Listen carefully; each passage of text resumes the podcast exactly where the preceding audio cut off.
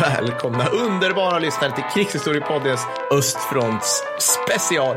Hela andra världskriget Östfront i ett avsnitt. Det här har aldrig gjorts tidigare i Sverige, i världen någonsin. Alltså, det här är helt fantastiskt. Mattis ska få ett bragdguld vid nästa sportgal. Och precis som hela första världskrigets podden så är det här möjligt tack vare våra ärorika patrons som uppnådde vårt sjunde stretch goal på den vördnadsfulla nivån 1000 patrons. varvid de fick rösta mellan antingen höra hela östfronten i ett avsnitt eller hela Stilla havskriget i ett avsnitt. Och östfronten vann. Där var ni inte lika hipstriga som ni brukar vara, men have no worries. Stilla havskriget kommer också. Nazi-Tyskland mot Sovjetunionen blir det nu. Hitler mot Stalin, Clash of the Idiots, inkompetens mot tratthet och ett oändligt mänskligt lidande som följd. Alltså vi pratar om fruktansvärt lidande. Jag kommer göra mitt bästa att näsfnissa genom alltihopa, jag lovar. Men eh, det kommer bli tufft.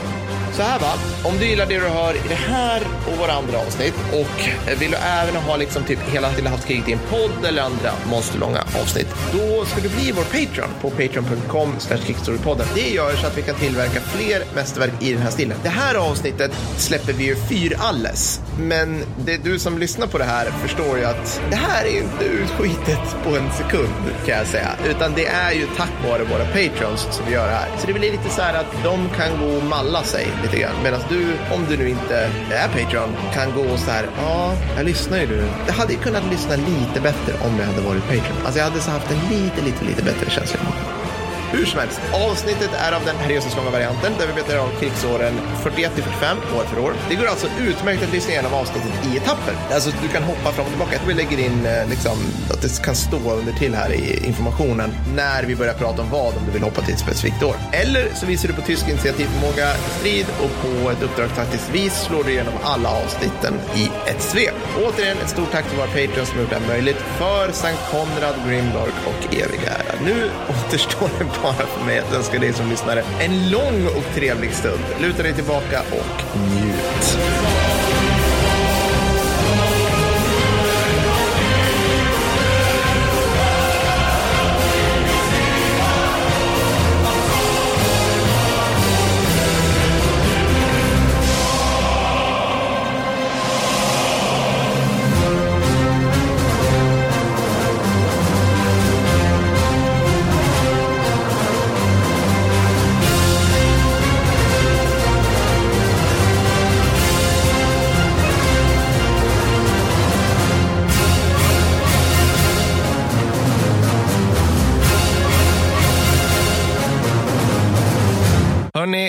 Välkomna. Jag kan inte uppmana tillräckligt mycket entusiasm som det här avsnittet faktiskt krävs. Jag, jag kommer bara, det här är stort.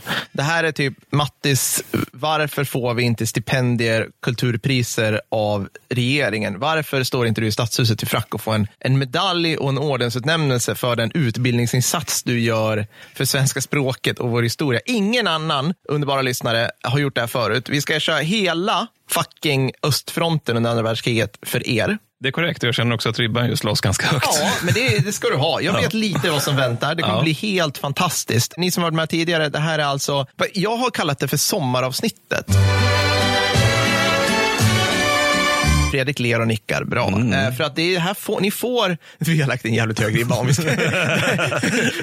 Mattis har försökt hälsa och eh, allting under eh, hela våren här 2022 för att leverera det här till er. Mm. Precis som han gjorde förra året med första världskrigsavsnittet. Och om vi finns nästa år så tänker jag att vi kör Stilla havet också. Oh. För det, var, det här fick ju patronerna rösta om. Just Vad vill ni ha som stretch goal för tusen patroner? Antingen hela östfronten i en podd eller hela Stilla havskriget i en podd. Ja. Och då vann östfronten jag tror det kan ha berott lite grann på att det var hela östfronten, inom parentes Mattis käpphästar, vilket det kommer bli. Jajamensan.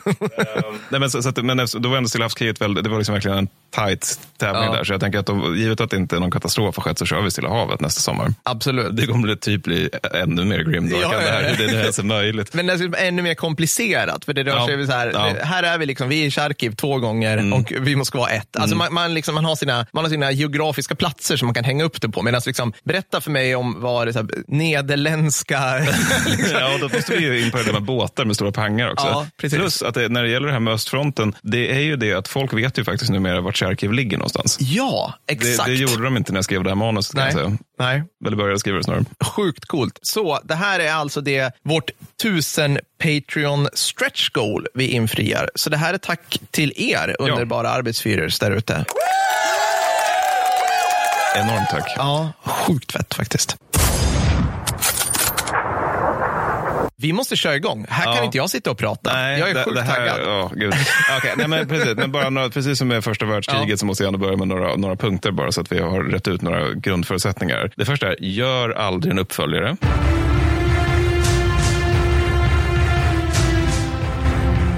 Det, det är en klassiker. Givet att det inte är Gudfadern, Terminator eller några andra bra exempel. så Aliens det tycker jag är faktiskt. Fast det är en annan typ av ja, film precis, ja, också. precis, det är en annan typ av film. Men, ja. Men, grejen är ju liksom alltså att eh, första världskrigsavsnittet vi gjorde, det är enligt eh, liksom allmänt, då, så, nej, men det, nej, men det är det, det som våra lyssnare verkar älska mest. Liksom. Ja, ja. Så att då finns det problem att göra en uppföljare till det. Men, och det problemet är ju att östfronten är mycket, mycket brutalare. Ja. Det är mycket, mycket deppigare. Ja. Och det är även någonting som folk vet någonting om till skillnad från första världskriget. Men Ja. det värsta är att det är också mycket mer professionellt. Just det, det finns inte de här härliga Konrad-individerna. Nej, det finns ingen. Konrad. Nej, nej, det, det finns nej. absolut ingen Konrad. Utan, utan det är liksom på ena sidan rätt proffsiga och väldigt, väldigt brutala tyskar. Ja. Och på andra sidan rätt proffsiga och väldigt, väldigt brutala ryssar. Alltså Ja. det, det, det, liksom, det finns inga karaktärer att ta. Däremot finns det väldigt mycket misär. Ja. Det, det, konjak kommer nämnas en gång i det här manuset. Men, Nej. det, men det är vid Cherkassy-fickan. Kan vi, kan vi få höra Konrad-jingeln här?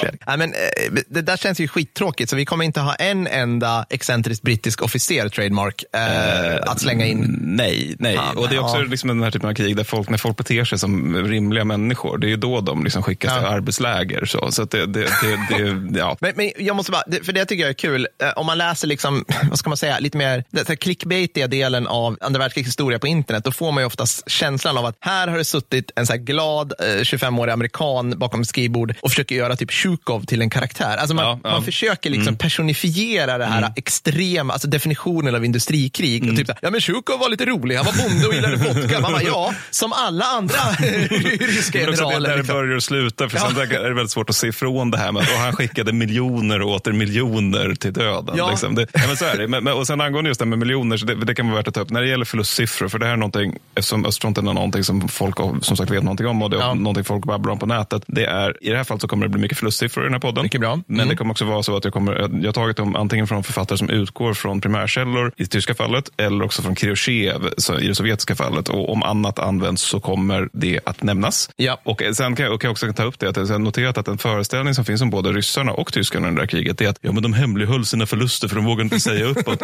och det är så här, liksom, folk säger ju det om de respektive sidorna av helt olika skäl, men det är fortfarande så här, det är rena dumheter. Det där Ja. är något som sägs snarare än källbeläggs beläggs, och det har vi gått igenom i avsnitt 63. Tack.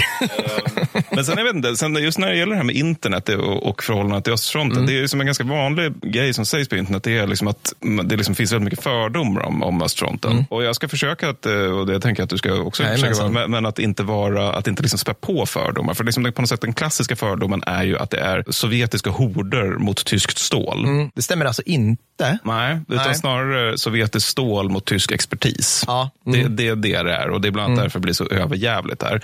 Och med de som brasklapparna sagt så tänker jag att nu kör vi. Nu kör vi. Är du redo för det här? Ja, Per? ja det är jag. Jag är så Ja, sjukt taggad. Det är bra. Det är bra. Okej, men jag tänker så här, om man ska snacka om östfronten under andra världskriget, då är det väl rimligt att fråga sig, varför blir det krig? eller liksom så här, det, det, Hitler dum.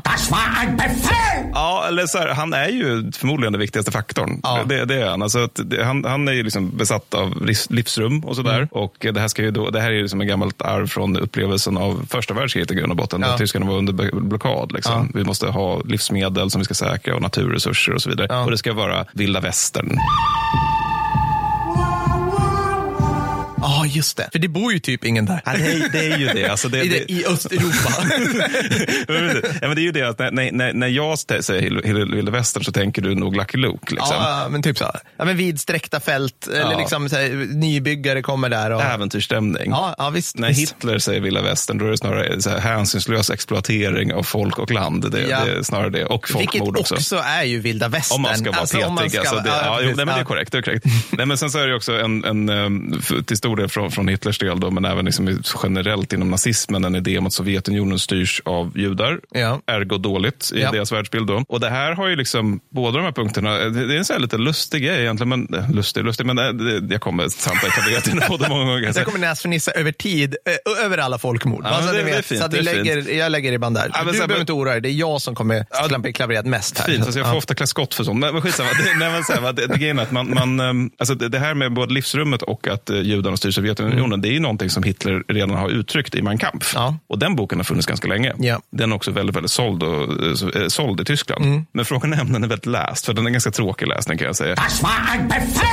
Och framförallt är det att det verkar liksom som att folk läste det här, men det var nog ganska få som tog det på så stort allvar. Liksom, att han bara, jag, jag tänker göra det här också. Ja. För att jag menar, rent i teorin kan man ju tänka sig att den fanns översatt på ryska eller liksom att någon hade sagt åt Stalin att det, det står så här i den här boken och Josef bara You're like a blind kitten, comrade. Nej, nej, nej. Vi, kan, vi har molotov Ribbentrop-pakten. Det kanske blir slaggis i framtiden, men vi, liksom inte nu. Så. Var den översatt till ryska? Det vet jag inte. Nej, okej. Men, Mm. men eh, den var typ Tysklands mest sålda bok, för jag för att det var så obligatorium att, att ha den, att köpa den ifall man var partimedlem eller något Den, den, var liksom, den var i de här boktornen på Pocket Shop. Ja, men precis, liksom, precis fast med Mein Kampf då. Ja, ja, Ja, men, men sen så finns det ju faktiskt också en, en säkerhetspolitisk aspekt av det hela. För, för grejen är alltså att det framstås ofta som, framställs ofta som helt irrationellt att angripa Sovjetunionen, men det tror jag är lite med efterklokheten. i- Alltså, vi vet ju att tyskarna förlorar. Liksom. Men, men det finns även faktiskt en hyfsat rationell säkerhetspolitisk aspekt av det och det är ju att Sovjetunionen är den sista stormakten som finns kvar i Europa. Just det. Fransmännen har man ju besegrat. Liksom. Britterna är fast på sin jävla ö, liksom, ska Ja. de göra därifrån. We are all on the ration. Så då är det som så att man ser på något sätt som att krossandet av Sovjetunionen, det fullföljer liksom på något sätt isoleringen och i slutändan även besegrandet av britterna. Då. Och gör man Ah, det, ja. då kan man på sikt även ta itu med USA. Ja, men precis. Det blir liksom som att Hitler, det, det, det funkar dels jävligt nice för honom ideologiskt Mm. sett och sen också säkerhetspolitiskt mot, för jag menar, det kommer du komma till, men på pappret Mm. så är det ju så här, oh my god vad mycket gear och folk ryssarna har. Mm. Ja, och visst. sen liksom, om, om Hitler då, ja, men om jag slår ut de här, då upprättar jag liksom kontinentalsystemet Mm. och nu den här gången ska vi svälta ut Storbritannien. ja, men skitsamma, jag, jag fattar liksom. så här. Mm, Mm, nej, nu har vi precis. Slagkryssare. Under första världskriget hade vi också slag. ja, det där med den där flottan alltså. Krigs... Ja, Ja, nej, det men tyskar kan ta ut på vatten. Det, det, så är det. ju. Men, men, men, men sen är det också en annan ganska vanlig på, påstående, det är att man underskattade Sovjetunionen från tyskt håll. Ja. där är liksom, ja, det gör man väl i och för sig. Men det är samtidigt inte, jag tycker inte det är helt obegripligt att man gör det heller. Nej. För, för att om man tänker sig att det tyskarna vet om sig själva, det är att de spöade ryssarna under första världskriget. Ja. Det vet de, det gjorde Rätt vi. enkelt. Ja, Eller det, det, liksom, men det var ja. inte den svåra, eh, svåra fronten. Liksom. Sen också vet, känner de till finska vinterkriget. Mm. Ett fullkomligt klasterfack för ryssarna. Ytterligare ett fullkomligt klasterfack. Mm. Och sen känner de också till de militära, eller fel, det, det här är det de vet om ryssarna. Mm. Så att de, de spöade dem och också de känner till eh, vinterkriget, vilket är Mm. ett fullkomligt klasterfack. Röda armén liksom bara, det här är ingen seriös organisation. Nej, mot finnarna som var liksom tre bataljoner lättskytte med skidor. Ja, men precis. typ, liksom. precis liksom, och några knivar ungefär. Mm. Och sen så vet de också att eh, de känner till liksom, att Stalin haft omfattande militära utrensningar på 30-talet. Just det, just vet det. Mm. de. För att det var liksom allmänt känt så med, och så vidare. Det stod i tidningarna. Ja, det gjorde det. Ja. Och sen överskattar de nog konsekvensen av det, eller snarare effekten av de utrensningarna. Men, men ändå, de vet att det här har hänt, skett mot Röda armén, Ja. så ergo så är den försvagad. Liksom. Och samtidigt vet de om sig själva då att under första världskriget så behövde de fyra år, tre månader på sig för att inte besegra Frankrike. Eh, till priset- av miljontals förluster. Medan andra världskriget, där behöver de sex veckor att besegra Frankrike Ja. till 163 000 förluster. Ja, precis. Jag tänkte säga, till två stukade vrister och ett skrubbsår. Ja, men I, typ. i, i motsa- alltså, ja, men liksom, ja, precis. ja. Ja, men exakt, det, det, det är på något sätt värt mödan i det fallet. För att det går liksom snabbt och det går ganska oblodigt med andra världskrigsmått mätt. Liksom. Mm. Så de vet ju att de själva har en armé som kan sparka röv. Mm. Och de tror sig veta att ryssarna har en armé som inte kan göra det. Mm. Ergo är det liksom på något sätt inte, det är inte helt onaturligt tycker jag att de tror att de ändå kan hantera Sovjetunionen Nej. på ett eller annat sätt. Liksom. Men samtidigt kan man också fråga sig, vad, vad är det som talar emot kriget? Mm. För, för det är väldigt lätt att se historia som att det blev krig, därför var det oundvikligt att det blev krig. Och Mm. det där är ju ofta liksom också någonting när man liksom är idag, så där, liksom att nu är det krig någonstans, säger man Ryssland och Ukraina. Men det var oundvikligt på grund av NATO-expansion eller vad det nu kan vara för trams. Liksom. Men, men det är liksom just att om folk tänker att någonting är oundvikligt, då tenderar det ju också bli det. Det blir Mm. ju verkligen just ett självspelande piano. Så. Och för grejen är att det som talar emot krig är ju att det här är två stycken häpnadsvi- eller vad säger, häpnadsväckande snarlika Ja. samhällssystem. Ja, det tänker man oftast inte på. Nej. För man vill ha liksom motsatsförhållanden Ja, i krig på något vis. Liksom. Man vill ha den elaka Putin, en stor härsmakt mot Zelensky som är liten och, och liksom ädelmodig på något Precis, vis. Liksom. Men precis. här är det liksom rymdimperiet mot rymdimperiet. vis. Ja, men, liksom. Alltså, ja, men, exakt så. För du, du har ju liksom Sovjetunionen. Det är en totalitär stat Ja. med sma, försmak för koncentrationsläger Ja. och folkmord. Ja. Och sen har du Nazityskland. Det är en totalitär stat med försmak för koncentrationsläger och folkmord. That's a bingo. och, och sen är det förvisso så att liksom, när det gäller själva folkmördandet så är det någonting tyskarna sätter igång med framförallt just Ja. 41 och efter. Båda men styrs ändå. av män med mustasch som har tagit makten genom totalt odemokratiska... Ja, men liksom, Ja, ja. men, precis. Men, men, precis. men också liksom så att det, det är två väldigt unga stater. Alltså att Nazityskland det. är utropat 1933, Sovjetunionen utropat 1922. Om man jämför med det, säg, Storbritannien eller Sverige för den delen. Alltså det, det är ju väldigt nytt. Eller för guds skull, Frankrike får vi höra Marseljäsen. Det är nog enda gången vi får höra Marseljäsen i podden. Tråkigt nog. Jag kommer, jag kommer spela in det över tid. Ja, det är bra. Det är bra. Du kommer in på så här, erövrade franska stridsvagnar, slaktades. Får vi höra Marseljäsen? Tack Fredrik. Ja. Precis så, precis så. Men sen också det att båda ses som parior i, i, ja, i internationellt. Ja, just alltså, det. Alltså, omvärlden ser det här två, som två skurkstater. Ja. Liksom. Alltså, de, det är typ som att man, hur man ser på Nordkorea och kanske Libyen under Gaddafi idag. Liksom. Fast med skillnaden då att de här två har liksom, faktiska härsmakter och är Ja. farliga till skillnad från de två länderna. Då. Så det är typ så här, Iran och Nordkorea börjar kriga idag Mm. och hela världen bara, åh, vad, vad gör vi, vem ska vi. Liksom. Ja, men precis så. Ja, exakt så. Who are the good guys in this? undrar alla amerikaner. Men, men, det, så, så, men sen också att båda länderna ogillar liksom hur världen är beskaffad. Ja. För att världen vid den här tiden liksom domineras av liberala kapitaliststater i grund och botten som vann VK1. Och inget av ovan beskriver varken Tyskland eller Sovjetunionen som själva är herre, skulle vilja vara herre på täppan. Liksom. Nej. Men sen så delar de också en generell känsla av att vara illa behandlade internationellt. Alltså på grund av å- ovan och dessutom på grund av, eller snarare efter Molotov-Ribbentrop-pakten så är de också varandras absolut viktigaste handelspartners. Där liksom Ja. tyskarna får olja och Stalin får liksom maskiner i grund och botten. Så ergo så finns det egentligen mycket som talar för liksom någon form av fortsatt samarbete egentligen mellan de här två Ja. skitstaterna. Så att det har nog varit fruktbart för dem på många sätt. Liksom att, eh, nej, men, men det hade ju varit Ja, ja, det. Liksom, ja, får, tyskarna fortsätter få olja, helt plötsligt kan Luftwaffe faktiskt flyga, vilket de tycker inte Crazy. Ja, men det är oortodox tanke, tycker alla tyska planerare. Liksom. Och ryssarna får så här, två av de tre traktorer som tillverkas i Ruhrområdet per år. Tyskarna bara, mekanisering!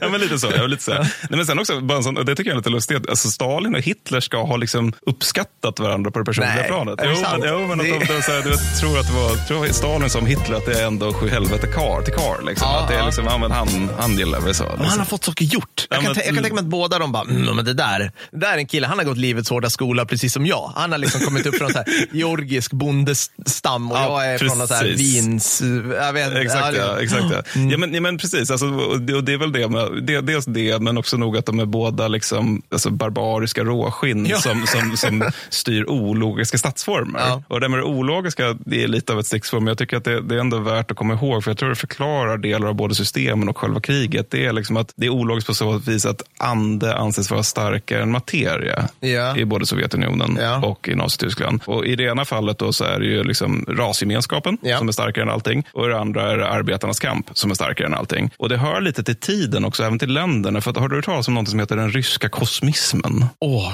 alltså. eh, Det är alltid så här att jag, jag liksom sitter och killgissar när du säger sådana grejer. Så att jag har hört det någonstans. Jag kan absolut inte redogöra för det på någon nivå. Nej, nej. Va, vad är det för någonting? Ja, men det var en, en idéströmning i, först, nu ska vi se, i, i sena Tsarryssland, tidiga Sovjetunionen, där man menade på att livet är, eller döden är ett misstag. Evigt liv till alla. Ja. Okej. Ja, Ja. Man tänkte det var en så här hyperoptimistisk syn på vetenskap där liksom den enda begränsningen för mänskligheten egentligen var universums död. Liksom att alla Ja. skulle leva för evigt och så vidare. Och det var liksom någonting som man på all, tog på allvar och planerade för inom den kretsen. Ja. Och, och det är ju ganska ologiskt. Ja. Men, men sen finns det också liksom, det finns, men det finns många liknande sådana strömningar på den här tiden för att teknik, teknikoptimismen är så stor. Så liksom under mellankrigstiden finns det också liksom typ så här, det pacifistiska Lebensraum Ja. som är det som tyskarna kallar Atlantiropa. Och det är någon Carl Sörgel där som bestämmer sig för att om vi, om vi liksom täpper till där vi, vi nu ska vi se, vi, Gibraltar. ja, ja, just det. Ja, Mm, precis. alla, den, det, är ju as, det finns grymma bilder på det. Vi kommer lägga upp saker på, till det här. Ja, men det- det är som täppt till vid Gibraltar och sen Mm, så kommer Medelhavet frångas och då kan vi bosätta oss där och, Ja. eh, och eh, odla grejer där på den före detta havsbotten. Och Ja. det är också en, ska vi säga... För en- att odla saker är det viktiga här. I, det, är så- det är det så som gjort. Tyskland starkt. Ja. men det är ändå liksom, men det är ändå lite likt konsumismen, att Ja. det är den här liksom väldigt, väldigt övertron på vad en människa kan göra, Ja. bara han vill tillräckligt mycket. Liksom. Så, då kollektiva sociala ingenjörskonsten hos Sovjetunionen på något vis som ska Mm. liksom nå. Och sen har du den histori vad fan heter det? historiska imperativet som jag vet inte om det var Marx som skrev om det, men liksom så här, det kommer ju bli världskommunism. Arbetarbröder,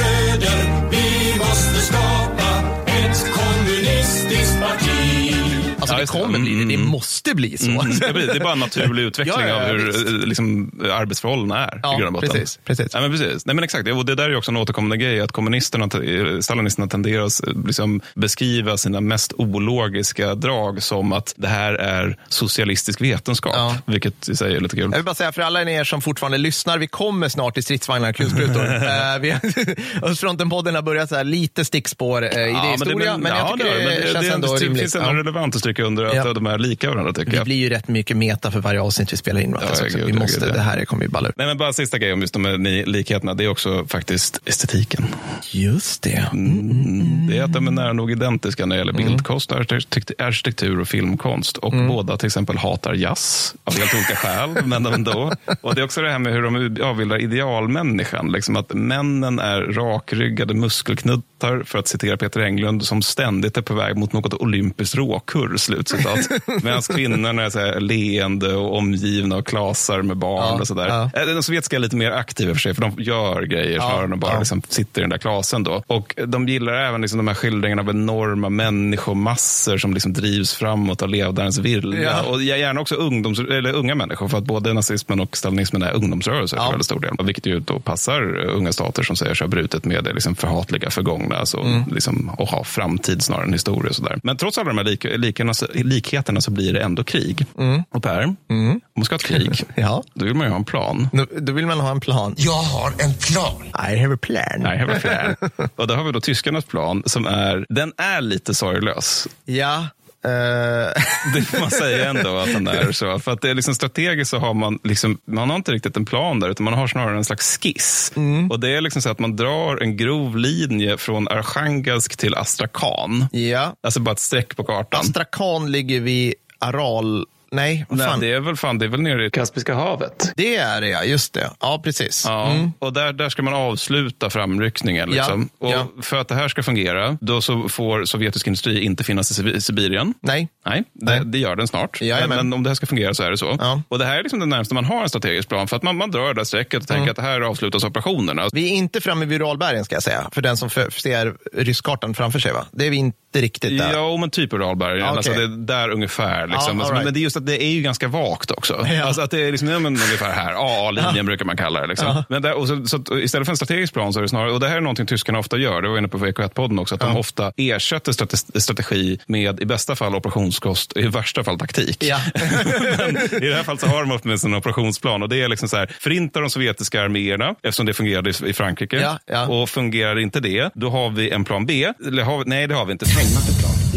Minsta detalj. Det där var ju tråkigt att vi inte har det, men vi har ingen plan B. Men, men, eh, Vi liksom- kommer ju förinta armén. Ja, det men, vet vi och, Liksom. och Ja. det får de ju rätt i också. i Ja, sig. ja. Men, men, alltså, men, men, alltså, så det, men det ska räcka ändå. Och tanken är liksom att Barbarossa, då, som den stora Unternehmen Barbarossa, som det heter, den stora invasionen av Sovjetunionen, ska inledas och vara färdig 1941. Ja. Mm. Men jag ser inga som helst problem med det. Soldaterna ska hem before Christmas och Ja, hela det där innan ja. löven faller. Ja, det här har vi hört förut grabbar, nu kör vi. ja, nej, men det, det, det är lustigt det där. Men det är jag också får att- höra lite så ärorika trumpeter Fredrik. Det här känner jag, det här behövs.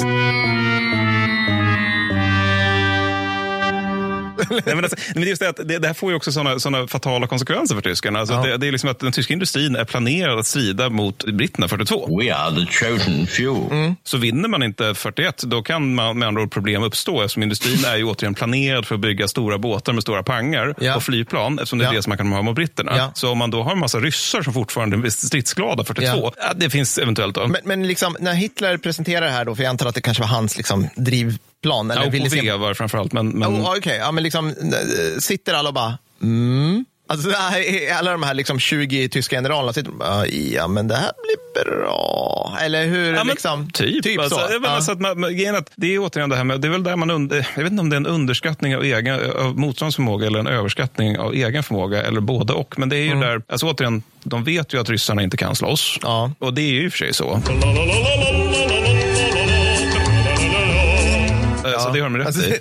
se avsnitt två Ja, och världen ja, idag. Ja, ja, typ alla avsnitt vi har spelat in. Men, sen vet de också, återigen, det här själva, alltså jag tror väldigt viktig sak är just det här med att nästan alla de här generalerna var typ fänriker och löjtnanter under första världskriget. Ja. Och minns hur jäkla böket det var att försöka besegra Frankrike. Just det. Och om man då tar Frankrike på sex veckor till, till ändå ganska moderata förluster, då är det liksom, alltså det, den, den, den, den känslan av att nu har vi liksom utvecklat någonting helt nytt. Just det. Alltså vi står för en form av krigskonst som inte går att besegra, Mm. så, som är liksom, den går inte att kontra på något sätt överhuvudtaget. Den, den känslan tror jag, den, den är nog ganska viktig för att den här katastrofen kommer, kommer till. Ja, Liksom. men de, de, de går runt, så de går runt liksom lyckorusiga på erövrad champagne Ja, men typ, och typ. liksom med glädjeflickor i Paris och bara ja, Sovjetunionen, vi kör! Liksom, jo, men, typ jo, men absolut, men även så är just liksom metafysisk champagne, att det är den här Ja. känslan att vi kan klara Den allt. bästa champagne. Den Nej. bästa champagne.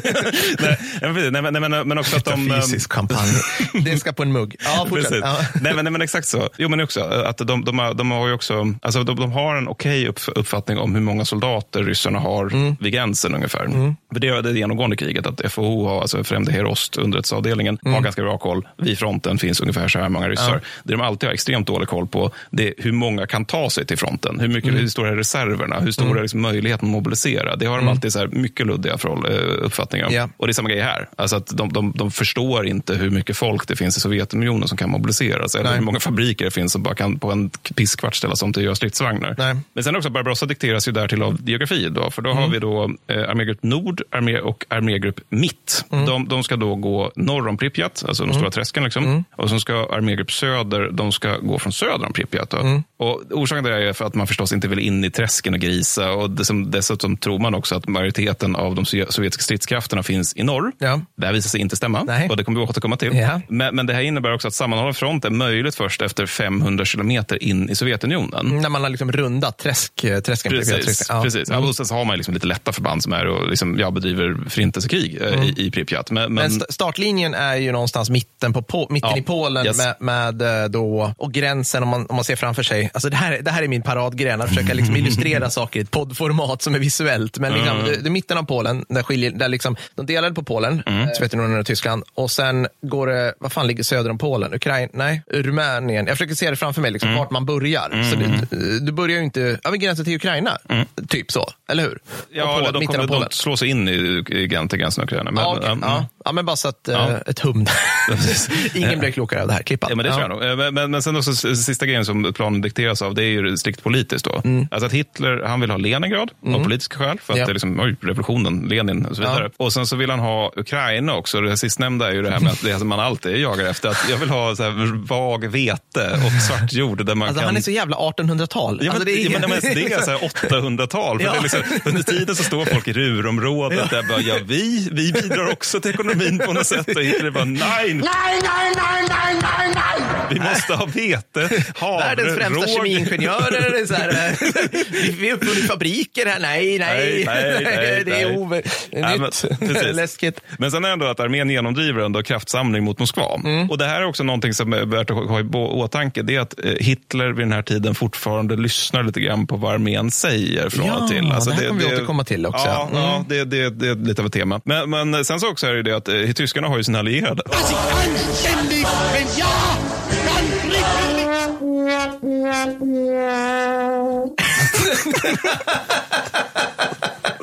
Ja! Kan vi få höra trollololol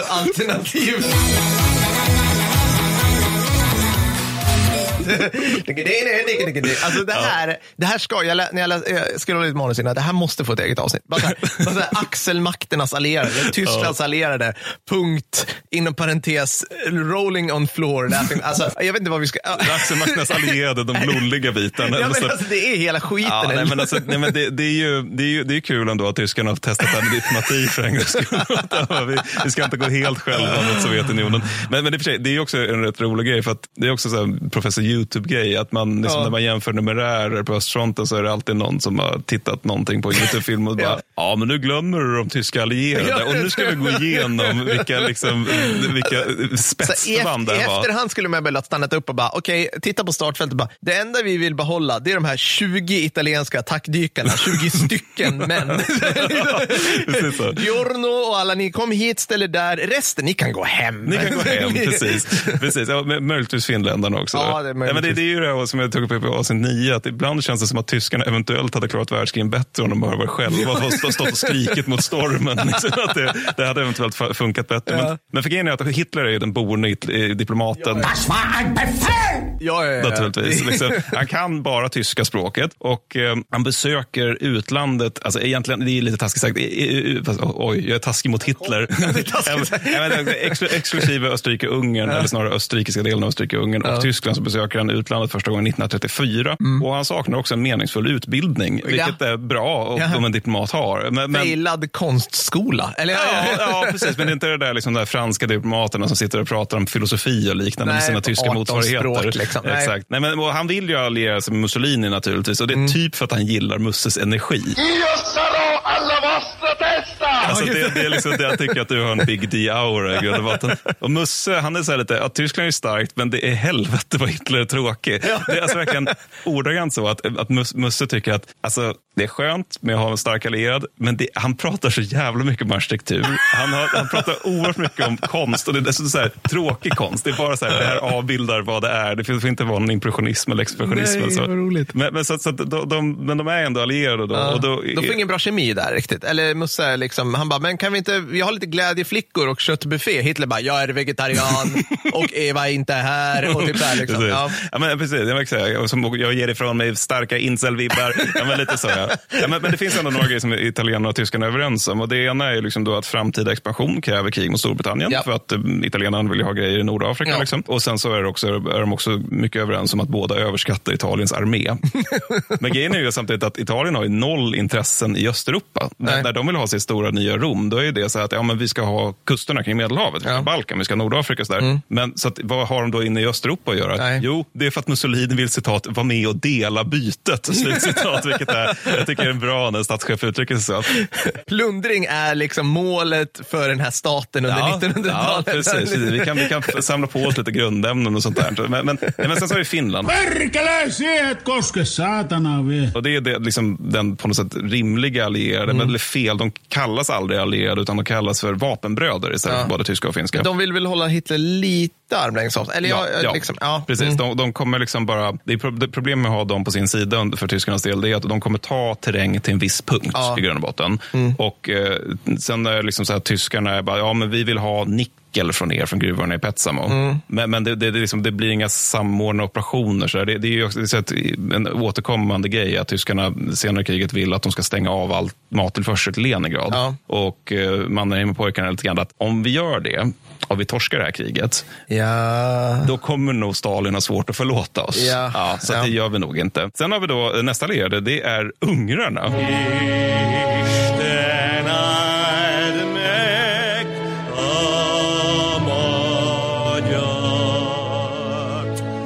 de är jättehärliga. För att de, de, de, har egentligen ett så här jättestort gruff med, med, med Sovjet. Utan det är mer så att utan framförallt är de slåss mot rumänerna. ja, de tredje allierade. Ja, ja men så, så att det, för, och det är då på grund av Trianonavtalet efter första världskriget där eh, Ungern tappar en massa terräng till Rumänien. Ja. För Rumänien hade ju sin ärorika kampanj 1916 Ja. och det tyckte de västallierade att ni måste belönas för den här insatsen. Wasn't that better? Nej, men, så att tyskarna då har varit snälla mot ungrarna och tvingar liksom 1940 Rumänien att ge över halva Transylvanien till ungrarna. Ja, ja, ja. Och sen så samma år då så tar ryssarna Bessarabien och norra Buko- Bukovina från Rumänien. Då. Så Rumänien krymper som satan. Alla de här geografiska områdena ligger, å, återigen mitt trötta skämt, norr om Narnia, söder om Galicien, väster om Mordor och ja, men exakt där ja. Mm. Volynien och liknande. Det finns det på riktigt. Ja. Volymien. Volynien. det finns på riktigt. Nej, men, så här, men, men, men de här liksom landåträdelserna, det, det är liksom sistnämnda plus stark antisemitism. Det är varför Antonescu av Rumänien bestämmer sig för att föredra Mm. Hitler snarare än Stalin när det blir snaggis. Liksom.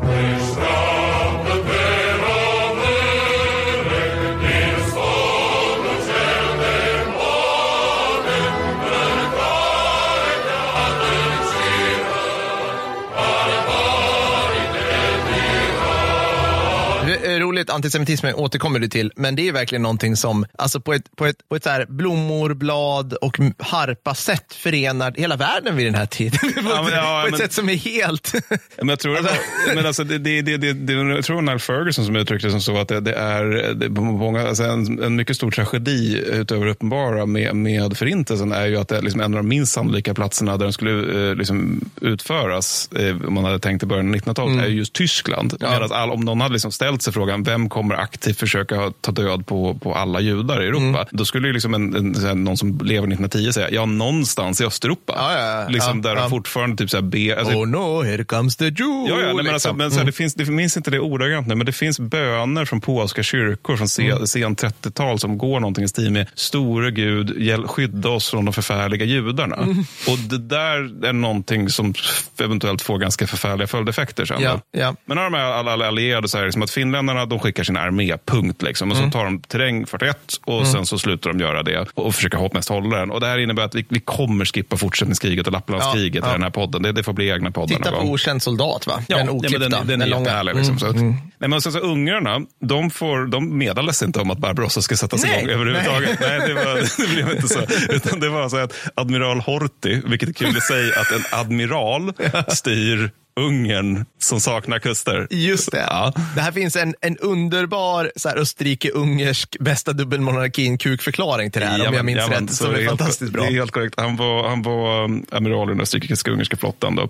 Men han får ett halvt handskrivet brev från Hitler den 22 juni, det vill säga samma dag som Barbarossa in, inleds. Där det liksom inte, inte uttryckligen sägs, utan mer antyds att liksom, ja, men om ni är med på det här så vore Mm. väl det kul. Liksom. Das war ein Befehl! Ja, det, det är så uttrycker. Jag inbillar mig att Hitler är väldigt så här, tight, lite så hård eh, handstil. Att han bryter Ja, blyertsudden rätt ofta. liksom att, Rättshaverist-stilen. Liksom. ja, du vet, åh nej, signatur. Och så bara... Så här, Det där liksom, blev ett hakors i alla fall. Ja, det blev det. Jo, men, precis. Men, men det är också det är kanske ett lite dåligt sätt att försöka samordna sina allierade. Att liksom Ja. Samma dag som invasionen inleds Ja. så antyder man att ni får gärna vara med. Ja. Liksom. Och då, då är det ändå så att eh, liksom, ungarna sätter in 36 000 man 28 juni från det de kallar mobila kåren. eh, och det här är efter någonting som eventuellt är sovjetiska bombningar av Ungern. Och om de skedde, det är faktiskt lite debatt om det, men om de skedde, då var det förmodligen misstag. Eftersom det inte är så 28 juni att liksom, ryssarna vill ha fler fiender än de redan har. Men mo- mobila kårens oentusiastiska manskap, det är liksom så här, de, de är så indifferent utbildade och spakar obsoleta fordon. Såklart. 36 000 av dem. Ja. Så eh, det är då de här, Försvinnande få. Alltså, Ja, det är, men alltså, det är de här processer YouTube tänker på då som ska då liksom, liksom jämka upp styrkeförhållandena på östfronten. Sen är då italienarna, de tycker jag är härliga, för de är rätt sena till östfronten. ja. Och det krävs att Musse tjatar på Hitler Uh, för att han ska få skicka trupp. Jaha. Ja, men det är så här, upprepade gånger som han har skrivit i Berlin. Bara, alltså, jag vill vara med och dela bytet. Kan inte vi få skicka en massa så här, ja, konstiga ja. Berzelieris och liknande till Ja. östfronten? Och Hitler bara, "Eh, nej, vi har transportproblem just nu och det, det kanske, nej, det känns inte, nej, det är liksom dålig timing egentligen att möta. Hej då. Sådär. Så att, men till slut då så, så får, får han vara med med en kår om 62 000 man. Då. Och det, de här påstås vara liksom motoriserad av italienarna. Den har då en tredjedel av de fordon som, som krävs för att det här ska Ja, stämma. Så ja. att det, det är snarare lätt infanteri med några lastbilar. Liksom. Och två gånger till under 41 så kommer Musse återigen och tjatar på Hitler. Du, du, du, du, jag har ju redan skickat igår. Får jag skicka en till? Och Hitler säger best- bestämt nej. För det är liksom så här, det, det är något, det, jag tror det är Halder som skriver sin, Frans Halder som skriver i sin dagbok att, att eh, som italienarna... Är det en av generalerna? Ja, tyska är generalerna? tyska general. Då- då- han- då- då ska jag säga, OKH-chefen vid den här tiden. Ja. Italienarna dyker upp liksom, i Ukraina och de tyska soldaterna så här, "Ah, kul, bra, vi har lite allierade, gud vad skönt, för att de, är lite många där på andra sidan. Och så får de se italienarna och Halder bara beskriver så här, så här avgrundsdjup besvikelse när man ser så här odisciplinerade manskapet. Så här, Alla har med sig vinflaskor och bara ciao. Men så, att det, så att de inte har så många fler italienare Strategiska vespor. Med en pansarsäck på. Eller lite tid kanske. Men så de viktigaste allierade för tyskarna 1941 det är rumänerna. För de skickar ändå två arméer. Mm, och det, det är 325 000 man totalis.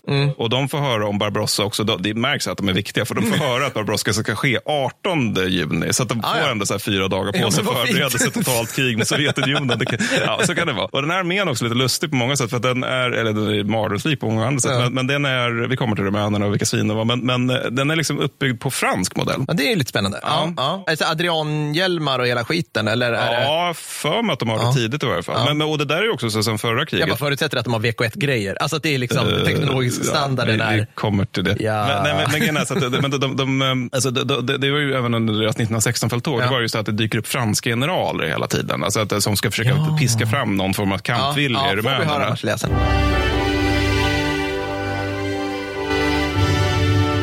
Tackar. Ja. Jag försöker. Eh, nej, nej, nej, men så, nej, men, så att de är liksom, det finns ett gammalt sta- starkt liksom, utbyte, militärt utbyte mellan fransmän och rumänerna. Och, eh, och, tyskarna, och det här innebär dock att det är en ganska passiv form av krigskonst 1940, tråkigt nog. Alltså att man framför, framförallt vill försvara sig och göra bra planer. Liksom, så. Och tyskarna de har ju skickat instruktörer naturligtvis till Rumänien. Eh, Det här har inte hjälpt. Nej, nej, nej. utan det är Nej. fortfarande så här att ingen gör någonting, ingen vill någonting och ingen kan någonting. Och det stora problemet är ju återigen att rumänerna och ungrarna, de hatar varandra med tusen solars brinnande eld. Och det gör att rumänska och eh, ungerska förband kan inte ställas bredvid varandra. För då kan och kommer Ja. skottlossning Ja. att utbryta mellan de allierade. Alltså det här är så jävla mycket Afghanistan, att typ så här ana. Liksom. Ana Ja. kan inte, vill inte. Och sen ställer du folk från den här folkgruppen, etniska folkgruppen, bredvid dem, då jävlar, då blir det, då blir det känka någon. Och det, liksom, mm, vad vackert, vad härligt att höra. Fast på en skala som är otroligt mycket större och mer grimdark. Mm. All right. Ja, men gemensamma för de tyska allierade det är att de är få. Ja. Alltså både till antal länder och Ja. antal soldater de skickar. De är uselt utbildade. Mycket bra. De är uselt utrustade. Ja. De har omotiverade soldater, inkompetent ledning Ja. och bör för sin höjd användas för säkerhetsuppgifter. Ja. Vilket också är vad som sker i stort. Ja. Och säkerhetsuppgifter i östfronten-kontext, det är liksom lite folkmord, bränna byar, typ bajonetta eh, Ja. folk som man kallar för partisaner. Precis, Typ så här. alltså, som sagt, som vi brukar säga, det här med jaktförband och polisförband och liknande Ja. på östfronten, inte bra nyheter. Vi kommer till det också.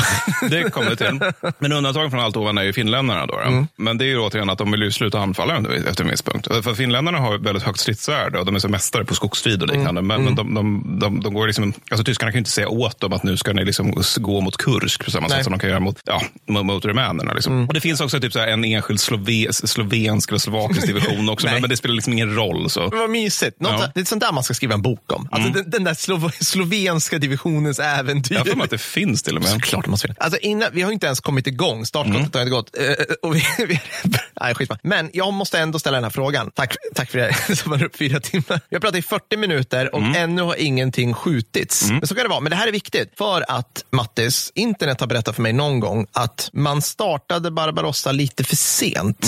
Kan det stämma? Jo, men det är korrekt. Alltså, de, dels blir det försenat på grund av att, att eh, Mussolini har lite funderingar på om att man ska skapa liksom ett Storitalien på Balkan. Ja. Så att då börjar han slåss på Balkan, det går inget bra. Tyskarna får sucka lite grann, gå in med typ så här, eh, två plutoner och så, så är det färdigt. Men det förtjänar. Men sen är det också det här med att det finns, liksom, det finns egentligen bara vissa perioder man kan angripa på. Ja. För att alltså, du har en lerperiod som omfattar nästan hela hösten Ja. och en annan lerperiod som omfattar nästan hela våren. Och Det gör att du kan inte genomföra anfallsoperationer med pansar under de perioderna. Nej. Så att det liksom dikteras väldigt mycket av när det är lera.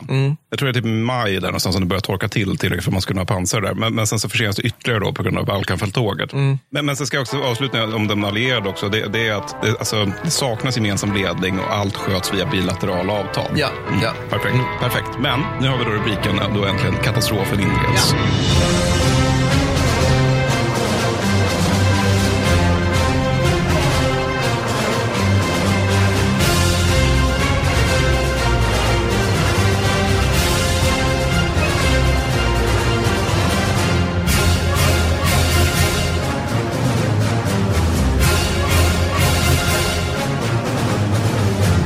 1941. Äntligen. Nej, men för att då, 22 juni då så... Klipp bort allt innan. Men 22 juni 1941 så angrips Sovjetunionen längs med hela fronten. Och då har vi då eh, laguppställningarna för Tyskland och dess allierade. Och nu kommer jag läsa innantill. 3,6 miljoner man plus eh, 4 209 stridsvagnar, 41 000 artilleripjäser och granatkastare och 3 800 flygplan. Mm. Det är mycket. Det är mycket. Sovjetunionen har istället då 3,3 miljoner man, 12 885 stridsvagnar, 50 000 artilleripjäser och granatkastare och 10 800 flygplan. Och det här är alltså inklusive frontnära reserver. Ja. Så tyskarna har, de har alltså en liten numerär överlägsenhet mot, mot ryssarna när det gäller manskap. Ja. Medan ryssarna har en stor numerär överlägsenhet när det gäller materiell. Alltså Ja. framförallt när det gäller stridsvagnar. Då. Ja. Och det här är dessutom de sovjetiska eh, styrkor som finns i de västra militärdistrikten. Mm. Och närområdet. Men liksom i hela eh, Sovjetunionen, om man tar liksom bort till Vladivostok, Mm. så finns det ännu fler förband. Alltså totalt så har ryssarna ska vi se här, 23 000 stridsvagnar. Ja, och jag vill bara säga för er, det här, kan, det här kommer på provet. Eller kan ni se på provet, att om jag inte minns fel så är alltså östfronten bara i sig exklusive resten av hela andra världskriget, det största krig i världshistorien, bara där. Och, och liksom resten av hela andra världskriget är, vi kommer ju aldrig upp i de här siffrorna ever. Nej, nej. Inte i närheten liksom. Nej, men så jag tänker numerär så kan man väl tänka sig kineserna, men ja, alltså, nej, nej, men det här, det här är det största. Och förhoppningsvis så blir Så det hade aldrig större det än så här här. skett, då hade vi ändå kallat det liksom, oh my god-kriget. Liksom. Ja, precis. precis. Ja. nej, men för numerär, alltså grejen också att det här är ju också när ryssarna är på sin lägsta numerär överhuvudtaget. Ja. De kommer, vi, vi, vi kommer komma till det. Men, men grejen är alltså att ryssarna tar sig alltså fullkomligt på mattan. Mm. Vilket i sig, det, det, är någonting som, alltså det, det finns ju liksom hela konspirationsteorier om det här för att Mm. det är så sjukt. För att det, är liksom så här, det är över tre miljoner tyskar vid gränsen. Hur kan ni inte, liksom varför? Ja. Men liksom så här, stora delar av Röda armén, de är, de är på övning. Alltså, Mm. Vissa är med sina flickvänner. Alltså, det, det är så, alla har svinlåg ber- beredskap. Mm. Och då är det liksom bara den här nivån av eh, tas på mattan att det är så här, tyska desertörer Ja. som försöker berätta för ryssarna att det, det, det kommer ske någonting Ja, här. Det kommer ja. bli helt förfärligt. Ni Ja. måste göra er redo att tagga till. Ja. De grips och i vissa fall alltså, arkebuseras de. Det för att nej, det håller på med en jävla gränskränkning som kapitalistsvinen håller på med. De försöker provocera. Red flag. Ja, men men det är lite så här, det är så här Alex Jones-stämning i grän- gränsen. Ja, men bland annat är det någon så här Alfred Liskov som han har jobbat på en möbelfabrik där han har liksom radikaliserats då i de röda tankarna. Ja, Och eh, han, han vill ju då hjälpa sina pro- proletära bröder. Mm, Liksom. Och, och, och han, han förhörs ju då fortfarande när tyskarna kommer. Ja. Stalin, orsaken till det här är stor Stalins fel. För att han vill liksom inte ha slaggis med tyskarna än. Han Nej. förstår nog att det, det kan nog komma, det kommer nog komma. Så det är nog ganska oundvikligt. Men, men inte än så, för Nej. vi känner oss inte helt redo. Och då så. får ju liksom verkligheten rätta sig efter hans önskan helt enkelt. Eh, lite så, ja. Mm, lite ja, så, ja. ja, Det är med en författare som menar på att Hitler var den enda personen som Stalin eh, litade på. They're one and the same. Vilket jag inte tror stämmer, men, men det är ändå en rolig formulering. Eh, men, men, men alltså, han vill liksom inte provocera fram någonting Nej. eller ge ursäkt, uh, för någonting. Nej. Och sen är jag liksom, ja, men återigen, alltså, han tycker ju att Mo- Molotov-Ribbentrop-pakten är en ganska sweet deal. Mm. Så, så att liksom, det här kan väl få hålla, det borde få hålla och de här föreställningarna visar sig inte stämma. De här tre miljoner plus ryssarna, tyskarna har jag lite koll på, men ryssarna var, var de eh, liksom värnpliktiga som gjorde sin, sin liksom GU plus x antal år? Eller var de, Ja, de, ja, precis, de hade ju inga yrkesförband Nej, var- inte vad jag på det viset som vi kallar idag. Nej, nej alltså de har ju, alltså de har ju det, här, det här som man har, att man har värnplikt och så ligger de inne ganska länge. Ja. Liksom. Men, men, eh, men inte, det, är, det är liksom inte de här 35-åriga helskäggen med tatueringar och solglajjor som man tänker sig när man säger yrkessoldater. Det, Nej. det är det inte. Nej. Ja, men så, så det, det, är liksom, det här gör att det, det är också ett ganska stort lugn på, på de högre militära nivåerna. Vad skönt att de tar det chill då. Liksom. Ja, men man hade ju ett krigsspel där. Ah, just det. Jo, och, och det här visade sig att det skulle gå ganska bra för ryssarna om krig bröt ut. Mm. Problemet det är att det här krigsspelet hade följande grundantagande. Ja, ja. Det var att eh, en sovjetisk och en tysk infanteridivision har samma stridsvärde. Mm. Det här visar sig inte stämma. Men om vi tänker oss den tanken att det är samma stridsvärde på de här två Ja. på grund av socialistisk ära, Ja. då kommer det gå bra. Ja, ja, ja. Nu Ja, precis. rider de liksom en bit in i Polen. Ja, ja, ja. Och sen då har vi, men sen så är det ändå liksom en, en general Dmitrij Pavlov som, som är liksom chef för styrkorna. Mm, över sovjetiska Det låter som att han är landsförrädare och kommer komma med andra åsikter. Här, men det tycker jag inte det känns bra. Ja. Nej, men han, han- han står, vid gränsen där vid västfronten och tycker att det var väl väldigt så mycket liksom buller jag hör av stridsvagnar ute i skogarna här. Varför hajlas det så mycket på andra sidan gränsen? Och sådär. Då ringer han ändå uppåt och bara liksom, det, det känns lite, Ja. lite oroligt där. Och då får han höra att han citat inte ska oroa sig eller drabbas av panik. Slutcitat. Ja. Några timmar senare så får denne Pavlov då, han får höra av chefen för 56 sovjetiska infanteridivisionen att det enda som återstår av det förbandet är dess namn. Mm. Ja, ja. Tråkigt för Pavlov. Tråkigt för Pavlov. Så Pavlov då, han befordrar motanfall 23 juni och det här är helt i enlighet med sovjetisk doktrin. För den, den kräver att man ska genomföra omedelbar motanfall Ja. så att fienden snabbt och till ett lågt pris drivs ut ur det egna territoriet. Väldigt tyskt. Ja, Eller verkligen. liksom, ja, ja, absolut, mm. absolut. Men med liksom, ja, lite sämre förutsättningar. Då. Och det, Ja. det här blir mest liksom en organiserad massaker av sovjetiska motanfall Ja. i grund och botten. Och samma dag så, be, så är det också att utrikesminister Molotov meddelar de sovjetiska massorna att eh, det, det, har, det har skett ett krig. Liksom. Mm, Det har utbrutit ett krig och 200 sovjetiska soldater har dödats. Ja, precis. Ja, det, är en det är en tragik. Det kan ju omöjlig, omöjligtvis vara mer än det. Mm. Eh, det, det här är en återkommande grej. Alltså det är typ så här 90, alltså tidigt 90-tal där, där, där ryssarna får reda på hur många de faktiskt förlorade under Ja. kriget. Och det är en lägsta uppskattning. Alltså Ja. de, de, de, de ljög om det här under hela Sovjeteran. Vilket Ja. säger så jävla tragiskt. För fatta alla jävla familjer som bara, men vad blev det av honom då? ja, precis. Nej, men... mm, Ja. Mm. Nej, men så Pavlov, det, det, det här sker ju naturligtvis liksom det enda rimliga i Stav- Stalins Sovjetunionen när något går lite trögt. Det vill säga Pavlov han arresteras redan i Ja, början av ja. juli och avrättas för citat feghet och inkompetens. Slut Ja. citat. Tillsammans med fem andra högre chefer för västfronten. Mm. Det sker, sker 22 juli. Då. Och det, det är också i och för sig lite intressant, för NKVD, alltså den sovjetiska Mm. säkerhetstjänsten, de, när Stalin sa att få honom nu bara dömd och mördad, liksom, Ja, få det ja. gjort, då började NKVD bara, "Mm, ja men han var ju, var inte han i Spanien under inbördeskriget där som en del av sovjetiska frivilligstyrkan? Ja, men då kanske han hade kopplingar till fascisterna där och det var spionage. Ah, ja, och Stalin bara, skärpning nu, det är inte läge för den här typen av liksom, rättshaverism. Nu är det inkompetens och feghet som vi ska straffa folk för. Vilket i och för sig är rationellt av Stalin. Och sen så är det också en hög andra höga chefer som får olika längre fängelsestraff. Men vad var Stalin när allt det här liksom drog igång? Hur tog han? Mm, liksom? vi, vi kommer där. Ja, vi okej, kommer okej. där. Mm, Uh, men, men resultatet är alltså bara det här första veckorna av strider. Det, Mm. det är att uh, 20 procent av hela det sovjetiska flygvapnet utplånas. Okej. Till mycket stor del medan de blir beskjutna på sina landningsbanor eller Ja. flygfält. Så. Alltså Ja. de, de, har, de är inte förberedda alls och så kommer tyskarna bara... Mm, För Luftwaffe är ganska, det är ganska skarpt på den här tiden. Mm. Tyskarna tar 70 kilometer dag ett. Ja. Mm. Det är snabbare än vad man går, vilket betyder snabbare än ryska armén i Ukraina. Mm. Eh, jag vill bara så här i mitt huvud nu räkna upp så här, yes. Ja. Ja. men alltså 70 kilometer, det är exceptionellt i alla krig. Ja. Det är sån satans framryckningstempo. Och, och vi kommer återkomma till det här med framryckningstempon och varför det är viktigt. Men, men det är dag ett då. Mm. Och en pansardivision är 442 kilometer in i Sovjetunionen till den 28 juni. Jesus. Det är ett snurresprätt där. Ja. Så efter 18 dagars strid mot bara armégrupp mitt, alltså bara mot armégrupp mitt, så har Sovjetunionen förlorat minst 417 000 man Ja. plus 4 799 stridsvagnar. Under striderna i Vitryssland. Nu vill jag påminna om att britterna under slaget vid Somme, vilket är 1 juli 1916 till, jag tror det är, ja, det är någon gång i mitten av november 90, 90, samma år, nästan ett halvår. De förlorar ungefär 400 000 man.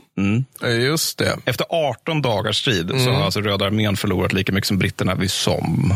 Ja. Vad gjorde Somme med Storbritannien, Per? Eh, vad jobbigt. Det var jobbigt, det var jobbigt. någon, någon form av så här hashtag nationell trauma, Ja, tror jag. än idag. Ja, liksom, ja, sådär. ja. Någonting som folk fortfarande blir arga över. Men Men det här poppis man planterar för, för som. Liksom. Men det här är bara liksom lite mer av två veckors krig och det är så Ja. här kriget börjar för Röda armén och det kommer inte bli bättre. Det kommer inte bli bättre. Nej. Tyskarna däremot noterar 40 000 förluster längs med hela fronten. Ja, ja, Så det precis. Mm. går ganska bra för lag Tyskland. Nej, men, så, men ändå, så ryssarna de, de börjar mobilisera naturligtvis för att Mm. nu, nu, nu jävlar ska det gå igång här. Så, för, och det här leder också till, till liksom stor patriotisk yra i Sovjetunionen. Ja, okej. Mm. ja, ja, visst. Och, det- För det, det där är lite svårt att tänka sig idag, men, men i, i, kanske inte just på landsbygden, men, men i städerna så finns det ändå en viss entusiasm för systemet. Ja, okej. Typ tvärt emot dagens Ryssland. Känn, Mm. Ja, får man känslan ja, av i varje fall. Ja, precis. För där är ju alltid de här, de här som kommer från gruvprovinser som har fotbollslag som har liksom suffixet metallurgika som gillar Putin medan stadsborna låt oss fly landet. Ja, men det, det är liksom Rysslands svar på typ så här by i Blekinge som bara, nej men förlåt, men liksom, det är något, något jag får den känslan. Ja, liksom. men lite mer det. Lite mer det. Nej, men, alltså, men, så, men i städerna och framförallt bland de unga så finns det en viss entusiasm för, för Sovjetsystemet. Och, och just som städerna i sig är, alltså, de är typ en orsak till det, för de är typ så här, stora byggarbetsplatser. Alltså man har Ja. rivit de gamla tsarstäderna och så man börjar bygga upp igen. Och det här gör ju liksom att folk i sin vardag kan se utopin byggas. Just de vet det. att den är inte där än, men vi har en utopi som byggs här. Kan vi Men har tänka de oss. hållit på med det sedan så här 22? Ja men typ. Alltså, Alltså, det- ja, ja, okej. Nu ska vi säga, jo, men Khrushchev håller på och bygger på 30-talet i Moskva vill jag minnas. Så, men man, håller på, man, man river och bygger hela tiden Okej, så, okej. sovjetiska större städer. Ja. Och sen också det här med att det, det finns, de, alltså konsumtionsvarorna är få, men de är möjliga. Liksom, Mm. Den stora drömmen för en sovjetmedborgare är typ att ha en klocka, ett armbandsur. Ja. Och om femårsplanen går rätt så kommer man ha det om 12 år, men man Ja. vet att den kommer ändå. Alltså, det är mycket det som ger folk någon form av hopp i Sovjetunionen. Men vi, vi, vi, måste ju, vi glömmer ju, jag glömmer lätt, vi, jag, att det här är början på Sovjetdrömmen. Alltså så här, det, det är liksom inte 60-70, alltså det är inte 80-talet. Nej, nej. När man är lite så här, this, jag kommer aldrig få min lada, Nej. jag kommer för evigt stå i en brödkö. Nej, men också, ja, men precis, och att den här, ja, för det var en grej. Alltså, Sovjetiska medborgare brukade ju liksom notera de egna brödköerna och då säga till varandra att men brödköerna i kapitalistländerna är längre. ja, ja, precis. Ja. Nej, men, men precis, men exakt, det är inte det som under Brezhnev-eran där det liksom bara rostat fast och Nej. alla förstår att det här kommer aldrig bli bättre, det här är alltid lika illa. Utan där är det liksom ändå så att folk kan inbilla sig att jo, jo, det är förfärligt på alla sätt och vis, men det kanske, liksom runt hörnet finns det en fantastisk framtid. Så. Och det är också så här, liksom, så här bisarra grejer som att staten har storsatsat på glass. Man, man, man var liksom så här, man, okej, men vi kan ju inte ge dem el nödvändigtvis ute i kolchoserna, men, men, men glass tycker alla om, så då, då ska de få glass. Så det finns eh, fyra olika glassmaker som är subventionerade och som man kan liksom äta ganska fritt. Sådär. Men nu får jag kognitiv dissonans här Mattis, för på vår Discord, på så här, där, där säger folk nu, liksom, där har det blivit en meme, så här, glassfabrik, så här, som är liksom, som ett tecken på så här, då har man så överväldigande logistiskt övertag, Mm. som är jävligt snyggt. E- Eftersom din prata om, ja, alla pratar om Stilla havet. Liksom, när, Mm. men när, när, när, när liksom jänkarna kommer, då är det så här, glassfabrik, tennisbana, bar, då har man vunnit.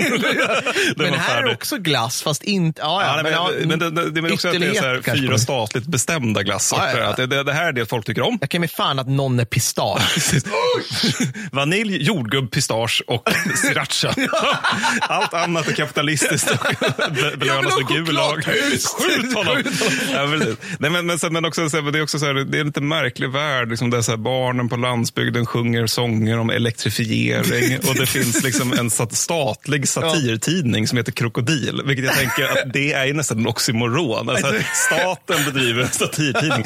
Men ja. Och samtidigt där liksom, bör också påpekas att ingen tror att jag är sovjetofil. Jag har närt en kommunist vid min barm! Det är också en, en, liksom, en framtidskänsla där det också finns det här liksom, molandet i bakhuvudet. Att det finns de här svarta mariorna, de här svarta bilarna som åker omkring och när de står still utanför ett hus så kommer de ja. huset invånarna, de kommer aldrig ses av igen. Nej, liksom. nej, nej. Så att det är liksom en utopi som står på någon form av, liksom, som dansar på knivsäggar nästan. Så. Men, men samtidigt är det så att de unga känner ingen annan, annan värld än Stalin. Så de vet också att man kan klättra i det här samhället om man liksom jobbar hårt och om man har varit med i de här olika så här, paramilitära ungdomsförbunden som Komsomol och liknande. Och sen liksom för de gamla, så liksom, de kan ju jäm- jämföra det här med att liksom, de, de vet ju liksom, okay, men det har skett industrialisering på stor skala och det börjar liksom faktiskt finnas utbildning ute på landsbygden. Och de kan ju inte, om inte annat jämföra det med liksom tsarens leråker till rike. Liksom. Så, med andra ord, det, finns, det jag är ute efter, det finns entusiasm från vissa i varje fall. Ja. Och det innebär att väldigt många springer till rekryteringskontoren Ja, okej. när det är dags. Nu ska vi förlora, eh, försvara fosterlandet. Här, liksom. men, men, men problemet är att sovjetiska mobiliseringen ska enligt plan ske på tre dygn. Nu ska den ske på 24 timmar. Ja, ja, ja. Det här kallas friktion. Det är ingenting ryska armén tar speciellt bra. Nej. Så resultatet är kaos. De frivilliga måste utbildas, men det finns för få officerare. Reservister ska komma till sina förband, men allt bombas, vilket gör att det är lite svårt för dem att komma dit. Befintliga armén måste försörjas, mm, men den kringränns. Det är återigen det där med över 400 000 förluster i Vitryssland. Ja. Så, så det går liksom inte så bra det där. Och sen är det också som att Stalin lyser med sin frånvaro. Du frågade ju det. Just liksom, det. Ja, och för grejen är att han, han får typ bara en kollaps här. Liksom, att, Ja. ja, det här var inte riktigt vad han räknade med. Dessa Så att- 1800-tals slaganfall, luktsalt, måste ligga ner. Ja, men, eh, ja, ja, men typ, fast det, det, men också att han liksom åker ut sin Dacia och typ isolerar sig där. Everything I've done has been for the ultimate good of the people and the welfare of the Soviet state. Ja. Och sen då när, när, när liksom hans närmsta anhängare ko- kommer då den 3 juli och, och det är ganska lång tid under Ja, det här liksom, inledande skedet och säger, hörru Josef, nu måste du ta nu måste du ta och skärpa dig lite grann sluta driva runt i morgon, morgonrock med en kopp kaffe och se deppig ut." Hans första tanke är då att ni har kommit hit för att skjuta mig. Ja, liksom, att det är ja. nu jag blir mitt eget offer. Så att säga. Men, men nej, de är mer liksom så här, nej nu måste vi tvätta av honom för nu, nu ska du hålla ett tal här som får- kan få nationen att ena sig. Mm. Och det gör han och det är också något som ska ha gjort väldigt starkt intryck på Sovjetmedborgarna för att det är liksom att han tilltalar den sovjetiska befolkningen som bröder och systrar Mm. snarare än det här lite mer vaga kamrater. Så. Och han hänvisar, alltså, det är mycket det här med att det är en återkommande grej i, i, i kriget för Rysslands del. Det är att de, försöker, de trummar upp den ryska nationalismen väldigt Ja. mycket. För tidigare finns det ju inga nationer. Det finns Sovjetunionen. Och det, är Ja. som att det, finns, det finns inte ukrainare, det finns inte ryssar eller vitryssar, utan det är Sovjetunionen. Mm. Men eftersom de flesta är det ryssarna kallar för storryssar, alltså Mm. det som idag ser, ser som ryssar, så, så liksom hänvisar han mycket till gamla ryska hjältar och sånt där som stod emot invaderande styrkor. Och, Ja. och liksom också ganska ärlig, vilket också Ja. är lite otippat. Man är ärlig med att det går piss just nu, så vi måste anstränga oss lite grann. Ja, ja. Och så det här ska Nytt liksom, grepp, Nytt grepp, ja. Ja, Istället, ja. men istället för det här liksom lögnaktiga, att allt går fantastiskt. det väl som Molotov körde det att det är 200 döda. Ja. Eh, Så, så, och det ska ha gjort starkt intryck på många då, att, han, att han, han gjorde det. Då. Men, eh, men den här liksom tidiga delen av kriget, alltså sommaren och tidiga hösten, domineras eh, rent operativt framförallt av tyskarna stänger in ryssarna i väldigt, väldigt stora fickor längs med hela liksom västra stridsområdet. Så. Och då är det liksom Minsk, Smolensk, Kiev som är de stora, men så finns det liksom ett otal mindre. Och när jag säger stora, det är för att det är Omanfickan som är så här 100 000 ryska krigsfångar tas. Men det är en liten. Det är lite, ja, ja, ja mm. visst. Ja. Och det här är väldigt ojämna strider naturligtvis. Så vi, vi- kommer inte att gå igenom dem i speciellt mycket detalj. Men, men att Minsk faller för armégrupp mitt 26 juni. Ja. Det är ganska tätt in på invasionen då. Men sen tar det liksom lite tid att liksom rensa upp de inringade sovjetiska trupperna i skogarna runt Minsk. Men, men det, striderna kostar liksom då Sovjetunionen eh, 324 000 man. Ja. Bara i krigsfångar. Ja. Tyskarna noterar förmodligen omkring 12 000 egna förluster Ja. inom alla förlustkategorier. När jag zoomar ut så här och tittar upp i taket, då är det mest för att jag försöker sätta in de här vansinniga siffrorna i något sammanhang och misslyckas. Mm. Ja, men vi, har redan här, vi har redan helt tappat fotfästet när jag Ja, siffror. Alltså, här. östfronten är svår att beskriva just för att skalan är så satans stor. Inte minst när det gäller just ryska Men förluster. jag, jag gillar det du sa i början med SOM. Vi har försökt hålla SOM 400 000 förluster på sex månader från första världskriget som jättemycket, jättejobbigt. Och så har vi kvar det som en liten nugget som vi kan suga lite på för att få någon så här fot, fotfäste. Liksom. Ja, visst, eller man tar liksom, eh, nu ska franska förlusten Verdun är för mig 270 000. ja, precis. Och det är också så här nationellt trauma för evigt. Liksom. Minsk, vilket är en, ett, ett slag som går lite fel för ryssarna, är 324 000. Ja, ja, ja. ja, ja. Ja, nej, men så sen till 16 juli så har ju armégrupp Mitt också, de har ju bara kört över den alltså, andra vågen med ryska förband. För, för Ja, att det, liksom, det. första, det, de lyckas ju med det de hade tänkt sig, utplåna Röda armén. Det är bara det att det kommer en till nu. Ja, men, den- men den är ju sen... En liksom, till Röd armé. Ja, visst, Ja. men den, den, det, det kommer typ fyra upp, Ja. det var 41. Men, men, men, alltså, men den kör ju armégrupp Mitt över då. Och sen så är de, har de helt plötsligt tagit Smolensk också. Ja. Och Smolensk-fickan den krossas 5 augusti och tyskarna tar 301 000 krigsfångar. ja. Plus 3205 stridsvagnar, 3000 artilleripjäser. Och nu är de också två tredjedelar från Moskva. Just det. Det är redan augusti. Alltså det, Ja. det, är, liksom, de, de, det är ganska så raskt marscherat här. Och det enda sovjetiska glädjeämnet så här långt, det, det är att Tjukov lyckas slå upp en bräsch då. Så där han lyckas få ut en del sovjetiska Ja. förband från, från Smolenskfickan. Ja. då. Och sen är det också en Ivan Boldin som verkar ha sina in helvete mycket på cojones. För att han har liksom under striderna i Vitryssland blivit inringad. Ja. Och sen har, tillsammans med 1644 man. Då. Ja. Och sen så marscherar han ut då 600 kilometer under 39 dygn. Medan han och hans alltså, över tusen man håller sig gömda för tyskarna under den här tiden. Då, så de marscherar på nätterna väldigt Det är mycket. så här, äh, det är så här nordvietnamesisk stil. Ja, det- alltså, det så är här, det. liksom. Jo, men han, han blir en grej som ryssarna bara, men vi har honom. Alltså, det kan vara så att Smolensk och Minsk var lite av ett klasterfack, men, men vi har... Han fick ut 1600 man. Vilket, åh nej, där dog de. Ja, det får, de skulle vara med i nästa anfall. Då. Nej, men, men, så, så det här är ju en enorm framryckningstempo för eh, armégrupp Mitt. Men, men, men det gör också att de efter Smolensk måste göra halt egentligen. Alltså, ryska historiker vill gärna hänvi- hänvisa till ja, men det var här ryska motståndet började. Men snarare handlar det om att alltså, de måste ju vänta in sitt infanteri. Ja. Alltså, det är ju det är pansarbitarna av armégrupp Mitt som har gjort det här. Då, så att eh, infanteriet de lunkar ju på liksom, Napoleonkrigstakt. Så att, ja. Men sen på flankerna så går det betydligt trögare för tyskarna. Då, för då har vi liksom dels armégrupp Nord som är den svagaste armégruppen. Och de, den, dess framryckningstempo dikteras väldigt mycket av liksom logistik och terräng i grund och botten. Och det gör att det går mycket, mycket långsammare. För de är ju liksom uppe i, alltså, i baltstaterna och härjar. Och, och det, det är liksom... Varför är logistiken sämre där? Jag skulle liksom intuitivt tänka att den var bättre för att det är baltstaterna och där finns det kanske mer vägar, mer befolkning och sen har man havet. Eller? Ja, nej. mindre prio helt enkelt, Ja, jag, ja, vad jag, okej, vad jag ja. förstått Mm. sakerna. Så att man prioriterar mer mitt sense. och Ja. syd helt enkelt när det gäller vart tågen ska gå. Liksom. Ja. Men så att de är, de är 10 mil från Leningrad i mitten av juli och sen börjar belägra staden 8 september. Och vi kommer återkomma lite grann till Leningrads begrävning, belägring. Det kommer inte bli roligt Mm. Nej, alls. nej. Men däremot så Armégrupp Syd, de, de slår däremot de absolut starkaste sovjetiska styrkonstellationerna överhuvudtaget. Ah, ja, ja. Det var ju den här, liksom, de, de är norr om Pripyat, tänker tyskarna. Ja. Oj då, säger Armégrupp Syd, de är här. Ja. och det här blir lite jobb, jobb.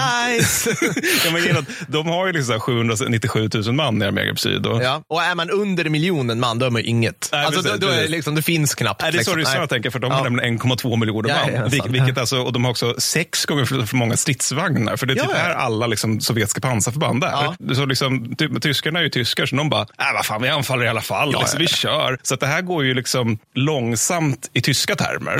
Ja. Men om det här hade varit ett anfall som hade genomförts av ryssarna 44 så hade det varit en massa internetkrigare som hade att prata om operational art och deep battle. Another victory, Commander. För att då på, alltså på 11 dagar tar de 175 kilometer. Men det är väl svinbra pansarterräng? Ja, visst är det. Bara Det tror jag tänka mig här. Liksom. Det är den europeiska, European Plains som öppnar upp sig där. Ja, men så är det men, men, också, men, men, men, alltså, men de, tar, de tar terräng, men det går liksom långsammare än vad tyskarna tänkt sig. För de vill ju ha de här liksom 60-70 kilometers per dag framryckningar. De, Betyder det att de förintar färre förband också? För det är väl det som man vill liksom, alltså, Mm. eller, hinner, hinner ryssarna retirera? Eller alltså, då, är det fästning hashtag på allt? alltså, Liksom? då, då, då, då, det är korrekt. De, de lyckas inte med det där stänga in dem i fickor. Det, då kommer en, en rätt stor ficka ganska snart. Men de lyckas inte med det som man gör uppe med armégrupp eh, mitt där, Nej. liksom att man bara kapslar in förband. Men, men, men det, är, alltså, det är ändå så att de tillfogar ryssarna 241 594 förluster. Varav Ja. två tredjedelar är antingen dödade eller tillfångatagna. så Ja, att, ja. Så, själva förlorar de liksom så här 26 000 man eller någonting. Så att det, det är liksom inga fickor, men det är fortfarande så här. Sen är det tur att den sovjetiska sjukvården i krig är uh, klanderfri Ja, i ja, princip. men så att alla de skadade Ja, ja, kommer de- de- tillbaka de- de- inom, ja, gud, ja, som. Space Marines inom några veckor. Liksom. Precis så. Nej, nej, men alltså, så det är inga fixslag, utan det är mer liksom att de trycker ryssarna bakåt. Ja. Men att det är i sig en jävla massaker av framförallt ryssar. Då. Såklart. Och här är för övrigt även rumänerna med. Det, det, ja, men här, det är här Kan vi deras... få höra den rumänska jingeln?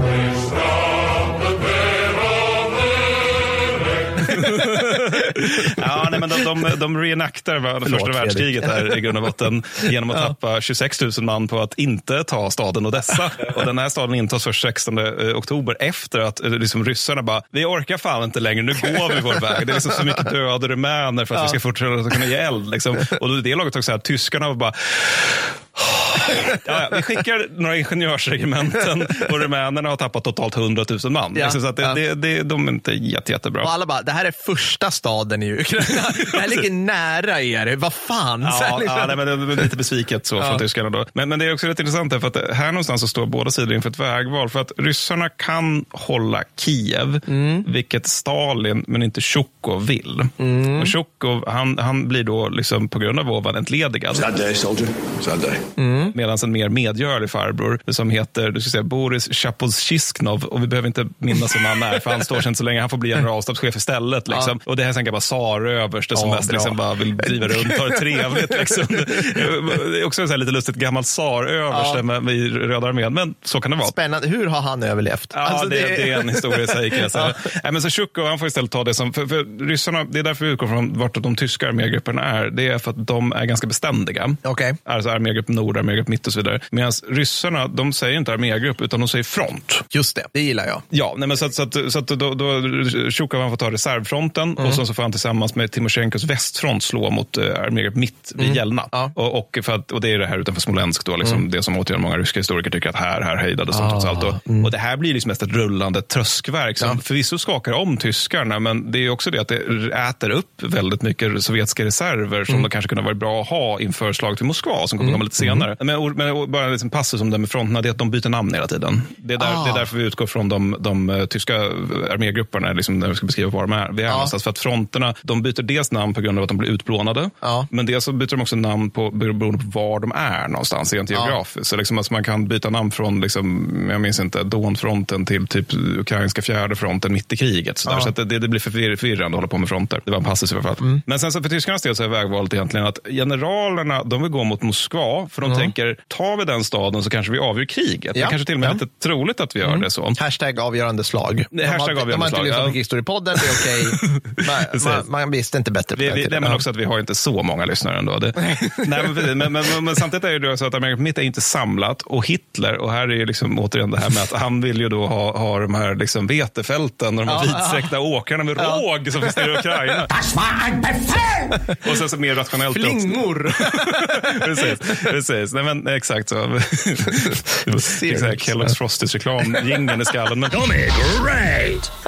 Men, men sen också mer rationellt är att armégrupp Mitts flank är väldigt lång nu. För Ja. i söder har det gått långsamt och i mitten har det gått väldigt snabbt. Så att då har man liksom högerflanken för armégrupp Mitt som är väldigt lång och uttänd. Just det, just det. Så ergo vill, ger Hitler order om att eh, pansargruppet Zwei, alltså andra pansargruppen, Mm. ska gå till, liksom, ta en, en södersväng ner mot Ukraina. Och vad är pansargrupper för något, Ja, Mattis? det är det som senare kommer att kallas för pansararméer Ja, och det är vad det låter som. Det är arméer är och stridsvagnar. Det, är Verabo killmys. Ja, det är det verkligen. Det är det verkligen. Vi, vi kommer komma till dem Ja, lite mer detaljerat senare. Men, Ja. nej, men chef för eh, pansargrupp 2, eller andra pansargruppen, det är Heinz von Guderian, eller Heinz Guderian. Mm, ännu mer killmys. Fortsätt. Ja, men han flyger då, för han, han är ju så här, liksom, låt oss bara gå mot Moskva. Jag liksom, Ja. verkligen så här, vroom, vroom, vroom. liksom, och bara varvar motorerna. Så han flyger till Hitler för att protestera. Och Hitler säger, ja vad säger han Fredrik? Nej, nej, nej, nej, nej, nej! Precis, han säger nej, nej, nej. Vi- Så, och, så det, här visar sig helt lönlöst. Då. Så väl tillbaka vid sin pansargrupp, och det här är också ett återkommande grej Ja. i kriget, är att tyska generaler flyger till Hitler hela Ja. tiden istället för att vara vid sina staber för att han är lite omöjlig där bort- borta. Liksom. Så bestämmer sig, väl tillbaka till sin pansargrupp då, så bestämmer sig Guderian för att okej, men vi rider, river av det här plåstret då. Ja. Varpå han improviserar en södersväng och tar 120 kilometer på två dagar. Men såklart han gör. Ja, ja. mot befästa ställningar. Ja. Ja. och det, så att, ja.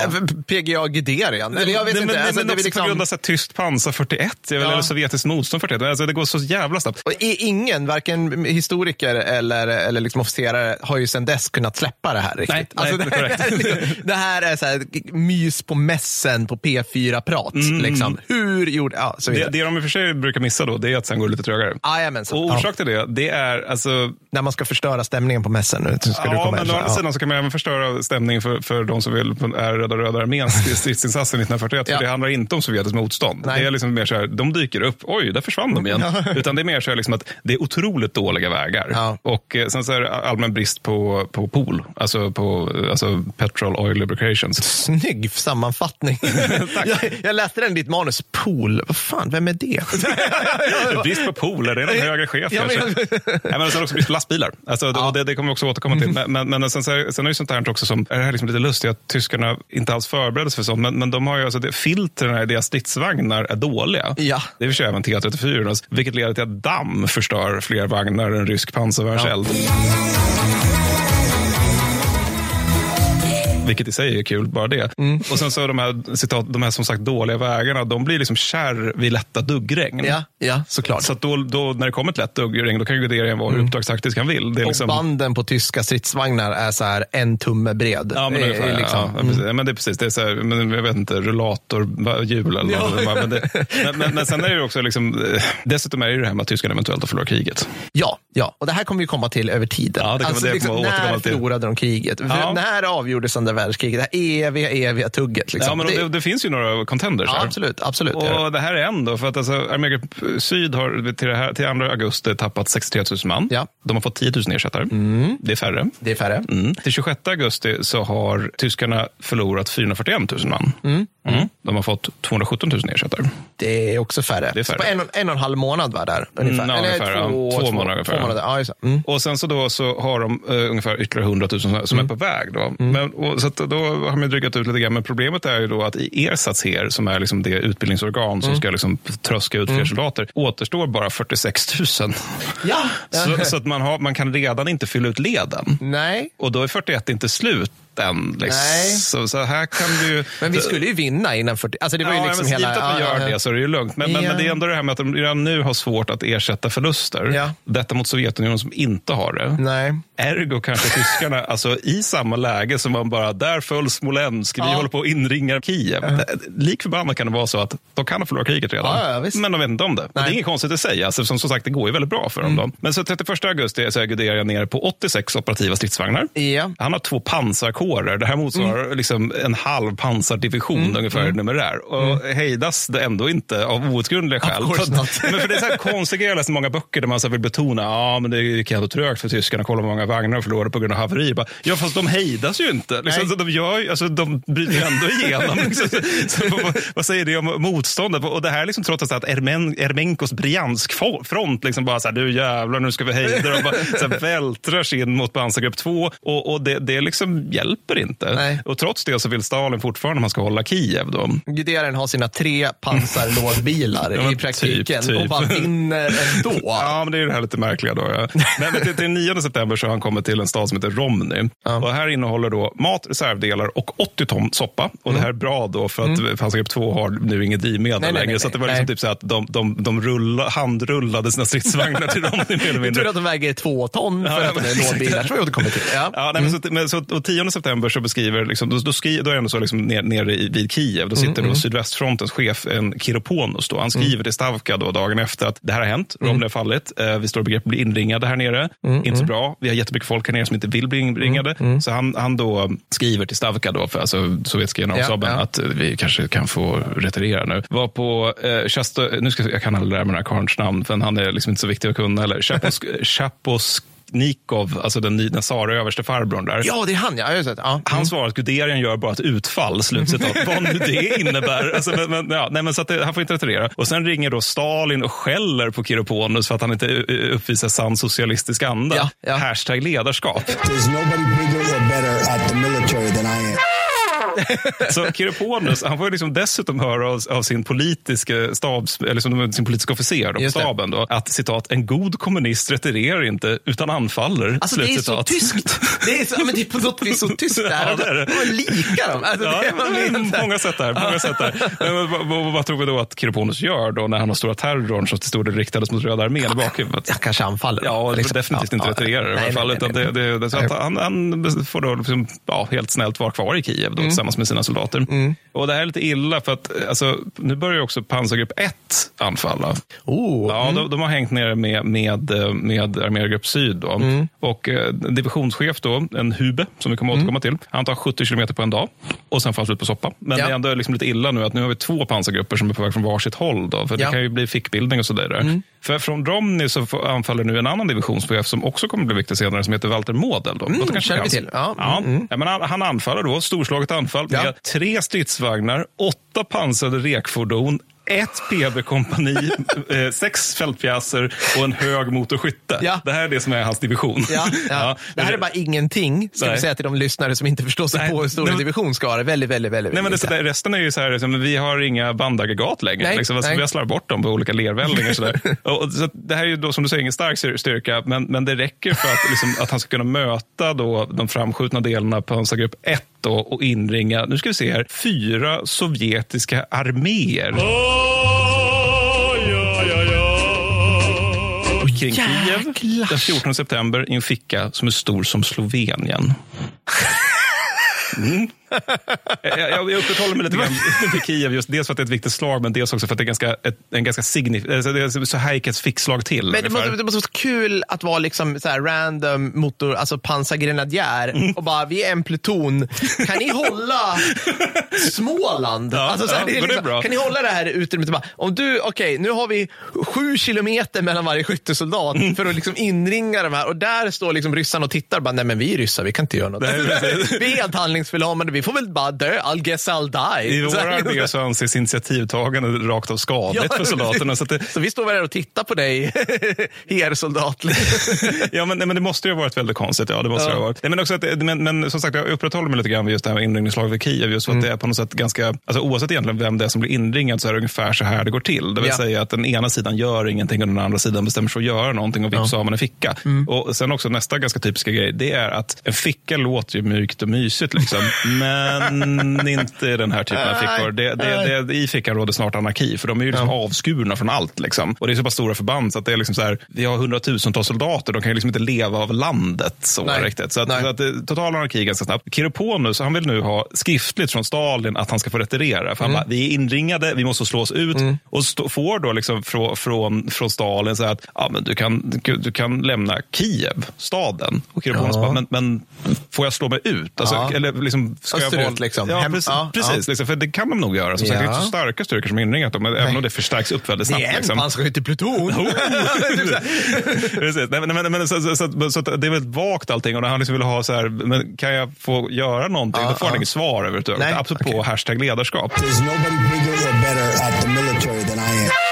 Ja, Stalin spelar paddel. Han är upptagen. Mm. Mm. Han är väldigt upptagen. Och väldigt snabbt är det också att den här fickan splittras upp i allt mindre och mindre delar. För det är just att medan ryssarna håller på att fundera på vad de ska göra så agerar ju tyskarna ja. istället. Då. Hashtag tyskar. Ja, snar, ja, snarare det. Mm. Och det, det gör ju liksom att kontrollen över den här fickan, alltså, eller förbanden i fickan, blir väldigt snabbt omöjlig. Alltså, Även om Kiroponos nu skulle få göra någonting så kan han inte riktigt göra någonting. För att han, liksom, han vet inte var hans divisioner är någonstans. Och det, och det, är också så mycket, väldigt mycket grisigheter. Så att det, liksom, det finns en skog utanför Kiev där det liksom, liksom, liksom hela brigader med ryssar som gömmer sig. Tyskarna svarar på det genom att brandbomba skogarna. Ja. Det var någon Kiev-stadsbo som, som skrev, i sin, eller skrev i sina memoarer efter kriget att det här var, det var första, notabene första, mm, första mm. gången jag känner lukten av bränt, brinnande människokött. Ja, alltså ja. saker i den stilen. Då. Och tyskarna anfaller ju också så liksom, sam, från alla håll samtidigt, vilket mm. gör att kontrollen blir ännu svårare. Och de gör det ofta liksom så motströms mot flyende sovjetiska soldater. Så att du har liksom ryssar som spontant försöker liksom slå sig österut eller bara liksom försöker ta sig ut ja, ur den ja besvärliga situationen. Alltså bara myllrar österut eller liksom åt något håll alls. Och sen på samma väg så kommer det liksom tyst pansar som bara mm. liksom plöjer igenom det här. Då. Inte så vackert. Nej. Så kring 17 september så bestämmer sig Kiroponos lite senkommet att okej, okay, men om jag inte får order om det, då måste jag väl liksom... Ta ett initiativ. precis. precis. Oh, Nej, men alltså, det, exakt så. Men, men också, att han bara vågar. Mm. Ja, men precis. Det är väldigt, väldigt, eh, väldigt misshagligt. Eller mm. väldigt uh, oortodoxt i Röda armén. Men, men, han bestämmer sig liksom ändå att nu, nu är kaoset så stort att uh, vi, vi måste liksom slås ut. Men det här mm. blir bara mest ytterligare, ytterligare en väldigt stor uh, massaker. Och tyskarna är liksom helt så här, de där måste vara fulla för de dör i så stor omfattning. Det är alltså på, på allvar så ja. tysk skytte som bara, de måste vara berusade. Ja. Och Kiroponos själv då, han försöker, alltså, han försöker personligen slå sig ut med liksom 800 man eller något sånt där. Men, mm. men han dödas av en GRK, ett GRK-splitter i 20 mm. september 41. Så I stort är det här eländet klart den 23 september. Mm. Och då har eh, alltså, så ryssarna de anger att de har förlorat 665 000 man mm. i krigsfångar. Det innebär att det finns mm. andra förlustkategorier ja. och det här eventuellt i underkant. Ja. Orsaken är inte det jag nämnde tidigare, alltså att de är för rädda för att berätta vad de förlorar. För om man har sagt till chefen att vi förlorar 665 000 man, då är man nog, alltså då är man inte rädd att berätta att vi har tagit förluster. Nej. Utan det är mer att det är sån fullkomlig anarki i Röda armén här, att man har ingen koll. Nej. Alltså, det gäller egentligen alla förlustsiffror jag kommer säga för 41. Det är mm. att det är lägsta uppskattningar. För det är sånt, sånt kaos. Att man ja. vet liksom inte vad blir det av förbanden. Vad gör liksom. man med 606 000 krigsfångar? Uh, vi kommer komma under det. Till ja. det. Uh, det kommer gå under kategorin krigsbrott. Ja, men okay. det är senare. Det, det är senare. 42. Ja. Det blir inte bra. Så det blir heller säga. inte bra. Nej, nej, nej men nej. Det, det, är en väldigt stor mängd människor som på något sätt måste förses med mat och någonstans att vara. Och lustigt nog, eller snarare hemskt nog, så gör inte tyskarna det. Nej. Men något annat som sker det är också att när Kiev, alltså själva staden Kiev faller, inte när Kiev-fickan gör, när mm. Kiev faller, då är det, det är den 19 september. Mm. Då lämnar NKVD kvar tidsinställda bomber.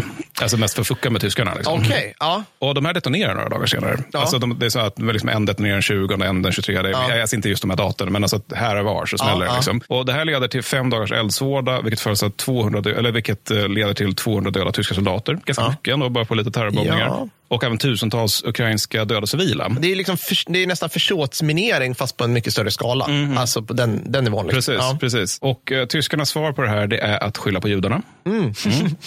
Yes, uh, och det leder då till att... Jag sköna medeltidsvibbar av ja, det. Bara. Jo, jo.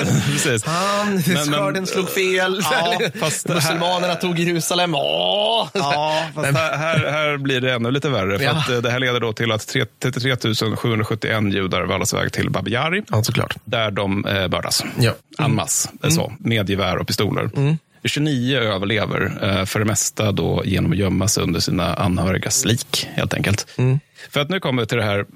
Alltså, nu, nu, nu börjas det. Alltså, det, här, det är det vi har väntat på. Ja, men så här, va, vi- till östfronten och ja, så vidare. Ja. Två reflektioner. Det ena är att eh, vi, ehm, alltså i första världskrigspodden så hade vi en punkt som hette krigsbrott. Ja. Kommer inte vara så här. Nej, nej. Nej. men jag tänker mig att du, du spär, spär, kommer du spä ut det här lite för oss? Ja. Alltså så här på sina ställen, eller måste vi, ska vi liksom bita nu är av det det två här? timmar där vi bara går igenom. Ja, ja, nej, nej det, det, det är det inte. Utan Vi kommer kapsla ut lite grann, det Ja, passar. Men det andra är också att vi i avsnitt 10 sa att vi inte skulle ha ett, eh, vi, ska, vi kommer inte ha ett avsnitt om förintelsen. Eftersom det är så pass känt. Just det, så. Eh, Men samtidigt är det också så att det är omöjligt att göra en podd om hela östfronten att, utan att gå igenom förintelsen. Ergo så kommer nu punkten som heter Folkmord 1. Nota med 1 eh, förintelsen med kulor. Det här går liksom inte att undvika när man pratar om det här. Så att, jag bara lägga in att vi har, jag gillar det vi pratar om i eh, mat och krig.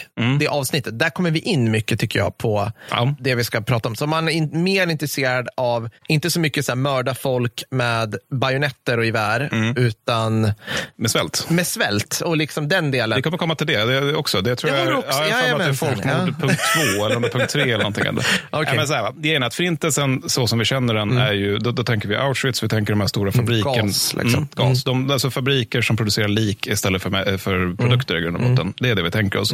Men den inleds på allvar i och med invasionen av Östeuropa. Då. Och det ska noteras här också om Babi Yari, då, alltså det är inte första gången man ställer till med storskaliga massmord på det Nej, nej, sättet. nej. Utan, och det här med bomberna är naturligtvis bara ett svepskäl. Alltså att man, man skulle ju Ja. förmodligen ha massmördat judar i alla fall. Men, men det blir liksom ett svepskäl man kan sätta Mm. igång det, det hela till. Då. Men, men när man går in i, i, i den, den tyska armén liksom ruschar in, då har de efter sig något som kallas för Einsatzgruppen. Mm. Och de är organiserade i ungefär bataljonsstorlek i, och de är då Einsatzgrupper A, B, C och D. Då. Tillhör de här armén eller är det någon, sån här, äh, någon annan liksom, Eh, nej, de, de, de, sam, de samarbetar med armén. Ah, ja, okej, Eh, ja. Men, jag vill minnas att de, de underställer SS. Ja, okej. Men, men alltså, de, de, kommer just från, alltså, soldaterna, eller soldater, manskapet Ja, ja. Eh, kommer från SS och de olika säkerhetsorganen. Då, för att det finns ju en myriad av sådana i Nazityskland. Mm. Och de här finns innan Barbarossa och har redan massakrerat folk, bland annat Mm. Polen. Men, men, men det här är liksom verkligen, det här är det som är deras stora, jag höll på att säga gärning, men deras stora liksom,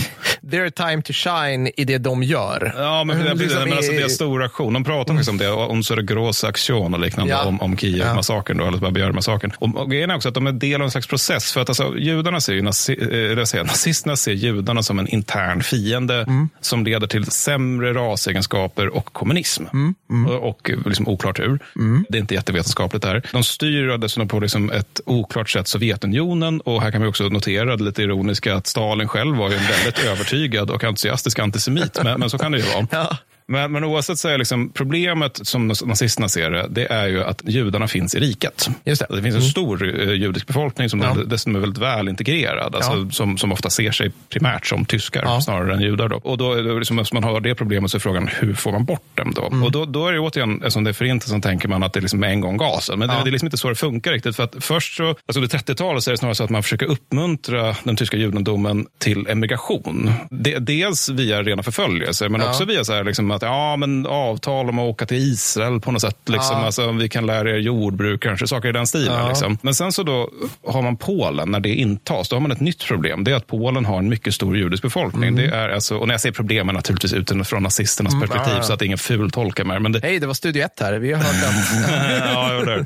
Nej, men grejen är så att de har en mycket stor judisk befolkning. Jag tror att det var var tionde polack som är av judisk börda. Ja. Något åt det hållet. Så då har man helt plötsligt gjort den, liksom, det som man ser som den judiska befolkningen inuti riket ännu större. Vilket gör att problemet har ju växt då, Mm. Ja. som man ser saken. Aj, aj, aj. Ja, och då lösningen är ju då att fly- flytta judar till vidriga getton i det man kallar för generalgovernmentet i, i Polen. Då. Och sen då efter Frankrikes fall så då börjar man göra lite nya planer och det är liksom att okej, men nu kommer det ytterligare lite judar här via att de som bor i Frankrike och Beneluxländerna då, vi kan liksom inte få iväg dem heller på något bra sätt, för det, det här med generalgovernmentet funkar inte bra. Så då börjar man fundera på om man själv istället ska liksom deportera dem till Madagaskar eller Sibirien. Jag ser vissa problem. Ja, ett problem är ju att brittiska flottan finns, Mm. Just vilket gör att Madagaskar är helt utslutet. Ja. Och eh, liksom Sibirien, Sovjetunionen ligger i vägen. Ja. Men det är, ändå, det, är här, det är egentligen först här någonstans kring 1940 där, där det går från att vara våldsamt och brutalt till att man börjar överväga massmord på stor skala. För att om man skulle flytta liksom hela Centraleuropas eh, judiska befolkning till Sibirien eller Madagaskar, som är liksom så här, det är antingen bara djungel och bergsdjungel eller evig vinter, då kommer folk dö. Absolut. Inte minst på transporterna också. Men, men en sak, alltså, där under 30-talet med tankegångarna att de skulle emigrera, är det någon sån här, är, eh, fanns det någon tanke, fa- fanns det redan då en tanke så här, eller så mördar vi dem? Eller var det liksom, kom den sen? Ja, den kommer senare, den växer fram. Liksom. Så man Alltså- hade liksom en, en brist på, i, i, liksom, i relation till det vad det blev, liksom humanare inställning till att få bort det? Eller hur Alltså det är fortfarande massor med våld i det här. Alltså Jo, jo. kristallnatten är ju en grej. Liksom. Ja. Så, så att, så att, men, men det är inte, tanken är inte att man ska utrota dem, utan tanken är, är i början att man på något sätt ska förflytta dem. De ska, Ja. liksom,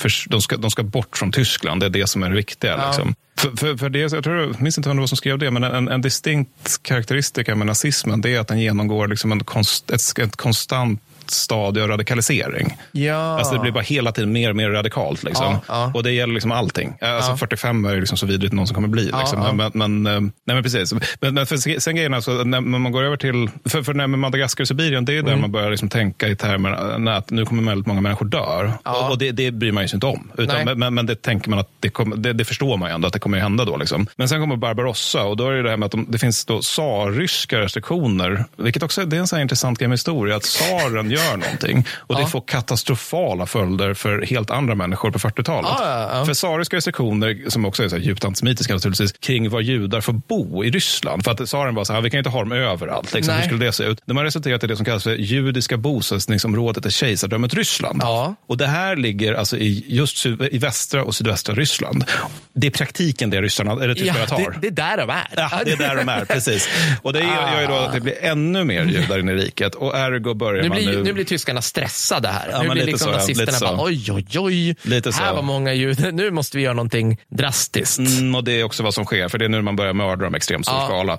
Och det här är det som sköts av Einsatz- Einsatzgruppen. Då. Och man inleder med att skjuta alla judiska män utöver de mycket gamla och mycket unga. Men eh, eskaleras väldigt raskt till att det även innefattar kvinnor och barn. Då. Och det här det är mycket så här, ja men kan vi verkligen göra det? Och sen ja, det kan vi. Alltså, det, det, det, är liksom, det, det, det, är en fasaväckande snabb övergång. i det Där, alltså att det bara sådär, liksom. Och förfarandet är väldigt enkelt. Det, här- det här är liksom någon som kallar det för förintelsens, förintelsens hantverksstadie. För att det är inte det här industrialiserade, utan det är, liksom, det är just handgripliga. Det vill säga man samlar ihop, man går, kommer till en plats, man samlar ihop den judiska lokalbefolkningen. Man tar dem till en avskild plats, man skjuter dem i bakhuvudet, mm. ofta upprepade gånger. Och sen så upprepar man det här i stad efter stad, i by efter by. Så gör man bara det. Och Einsatzgruppen, de är även liksom beordrade att, att eh, piska fram folkliga pogromer. Alltså för återigen, det med den här östeuropeiska antisemitismen, den, Ja. den finns starkt. Ja. Och de lyckas ju stort med det. Det, det, Ja. det finns ett fasansfullt fotografi som vi inte kommer att lägga ut, som från Kauna, men ni kan kolla upp det, som från, är från en ska säga, litauisk stad som heter Kaunas. Det är i alla fall en man med en kofot som är, alltså de är i något garage där. Och han är liksom omgiven av, av döda människor. Och då är det bara liksom lokalbefolkningen som har på sitt stort eget initiativ bara slagit ihjäl sina judiska grannar i grund och botten. Och han står där liksom helt stirrig i ögonen och är liksom helt nerkladdad av blod och med en kofot. Liksom. Fucking Jesus Christ. Ja. Ja. men så, sen finns det också exempel som Jedwabne. Det finns en förfärlig men väldigt bra bok som heter Vi från Jedwabne. Som, som, eh, där, där, eh, man, man, det man gjorde var att det var en polsk by där man samlade ihop återigen sina grannar som man har bott med liksom länge. Man samlade ihop dem i den lokala tror jag, synagogan eller någon kyrkan. Jag tror det var synagogan. Och sen så tände man eld på den. Men alltså det här, för, gud, får jag bara, nu, nu är det årtusende stickspår, men jag läste nyligen en skildring från, jag tror det var på Twitter, och då var det en snubbe som berättade om att han var, han var serb. Nu byter vi så Under, under, eh, på Balkankrigen. Och så hade han berättat för, om det var en NATO-soldat, för jag hörde det här via någon, jag tror jag hörde det här via någon svensk, att han hade bara, men, ja, kriget börjar, man, man, vet du vad jag gjorde? Så, nej, jag har haft en, en, en em, bosnisk eh, granne i alla år, under hela tiden jag, jag liksom, och så började kriget. Och så fick jag tag i ett gevär, och så den här grannen, han var kanske 70-75 bast den här bosnien. Han stod i sin trädgård och påtade där. Och, så här. och jag har känt honom hela mitt liv. Och så la jag mig där och så siktade jag så här. Och så sköt jag honom. Liksom. Bara så här, Ja. bara, det, det, var, det var som att så här, det är som att man drar ner en rullgardin i hjärnan. Jag kan inte riktigt, för att han kände honom. Det var inget hot mot någon, det var ingen stridssituation. Jag bara, det, det, det är det första jag tänker på när du berättar såna här grejer. Ja, men precis, för det är snarlikt. Men skillnaden är väl då möjligtvis att i det fallet är det åtminstone krig mellan alltså, serber och bosnier. Ja, ja, precis, I det här fallet precis. är det bara liksom att tyskarna kommer, lag och ordning upp.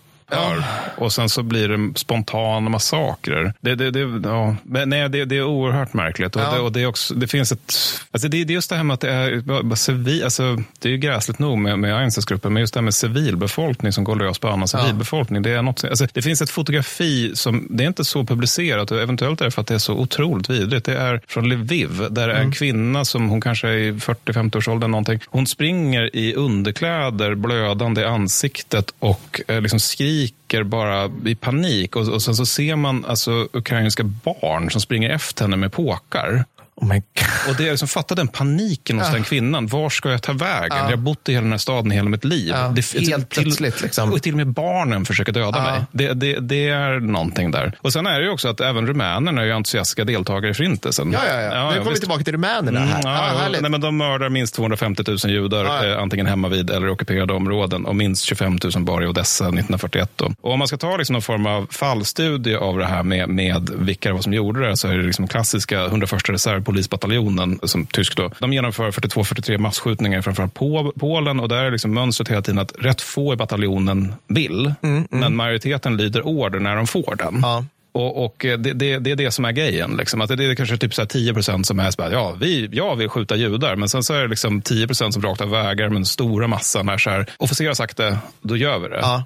Och då, då, då är också, det ska tilläggas att det här är inte heller någonting som är just, de var tyskar, det var därför det är så här. Utan det är snarare att det är liksom, enligt typ Milgram-experimenten och liknande, som i och för sig har fått en del kritik, så är folk, så, här, så här folk agerar. Det så finns liknande mönster från, från S21 i Kambodja. Alltså att det är så här, en liten grupp vill inte och gör det inte. En liten grupp vill det och gör det. Men den stora massan gör det för att de får order. Ja. Och i den första polisbataljonen så utvecklas en bisarr manlighetskultur där liksom så här, de som skyggar undan från massmördandet anklagas för att liksom inte vara riktiga män som kan göra svåra uppgifter och så vidare. Och så vidare, och så vidare. Men det som är riktigt märkligt med de här det är att det är väldigt få liksom, nazister i den här bataljonen. Ja. Ma- Majoriteten är dessutom de är liksom för gamla för att vara indoktrinerade. Utan Christopher Browning som skrev boken Helt vanliga, eller vanliga män som det heter. Hans utsats är synnerligen obekväm. Ja. För det är att det här är vanliga män. ja, som typ familjefäder och såna här saker. Liksom. Mm. Ja, och det, det, det som är så obehagligt med den läsningen det är att man drabbas av den här insikten. Man måste ställa sig frågan,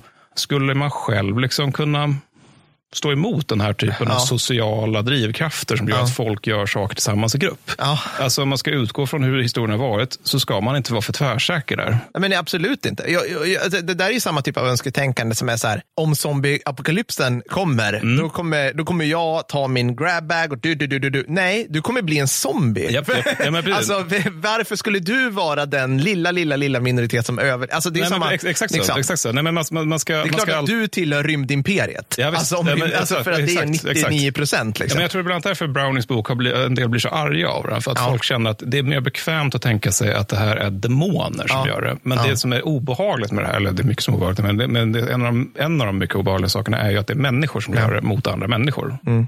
Men, men sen så är en annan fråga som ofta ältas, det är det här med Wehrmachts inblandning. Och det är framförallt Mm. här det handlar om. Och då är det här, för alla wearbos där ute, att de, de flesta högre officerare är antingen positiva till eh, utplånandet av judarna eller också är de likgiltiga inför slaktandet. Och på lägre nivå, det är liksom svårt att säga naturligtvis, för att det finns naturligtvis antisemitism i Tyskland. Och samtidigt så, och det leder ju till att många tyska soldater är övertygade om behovet av att utplåna det man kallar judeo-bolsjevismen. Mm. Och samtidigt är det ju miljoner armé, så det är självklart finns det de som liksom Ja. inte har någonting emot judar och Ja. blir förfärade av det de ser på östfronten. Samtidigt har vi exempel som typ så här Luftwaffe-personal som är på liv i någon typ så här litauisk, eller polsk by eller någonting och så här när man super till lite grann, bara, ska, ska vi gå ut och skjuta på judarna lite grann? Och så Mm. går de ut och gör det och det är liksom bara så här kvällsunderhållning för dem. Och samtidigt, och framförallt är väl det att de tyska soldater och den här myten om den rena Wehrmacht, vilket är just en myt, det är att Mm. de befinner sig i en struktur där alltså krigsbrott är självklara och där krigsbrott är nästan omöjliga att inte delta i av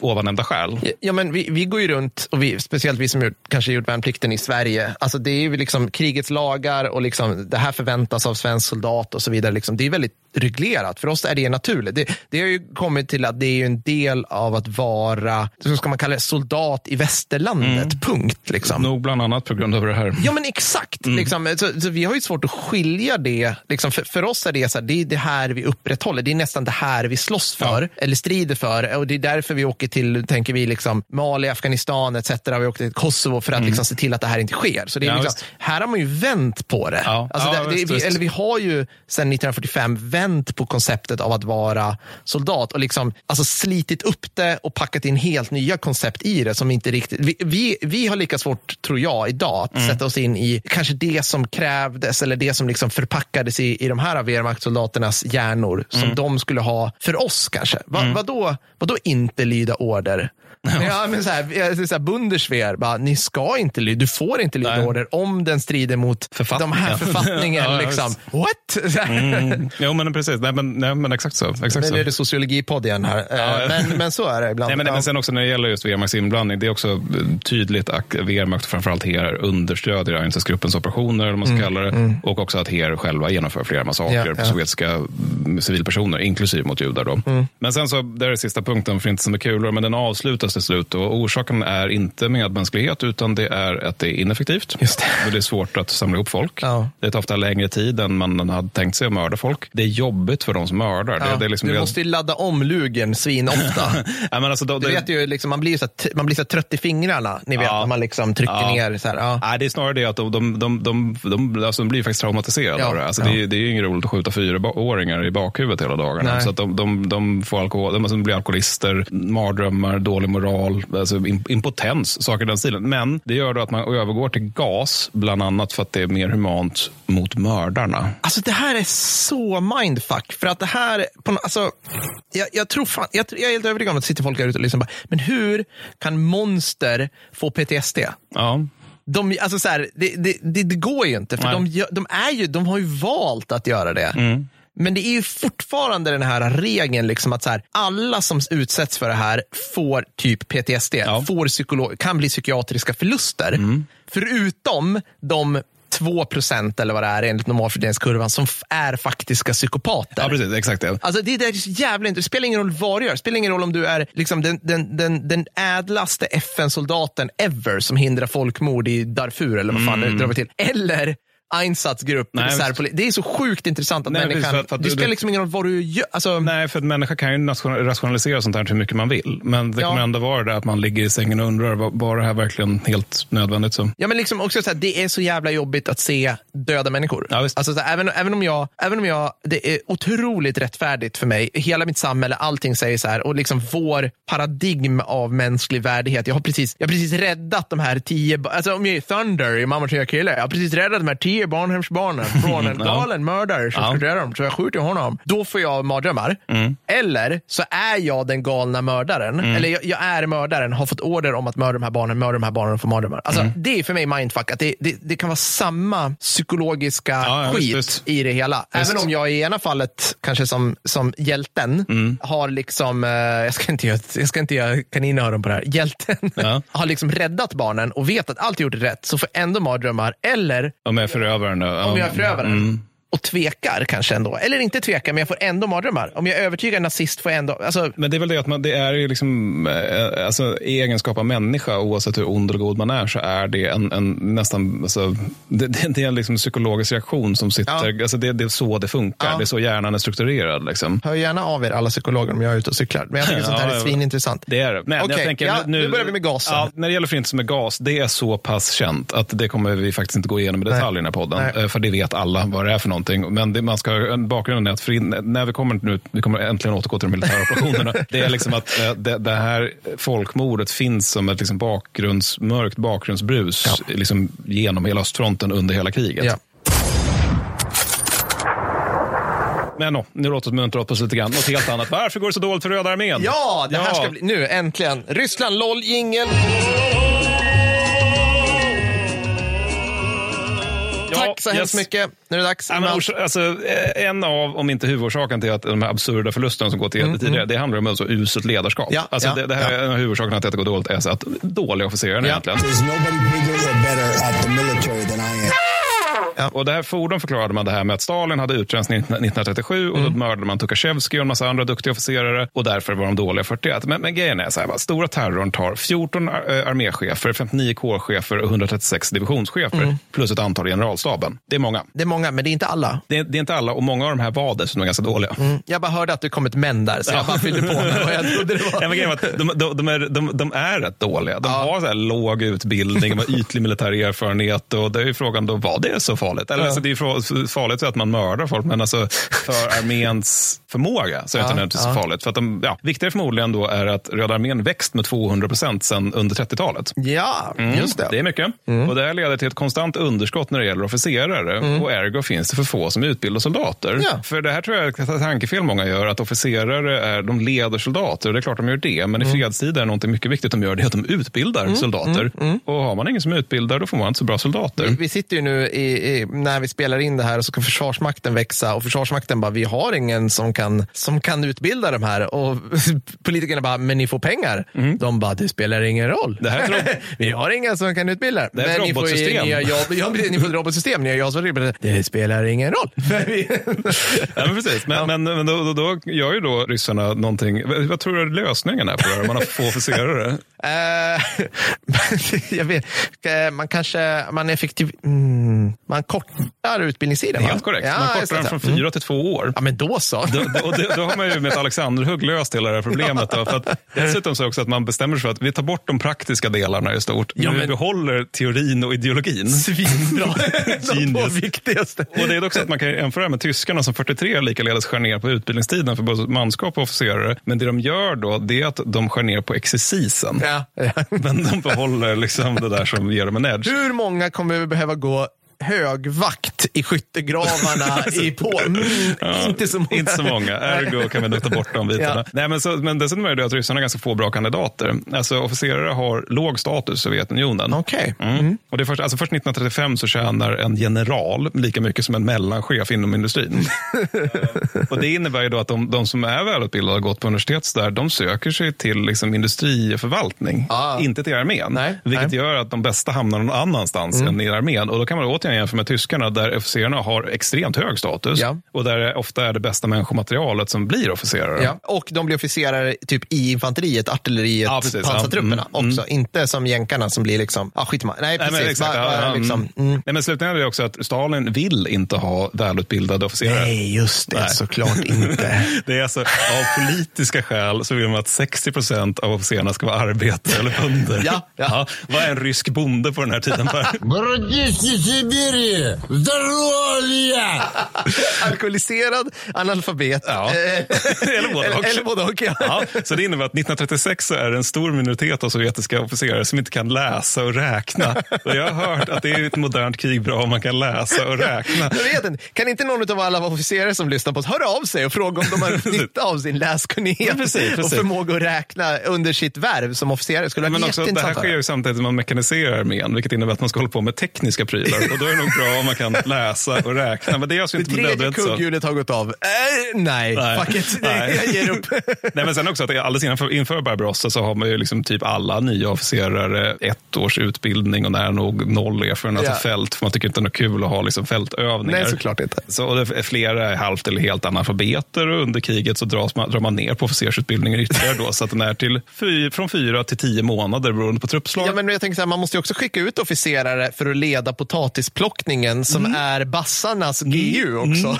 Det är alltså, vi kommer återkomma till det där med, de, de som arbetsstyrka.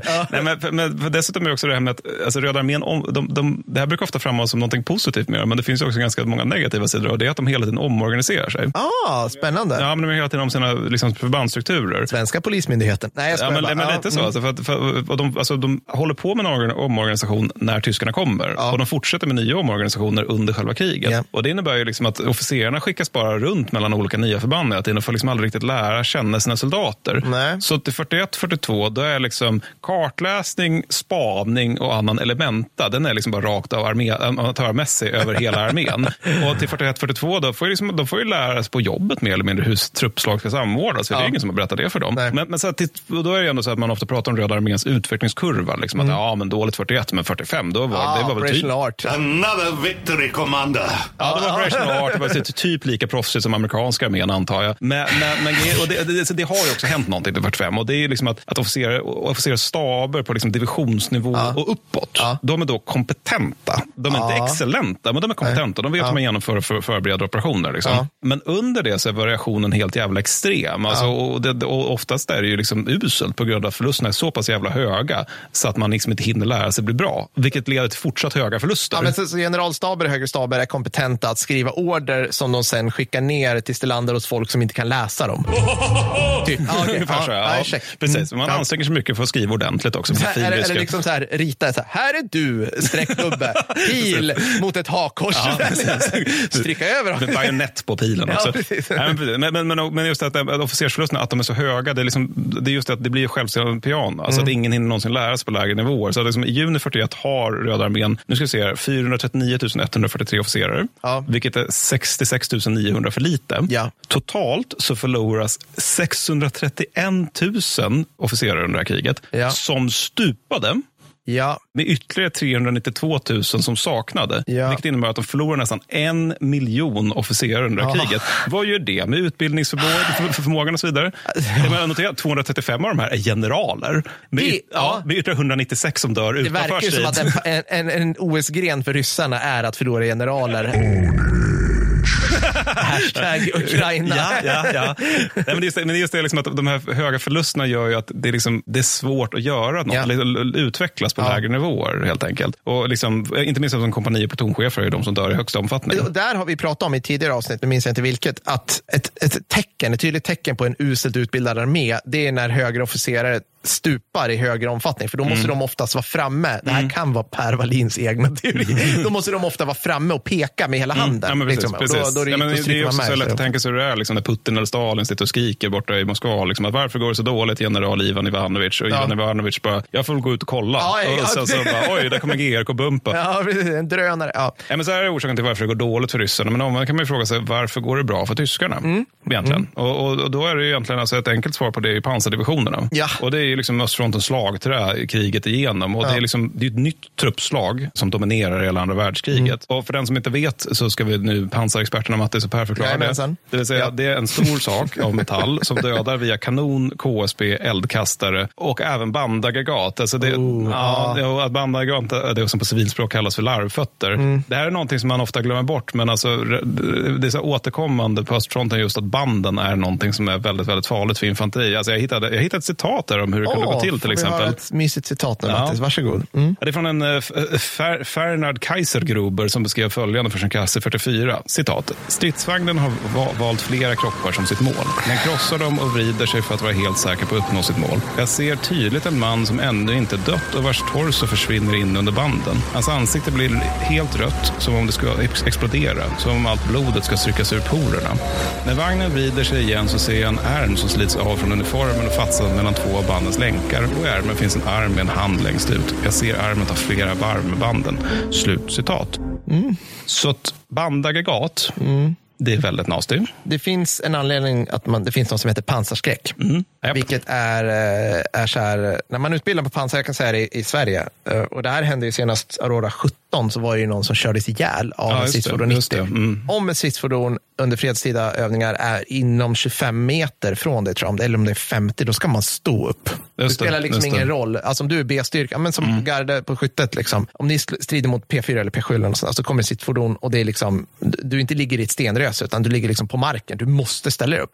För det är så, de ser ingenting och det är helt livsfarligt. Mm. Ja, och, men folk blir ju livrädda av pansar. Och det, är Ja. det är ju en poäng. Det är nice när det är på vår sida. Ja. Ja. Inte så jävla kul när liksom. Nej, men det är 60 ton stål som kommer rullande mot och Ja, du inte har effektiva Och till skillnad motmedel. mot de där 40-talsvagnarna så går ju stridsvagnarna så jävla fort. Och stridsfordon så, alltså det, det har en centrumsväng och allt. Ah, man. Japp. Fan alltså. Men i varje fall, de här grejerna då, de är i, i Tyskland så är de organiserade i fyra pansargrupper. Då. Och eh, från 42 framåt så kallar man det pansararméer istället då som sagt. Men, men eh, alltså, tyska pansardivisioner är genomgående krigets bästa. De har liksom en extremt stor självständighet och flexibilitet och sen har de dessutom flera organiska resurser i förbandet. I stil med luftvärn, ingenjörsförband, Ja. repar, alltså reparation av olika slag så där, som, som Sovjet, sovjetiska motsvarigheter ofta saknar. Alltså, det är sånt som ryssarna måste bygga på under kriget. Eller så tyskarna- finns bara högre nivåer och det är liksom Yes, inte exakt, lika grepp. Exakt, att liksom. till K- att en K-resurs till exempel. Ja. Medan, så är det inte för tyskarna. Så, så att, eh, och det här är liksom också konsekvent bästa manskapet, officerarna som hamnar Mm. i pansardivisionerna. Notera här nu förut att eh, tyskarna säger pansardivisioner, ryssarna säger stridsvagnsdivisioner. Så Okej. det är ett enkelt sätt ifall jag säger det ena eller det andra. men men stridsförfarandet för tyskarnas del det är egentligen slå på djupet och så kaos, inringa fienden i grund och botten. Ja. Och med allt det här sagt så ska man i och för sig också komma ihåg att tyskarna kan inte med den bästa vilja kallas för motoriserade under det här kriget. Så att alltså sommar 41 så har tyska krigsmakten drygt 6 000 stridsvagnar och stormkanoner på alla fronter. Ja, ja. De har också en miljon hästar. Look at my horse, my horse is amazing. Ja. Mm. Men det, det måste vara så jäkla sjukt. Bara så här, här kommer, så här, för vi, det är i och för sig senare i kriget, här kommer en panter Mm. Som är liksom välkommen till, till liksom, Modernt 21, krig, välkommen liksom. till modernt krig, för- som kör förbi en infanteridivision som bara hej hej från tidigt 1800-tal. Alltså, nej, nej, nej, Ja. vi är sämre för vi, vi, vi går långsammare Ja, vi går än Grand. Armé. Så Ja. duktiga är vi Japp, inte. japp. Vi är långsammare än romarna. Ja, det är jävligt. För vi, inte minst för vi är med tunga grejer bakom Nej, oss som precis. också ska dras av hästar. Precis. Jo, men, så av 187 tyska divisioner på östfronten så är 17 pansardivisioner Mm. Ja, och precis. 12 motor, motoriserade divisioner. Det här, det här är också så här wearable-bilden av tyska armén är ju just att alla är åtminstone motoriserade. Ja, men så var det ja. inte, utan de Nej. infanterilunk. Liksom. Mm. Och orsak ett till att det är så här, det är att det är, eh, Tyskland har begränsad industri, Ja. industriell förmåga helt enkelt. Orsak två, det är att 85 procent av världens olja kontrolleras av USA eller Storbritannien. Ah. Det kan ju vara bra om man ska ha stridsvagnar och lastbilar. helt enkelt. Så egentligen under det här kriget är det bara USA som man kan kalla en helt motoriserad armé. Och Mm. även de var sådär att de stred inte riktigt som motoriserad regel, utan ofta var det som att de åkte liksom taxi till slagfältet och hoppade av. Liksom. Ja. Och resten lånkar på lite långsammare Napoleons soldater som du sa. Och det är ju då återigen, de har artilleripjäser som tar längre tid att baxa fram och liknande. Ja. Men och även i liksom de tyska pansardivisionerna så finns det också stora svagheter när det gäller liksom vad det är man spakar, alltså stridsvagnarna. För att återigen, vi har ju så här 3648 tyska stridsvagnar som sätts Ja. in 22 juni. Då. Ja. Det är jättemånga stridsvagnar. Ja. Men, och då, är ju, då, då kanske man tänker sig, ja, men det är väl typ panter. Ja. Eh. det, blev, det blev inte så. Nej. För de här, nu ska vi se, kan man nästan lägga in Mattes räkneingen här. Nu ska vi snacka förlustsiffror. Jag pratar jättestora förlustsiffror. Pepe Silva, det går inte ihop sig. Det går helt enkelt inte ihop sig. Vi pratar 29 miljoner förluster, bara 6,9 man dör, eller ja, stupar. Pepe Silva, vi pratar 18 miljoner sårade. Pepe Silva, över 49 000 medium tank M4-stridsvagnar. Helt vansinniga uppskattningar. Man måste liksom använda sjuk logik för att komma upp i de här 5,3 miljonerna. Hej Barney! 6 000 Panterstridsvagnar. Pepe Silva, Pepe Silva, Pepe Silva. Du måste vara tokig för att jämföra de här två med varandra. Lugna ner dig och ta en kopp kaffe. Och de här har vi nämligen 444 som är Panzer 4 och 979 som är Panzer 3. Just det. Och de de här- är bättre än ettan och tvåan, det vet Det, jag. är, nej, men de, de är, ja. liksom, de är okej, Ja. men inte enormt bra för tiden. Nej. Men de är så okej vagnar. Liksom. Ja. Sen så är det 651 plus 157 som är erövrade tjeckiska vagnar. Mm. Nu börjar vi närma oss lådbilstatus här. Sen är det 743 som är Panzer 2. Ja. Är det en kulspruta Ja, ens? det, jag tror de har en Akan på den. Det var men en det är en A- liten, liten 20 Akan. typ en 20 millimeter, ja, precis, centimeter. Precis, Ja, ja. ja, mm. Och sen så är det 201 som är Panzer 1. Ja. Och det är alltså, det är, om jag minns rätt, det är alltså utbildningsvagnar Ja. som var knappt tänkta att Ja. användas i strid. Ja, med Nej. två sprutor på. Ja. det är ändå två Nej, ben alltså, de, de, de, de, kan stå emot lättare kastvindar Ja, och möjligtvis hårda ord, men inte så mycket värre, bättre än så. Och där kan man man då kontrastera mot ryssarna som sagt har 23 000 stridsvagnar, mm. vilket gör dem det största pansarvapnet i världen. Men samtidigt, de har ju egna problem. För att alltså 70 procent av de här är äldre vagnar som har ett större behov, liksom mer eller mindre stort behov av att antingen uppgraderas ja. eller underhållas. Ja. Det är kanske en tiondel av totalen som är T34 eller KV-vagnar. Ja. Utan de flesta är som T26 eller BT-vagnar eller någonting som har typ 45 mm kanoner med tunt mm. pansar. Och av det här förlorar ju då ryssarna 20 500 strids, stridsvagnar under krigsåret 1941. Ja. Det är många vagnar. Det är många vagnar. Hälften dessa förloras på grund av haverier. Men såklart. Ja. Se vårt avsnitt om... Eh, T34. T34. Ja. Heter det T34? Nej. T34. Uh, Zom best tank ever heter det. Ja, just det. T34 mot uh, Sherman.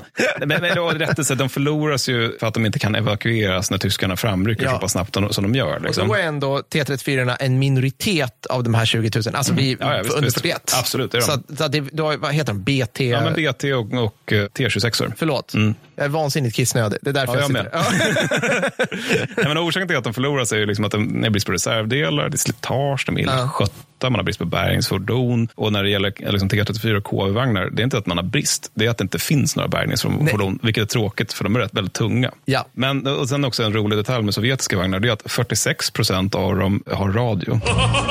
Just det. Mm. Och då är det inte så här, om jag, om jag nu kan jag snacka skit här, men är det också så att vissa av radiorna är bara envägsradios? Mm. Det vill säga att du tar emot order. Ja, du kan liksom inte bara, jag kan inte framrycka för jag är död. Eller liksom, nej, eller nej, typ du, du, kan bara göra åt ena hållet. Ja. Man har också lösningen signalflaggor. Ja, men alltså ändå. Man, man står och viftar där i tornet medan bara yr artillerigranater omkring en. Alltså jag har ju blivit ledd på pansarskytte av handsignaler mm. från en vagn. Mm. För att ibland så vill man inte prata på radio.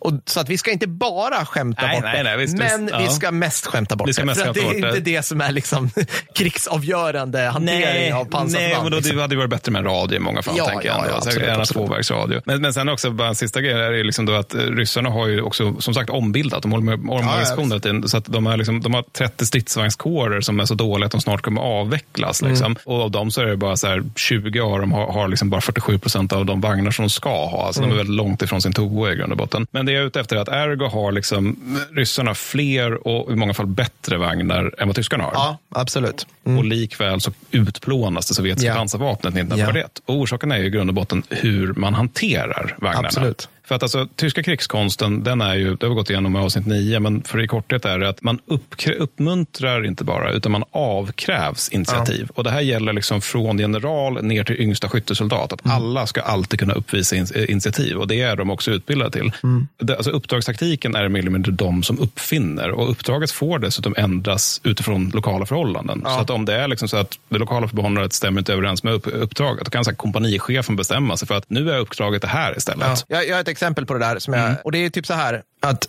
man kan säga så här, mål är fint att ha. Mm. Okej okay, Mattis, du ska ta den här byn. Det är ett mål. Och det är typ så här, där, där brukar många nöja sig. Du, du, får bestämma hur du ska ta mm. byn. Steget bättre än det till och med, vilket är liksom den heliga graalen för uppdragsetik, det är att säga så här, det är att berätta för dig att byn, jag har bestämt att vi ska ta byn, för mm. att syftet med att ta byn är att uppnå en så här episk inringning av mm. eh, Fredriks bataljon för att sen i ett senare skede kunna la la la la la för att slutligen inta Fredriks huvudstad mm. och vinna kriget. Nu får du lösa det. Mm. Det är liksom ännu bättre. Ja, för då kan du bara, ah, och bara, för du är på plats och ser hela läget. Liksom. Så jag, det, det, det, jag tror att det, det är nästan där, det är dit, den liksom heliga graalen av uppdragsetik, mm. om jag förstått det rätt, som man, som man vill uppnå. Liksom. Jo, men, jo, men precis. Och, och, men, och det anspelar också på liksom en generell egenhet tyskarna har. Det är att är, de, alltså de, de frågar inte vad de ska göra, utan de berättar vad de har gjort. Just det. Och det är en ganska stor skillnad däremellan.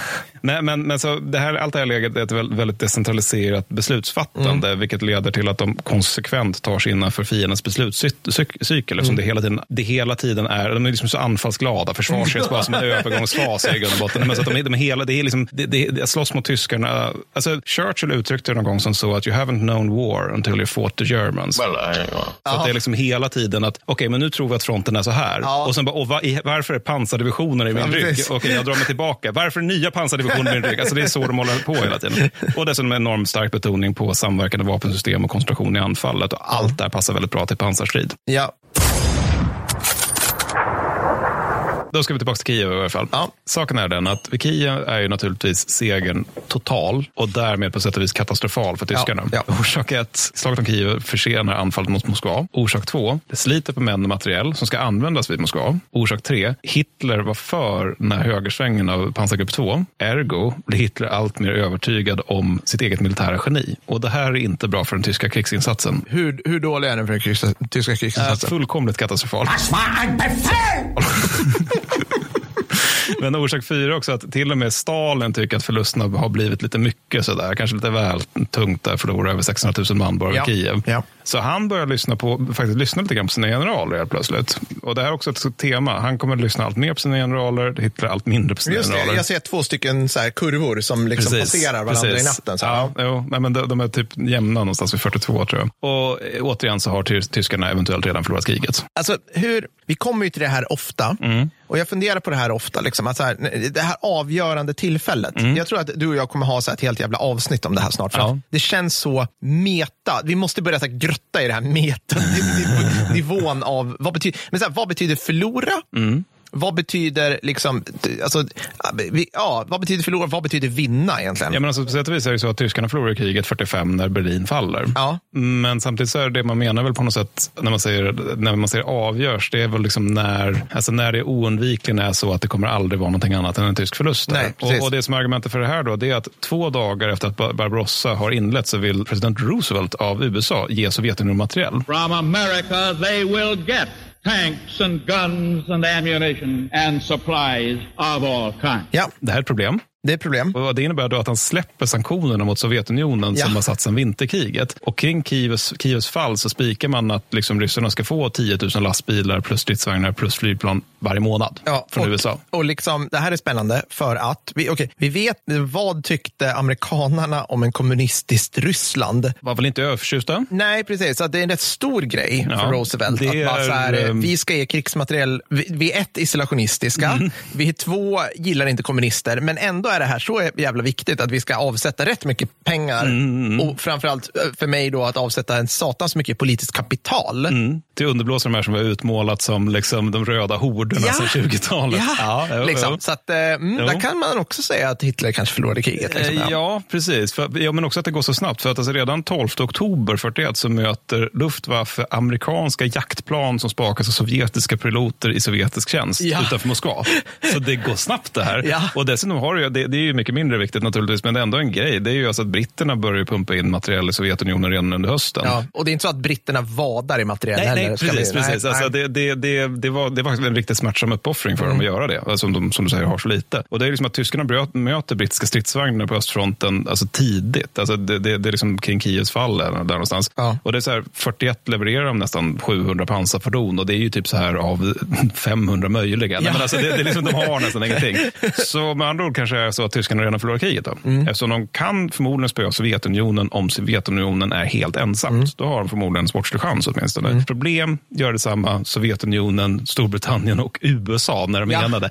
Klurigt. Ja. Och samtidigt så är det också hejdande efterklokhet att förebrå tyskarna för att de liksom tror att de vinner Mm. efter att ha tagit minst 665 000 krigsfångar. Ja, men precis. Alltså, det, det där glömde jag säga men för en stund sedan när du pratade om det här. Det finns alltså tyska, du kan tillhöra ett tyskt förband från 1939 till 1945 och kontinuerligt vinna varenda strid du deltar i. Ja, nästan alltså. Alltså ty- typ så. Liksom. Om, du, om du har så tur att vara i precis där, ja, men tänk dig den, du, du liksom vagnchef eller du är Ja, stridsvagn, plutonchef och så bara, du bara nailar strid efter strid efter strid i sex år. Mm. Och sen, får sen står du där i Berlins ruiner och bara, vi har förlorat. Men vad fan!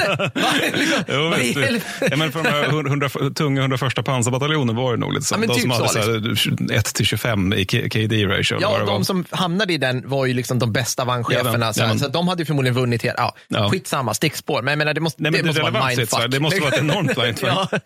Men i alla fall, nu, nu- nu är det ändå så. Kiev har fallit och eh, nu är det fan med dags med Moskva. Liksom. Ja. nu Ja, får ju de tyska generalerna Ja. äntligen som de vill, nu kan vi gå mot Moskva. Och här har ju ryssarna, de fattar ju att det här kommer hända, så de Mm. har kraftsamlat. De har sält 15 arméer i värld, väg över tyskarna. Det är jättemånga. Det är jättemånga. Det är 1,25 miljoner man. Ja. Som de, Ja. men, betänk nu vad de redan har förlorat. Alltså de här enorma förlusterna jag redan har beskrivit. Ja. Och nu har de bara, ja men det är 1,25 miljoner man. Så, Som vi har bara ja, fått fram rasslat fram, liksom. Ja. Mm. Och det är alltså 1050 stridsvagnar och 10 000 artilleripjäser. Ja. Det är jättemycket det här. Då har de, anförs det här då av en Ivan Konjev, som Mm. vi kommer att återkomma till. Och han, då han har han liksom en stabsgeneral under sig som heter Konstantin Ros- Rosokovsky, som är faktiskt en seriöst bra general. Det är Mm. Ja. en av få som jag skulle säga är riktigt, riktigt bra under andra världskriget för Röda arméns del. Ja. Och Konjev han bara, vi ska hålla, bla bla, sista man, Ja, liksom, ja, ja. Mosk- heliga Moskva är bakom oss, tredje Ja. Rom är bakom oss. Ja, ja, ja. Roskovsky bara, eh, om, om det blir ett genombrott, vilket det ändå har blivit på några punkter Ja. tidigare i det här kriget, då, vi, vi, då, då, jag har ändå gjort en plan här som, som, som den, den syftar till att, som hur vi ska retirera och utkämpa fördröjningsstrider. Conny tittar på det här och bara, vi stryker den biten. Sen, Inget omfall. Nej, nej, nej. nej, nej. Hata jägarstrid. Ja, Mot det här då så har vi då armégrupp Mitt som har tre arméer och tre pansargrupper. Och det här är då 1,2 miljoner man. Ungefär lika många stridsvagnar och eh, artilleripjäser som, som ryssarna. Då. Och planen för tyskans del är typ låt anfallskilorna sammanstrålarna vid Vjasma och inringa därmed så ryssarna. Och sen så till sist göra en till inringning då kring Moskva. Och sen så ska man liksom svälta ut staden. Då. För Hitler har liksom uttryckligen förbjudit att man ska motta eh, Moskvas kapitulation. Ja. Han vill att de ska bara tyna bort där inne.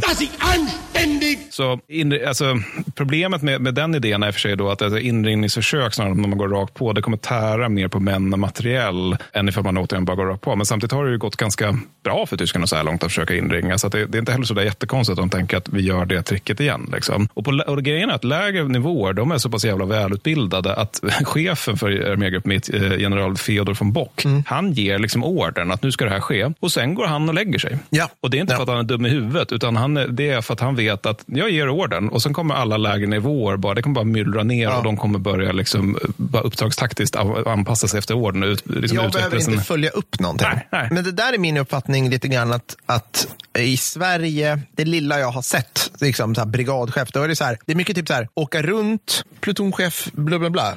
Vad upplever du att du behöver? Eller liksom, Mm. Ja, ja, hur kan jag hjälpa dig på något vis i den här, du vet, du har fått, du har fått order så här. Nej, men det skulle vara nice om vi kunde få lite mer flygunderstöd eller Mm, liksom, på den nivån du agerar. Så här, Okej, men jag ska tänka på det. Alltså de är mera liksom stöttande farbröder, mentorer. Alltså, jag, får liksom, Ja, ja, ja. Alltså, det, det, så jag, och jag, tror, jag vill tro att det är liksom inspirerat av det här. Ja, bland annat vis, det liksom. Att det ska vara så här, du får, du får liksom ramarna. Mm. Om man har tillit till underordnade Ja, också. men det är väldigt mycket tillit. Väldigt mycket så. Hoppas jag, eller tror liksom. Ja, nej, men, men så 30 september i varje fall så angriper pansargrupp 2 i regn när de redan, alltså, och lera, när Ja, de ja. redan är uppbundna i strid mot sovjetiska förband.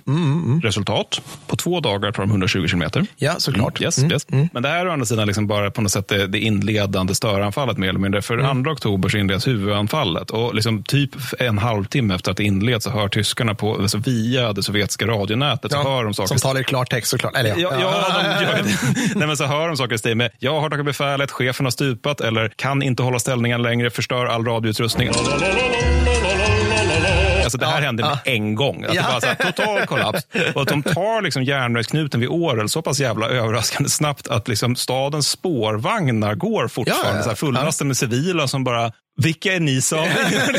liksom på fronten, inte den typ i Polen. Så, så, liksom, så ryssarna är försatta i omedelbart kaos. eh, Klart. Och inte minst på då det som du nämnde, det vill säga att det har samband med på fucking VK1-nivå Ja. i grund och botten. Det är typ nästan brevduvor, inget Mm, ja. wireless liksom. Ja, men precis. Och mycket sånt där att vi bara skriker saker rakt ut utan Mm. koder. Så att eh, rätt raskt så har vi då 750 000 ryssar som nu inringar två jättefickor. Det är alltså till 6 oktober. Ja. Anfallet, huvudanfallet inleds 2 oktober. Ja, Mm. ja. ja. Det här kan vara ett problem. Och det som sinkar tyskarna här är alltså inte det sovjetiska motståndet, utan det är ju då alltså att utplåna fickorna och leran. Just det. Ja, så att det, det, det går ganska bra det här då för dem. Och det här leder ju naturligtvis till hysteri i Moskva. Och det är inte så konstigt. Liksom, Nej. för vi, här, vi hade ett till ett Nu är det förhållande. slaganfall och luktsalt i Ja, varje fall. ja, Nu- men- nu, nu är det hysteri. Ja, men också liksom att det var ett till ett förhållande det här. Ja. Och liksom, det har ändå liksom puppat upp en del här och sen verkar inte det ha gått så bra. Tyskarna har anfallit 200 mil nu, så att det skulle vara bra. Nu borde de väl nu vara... kan väl något hända. Så. Kan, kan få se en kompetensutveckling på lägre nivåer. Nej, men så, så att liksom, eh, hysterin så står att Stalin kallar tillbaka Zjukov som återigen får liksom bli herre på täppan. Så. I mean, I'm smiling, but I am very fucking furious. 7 oktober. Och det är också rent intressant just att läsa om hur jävla stökigt det var på sovjetiska staber i det här kaoset. För att alltså, de, de, de, hade, de, de hade order, alltså reglerad vilotid på sex timmar och då skulle de sova. Ja. I övrigt skulle de bara jobba, jobba, jobba, jobba, Ja. jobba. Så att liksom stabarna bara bränns ut. I, i så här, nästan Ja. Så här, skytt, alltså, lite grann Ja. som deras skyttegrupper. Ja. Att de bara försvinner för att de, de, blir så jävla Men det överarbetade. ska staber göras. Ja, det, det, har, det har man liksom satt, i, satt i vet om. Det, det gör staber, har jag förstått det Visst, som. Ja, men Det i den här högintensitetsmiljön som ett modernt krig. Men, men, så att det här leder då i alla fall, det här huvudanfallet till att det första till 20 oktober förlorar tyskarna 57 363 man. Ja. Armégrupp Mitt rapporterar då att de har tagit 673 098 krigsfångar till 19 oktober när de här fickorna krossas.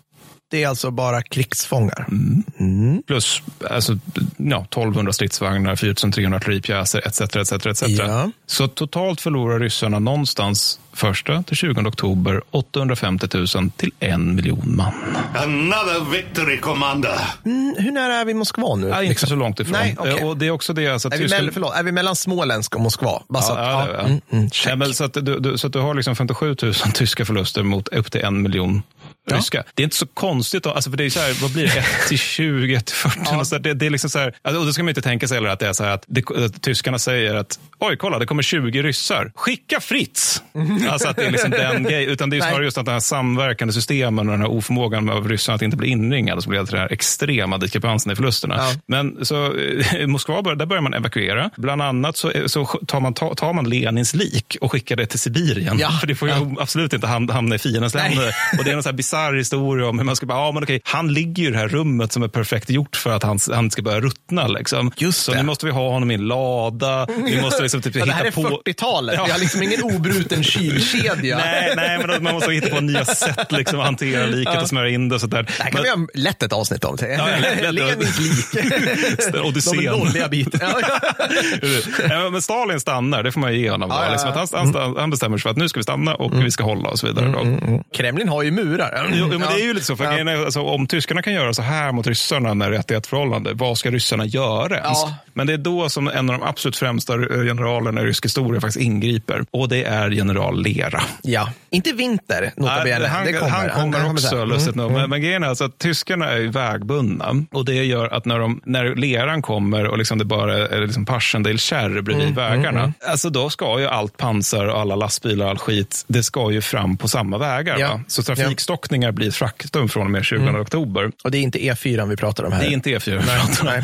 Nej, men så jag tänker att och just i det här sammanhanget är det kanske rimligt att prata lite grann om den tyska logistiken. För att grejen är att, det har man ju skrattat åt många gånger, men, men alltså, det OKV tänker sig när man ska, när man ska liksom slå Sovjetunionen, Ja. det är att det här ska gå på fem månader. Ja. Och snart tänker man fyra månader. Ja. Och snart tänker man på en månad. Ah, Okej. Ja, Ja. och det innebär att man då förbereder logistik för 50 mil in i Sovjetunionen. Och sen får man se vad som händer lite grann. Eh, ja, så är det, har man lärt sig att logistik inte ska fungera. Ja, det- Man ska gärna ligga lite på förhand. Ja, det är planer, planerad verksamhet kan man Ja. säga. Nej, men så att alla tyska förband har brister redan i augusti 41 bara på grund av att det, det kom ingen lastbil. Ja. Det, Ja, det du, blev tog ju upp, ingenting. du tog ju upp så ersättningsmanskapet. Mm. Och eh, det gäller ju allt annat också då. i- de ja, men alltså, typ, liksom. de har liksom så här lågt räknat tre olika problem. Då. Det, det, det första problemet är att de har för få lastbilar. Ja. Alltså, de, de har många så civila, franska eller schweiziska modeller. Ja. Alltså, bara Armégrupp Mitt har så här 2000 olika typer av fordon, vilket kräver en miljon reservdelar. eh, vilket i sig är liksom ett logistiskt problem. Och alla nu som känner till franska bilar Baguette. vrider sig av obehag. vid- Ja, ja, Här har vi en precis. fransk lastbil som ska... Reservdelarna görs av Pierre som i den här garaget på den här platsen i precis. södra Som har Frankrike. citat meckat lite. Ja, precis. Han är den enda som kan göra precis hur det här kugg... Ja, ja men det, det, det är exakt den grejen. Exakt den grejen. Och, och de löser det här lite grann då med så här att erövra olika sovjetiska lastbilar. Då. Ja. Men samtidigt är det, det liksom att de här lastbilarna de utgör det som kallas för Großtransportraum. Vilket är ett underbart tyskt ord. Ja, det, det, det- låter ju som ett krigsbrott, men det är inte Nej, det, det. just det här är inte ett krigsbrott för en gångs skull. Men, det- men det är liksom det här, det, ska liksom, det är det här området så här, mellan stridande förband och järnvägarna Ja, ja. som ska täckas av lastbilar. Men ju längre in i Ryssland man kommer, desto större blir den här sträckan där lastbilarna ska pila runt. Ja. Och eftersom man har så få lastbilar så får liksom varje infanteridivision helt enkelt kompletteras med 200 panjevagnar, vilket är så här lokala sovjetiska bara, så här vagnar som dras av bondhästar. Ja, ja, ja. Ja, för att det får på något sätt- Nej, det får så hjälpa på något sätt. Då. Och sen lägg till det här då att varje infanteridivision har 4 6 000 hästar som fyller otaliga behov. där varje polle behöver kanske så här 15 kilo foder per häst idag. Ja. Kan det här leda till problem Per? Nej, absolut inga problem. Fy fan vad hästar tar tid. Hästar är dyra och jobbiga att vårda idag. Ja, ja. 2022. Ja. Tänk 40 fucking talet. Ja, när du har en miljon av dem. Liksom. Men, nej, men precis, men, och sen så nästa problem, det är ju tågen. Just det. Ja, Mm. det är att, alltså, de är beroende av järnvägar för sin försörjning. Jajamän. Det, det är de flesta liksom, kontinentalarméer på den här Ja. tiden, så det är inget konstigt med det. Men det, det, det mot, som är lite konstiga det är att den sovjetiska spårbredden är annorlunda än den tyska. Såklart. Och det, hade man liksom, det var ju lite av en blooper. Så de tyska järnvägssoldaterna får liksom bygga, upp, bygga om den här. Då. Och det här sker ofta under beskjutning. Det är sexigt att de har järnvägssoldater. Jo, jo, fast det tyckte inte Hitler. För att. Här var liksom, det, det här var liksom en av de minst prioriterade förbandstyperna. Ja. Så de, de, är liksom så här, de har typ inga fordon eller radio, så de får Nej. springa väldigt snabbt fram, typ framför stridsvagnarna för att de ska liksom lägga ny räls. Ja. Och så kan de liksom inte ringa någon för att berätta att nu har vi lyckats med det här. Utan, ja. Så att, så att du, du har liksom järn, du har järnväg som går här Mm. liksom, och så till, till höger om järnvägen, där sker liksom enorma pansarstrider mellan förband och flyganfall. Mm, ja. och på järnvägen så går då Heinz och Fritz Och några Helmut, till ja. och Helmut med liksom ra- räls Ja. och, och, och bara fuck och bryter upp med handkraft, Ja. snickrar. Ja. det tar lite längre tid. Och sen kan de återigen inte berätta för någon via radio att Nej. det här är nu färdigt. Utan Nej. de får typ skicka Helmut för att berätta det. Hel- Helmut är snabb. Han vann, han vann liksom skol, eh, skol-VM i mellanstadiet. jag ser på- framför att han, liksom, han tuggar bakåt på den, den räls de har lagt på en dressin. Det är liksom man pumpar på Precis, det. precis. Med uppdragstaktik och nazistisk vilja så kommer jag lyckas med det här, tänker Helmut. Då. Men sen en annan grej är liksom att de sovjetiska loken, det här är sånt som jag tänker, där folk kanske inte riktigt tänker på som lyssnar på det, men de sovjetiska loken är större. Ja. Det innebär att de kräver färre kol och vattenstationer längs med stålen. Ja. Och Det innebär ju då att utöver att byta spåren så Ja. måste de här stackars tågsoldaterna då, de måste ju också upprätta kol och vattenstationer längs med järnvägen. Fan vad krig är tråkigt alltså. Ja, det är, så jävla tråkigt. Ja. Ja. Ja, och då tänker man så här, okej, men fine, men de kan ju liksom erövra typ så här kol och diesel från ryssarna. Ja, då, då kommer det ja, ja, precis. Nej, de Nej. måste specialbehandlas för att, eh, jag, jag vet inte, det är väl inte arisk kol. Nej, nej, men det, det, det var något som var kuk med den. Så att man Tyska kunde... loken är så här special Maybach-motor som bara går på så här kol som man har pratat snällt till. Ja, Var, ja, så här, ja. Varje kolbit måste liksom doppas i så här moderlandet, så här, någon jävla sjö Bayern för Exakt, att fungera. exakt. I, så här, Ungefär så var det. Precis, toleransen är så små. Att, liksom, Ja, ja nej, men, nej, men, så, så att det, det, jag fattar aldrig riktigt fattar varför, men man var tvungen att specialbehandla den. Och Albert Speer ansåg senare sovjetisk kol var helt otjänlig för tyska syften. Men det här är, alltså jag har ju kört bil en del i, i Centralasien och då fick vi ju så här, det man kallar för kazakisk fulbensin. Ja. Vilket var liksom 80-oktanig. Eh, Och det hade vi i en bil som var byggd 2005. Fransk bil för övrigt. Oh my god. Det tyckte inte bilen om. Nej, nej, alltså nej. Det, det var så en, modern, en hyfsat modern bil. var liksom, nej, nej, nej, det här är för dålig bränsle. Men de, de så här gamla Sovjetlastbilarna som studsade runt i de där länderna, de älskar ju that shit. De bara, de bara det här är veins." för bra för oss. kan vi slänga i lite barr, olja, sand? Och... Det är vanligt 30-oktanet bränsle. ja, precis. Nej, men, nej, men sen så nä, nästa problem det är just det här med leran. Då. Alltså för att det, anfallet mot eh, Moskva kallas för tajfun, det vill säga tyfon. Och det är ju då alltså att alltså en, en pansargrupp behöver ungefär 1000 till 1500 Ja, ton ja. förråd dagligen för att operera. I slutet av oktober från 200 ton. Mm. Och Det här beror ju då på usla vägar, gle, glest vägnät, Mm. men också då återigen då att vägar och allting omkring vägarna förvandlas till floder av minsta regn. Såklart. Alltså den här leran gör att det är så, om vi tänker på den här framryckningshastigheten jag nämnt tidigare, att man tar så här 70-60 kilometer per dag. Mm. I oktober så är det alltså tre tyska lastbilar som lyckas förflytta sig 40 kilometer på 53 timmar.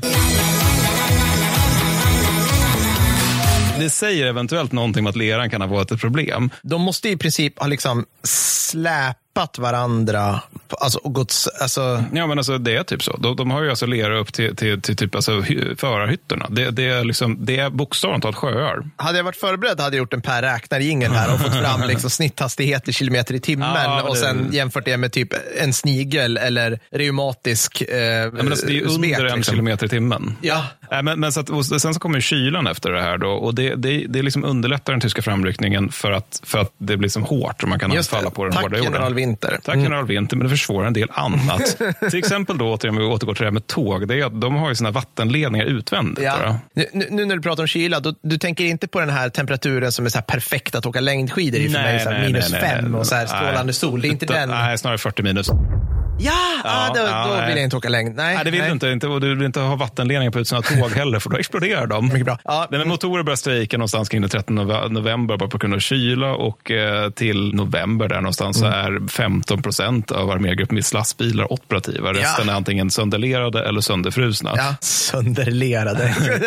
Nej, men, men, så vid det laget så är det liksom att de kan få kan fram drivmedel och ammunition Ja, hjälpligt. ja. Men det är också det som är prioriterat. Allt, det, som det är prioriterat över allting annat, för det, med det kan man fortsätta striden. Däremot vinterutrustning, det får vänta eftersom hårda strider pågår. Men det, och det här är en myt du precis spräckte nu, utan att du. Ja, ja, uppmärksammar ja, det. mm. För att eh, många, många människor tror så här, nej men Hitler bara, vi har ingen vinterutrustning. Alltså Mm. så här, men att precis som det var så prioriterade man annat. Korrekt. Så det korrekt. fanns. Det fanns, det är bara det att de ligger på något lager någonstans. Exakt, precis. För att annat har liksom, och det, det så här gör man ju idag också. Ja, alltid alltid liksom vatten och am och bränsle som, som ska fram nej, först nej, men exakt, liksom, för att det, om, om de inte har det så kommer de ju dö för att Ja. de befinner sig i strid. Liksom. Precis. Men sen ett sista problem också, det är med specifikt vinter 41-42, det är det som kallas för vinterhjälpen. Det är ett enormt jävla problem. Ah. Och det är så ett jävla propagandajippo av propagandachefen Goebbels som han bara skriker till tyska folket att nu, våra tappra soldater vid fronten måste få kläder som Ja. kan värma sig mot den liksom, judo-asiatiska kylan eller något.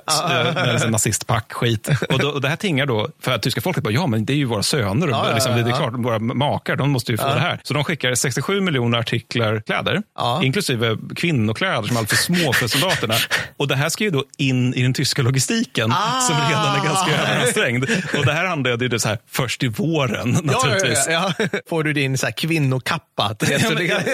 Ja, precis. Exakt. Men det var så här muffar vill jag minnas att de fixade. Men, Vad mysigt. det var jättegulligt. Nej, men så, så att liksom, det här anfallet mot Moskva det övergår ganska raskt via leran och framförallt till snigelfart. Och, eh, den, liksom, redan den sista veckan av oktober så går anfallstempot ner och sen i november så stockar det upp sig ytterligare. Mm. Och lerperioden ger ju liksom Tjukov tid att skicka fler soldater till fronten. Alltså bland annat så formerar Stalin, eh, nu ska jag säga, tio reservarméer. Sneaky little shit.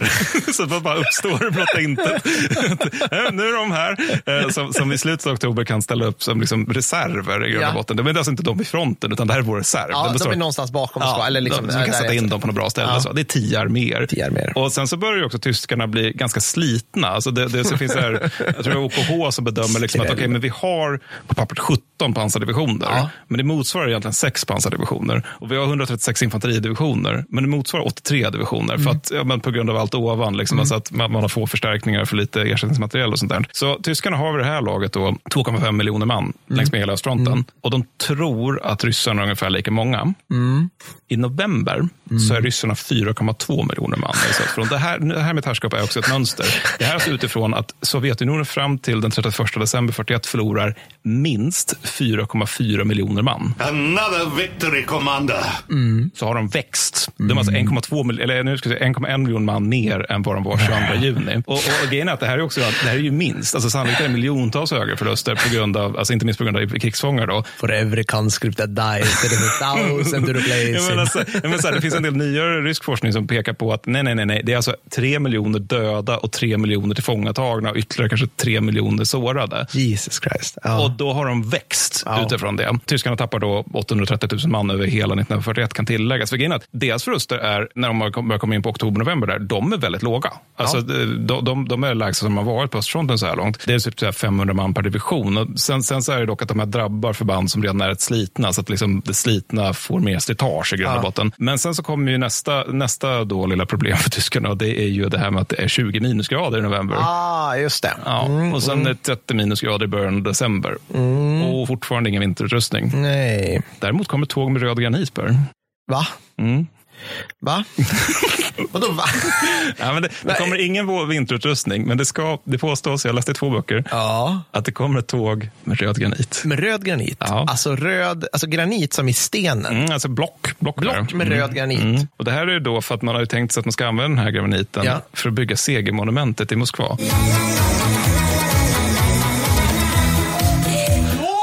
Jag tänker att om det är Menike Fritz som ligger där så här 30 minusgrader i din sommaruniform, bara, mitt gevär funkar inte för att vi har inte smörjolja Nej. som står emot kyla. Nej. Och så ser du det här jävla tåget med röd granit. Då måste du nog börja fundera lite grann på ledningen. Liksom, är de helt rationella vid sina sunda vätskor? Det är, det är ju Fritz som inte har hållit tidtabellen. För herregud, han skulle ha tagit Moskva och vara redo liksom med så här byggplan. Här- precis, precis. Nej, men så Oh framryckningen God. sker vid den här tiden. Det sker liksom för Tysklands del, in, inte i det som det är i början av, av Typhoon, att det är liksom arméer, utan att det är snarare enskilda regementen som gör småstötar. Ja. Och 6 december inleder då ryssarna sin motoffensiv. Ja. Det är när Zjukov då har fått, nya, har fått, liksom fått sina nya arméer från Stalin och kan sätta igång. Right, what's a war hero got to do? Get some lubrication round here. Mm. Och här kan man ju då, återigen, som vi var inne på det här, det här kommer jag återkomma till för jag tycker det är intressant. Det är, här har ju ty- tyskarna förlorat slaget mot Moskva. Att Ja. ryssarna nu, de kommer inte ta Moskva, ryssarna, de måste liksom parera det här med att ryssarna kommer med en jättehörig jössesoffensiv. Ja. Och då är frågan, är detta krigsavgörande? För det, det är något som många gånger har sagts, att Moskva är krigsavgörande. Mm. Och de två klassiska förklaringarna är ju då eh, till varför tyskarna hejdas. Det är ett, den hårda, det hårda sovjetiska motståndet. Mm. Två, Lernerkölden. Och notera nu förlusterna ovan. De är på 1 till 20 där någonstans Mm. under de tre första veckorna, veckorna i oktober. Ergo, det finns ingenting Sovjetunionen kan göra för att hejda tyskarna, givet att det är bra pansarvärde. Nej. Sålunda, det är helt osannolikt att Röda armén kan hejda tyskarna utan värdets hjälp. Även med de här tio reservarméerna ska sättas in. Alltså, Vad ska de göra? Det, det är liksom, de kan inte göra någonting som andra sovjetiska arméer Nej. kan göra. De andra sovjetiska arméerna har blivit utplånade så länge Ja. det är bra ja, det, är också, liksom. det är också såklart stridsvärde oklart på de här med tanke på allt det du har sagt vi hittills. Liksom. kommer till det. För att, Ja. ja. mm, nej, men vi fick så att eh, Armégrupp Mitt tappar december 41 till mars 42 ungefär 437 000 man. Mm. Det är mycket. Men av dessa är alltså över hälften på grund av sjukdomar och kyla. Vilket innebär alltså att Mm. vädret tillfogar tyskarna högre förluster än vad Röda armén gör. Mm. Vilket också talar för att det finns ingenting Röda armén kan göra så länge det är bra pansarväder. Nej. Sen är det klart alltså att, att folk dör i större omfattning av våld än av, av kyla till exempel. Ja. Men det är fortfarande förluster är förluster. Så motståndet hjälper säkert, men väder skulle jag säga är det som avgör. Mm. Å andra sidan, vinner tyskarna om de tar Moskva? Ja, men det, är, ju- det är väl... Det är svårt att säga. Det är bara, ba, bara en, en stad Ja, liksom, det är ju på det. ett sätt. Det är, på, alltså, det är en symboliskt viktig stad. Ja. Och tar de Stalin, då kan man tänka sig att det kanske blir inbördeskrig mellan NKVD och armén om vem som ska liksom, styra. Men, Ja. men, men jag är ändå inne på att ja, det är en stad liksom, och sådana har tyskarna tagit innan. Det är ju en viktig, jag vet att det är en viktig logistisk Mm. knutpunkt. Det är jättestor. Ja, så här, men det är också så här, ja, samtidigt, kan jag, alltså, samtidigt tänker jag, liksom, vad är det man pratar om idag? Liksom, att så här, det kanske var en jävla smäll att de bara tog Kiev, med tanke på att Kiev är liksom rusfolkets vagga. Om Mm. Ja, Stalin ja. Tänkte, alltså, att det finns någon sån liksom, psykologisk smäll redan av Kiev, då kanske inte Moskva spelar så jävla stor roll. Mm. Kanske, kanske know, inte. Liksom. Nej, men, nej, men, alltså, för att det som inte förändras även om de tar sta- Moskva, det är styrkeförhållandena. Just det. Alltså, ryssarna blir konsekvent fler längs, Mm. längs hela fronten under hela 1941, trots att de har, liksom, har förluster i miljontalen. Och de här två tänderna, alltså både förlusterna och till styrketillväxten, kommer dessutom att fortsätta under resten Mm. av kriget. Och jag menar, det hjälpte ju inte Napoleon att han tog Moskva. Nej, det gjorde ju inte det. Nej. det, gjorde inte det. Nej, men precis. Och grejen alltså, I min värld är det nog så snarare att tyskarna har kanske en chans att vinna, men det är när de har en numerär paritet, eller nära nog en numerär paritet. Och den här chansen försitter de 41, Mm. om de någonsin ens hade den, till att börja med. Men omvänt så kan man ju också fråga sig om ryssarna vinner 41. Just det. Jag skulle snarare säga att de framförallt, och det är faktiskt inte illa pinkat det heller, med tanke på liksom de förfärliga förhållanden de utgår ifrån, att de snarare lyckas med att inte förlora. Ja, ja. Vilket är en annan sak. Ja. Men, men de, de är kvar i kriget. Liksom. Men de, le, de leder i poäng i ligan. Så länge de inte tappar en poäng mot motståndaren i den här matchen så kommer de så leder de ändå. liksom, och kommer, precis, precis. kolla, det är min första sportreferensliknelse. Var det det? Nej, ingen aning. Fre- Fredrik bara Ja, ja, snittrar ja, här, så att jag precis. tror det var fel.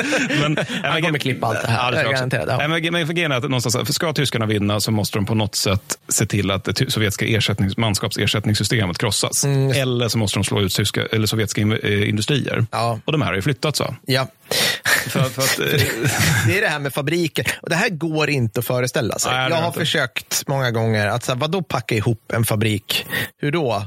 Va? Nej, men det, Vadå det... bygga upp i ingenstans? Vad, alltså, så här, Nej, men, nej, men precis. Och, men, och det är ju spektakulärt. Och samtidigt det jag ska gå igenom nu, det är ju snarare ytterligare ett exempel att krig är väldigt tråkigt. Ja. För att, alltså, den sovjetiska produktionen 41, det är man gör 6 500 stridsvagnar, 15 700 strids, eh, stridsflygplan, 42 300 artilleripjäser. Mm. Den tyska produktionen är för 4 300 stridsvagnar, 11 700 flygplan och 7 000 artilleripjäser. Ja. Så alltså, Sovjetunionen producerar alltså mer än vad tyskarna gör. Mm. Och det är trots att den tyska industrin är faktiskt avsevärt större än den sovjetiska. Ja, ja. Den sovjetiska industrin är försatt i kaos Ja. på grund av att det är invasion. och flykt. Ja, men, så här- Ja, ja, men också att de tappar ju resurser. De tappar ju hela industrikomplex på att tyskarna anfaller så pass snabbt nu. Trots det så utproducerar de tyskarna. Då. Och vad värre är ju också för tyskarnas del, det är att den sovjetiska industrin riktas mot en front. Och det kommer vi övertala, äh, återkomma till, men i korthet, det gör inte den tyska. Nej. För liksom den sovjetiska industrin, alltså den, de får ju liksom improvisera den här evakueringen. Ja. Det, är, det är faktiskt impo- imponerande på riktigt, alltså den improvisationen. Och då är det alltså 2593 fabriker Ja. som evakueras, varav en enskild, alltså man inte tänker sig att det här är ett, gara- det är ett av dina franska Nej, garage. nej, liksom. nej. En enskild anställer 30 000 arbetare. Ja. Och de får liksom bara så här, nu skickar vi er bakom Ural, Ja. smäller upp fabriken igen. Har vi några baracker till oss, frågar arbetarna. Eh, om ni gräver jordhålor kring. Fabrikerna Ja. och så är ni där Ja. tills vi har vunnit kriget. Vodka. Alltså, det är på bokstavligt alltså. Och, så, så, och sen är, men en, en viktig orsak till att ryssarna för, liksom producerar mer, det är alltså att de, de håller på med sånt här skit som tyskarna tycker är fjantigt. Ja. Liksom, alltså i stil med standardisering, löpande bandsprincip och Ja. liksom en generell brist på variation, både vad beträffar civila och militära grejer. Precis. Och, och dessutom så är de också duktiga på att göra den här liksom Hearts of Iron-grejen, att man konverterar civil industri till militär industri. Just det. Så det är till exempel Det så som är så lätt i Arts of Iron. Ja, Men... Tryck på knappen, liksom. det är inte så att det tar ett halvår Nej, nej, att få industriförhandlarna färdiga. Retooling av allt. Ja, precis, ja. Nej, men exakt, de är ofta byggda för att de ska kunna göra det. Så Ja. exempelvis är en leksaksfabrik av rysk börd som får börja tillverka eldkastare någon vecka in i kriget. Vilket är, så det går från att här har vi, man vevar. Ja. man vevar på den hela lådan och låter ding, ding, ding, ding, ding. Here kamrad, it's the flamethrower.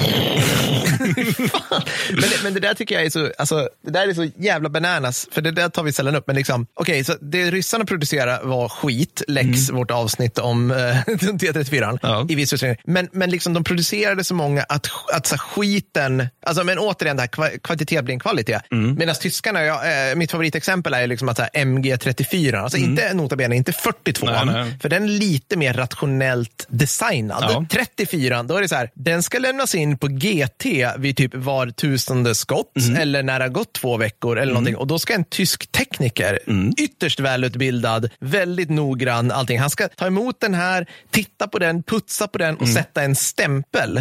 Då, är den, då är den här eh, medeltunga bandmatade kulsprutan som är hur bra som helst. Mm. Den är, den är liksom ur verksamheten i flera veckor Japp. av olika anledningar. Och då ska skeppas runt för att den ska hålla deutsche kvalitet. typ. och det, så de, de har ju tittat på den här efter kriget. bara, Den här jäveln har så här tio stämplar. Så Mm. här tio fina GT-stämplar där det är liksom Fritz von Blablabla, som är legitimerad tekniker i Mm. rurområdet. Men då har sprutan liksom skickats från Polen där, där de bara brrr, så bara, ah, nej, jag måste lämna ifrån mig den här nu, fuck. Eller, så tillba- och sen den har tagit liksom en hantverkare månader att så här, personligen löda ihop. Och du så här, Han, han är urmakare i civila. Ja, men verkligen. Liksom, han sitter där i, i, det, är säkert, det görs i hans personliga arbetsrum. liksom så här. Men, precis, men, och, men också liksom att det, här, det in, MG34 inre är ju liksom, det ser ut som att det är liksom Sven Nordqvist som har ritat det. Alltså Ja. det, är liksom så, allt, det är så oerhört komplext. Men, men, men sen också när det gäller den ryska, tysk, ryska industrin, det är ju också det här med att man, man uppmanar arbetarna att se fabriksgolvet som bara ytterligare en front. Just det, De just det. har liksom arbetsdagar som är 12 till 16 timmar Mm. med möjlighet för tre timmars obligatorisk övertid utan förvarning. Och så är det så i, i liksom fyra år. Så upp till 19 timmar Ja, det kan, det kan bli så. Jag hoppas att familjen bor nära så ni Ja. får träffa era barn ibland. Nej, men, och sen så är så ryssarna också ganska noga med att inte fucka runt på det sätt du beskrev där med tyskarna. Alltså Mm. de, de har, alltså, under 1942 görs inga förändringar av T34 Nej, som inte å ena sidan gör den snabbare eller billigare att bygga. Med ett undantag, det är att de gör ett hexagonalt Geica-torn som är lite rymligare och gjuts istället för att Ingen vet svetsas vad där. Geica betyder. det är inte så viktigt nej, för nej. de brinner som fasen i alla fall. Och grejen är att det här är inte heller i och för sig bara bra, för alltså T34 har som sagt dåliga filter mm. som inte rensar damm från kraftöverföringssystemet. Ja. Och det kräver, gör att de kräver regel remo, alltså var 50 kilometer. Ah. Det är inte så långt. Nej. Och, och så här, brist på kvalitetskontroller och sånt leder till väldigt mycket bräckligt pansar och haverier, vilket åtgärdas typ 43 eller någonting. Men det är för att det är 43 som det slutar vara. Liksom så här, de håller på att utrota oss. Ja. Den nivån av kris. Ja. Liksom. För att om man kontrasterar med den tyska industrin så är det liksom att återigen, de planerar ju en snabb och säker seger. Ja, hashtag säker seger i Barbarossa. Men det är bland annat för att de inte har råd med något annat. Nej. För att alltså, det är liksom en ansträngd tillgång till olja redan 41. Mm. Det är så här sinande gummireserver redan 41. Ja. Gummi och olja är bra om man ska hålla på med motorisering. Ja. Och en industri som är liksom illa organiserad och liksom producerar, liksom, den producerar mindre än fienden. Liksom bland annat för att så här, mycket av industrikontrakten går ut på att hur kan vi hålla de här olika industrimagnaterna under armarna ja. som håller Hitler under armarna. Kan Porsche få bygga det här tornet till den här, det. det här chassit? Och så där. Det här tar ett år att utreda efter många fina middagar och annat som ska liksom... Äh, ja, lite, lite, så, ja, lite så. Mm. Men värst är förmodligen liksom alltså att 85 procent av alla män som är 20-30 år gamla är i uniform. Just det. Just det. Och då är ju det att det finns inte så där jättemånga kvar som kan liksom gå in i industrin ifall det är ett långt krig. Nej. För, för liksom alltså, tyska armén de växer ju inför Barbarossa, men vapenproduktionen till armén den går ner med 29 procent då. Eftersom flottan och Luftwaffe ska ha sitt, eftersom återigen det har mot Storbritannien. Glöm inte den alltså, krigsvinnande krigsmarin ja, i det här. Ja, ja. Mm, men alltså, det, är så pass, alltså, det är just det här att de, de, det här är en evig kamp för Tysklands del mellan vilka ska vara i uniform och vilka ska vara, vara på fabriksgolvet. Ja. Det är så här fem miljoner pers får frisedel för att vara i industrin och producera liksom framför allt till Luftwaffe och flottan. Ja. Liksom. Och sen har man liksom, ja, nej men, och sen är det det här med att de har flera fronter. Liksom. Alltså att 42 så, har, så står liksom stridsvagnar för 4,7 procent av all tysk vapenproduktion. Mm. Exakt. Och de är ju naturligtvis på östfronten. Ja. Sen kan man jämföra det här med då flyget som så, tar 36,3 procent av all vapenproduktion. Det är så jäkla mycket. Mm, och det riktas till stor del mot Storbritannien ja. och Nordafrika. Ja. Och sen 10,9 procent, alltså dubbelt så mycket som vagnarna, för örlogsfartyg och ubåtar. Ja. Och, alltså... Jag älskar också att örlogsfartyg är en del av det där. För att det är fortfarande tydligen är viktigt. Ja, ja men det, det, är bra för nationella Viagran. Liksom. Nästa Bismarck, hur ska den se ut tycker vi? ja, men det är just det. Men, men, men det är också Binder fientlig förband i en norsk fjord. ja, precis, mot en fiende som har överväldigande marina resurser. Ja. Nej, men, men, så, så det är just det att krigsmarin och luftwaffe är riktade mot väster, medan mm. stridsvagnar är riktade mot öster. Och mm. Nordafrika är trots allt också en slags front. Liksom. Mm. Så ergo är västfronten det är det högteknologiska kriget. Mm. Medan östfronten är det här liksom hästdragna bondekriget. Ja. Och det är utifrån det här då som Hitler förklarar USA krig 11 december 1941. Yeah. Because nu är de i krig med Japan sen Pearl Harbor, så ja. vi kan lika gärna hoppa med. Ja, ja och det var oundvikligt. Ja, vi, vi har planerat för det länge och vi överskattar också ganska mycket vad Pearl Harbor innebär för den amerikanska flottan. Ja, men då, alltså, de där är ju så här jazzälskande degenerates. Mm. De kommer ju aldrig kunna, det är inget viktigt. Det är att han vet ju att de har en industri, men han säger så här, liksom, men han avfärdar den med hänvisning till att citat, ingen amerikansk bil har någonsin vunnit ett internationellt lopp. Slutcitat. Ja, men är då så, här, så. Exakt ja, det är så det funkar. Ja. Och då återigen kan man då fråga sig, har tyskarna förlorat kriget? Och då skulle jag säga förmodligen. För som sagt, det går inte att hantera Storbritannien, Sovjetunionen och USA samtidigt. Nej. Det går liksom Nej. bara inte. Nej. Så nu finns det, liksom, det, det, finns också dessutom nu små utsikter med att slå ut USA i kriget, för att, alltså, eller Sovjetunionen i kriget. För att om du har USA, de kan ju utöver att strida förse Sovjetunionen med mat, vilket är hälften av alla sovjetiska konserver till exempel. Ja. Stridsvagnar, sprängämnen, tyg, lok, lastbilar, drivmedel, aluminium och så vidare. Mm. Vilket innebär att Sovjetunionen då kan koncentrera sig på att bygga krigsmateriel medan det kan inte tyskarna. Nej. Men för att återgå till den här sovjetiska motoffensiven, och det här blir det sista för 41. Det är alltså att 6 december så anfaller ryssarna utanför Moskva som sagt. Ja. Mm. Och det här är någonting som FO, Främre Herrost, underrättelseavdelningen i Tyskland, sagt att det här kan, alltså deras chef har sagt att det är helt omöjligt. Det är helt omöjligt att de kan anfalla? Ja, de har inget kvar. Nej, precis. Han, han får sparken i våren. Eh, men... Tio reservarméer har annat att säga. Nej, men, liksom, mm, ja. mm, mm. Nej, men för den sovjetiska reguljära armén, den är liksom utplånad kring augusti-september där någonstans. 41. Och det som anfaller nu, det är liksom en beväpnad mobb. Det här, det här, ja. är, liksom, det här är så dålig Röda armén någonsin blir. Så ja. det är, blir, säg det kör, ett fullkomligt clusterfuck. Ytterligare ett fullkomligt clusterfuck. för, för det, men, men å andra sidan, så armégrupp mitt är ju extremt överspänt. Alltså, ja. von Bock, han försöker, han liksom bara, okej, okay, men de kommer. Jag måste ha reserver för att sätta in mm. dem ifall de bryter igenom. Han hittar ett regemente och en bataljon i hela armégruppen. Ja, men det var det jag tänkte säga nu. Okej, okay, det, kommer, det kommer 40 40 stycken illa utbildade bönder. Men de har ändå typ vinterutrustning på Ja, sig, ja. pulsandes fram mot en välutbildad men nästan ihjälfrusen liksom vattenbajsande Fritz. Mm. Då är det tillräckligt. Alltså, det, det är väl det det handlar om det egentligen vid det här laget. Att Ja, stort- tyskarna är så stort, ja. slutkörda, så vi kan, nu kan vi liksom, nu kan verkligen köttmuren trycka tillbaka dem. Ja. Precis så. Precis så. Men, men det är också samtidigt, alltså, det, det, det är oerhört illa genomfört. Alltså, det, det, det, men alltså, det, nej, men så här, det, Till och med med rysk standard. Ja, till och med, Eller- ja, men det, här, det här, som sagt, det här är så dåliga de blir. Det, Ja. det, det är liksom alltså, det, typiska förfarandet är, det är en sån oförmåga att samordna mellan artilleri och pansar. Ja. Dåligt. Det är också så att man, att de, alltså, man springer ifrån de tunga resurserna. Så, och sen Okej. så drar stridsvagnar ifrån infanteriet. Så det är liksom som en Ah. lång conga line of death som Ja. tyskarna kan utplåna successivt. Ja. Och sen, alltså, det är som, jag hittade något citat från en tysk löjtn- löjtnant som hade liksom tittade ut över så här, liksom, havet av döda ryssar och brinnande stridsvagnar och så Ja. konstaterade krisen är avvärjd. Ungefär 150 ryssar ligger i högar framför våra ställningar. Manskapet tar deras kängor och pälsjackor så snabbt de kan. Jag tänker på den här scenen i filmen Stalingrad. Ja. När det kommer liksom ryska stridsvagnar. Ja, och de, det- det de, typ, ju- de typ fryser och de tycker pissiga. Men det är så här, den här skyt, tyska skyttegruppen, jag för mig de vinner. Eller, ja, det, de, de, liksom, de vinner på något sätt. Där. Ja. Men, precis. Nej, men, nej, men, och sen så 8 december så utfärdar Hitler till slut order om att alla anfallsoperationer ska avbrytas och att armégrupp mitt ska övergå till försvar. Och Sen inleder man då en reträtt på 10-14 mil västerut. Då. Man inser att scheisse, nu kommer de verkligen. Och Då upprättar de så kallade Wüstenzonen framför nya linjen. Och det betyder ökenzoner. Det är Ja. alltså helt nedbrända områden där alla byar bränns och där Ja. allt av nytta i stil med vinterkläder och vagnar stjäls. Let's go 30-åriga kriget. Ja, lite så. Lite Ja. så. Ja, men också civila, då, de, de, de tar man med sig då, för de kan ju bli soldater. Liksom. Eller civila män, medan kvinnor och barn skickas österut för att man tänker att de måste ryssarna ge dem mat och eh, det är dåligt för dem. Och Tjukov, han är ju liksom rationell här då, för han har ju liksom genomgått en form av utbildning. Då. Så han, han tycker liksom att okay, men målet med min offensiv är att vi ska driva bort dem från Moskva. Liksom. Ja. Ja. Stalin, han börjar till den 13 december prata om att hela armégrupp Nord och Mitt ska förintas. Och vi ska även göra stora inbrytningar i Ukraina. Certain people must die in order for the system to work. Ett så kallat mission creep. Ja, ja det, det här är liksom... Det, det här, det här är... Det här är Av alla Guds moder, Ja, mission men det, här, det här är lite överambitiöst liksom, Ja, man ser ja, utifrån ja, de ganska blygsamma Ja. resurserna. Så. Och, men samtidigt är det ju så också att den ryska, reträtt, tyska reträtten den blir allt mer oordnad ju för varje steg de tar. För att förbanden är så jäkla snit, slitna. Liksom. Ja. Nu är vi, redan nu, nu är vi på nivå så här, sårade bara lämnas bakom. Ja. Och eh, på någon plats så ser man liksom soldater utan vapen som släpar en släde med potatis bakom sig. För att de, har, de börjar prioritera andra saker än att slåss helt enkelt.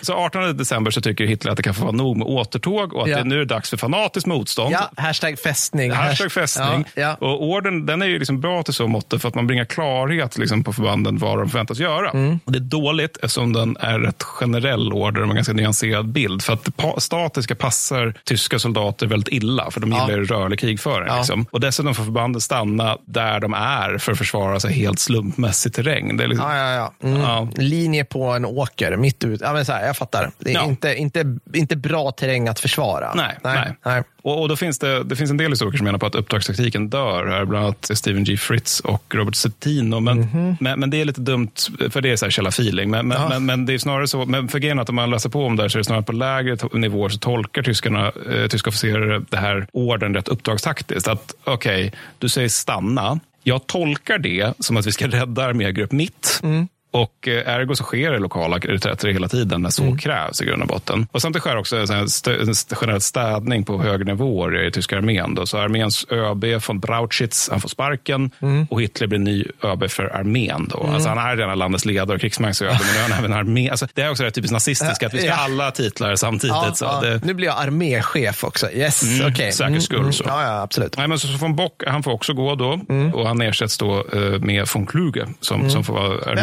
Vem är bättre? Vem är bäst av dem? Ja, båda är duktiga. Liksom. Ja, okej. det, det, det, är, återigen, det, finns inga karaktärer i det här kriget. Nej, jag vill, liksom häng, jag vill hitta något att hänga upp det här på. Ja, det det, kommer några Ja. dåliga scener i och för sig. Men det är 41-42 då är liksom tyska generaler Men är generellt inte, duktiga. Liksom. von Kluge, har inte du sagt det i något avsnitt? Är han den här eviga ja-sägaren? Nej, nej, det är Bush. Han kommer senare. Ja, okej. Ja.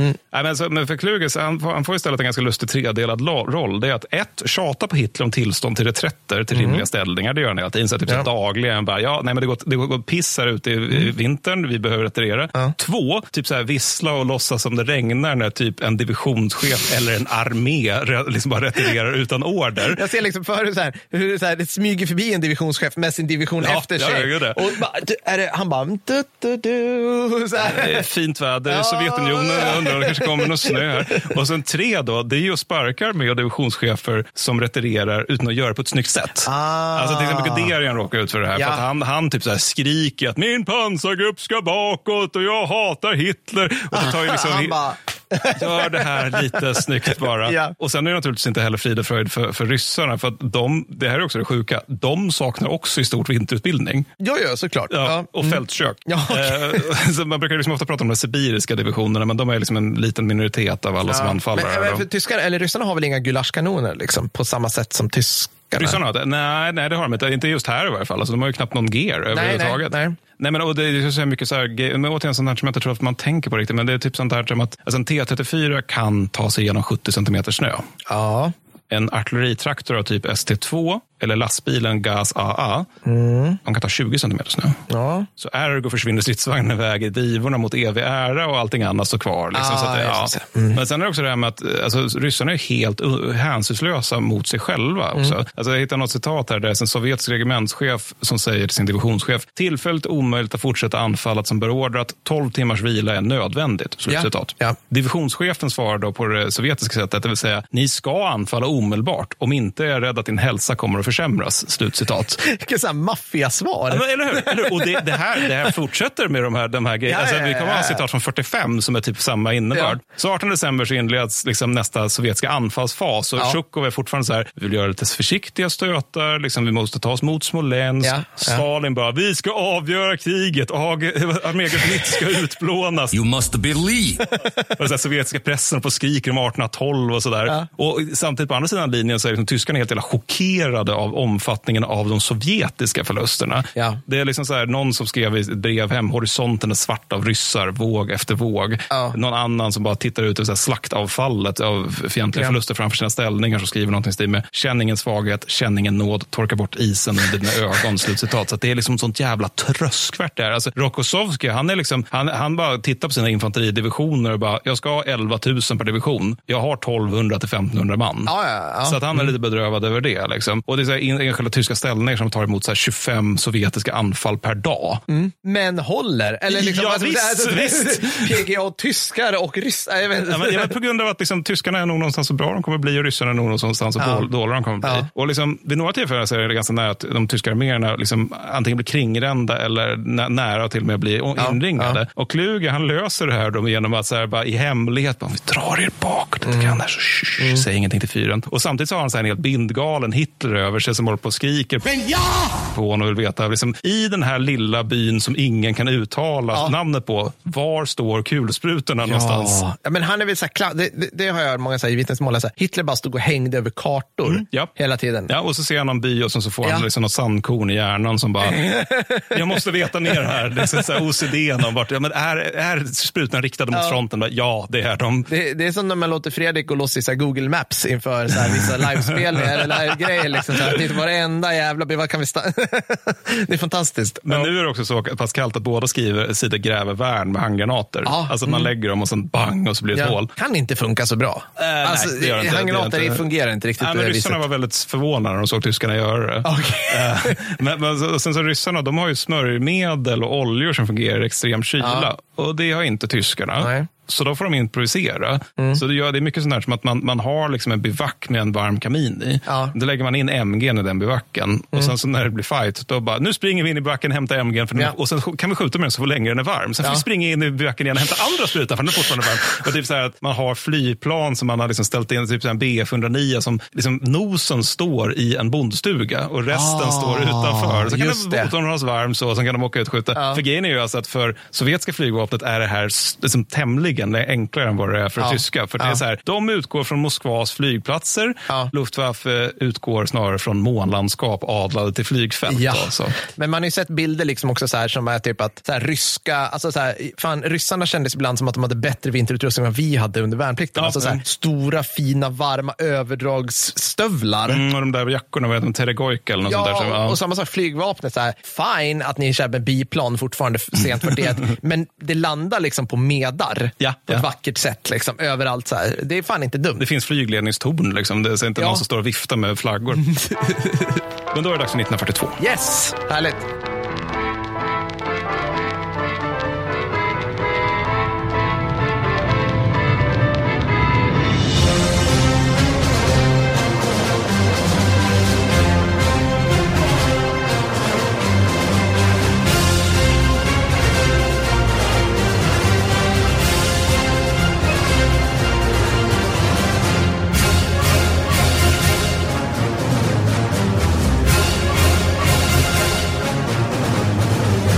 –1942.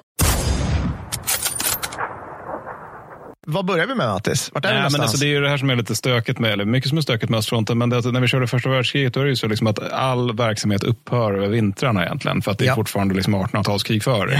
Men här är det ju det att det blir inte de här liksom eleganta, så här, nu är det 1941, så nu är det en grej, 42 en annan grej. Utan det är ofta så att operationerna fortsätter ju. Så att vi fortsätter vid Moskva helt Mycket enkelt. bra. Ja. Och där är det att, alltså det som händer egentligen, det viktiga som händer i januari 1942, det är att den 15 januari så suckar Hitler jag tycker att okej, fanatiskt försvar har gått sådär, vi tappar jättemycket folk i onödan. Ja. Ergo så tillåter han en reträtt på 65 kilometer. Då. Och det här är för liksom så att nionde och fjärde arméerna... Generöst, Ja, säga. väldigt, Ah. ja, ja, men, men eh, precis det som är en dagsmarsch under Ja. anfallet. Och, menar, alltså, nionde och fjärde arméerna och tredje och fjärde pansararméerna är liksom fragmenterade, håller på att kringrännas och de är som sagt svinslitna. Ja. Så att Kluge har ju här äntligen vunnit då i sitt tjat. Liksom. Ja. Det, det lönar sig att tjata, det man kan lära sig av Kluge. Ja. Och Stalin då, han fortsätter briljera för att han tolkar den här reträtten som en kollaps och behar, be, liksom beordrar fler anfall. Certain people must die in order for the system to work. Det här är lite hans Konrad moment. Så. Eh, och Tjukov då, som ingen lyssnar på. Han, han tänker så här, nu har jag dem på fallrepet. Ja, precis. Ja, ja. Nu, vi, får, vi måste smida medan järnet är varmt. Ja. Och Tjukov tittar typ på förlustlistorna och bara, äh, vi kanske ska inte... Va, Kan vi vänta lite? Ja. Ingen lyssnar på Tjukov. That is a loss. Nej, Varpå liksom, som, som vanligt säger det kör katastrofala sovjetiska förluster följer. Ja. Och då hittade jag en, ett citat om hur, av en eh, Georgi Osadzinski som, som beskrev då hur vad ett sovjetiskt anfall innebar för sovjetiskt in, infanteri. Det här vill jag höra. Ja. Citat. Våra anfall hade inte förberetts ordentligt och fienden hade organiserat sitt försvar väl. Vi framryckte mot en ställning i knädjup snö. Vi möttes av en vägg av eld och framför oss låg en spärr av minor och taggtråd. Vår löjtnant försökte in artilleriunderstöd, men inget kom. Jag såg honom gråta i vrede och frustration. Vi var fast i en dödsfälla. Slut citat. Ja. Så, så var det för Röda arméns skytte. Ja. Och det här Ja. skulle också kunna vara liksom sagt 44 med. Ja, vi, vi, vi, kan, vi kommer återkomma till det. Men, men i all upp- uppståndelse då, så nionde arméns chef, general Alf Strauss, han får återigen typ ett slaganfall eller någonting. Ja. Då, så han, han får liksom lämna fronten, då, sin armé, på grund av hälsoskäl. Och den här tidigare divisionschefen som jag nämnt, Walter Model, han får nu ta över nionde armén. Ja. Och när han kommer, kommer till nionde armén så är liksom stämningen i allmänt så här upplösningstillstånd. Stab, stabsofficerarna går omkring och bara liksom, allt faller, vi har typ ingen skytte kvar. Mm. Liksom, hur ska det här gå? Och då frågar de så här, vad har du med dig till fronten? Och på Model svarar, ich. Ja. Alltså, Model var liksom nästan alla tyska generaler en rövhatt. Men Ja. det är ändå det är ganska Clint Eastwood-svar. säga. Nej, men sen, sen så bedarrar de här Moskvastriderna först i mars 42 egentligen. Och tills dess så har Stalin inlett liksom offensiv efter offensiv eh, längs med hela fronten. Han har tagit terräng då i, i den, det som kommer kallas för Torropetsbågen vid Okej. just armégrupp mitt. Då. Och då är det liksom att tyskarna har Demjansk i norr och sen så Ja. har de Rezjv i söder. Det här är städer. Bara... Ja, städer med liksom om, omgivning. Ja, liksom. ja, ja. Och Rezjv i söder. Och där, däremellan så här liksom en stor in, sovjetisk inbuktning i fronten. Då. Och en liten grej som är värt att lägga på minnet nu är det att Demjansk, det var avfyrskuret ett tag i det som kallas för Demjanskfickan. Mm. Och då så, så liksom var, var det som det var med det. Liksom, tyska soldater nu i en ficka, det är vi lite ovana vid. Och Göring bara, jag löser det här, jag har flygplan. Och sen så lyckas han då liksom försörja Demiansk-fickan från luften. Ja. Det vi ska lägga min, minnet här är A, det gick. Men även B, det här var eh, andra tyska kåren med 95 000 soldater. Bara lägg det på, i bakhuvudet. så. ja, Ja. ja. Jag anar vart du är på väg. Men vi... Eftersom det är, är 42 vi pratar Ja, om. ja. Nej, men sen, sen så är det liksom lite mer blygsamt och avancemang kring Leningrad då och i Ukraina. Och eh, kostnad Sovjetunionen då för första kvartal, för kvartalet 1942 Mm. är lågt räknat 1 683 355 stridsförluster. Another victory, Commander. Ja, Kostnad lag precis. Tyskland 275 341 stridsförluster. Yes, det är skillnad. Det är skillnad. Eh, och då stridsförluster, vad tror du? Alltså, eh, killgissande här nu, liksom, hur många totala förluster PGA? Köld, sjukdomar, eh, jag har ramlat av bakpansaret, eller jag blev full och ramlade ner i dike. Alltså, liksom. Alltså kill, killgissning som ändå jag faktiskt tror är ganska rimlig, 200-300 000 till utan Ja, problem. ja. Mm. Alltså för, för inte minst för att allting är så krassligt och eh, epa i Röda armén vid den Ja, här tiden. ja. Så det, det är ett väldigt betydande manfall helt enkelt, som Ja. man lustigt nog kan ersätta. Ja. Men när vi Över tid. Men, men, men, men, men, det- ja, lustigt nog. men grejen är så att vi, det, det är någonting som jag tror är på något sätt lite viktigt. Jag tror en delanledning till att det blivit det här liksom, narrativet om östfronten med vad som vi sa tidigare, horder mot stål, liksom, är bland annat just att de sovjetiska soldaterna är väldigt många och också att deras förluster är väldigt höga. Så Mm. jag tänkte att man eventuellt då skulle försöka grotta lite grann i just den här menige Ivan. Ja, bra. Vem, vem var han? Ja, Liksom, så. ja. Han var växelvarm, bodde i Gryt. I Eh, tyska generalers memoarer efter kriget, så ja, där beskrivs som så. Vänligen läst det röda stormanfallet. just det, just det. Hanarna delar grit. nej, nej, men, men grejen är att han är ganska svår att få grepp om. För att alltså, Sovjetunionen sätter 34 476 700 män och kvinnor i uniform under kriget. Ergo ganska svår att uttala sig om generell bas. Ja. Och dessutom så skyms sikten ganska ordentligt av alltså, årtionden av propaganda. Dels den som du just här redovisade, det vill säga den tyska. Om att det bara är en massa liksom, det är djur som anfaller i Ja. Grönbotten. Och sen så, eh, även sovjetisk propaganda. Då. För att alltså, den sovjetiska propagandasoldaten, det var en enkel men modig man som inte tänkte på döden, men däremot på framtiden, eh, som var en utopi naturligtvis, och aldrig gav sig. Kommunistisk utopi, Mm, såklart. Ja, ja, Mm, ja, mm. Och han han kände liksom en, en kysk kärlek till en kvinna. Givetvis. Och det var liksom inte sexuellt där, utan mer Nej. som att man var förenade. En slags platonsk så här, samhörighet. Ja, liksom. ja visst. visst. Det var ett sexualfobiskt samhälle där. Han röker inte, han svär inte och han lyder med ett leende. Mm. Det är liksom den sovjetiska propagandasoldaten och han dyker fortfarande upp i den där moderna texten. Att man märker att det här är nog en sovjetisk sekundärkälla det här kommer Ja. ifrån. För den sovjetiska faktiska soldaten, det är ju då en person som för det mesta är född mellan 1919 och 1925. Mm. Periodvis så snittar det tre veckor efter ankomst till fronten efter han har blivit en förlust. Ja. Eller innan han blivit en förlust. Ja. Och han ger sig i miljontalen naturligtvis. Ja. Att- Och, och det är också, ska tilläggas, det handlar inte om feghet. Det handlar om dålig ledarskap. Ja. Alltså att han har en tendens att bli insatt i situationer där det inte går att göra så mycket annat än att ge sig. Nej. Och tre, tre fjärdedelar av infanteristerna är bönder då, med en uppväxt som präglas av att det är liksom fem dagar till närmsta stad och när armén, eh, eh, liksom, när armén säger att nu är det dags att komma i uniform, det, då är det ofta livets första tågresa för de här männen. Alltså det, Får jag, får jag fråga, liksom, går, i de här byarna som de bor ut, utåt på liksom landsbygden, hur, de har ju ingen el, oftast inte, nej. oftast inte. Hur kommer det ut en herold och bara, ja, följande manskap utifrån kyrkans böcker. Alltså, jag ser framför mig liksom svenskt notabene. 1600-1700-tal Ja, men i alltså, liksom det, det hantering av det här. Det är Liksom. inte riktigt så primitivt. men. Det är ju att de får sina lappar liksom, och sen så har de Det finns liksom, en postgång Ja, det finns, ja, ja, visst, det finns okej. postgång. Mm. Och, och, som sagt, det är ju inte så, så Sarens leråker det här, utan det finns liksom en administration som säger åt dem att Ja. nu, nu är det dags pojkar. Liksom, Ja. att nu, nu, ska ni, nu ska ni komma här. Ja. Det, det är inte som det var under första världskriget, där liksom sl- liksom sparkar ihop folk och sådär. Men, men samtidigt är det också att det är en intressant aspekt av det här med att de är bönder till så oerhört stor del. Det är ju att Stalins förtryck, det har ju lett till att man på landsbygden ibland ser det här som att strida mot Nazityskland som en angelägenhet som är för citat kommunister och judar, slutcitat.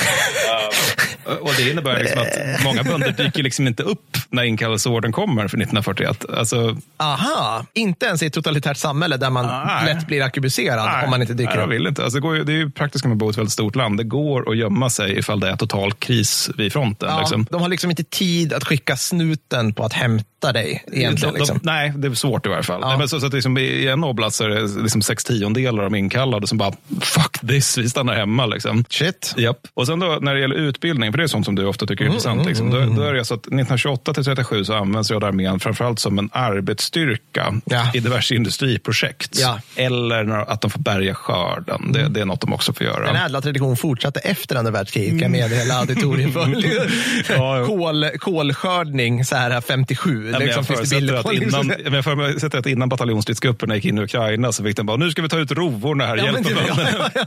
men, men, eh, nej, men, nej, men absolut, nej, men, de har också det här med att det, det är här lustiga vad ryssarna, eller sovjeterna, eller man ska säga, la, la fokus på. Det är att man, man ser till att de ändå har en politisk lektion om dagen där de får lära sig om att marxism är bra, kapitalism är dåligt. Men när man ska utbilda soldater strikt militärt, Ja. när man ska tid med det, det är mer oklart. Och inte minst också för att materiell är liksom en bristvara. Alltså, återigen, de, de, ök, de växer ju med 200 procent under 30-talet.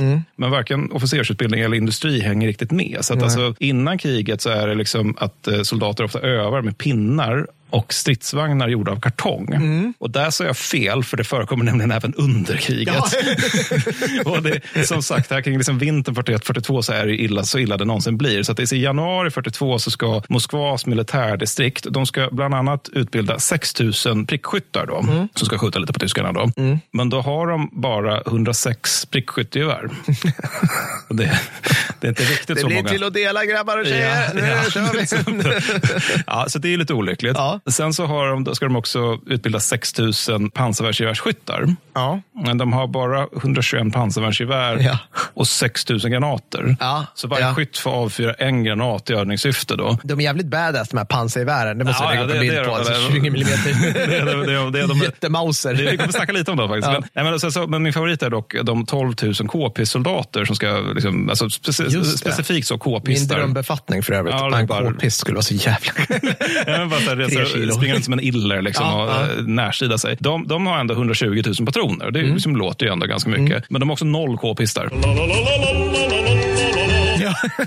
Och efter den här så kallade utbildningen så är det fronten. Ja, och med det ja. så kan man ju då förstå att det kanske inte var så konstigt att de har höga förluster. Då. Nej. Och det bidrar då även till att sovjetisk infanteri, eller snarare dess i- utbildning, betonar alltså väldigt, väldigt stram disciplin. Och vi kommer att återkomma till hur drakoniskt den var. Mm. Och att man lär sig agera på liksom förment typiska situationer. Ja. Och det här är alltså någonting som gäller ryska krigsmakten idag också. För Ja. Men det är också det här med att eget initiativ som vi har liksom snuddat vid lite grann, det, det ses som rakt av farligt.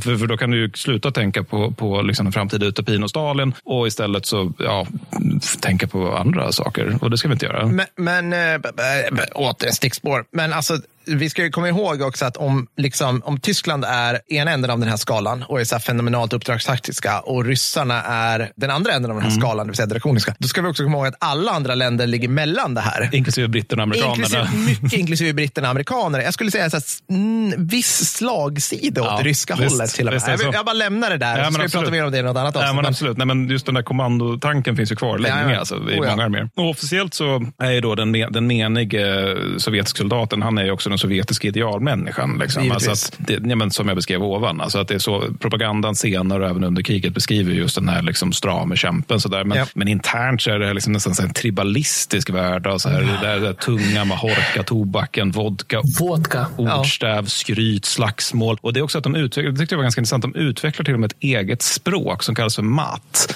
Som är liksom en slags cockney av svordomar. Ja. Och det, sen har det bara tystats bort. Alltså att det, Ja. det språket finns inte kvar för att det var så jäkla anstötligt att man efter kriget bara, ni får inte uttrycka er så här. Ni, ni är Röda arméns hjältar, ni är kyska, anständiga, ja, röker inte, svär inte. Ni håller inte på med den här typen av språk. Det här, är det här är kul. Det här är, det här är exakt som det är idag med så här, bilden som man odlar av franska främlingslegionen utifrån vi versus hur det faktiskt är Mm. Ja, yes. på baracken. Liksom. Ja, bara, ja, men så, ja. men så är det verkligen. Kan vi få höra marseljäsen baklänges?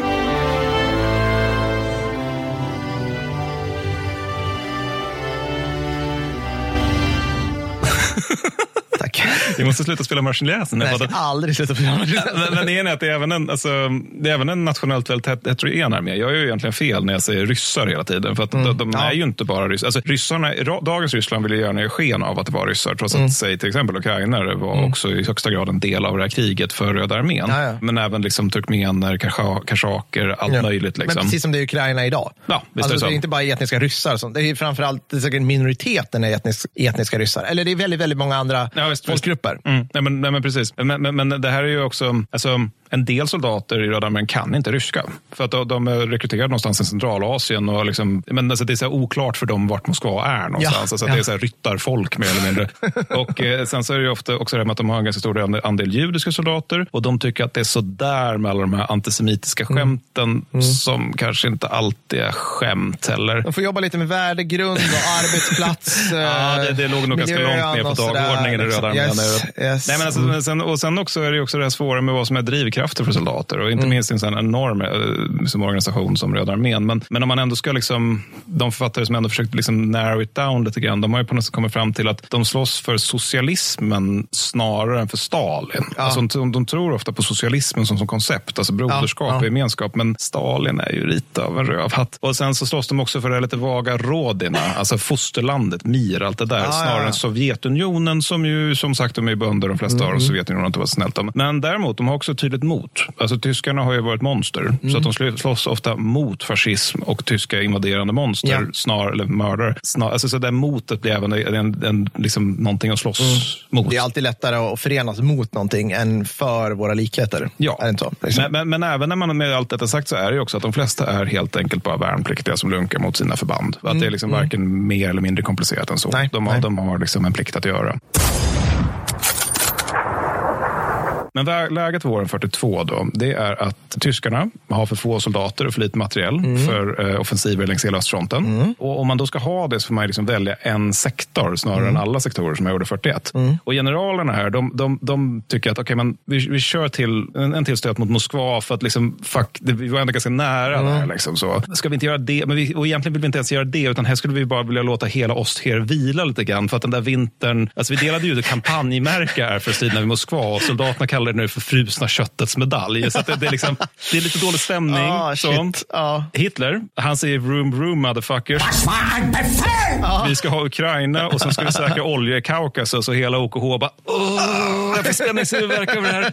Så det blir då det här då eftersom eh, varför tyska förband i söder och i armégrupp syd eh, får prioriteras för förstärkningar. Och 5 april, april så kommer också Hitlers direktiv nummer 41 mm. som hävdar att Sovjetunionen är, eller sovjetiska armén snarare, är okänslig för inringningar samt att pansardivisioner och motordivisioner inte får framrycka för snabbt. Hashtag ledarskap.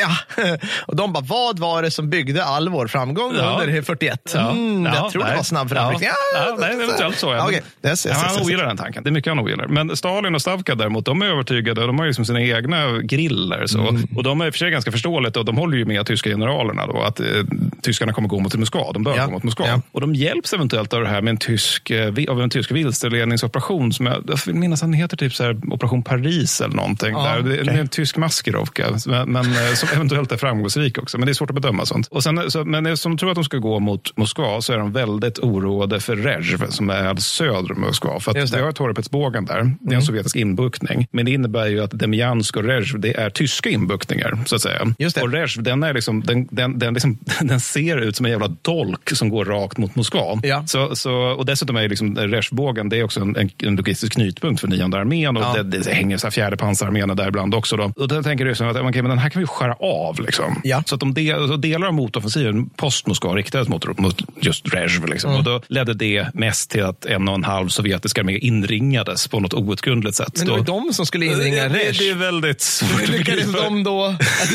men jag vet inte. Är men jag vet inte. De typ gick bort sig i skogarna. Det, här, det var så lite spillror som tog sig ut. De var så pass köldskadade att de liksom inte gick att använda igen.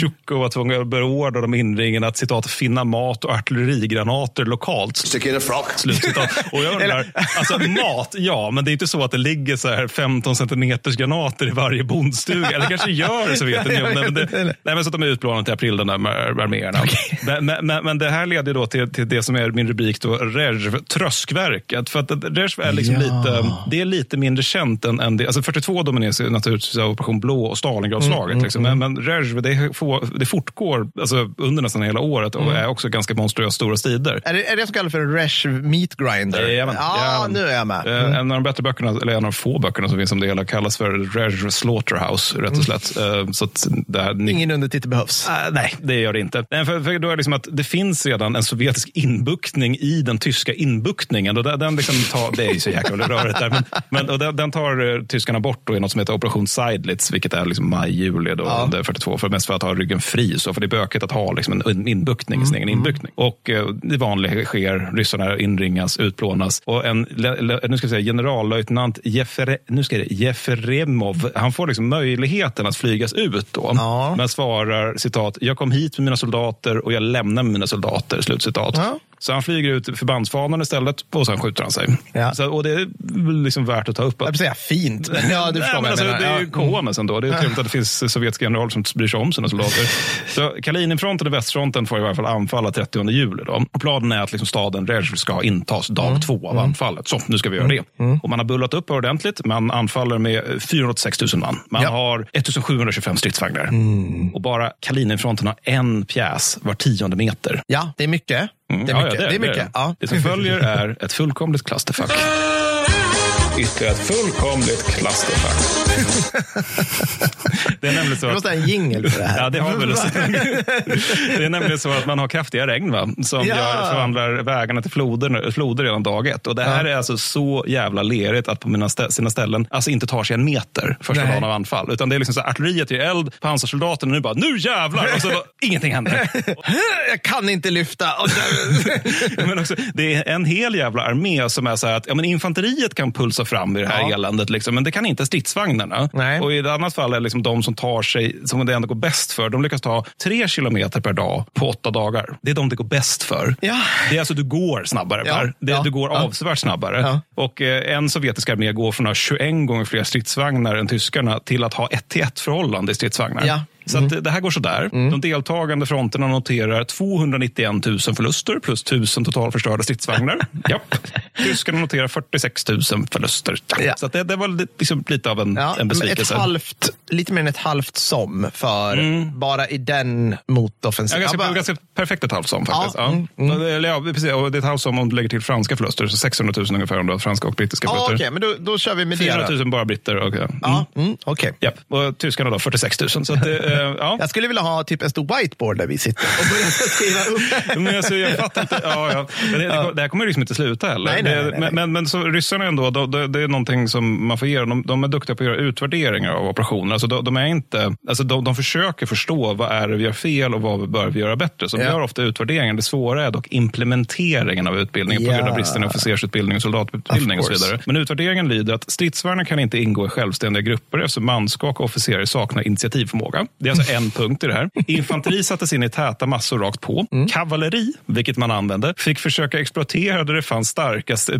pansarförband. Vi pratar för lite om kavalleriet på östfronten, känner jag direkt nu när du nämner det där. Men, där, men får jag bara, där hade vi ju ett massanfall, eller hur? Mm. Alltså infanteriet sattes in. Vi är inte, det, alltså det finns ju en anledning att vi har den myten om Ja, ja nej, men, och det är ofta att de har planer som är på ett sätt, men sen när de inte fungerar, då det genererar allt det till att vi så här, våg efter våg. Med, alltså att planerna kan ofta vara ganska bra, Ja. men att implementering är ofta mindre bra. Ja, men, ja, men det där är ju en klassisk grej som man håller på med i, i all form av militär verksamhet, speciellt skyttestrid. Det är liksom att människan har en tendens att klumpa ihop sig för man ser säkerhet i grupp. Mm. Det finns all, det, det garanterat, tittar jag på er båda, men garanterat har era liksom, gruppchefer kikit åt det så här, sprid ut er, så här, ja. bredda det, vänster, det. bredda höger, alltid. Och det kan man bara säga över tid, för alla bara, Ja, man kommer buncha ihop sig. man, man liksom Mm. bunchar ihop sig. Så det måste ju blivit något sånt. Ja, visst, visst. Dålig disciplin, dålig utbildning och så till slut bara springer alla liksom axel i axel som karoliner mot Men också, jag tänker så här, rädsla, så att man, man, man tyr sig till sina kamrater för att det är så jävla läskigt. Ja, ja, ja, men det är ju också, så. Liksom. Ja, ja, visst. Ja, men och sen nästa punkterna var liksom att det är dålig rekognosering och uselt samband med flygstridskrafterna. Ja, ja.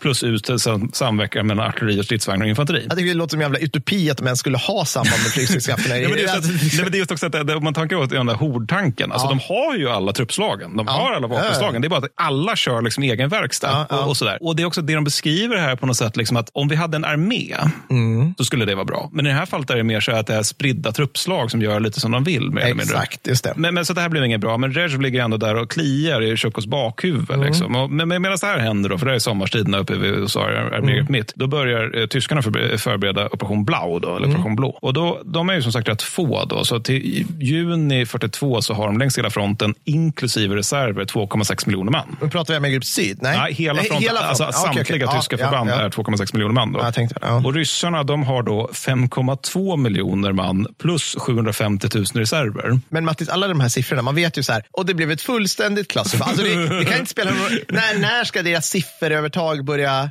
ge utfall? 43 liksom? ungefär. Så, 43, ja, okej, men- men, men, så- men, eftersom det här ändå är så att tyskarna har liksom ändå nu gått ner ganska ordentligt sedan Ja. 41 då, så, så får man börja mobilisera sina allierade. så, då, där igen, Får vi in tysk allierad jingeln här? Anständig, men ja!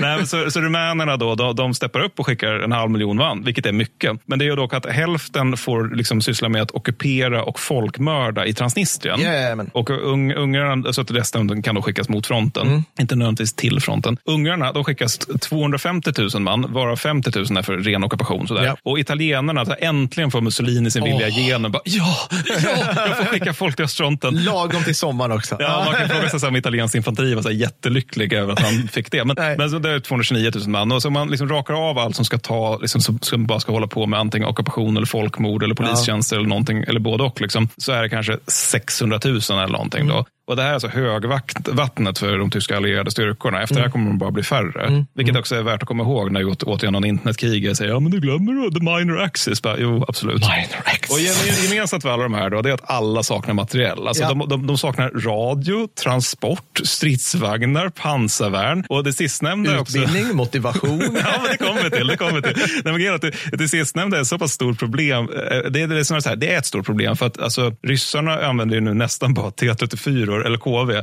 Och Just då är det jättejobbigt att inte ha några Ja, pansarvärnspjäser. men, även liksom, och det enda som är bra med T34 är ju att den har okej frontpansar som är eh, sluttande. Mm, och det, I princip. precis, särskilt om man liksom inte har meningsfullt pansarvärn. Nej. Det är det liksom Alltså väldigt, inget. väldigt, Ja, men alltså, de, har, de, har ju, de har ju några så klena kanoner. Liksom. Ja, men, ja. men, men grejen är också att de, de, de har ju blivit lovade av tyskarna allt ovan. Alltså att Mm, Hitler ja. bara, det är lugnt. Det är liksom, den tyska industrin går för högvarv. Det är inga problem det här. Vi lider inte av någon materialbrist själv. Nej, det, det är ju den lilla lustiga detaljen. att Tyskarna kan ju nätt och jämnt mäkta med att förse sin egen armé med gear. Så det här med att säga till liksom tre andra länder att vi kommer rusta er också. Mm, ja, ja. Det är kanske lite, lite av en glädjekalkyl. Så att alltså, ungrarna de får 22 stycken Panzer 4 då, med kort kanon. Stycken. Till maj, ja, 22 stycken till maj 42. Och sen så får de ta emot 10 Panzer 4 med lång kanon också under 42. Då. Så det är 32 vagnar. Så om man sitter där ute och lyssnar på oss, och det vet jag många gör, och bygger modeller, Mm. då är det mest det hipstriga man kan göra är en vad var det, rumänsk Panzer 4. Ja, ungersk. Förlåt, ungersk, ungersk. Panzer 4 F1 med kort kanon. Snyggt. Nej, men den som var 10. Var det, var Ja, ja, men, det, men det är 4 med lång kanon. Då. Ja, mm. precis. Så en, en 4 med lång kanon i ungersk tjänst på östfronten 42. Get to it guys! Mm. Ja, men, nej, men så de får ju 32 vagnar då. Ja. 42. De får inga 43. Nej. Men, men det är det som det blir av med den här tyska rustningen Ja, då, sina ja. allierade. Och alla tre av de här arméerna är så här indifferent utbildade och omotiverade. liksom. och, och de är också så lite skilda i hur, de, alltså hur mycket de deltar i det här tyska folkmordskriget. Ja. För, för italienarna, det får man, de, de är förfärliga på Balkan, men på östfronten så är de, de är liksom de enda som känns lite mänskliga. på något Är det sätt. så? Mm. Ja, för de, de ser, det är ju mer så att de ser det tyska barbariet och blir helt demoraliserade. Bara, varför slåss vi med de här? Liksom, alltså, de är ju monster. Så det är liksom inte Arditti bara som... Nej, nej, nej, nej. Nej, okej, utan det, de- det är inte de typerna av folkmördande nej, nej, nej, galningar. nej. Liksom. De är nog mer Blods- på Balkan. För där, där är det liksom, blodskultsmänniskor. Ja, Nej. men, nej, men för på Balkan håller de på och grisar. För de är ju verkligen så här, for corn, Jo, men for chaos. Liksom. Precis. Nej, nej, men det är absolut inte så. För de, Nej. de, de, är liksom, de, de, ofta, alltså de vägrar konsekvent att delta i det tyska raskriget. All right. Och Mm. eh, ofta att de också vägrar lämna ut krigsfångar till tyskarna. För Det de bara, fint. det här Ja. kommer inte sluta väl. Nej. Liksom, de här ivanerna är med oss. Liksom. Ungarna, för det är liksom som en slutande skala, ungarna, deras officerer säger uttryckligen till manskapet att de citat inte ska vara hjältar, slutcitat, och att deras viktigaste plikt är att ta hem sig hem till Ungern. Ja. Vilket måste vara så jävla motiverande. Ja. liksom att, ja, kom ihåg nu, var inga jävla hjältar. Nej. Vi måste vara hem, det är en olycka att vi är här. Och det de gör det är att de, de, de, de plundrar ganska mycket, att de stjäl grejer, liksom, ja. så här, kycklingar och sånt där, och vad, vad det nu finns att stjäla på en kolkos. Men de massakrerar åtminstone inte. Nej. Och sen har vi rumänerna då, som plundrar, våldtar och eh, massakrerar. That's a bingo! Ja. Så det är det okay. sluttande planet. Men, och sen återigen det här med att rumänerna och ungrarna helst vill slåss mot varandra. Ja, ja, visst, visst. Men det låter ju fantastiskt alltihop. Och sen är värst är tyskarna. Ja, det, ja, det, ja, precis. Ja, precis, precis. precis. Och, och, och, I allt det här så, så vi har vi pratat mycket nu om armégrupp syd och armégrupp mitt. Och Då kan man fråga sig varför så lite om armégrupp nord. Ja. Och det är för att det händer liksom inte så mycket där 41, 43. Nord som för övrigt låter som ett vit maktband. ja, det gör det verkligen. Ja, ja, verkligen. Väldigt ja. Pluton Svea-artat. Ja, verkligen. Ja, men det händer inte så mycket där 41, 43. Det är liksom mest belägring av Leningrad. Och det, är liksom, det härket inleds i praktiken 18 september 41. För då mm. får mm. armégrupp nord order om att inget ska göras för att underlätta sovjetiska civilas överlevnad i, i Leningrad. Ja. Så man, man minerar dessutom rätt mycket kring Leningrad och framförallt framför tyska mm. ställningar. Mm. För det är det att man inser att Wehrmacht är en väldigt brutal och hemsk organisation. Mm. Men till och med våra soldater skulle nog ha lite svårt att bara öppna eld mot liksom, svältande flyktingar. Så då ja. tänker man att minorna får göra det. Då. Ja, så vi slipper se de svältande flyktingarna som ja. går mot våra... Ja. Ja. Mm. Nej, men också framförallt att de tror inte att de kan lita på att soldaterna ska bara meja ner dem ifall de kommer. Och följd av den här inregningen och spärrningen och belägringen av Leningrad är kanske en miljon döda av mm. svält. Då. Och det här, alltså... Ju mindre vi pratar om Leningrad, desto bättre. Ja, men, ja, men, ja, men alltså, det är så här, folk äter ju tapeter. Det finns inga katter och hundar nej. kvar mot slutet. Kannibalism är vanligt. Liksom. Folk gör verkligen allt för att överleva mm. där inne. Och det här är liksom det är så höga siffror att de på något sätt är svåra att hantera. För att det, det, det är svårt att se miljontals individer när individerna har blivit miljoner, mm. rätt och slätt. Mm. Så ergo ska vi citera en siffra. Okay. Jag måste faktiskt harkla mig lite grann. Det här är då Tanja Savicheva som var 11 år gammal. Och det jag kommer att läsa nu det är i helhet hennes mycket korta dagbok från belägringen av Leningrad. Och den lyder så här, citat. Tjejerna dog den 28 december 12.30 1941. Mormor dog den 25 januari 03.00 1942. Leka dog den 5 mars 17.00 1942. Farbror Varsa dog den 13 april 02.00 vid midnatt 1942. Farbror Lesha dog den 10 maj 04.00 1942. Mamma dog den 13 maj 07.30 1942. Savicheverna dog, alla dog, bara Tanja är kvar. Slutcitat. Och lilla Tanja dog själv någon gång under året 1944. Hon överlevde till 44? Ja, och så sa ja. hon igen. Ja. Ja. ja. Och nu ska vi in på någonting som vi faktiskt har pratat om lite grann tidigare. Men när vi ändå har liksom den här, eh, kanske inte fullt så peppiga stämningen, så är det att vi ska ha den punkt som heter Folkmord 2, hungerplanen. Finally. Mm. ja, men som sagt, jag säger ju det. Det är, ja, ja, det, nej, det, är, liksom, det är deppigt med östfronten. Det, det, är liksom att Hitler har ganska länge haft vaga planer på behovet av Ukraina. Mm. Problem, Ukraina försörjer liksom redan sovjetiska städer. Ja, har ja. maten, men den där maten går redan till städerna. Mm. Herbert Backe kommer då med lösningen. Mm. Svält ut städerna.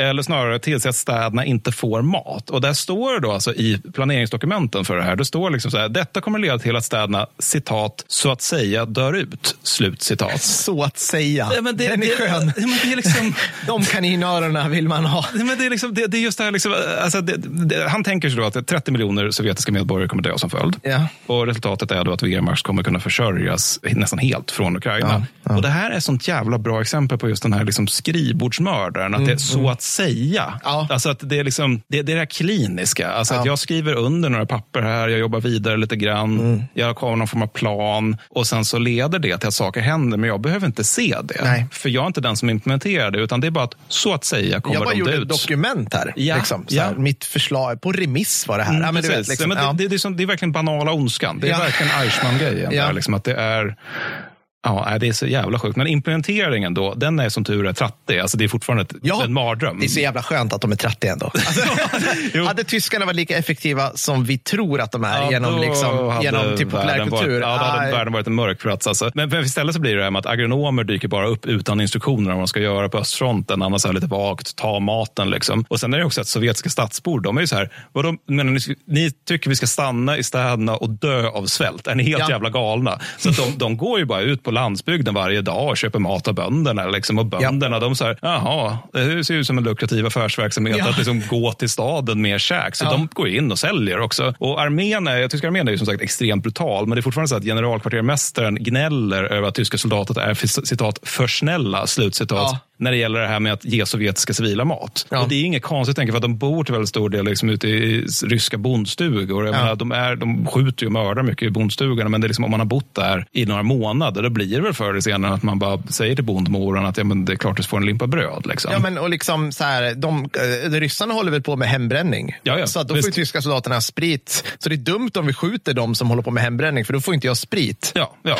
Eller liksom, ja, what the fuck. Ja, men liksom. Eller liksom så här, de, de, de typ så här, tvättar våra kläder. Ja. Alltså det, det är mycket, mycket sånt också. Att de, ja. de, de utför alltså, vissa sysslor åt soldaterna. Ja. Så. Ja, men, så, så redan till årsskiftet 41-42 så har planen misslyckats helt. Ja. Då. Och eh, tyskarna går istället över till att utfodra de som arbetar för dem. Då. Att man liksom aktivt går över till det. Då. Och det här leder bland annat till många medlöpare. Mm. Vilket mm. inte är så konstigt för att återigen de här människorna måste få käk på något sätt. Och tyskarna mm. kontrollerar en stor del käket. Och då har man då tumregeln att barn under 14 år och ej, än, eh, ej ännu mördade judar får 420 kalorier per dag.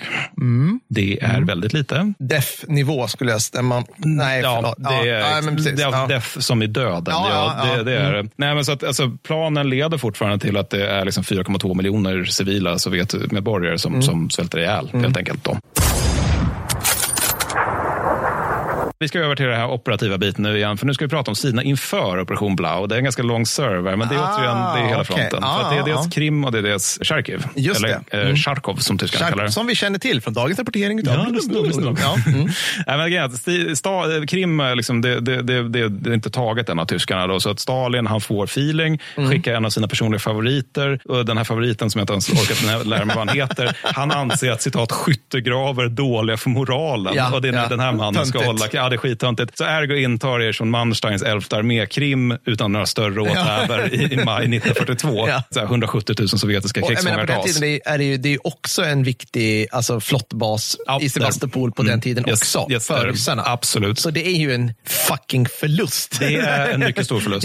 ja. Och det, och det är också, ja, precis. Nej, men så, så att, eh, sen också utöver de här 170 000 krigsfångarna så är det också 3 000 man. Som, de, alltså det finns tunnlar under Kersh som är på östra delen av Krimhalvön. Ah, okay. De gömmer sig där nere i månader och fortsätter med sån här, den här typen av heroiskt meningslöst motstånd. Som, så att tyskarna ställer ut några kompanier och bara tittar på dem tills de har svultit, svultit ihjäl. Ja. Egentligen. Så. Men sen ungefär samtidigt så angriper också ryssarna vid Charkov. Mm. Och som alltid är ju det här, det är 32 infanteridivisioner, mm. det är mm. nio kavalleridivisioner, ja, det är 925 stridsvagnar. Och Siffror är, som inte betyder något. Nej, Nej men det är inledande styrkan. ja. Inledande styrkan. Och det, men om man nu ska sätta relation så är det att det är 925 anfallande, framförallt T34. Ja. Och tyskarna har längs med hela östfronten 1167 operativa stridsvagnar. Mm. Så de mm. anfaller nästan lika mycket som tyskarna har där. Då. Ja. Armégrupp Mitt får inga förstärkningar då, för att allt ska ju till Operation Blau. Då. Ja. Ja. Så ergo så har, händer det självklara, det vill säga att sovjetiska 6 och 57 arméerna inringas till den 23 maj och krossas inom en vecka. Oh!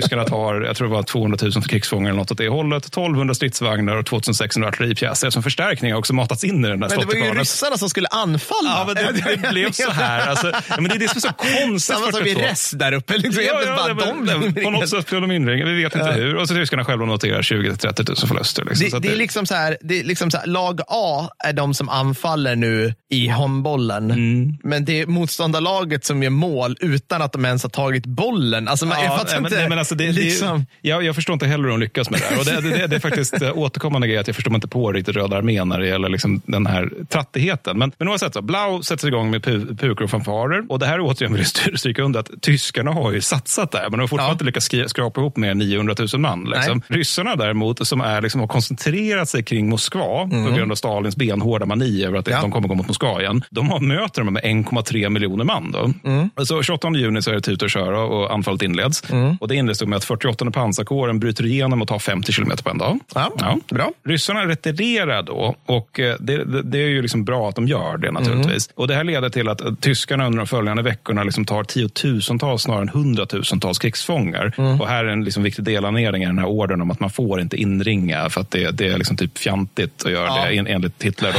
Eh, men, så att det, det, liksom de, ryssarna genomför en framgångsrik reträtt till floden Donetsk. Mm. Och det här beskrivs ganska ofta som, som en så här lysande framgång. Liksom man har sett, det finns vet, ögonblicksskildringar, mm. så här, mm. tyskarna beskriver landskapet, är spöklikt, vi har inte sett av några ryssar. De ja. förlorar ju fortfarande alltså 538 837 man. Så att, jag menar, ja. så stor framgång kan det inte ha varit. Men... Ett till som. Ja, precis. Alltså, till 25 juli. Hur många som så... är vi uppe i nu, Fredrik? Många. Det, det är ungefär en månads sidor. Liksom. Ja. Tyskarna tappar 38 000 man under samma Donetsk äh, är inte det, hjälp mig nu Mattis, i östra Ukraina. Är inte det skiljelinjen jo, i Donetsk-Luhansk? Yep, det är det. Bra, så att, uh, då vet Idag för... när vi spelar in det 13 ja. maj, då, då så rapporteras det om att ryska, P1 rapporterar att ryssarna har tappat en hel jävla bataljon i försöket att ta sig över Donetsk ja. specifikt. Ja, ja, den här legendariska eh, flodövergången mm. som de bombade sönder. Den mm. finns en jättebra tråd på Twitter som jag har delat. Mm. För det här kommer ingen tänka på när vi släpper avsnittet. Skitsamma, men bra. Då, då, vet jag vart vi är och ja. då vet säkert lyssnarna det också. Ja, det mm. Nej, men så de, de retirerar till retirerar och oljekällorna vid Majkop i Kaukasus då, mm, mm, mm. de intas redan 9 augusti. Mm. Men Röda armén då, de har ju kört röda jordens praktik, praktik så de liksom sabbar helt Brända jorden. Ja, vad säger jag? Ja. Brända jordens taktik. Den är röd också. Ja, det tror jag. Det är den i högsta grad. Eh, så att de sabbar oljekällorna. Då. Ja. Så att tyskarna får av den här, och det här återigen vill påminna är Hitlers syfte med Operation Blau, ta oljekällorna ja. i Kaukasus. Ja. De får ut sju, sju ton olja.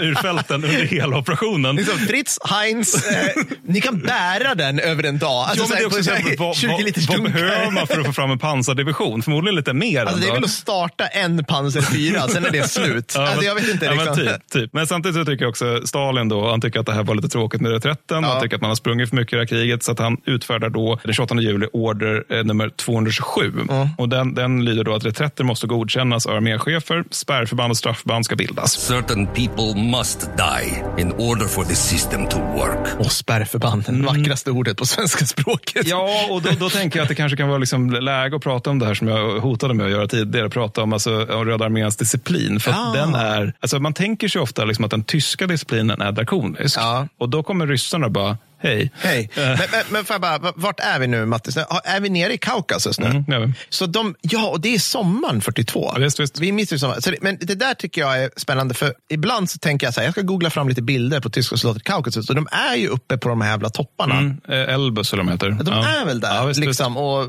och hänger runt. För ibland får jag känslan av att de där jävlarna är ju så långt inne i Sovjetunionen som man kan komma. Mm. Ja, det, är det är väl så långt de kommer. Och de har åkt typ bil mm. eller marscherat. Mm. Jag får sån här... Utifrån vet, tysk logistik. Men exakt. Ibland är det så här, när, jag i tidigare avsnitt har pratat om liksom, fan vad fucked up det måste ha varit att vara så svensk eh, bonde i Västernorrland. Och sen ja, bara, du, ja. du är Caroline nu, nu ska du gå till södra Polen. Mm. Eller så här, det, det, är den, ja, men så är det lite absolut. den känslan men, jag får. Liksom, men också att det är, liksom, det är som förändring för dem förmodligen. För att om du kommer från, från Bayern eller något, mm. jag tar alltid Bayern som exempel. Ja, jag med. Mm. Eller, säg Hamburg. Ja, men säg Hamburg. Då. Du är liksom uppväxt i en hamnstad, du, du känner till den nordtyska kalla kusten. Sen är du på Krim. Du kan plocka apelsiner direkt mm. från träden. Mm. Alltså det, det, är nog ganska främmande för dem. Men i alla fall, den, den, den, Röda arméns disciplin den är drakonisk. Ja. Smita under värnplikten det tingar dödsstraff. Jajamän. Eller gulag. Mm. Men det ses ofta som, som för milt, så att man föredrar dödsstraffen. Ja. Eh, kapitulation ses för det mesta som synonymt med landsförräderi, vilket mm. innebär att det finns en satans massa landsförrädare, tråkigt nog, i Röda armén, då, som det är så många som har behövt ge sig. Mm. Och sommaren 41, då är det så många röda armister som skjuts av sina egna officerare att Stalin måste påminna folk under honom då att det är bättre med morot än piska pojkar. Alltså Stalin tycker att vi har skjutit lite för många av våra egna. Om Stalin tar den mm. humanistiska... Mm, då är det något som har gått lite snett. Va? Men det, det, är just det, det är också det som är så monstruöst. Att det, det, deras liksom reaktion på lägre officersnivå var ofta så här, det går dåligt. Jag skjuter lite värnpliktiga och ser om det går bättre. Det gjorde det inte. men, men den, här, den här året 227 då med spärrförbanden, den efterlevs inte alltid. För, för att det är så många klokare officerare som tycker att den är pantad, men andra tycker att det här var fan anime på tiden. Men, men samtidigt är det inte heller den där enemy the gates-grejen som, som, som, många tror. Nej. För det, det spärrförbanden gör är inte att skjuta ihjäl soldater en mass. Utan tvärtom så de, är de de första som flyr när fronten kollapsar. Liksom, så ah, de blir okay. längst bak. Liksom. Ah. Utan det är snarare så att 97 procent av alla soldater som fångas in av spärrförbanden, spärrbataljonerna, de vallas tillbaka till sina förband och liksom ah. får typ en spark i röven och säger nu ska du dö för fosterlandet. Och sen är det 3 procent som arresteras och det är väl de som har sprungit tillräckligt väldigt fort. Mm. Liksom. Mm. Och av de här så är det ungefär en tredjedel som arkebuseras. Då. Mm. Och de här, man upplöser de här spontant på arménivå när kriget börjar gå bättre och man tar bort dem helt. Eller snarare Stalin liksom säger nu kan det vara nog med det 44. Men grejen är att order 227, det är, liksom, det är mildare en del, Ja. alltså det är ju ökänt. Det, här. Ja. det, det är inte ett steg bakåt-orden. Liksom. Man bara, åh, men Enemies Gay som bara kulsprutar ner flyende Ja. rödarmister. Ja. Det, här, alltså, det här är en förmildring av det som var innan. För det som var innan var att MKVD fram till sommaren 42 liksom bara rakt av skjuter alla som flyr. Alltså det, det, liksom finns ingen, det, finns- det här är snarare så att man gör ett ramverk. Så det blir softare till Stalingrad? Alltså, ja, liksom, men i princip. Exakt så, ja. Ja, för, för ja. det, nu har vi ett ramverk hur vi ska göra med retirerande soldater snarare än att man liksom bara freebase-skjuter lite folk i största allmänhet. Ja. Men, men sen är det också, alltså, med det sagt så är det fortfarande så att arkebuseringar framför förband som det har gått dåligt för är liksom vardagsmat. Det gör man Mm. Ja. ofta. Och total, har du någon aning om hur, jäkla dö- döds, hur många dödsdomar man utfärdade från lag Sovjets håll i det här kriget? Alltså det är ju inte miljoner, men, men det är ändå... Ja, men kanske 100 000? Ja, det, jättebra gissning. Det är 158 000 som Ja, ja, ja. verkställs. Så Ja, det, det, ja, då... Mm. och då kan man också jäm- jämföra med tyskarna som där är 13 till 15 000 dödsdom, dödsdomar under Mm. Men hur hela många, kriget. liksom, eh, nu ska vi se, var inte typ så här, vann inte Frankrike i OS-guld i det under VK1? Eller vilka var det Mm, som... nej, Italien. Det är Italien. 3000 där. Ja, ja, okej, det var inte värre än så. Nej. Nej, nej, och tyskarna är, de är typ, så här, typ 98 Ja. verkställda under Det är första så kul världskriget. att, liksom, att, att, tyska, att tyska armén under VK1, för det är ju liksom krig. Ja, visst, alltså, det, visst, visst är det det här blir inte mer kadaverdisciplin än det här. Liksom 98. Ja, ja. Nej, men notera då också att under andra kriget så är det också 13 till 15 000 personer som Ja. har ihjäl då, Ja. egna. Men återigen, kontrasterar man mot Röda armén då 158 000. Ja. Det, det är liksom, som sagt, man tänker sig tyska armén som kadaverdisciplin och så kommer ryssarna och bara, god dag. Vi, vi har eh, lite egna tankar. här." Ja. Nej, men och sen så är det också väldigt vanligt med summariska avrättningar, vilket innebär att de här 158 000 är betydligt fler. Alltså att liksom, återigen, officerarna mer än gärna skjuter meniga som inte lyder tillräckligt snabbt. Liksom. Men sen har de också, bara som en sista grej om det här med disciplinen och moralen, det är att de har PUR. Och PUR Vad är det? Ja, det, det är de politiska officerarna. Ja, För- ja. för- för det känns- kommissarierna. Ja, Eller fast de ja, kanske inte... Ja. ja, precis. Och det, det är liksom det som man känner igen från alla skildringar från östfronten. Ja, ja. Ja, galna kommissarier som Ja. läs, skriker dikter av Vilja Ehrenburg Ja, ja. i ena handen, liksom, skjuter krigsfångar med andra. Liksom, så här, Hej Sven-Hassel. Men, men grejen att de här är, till skillnad från vad man kanske tror, inte en del av NKVD, utan det här är snarare liksom en separat kader officerare. Ja, de har gått ja. liksom, officersskola, men sen så har de gått liksom, påbyggnadskurser som är politiska. Och de är lite, jag tycker de är intressanta, för de ska liksom hjälpa med moral och disciplin. Man har egentligen inga mandat att straffa så, utan de, de är mer liksom så Oprah Winfrey-delen av, av, av Röda armén. Liksom, att man ska liksom förklara för de meniga liksom, varför vi krigar. Så. Ja. Men, men samtidigt som de också är, det kanske inte fullt så Oprah Winfrey, alltså att de, de hela tiden pejlar så här, officerarnas politiska renlärighet. Just liksom, här, är du major Per Wal- Walinski, är du trogen kommunist? Och då svarar du ja, och då så tvekar du lite grann. Så då blir det gul lag. Och under kriget så har Röda armén länge dubbelt med ledarskap. Och det betyder liksom att vi har återigen major, kompanichefen Per Walinski här. Då. Du ger en order, Mm. Men då kommer purofficeren Fredrik, Fredrik Hagelinski och liksom måste godkänna den ordern. Och om den nu inte är i enlighet med sann socialistisk anda, då blir det fan ingenting. Så, så det är liksom egentligen först... blir det. Nej, men då, det, det här är också det här, det är motsatsen till det här snabba agerandet ja, som ja. vi beskrev med det är. Två ODA-loopar. Det är två mm. beslutscykler som vi måste ta ja, här, alltså- Tyskarna har gått här, rundat oss sju varv nu i det här laget innan Hagelinski har liksom vaknat upp från vodkadimmorna. nu är han bak, bakis och sur också. Så Ja, nej. nej, men, precis. Nej, men, men, men sen då, så här, post oktober 42, det var därför jag tog upp det här med ja, PUR nu. Ja. Det, lägger sig PUR dock i allt, min, allt mindre och mindre. Och då, ja. Det de gör efter det är framförallt med att jobba med att just motivera soldater. Ja. Liksom. Och det är ju ändå smart att de har en sån funktion. Då. Och det leder till att de ofta, de ofta håller ofta, vilket känns lite 40K nästan, eller snarare medeltid, att de håller ofta stora tal för soldaterna innan anfall. Liksom. Ah, ja. och, och det här är dels då för att förklara liksom varför de slåss, det vill Ja. säga arbetarnas paradis. Mm. Och också då för att läskunnigheten är så jävla låg inom skyttet att man kan ju liksom inte till ett skriftlig, skriftligt peppigt tal. Väldigt karoliner. Ja, men så här, Ja. Stridsprästen. Let me inspire our men! Ja, det är heresy. Precis. Ja, men, men sen då, så, nu, vid det här laget så har tyskarna lyckats ta sig till Kaukasus och Stalingrad. Och Ja. Ganska snabbt då så, så, så faller Rostov och, Mm. i juli. Då. Och då finns det egentligen ganska lite mellan tyskarna och bara storma på. Liksom. Alltså, Mm. Den sovjetiska första stridsvagnsarmén sätts in, sätts in upphör existera. Ja, och det enda som är värt med att eh, liksom, prata om det här är egentligen att det är med stridsvagnsarméer snarare än kårer. Ja. Mm. Det är liksom ett nytt påfund sådär, liksom, från ryssarna. Hur det, många stridsvagnar ska det vara i en sån? Alltså det ska vara 60-900. Ja, mm, mm, det, är, Yes, det är en del stridsvagnar. Det är en jävla massa stridsvagnar och man upprättar hela fyra stycken un- under, eh, under 42. Ja. Men då är det liksom mer så här blandade arméer med pansarförband och skytteförband. Ja. Och de, de är väldigt starka på pappret men men 42 så är det, liksom, det är liksom mycket brist i liksom stridsvagnar, expertis organiska resurser. Att det, de är liksom inte så bra som de kommer bli. Men, men alltså senare kommer de bli ett väldigt, väldigt viktigt slagträ för röda mm. armén. Så det kan vara värt att hålla i bakhuvudet. Mm. Liksom, att de, de, mm. de, är, just när de blir renodlade stridsvagnsarméer, då är de mm. väldigt, väldigt farliga resurser för dem. Men, men så, man, det här är det som är så jävla jobbet med, med tyskarna. Det är att de, de, de men det, ryssarna är ju ännu värre här. Men ja. de byter namn på sina armégrupper. Ja, det är inte okej. Okay. Det är fan inte okej. Okay. Nej, för att sen sommar så är då liksom armégrupp syd uppdelat då mellan armégrupp A Ja. och armégrupp B. Ja. om ni tror, kära lyssnare, att det här är förvirrande att lyssna på, fattar du att läsa den här skiten? För det, det, det, är liksom, alltså, armégrupp A de ska gå mot Kaukasus ja. och där liksom begränsar logistiken framryckningen i grundbotten. Ja. Medan armégrupp B de ska köra mot Stalingrad. Mm. Och eh, första pansararmén i Kaukasus då, de står där utan logistik. Medan mm. sjätte armén och fjärde pansararmén de, de är vid Stalingrad. Mm. Det är det som är liksom mm. uppdelningen. Då. Och sen längre norrut vid floden Don, där håller rumäner, italienare och ungrare Don då, den mm. ordningen. Mm. Så rumäner, mm. italienare och ungrare. Ja, för du måste ha italienarna mellan rumänerna och ja. ungrarna. Ja, det, det, går inte annars. Det är alltså på allvar därför det är så. Det är så jävla... det, det, det, här alltså, de här är ju då allierade vill jag påpeka. Men det... höjden av oprofessionalitet. Ja, det, alltså, det, det, måste vara så stökigt för tyska stabsofficerare just där när man bara, vad sa ni att våra allierade gjorde? Sa ni? Alltså, det bara, kan vi, vi har ju prövat med Österrike och Ungern, man fyra. Det gick ingen, kan, vi inte ha, kan vi inte alliera oss med Frankrike i det här kriget? Eller britterna? Några som liksom är så lite puts och stöt. Nej, nej, nej, nej, nej, nej. Men bondarméerna ska sättas in. Nej, men, så, men just det med resultat, resultat, alltså beslutet att gå mot både Stalingrad och Kaukasus samtidigt. Mm det är eh, utanför den delen att Röda armén är helt utplånad. Mm. Det är Hitlers och det är dumt. Mm. mm. För det är det liksom att varken den tyska logistiken eller Luftwaffe kan understödja båda. Båda anfallsriktningarna? Nej, liksom. det går nej, inte. Liksom. Så, att, så att då, då, får man liksom välja endera. Man väljer i regel de som går mot Stalingrad och mm. det är att eh, de som är i Kaukasus, där liksom de bara typ står där och väntar ja. på soppa. För de kommer väl, alltså det finns ingen motstånd, men om jag fattar det rätt så de, de kommer upp på bergen och vad är det, så bara, jag har ingen mat. Så här, nej, men det, vi får nej, men alltså, nej, men det här, finns liksom. ju så här lite spridda sovjetiska arméer. Men, men det, ja. det, är liksom, om man återigen ovan ser till hur det har gått när sovjetiska arméer möter tyska vid den här tiden ja. så är det ju liksom, det är inte riktigt de som är problemet med avancemanget. Liksom. Men, men att ta Stalingrad,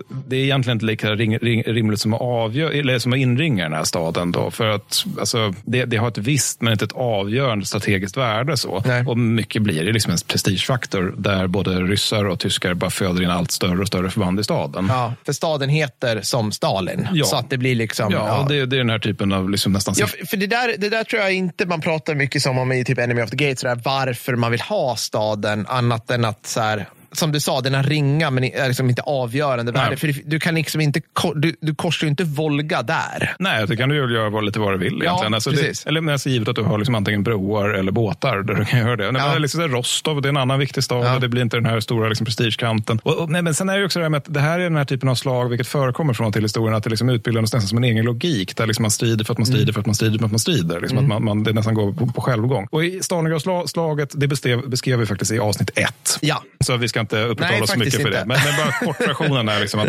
sjätte armén den når staden 13 september. Generallöjtnant Tjujkov tar eh, befäl över 62 armén, då, sovjetiska, samma dag. Mm. Sovjetunionen då, de tvingar fram eh, närstrid i staden för att negera den tyska liksom, artilleriet och eldkraften mm. då, och inte minst sambandet för den delen. Mm. Och tyskarna tar till 26 september stadens södra del. Mm. Sen går det jävligt segt i oktober. Allt fler tyska, eh, tyska förband sugs in i SIB, mm. vilket tillsammans med den så generella frontens längd egentligen, alltså som i den hela fronten, ja, Stalingrad-fronten, gör att det liksom finns färre och färre reserver att sätta in någonstans överhuvudtaget om någonting skulle hända. Ja. Uh, och Det här är förfärligt för, för ryssarna. Det, man, ska, man kan aldrig stryka under nog hur jävla gräsligt det här kriget är för, för ryssarna. Men alltså det, det, det, är så, det är en sån jävla mardröm med Stalingrad. Det är liksom sånt slotteverk. Jag, jag läste någon gång en, nu ska vi se, det, hon var sjuksköterska och då hade mm. de, Volga går ju liksom i Stalingrad och då, mm. då hade de de här pråmarna som skulle dra, liksom föra in manskap åt ja. ena hållet och dra ut sårade åt andra ja. hållet. Och hon är på en av dem och då blir den träffad av en slumpad artillerigranat och liksom hela promen med alla liksom,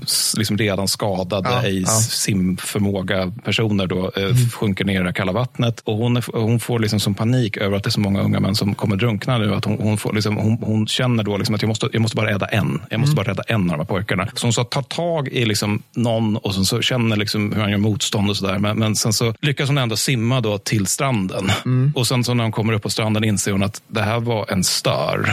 Det är alltså en mycket stor fisk. Och så ser hon liksom bara pråmen sjunka bakom sig. Alltså det, det är sån...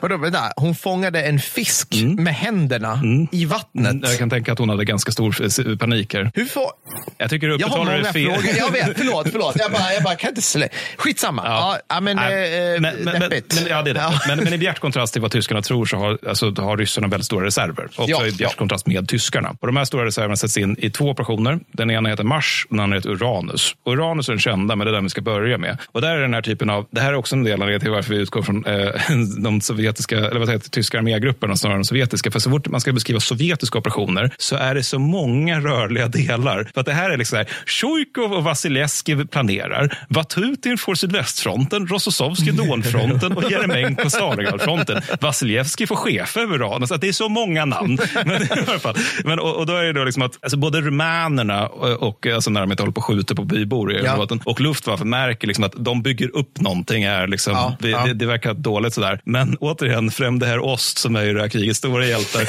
de tror ju att nej, nej, nej, det är vid Rej det kommer ske en huvudoffensiv Ja. den här Ja. vintern. Och Hitler är så här, "Nej, de har, inte, de har inte kraft för två offensiver, otänkbart. Eh, Det visar sig att de har. Mm. Operation Uranus inleds 19 november. Och då är det alltså rumänska stab och trossförband, eller rumänska soldater då, som ska hålla liksom, eh, flankerna kring sjätte armén som är Ja. i Stalingrad och grisar. Ja. Deras stab och trossförband har då använt betong som tyskarna har gett dem, tänkt att men bygg bunkrar och förbättra era värn Ja, ja. på det här, liksom, Ja. med den här betongen. Det har staben och trossen använt till att istället förbättra sin levnadsstandard. Anständig, men ja,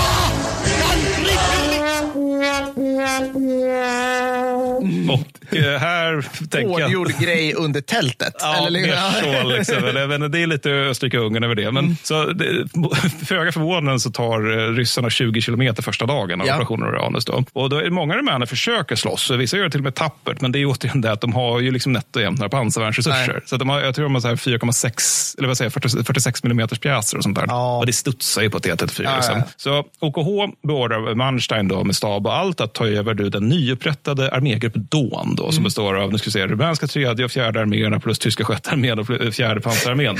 Och Manstein då och OKHs chef som heter Seitzler och som är förut en ganska bra karl, eller som inte säkert dålig moraliskt, men Ja, han är liksom rimlig militärt. De vill då att, att sjätte armén ska, ska slå sig ut innan den inringas. Liksom. Mm. Och eh, vad säger Hitler om det, Fredrik? nej, nej, nej, nej, nej, nej. Ja, Det blev exakt. nej på den. Ehm, så, så, så, för det det är också det sjuka. De har chansen. Det är bara, menar, Ja. vi, vi går ut ur Stalingrad och sen så försvinner Ja. vi ut på steppen liksom, och sen så Ja. når vi egna förband. Hitler bara, nej men det, jag vill inte, jag vill ha de här ruinerna nu för Mm. de känns viktiga för mig personligen. Så de här sovjetiska anfallskilarna då, de, de träffar varandra den 23 november.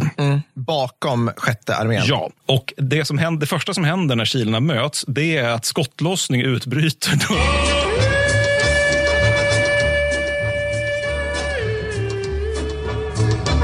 Röda armén börjar bekämpa sig. Det, här är Det har aldrig hänt tidigare. Ja, det, här är liksom, det, är, det är så här, vid det här laget är det synd om Röda armén. Att, eller det är det generellt. Men det är just det här, liksom, nu har vi genomfört vår, vår mest framgångsrika operation under hela kriget. Men tråkigt nog så blev det lite båda bekämpningar. Och så att det tar liksom ett tag innan missförståndet uppklaras. Ja. Då. Och Luftwaffe i Berlin då, de, de säger ja, men det är inga problem med att försörja eh, sjätte armén. Vi kommer alla ihåg Demianskfickan. Liksom. Och nota bene, återigen, det var andra kåren. Ja, ja, ja. Här är det tyska sjätte armén, Ja, vilket är ja. nästan tre gånger så mycket folk. Så de säger, men det, det är lugnt, det fixar vi. Luftwaffe på marken vid Stalingrad, de bara, det här kommer inte gå.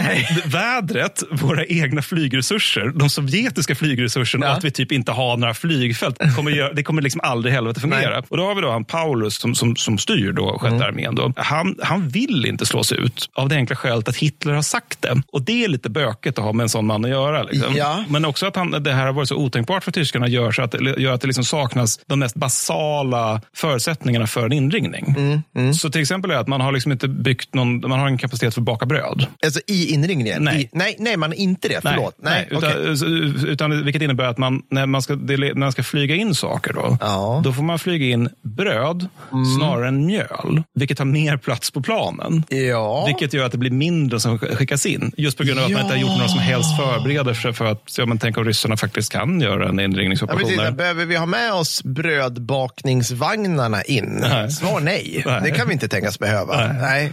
Nej, men, och sen så ju längre den här inringen pågår, desto mer är det så här att, att Paulus bara, ja men om jag springer ut här så då kommer vi bli bekämpade av sovjetiska förband ut på steppen och sådär. Jo, men om du stannar i staden så Ja. kommer ni utplånas. Ja, Ja. men med sagt det. Ja, men han, han, okej, så han brydde sig inte om det. Eller han, rätt sagt, han brydde sig om det, medan alla andra under Kluge och hade liksom bara Ja, men Klug hade nog definitivt gjort det. Men, ja. men det. men, det. är ju det. Men sen är det också att eh, Hitler är ju, liksom, han är ju fokuserad på den här platsen, så han vet ju vad som händer. Liksom. Ja, just det. Han sitter och tittar på sin karta och bara, där är Paulus stabsplats. Och ja, men, precis. Oh, Gud, och, Gud, ja. Den har flyttat sig 50 meter till nästa, eh, liksom nästa postkontor i Stalingrad. det där är ju det sämsta, när man är förlagd för nära högre chefer. ja, för då kan ju de ha åsikter om hur liksom en så här plutonsförläggning ser ut. Mm, Eller, alltså, det suger Man vill ju vara, liksom, man vill vara utskjuten långt åt helvete så man kan liksom sköta sig själv. Det är ju alltid det bästa. Ja, Exakt, men jag har hört någon gång att det var... instick där. Men så det, men så är det. Jag, jag har hört någon gång att det var någon som skulle göra ett program för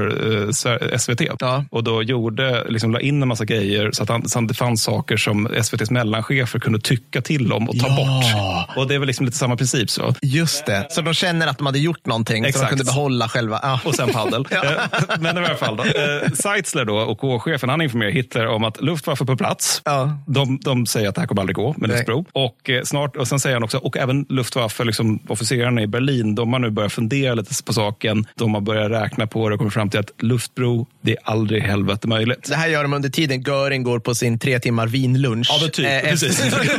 då kan de koncentrera då sig bara, på nu kan vi jobba. ja, och han får ju då svaret av Hitler, det givna, det vill säga var inte pessimistisk Nej. nu. Och Stalingrad förklaras till en fästning. Ja, hashtag, hashtag ledarskap.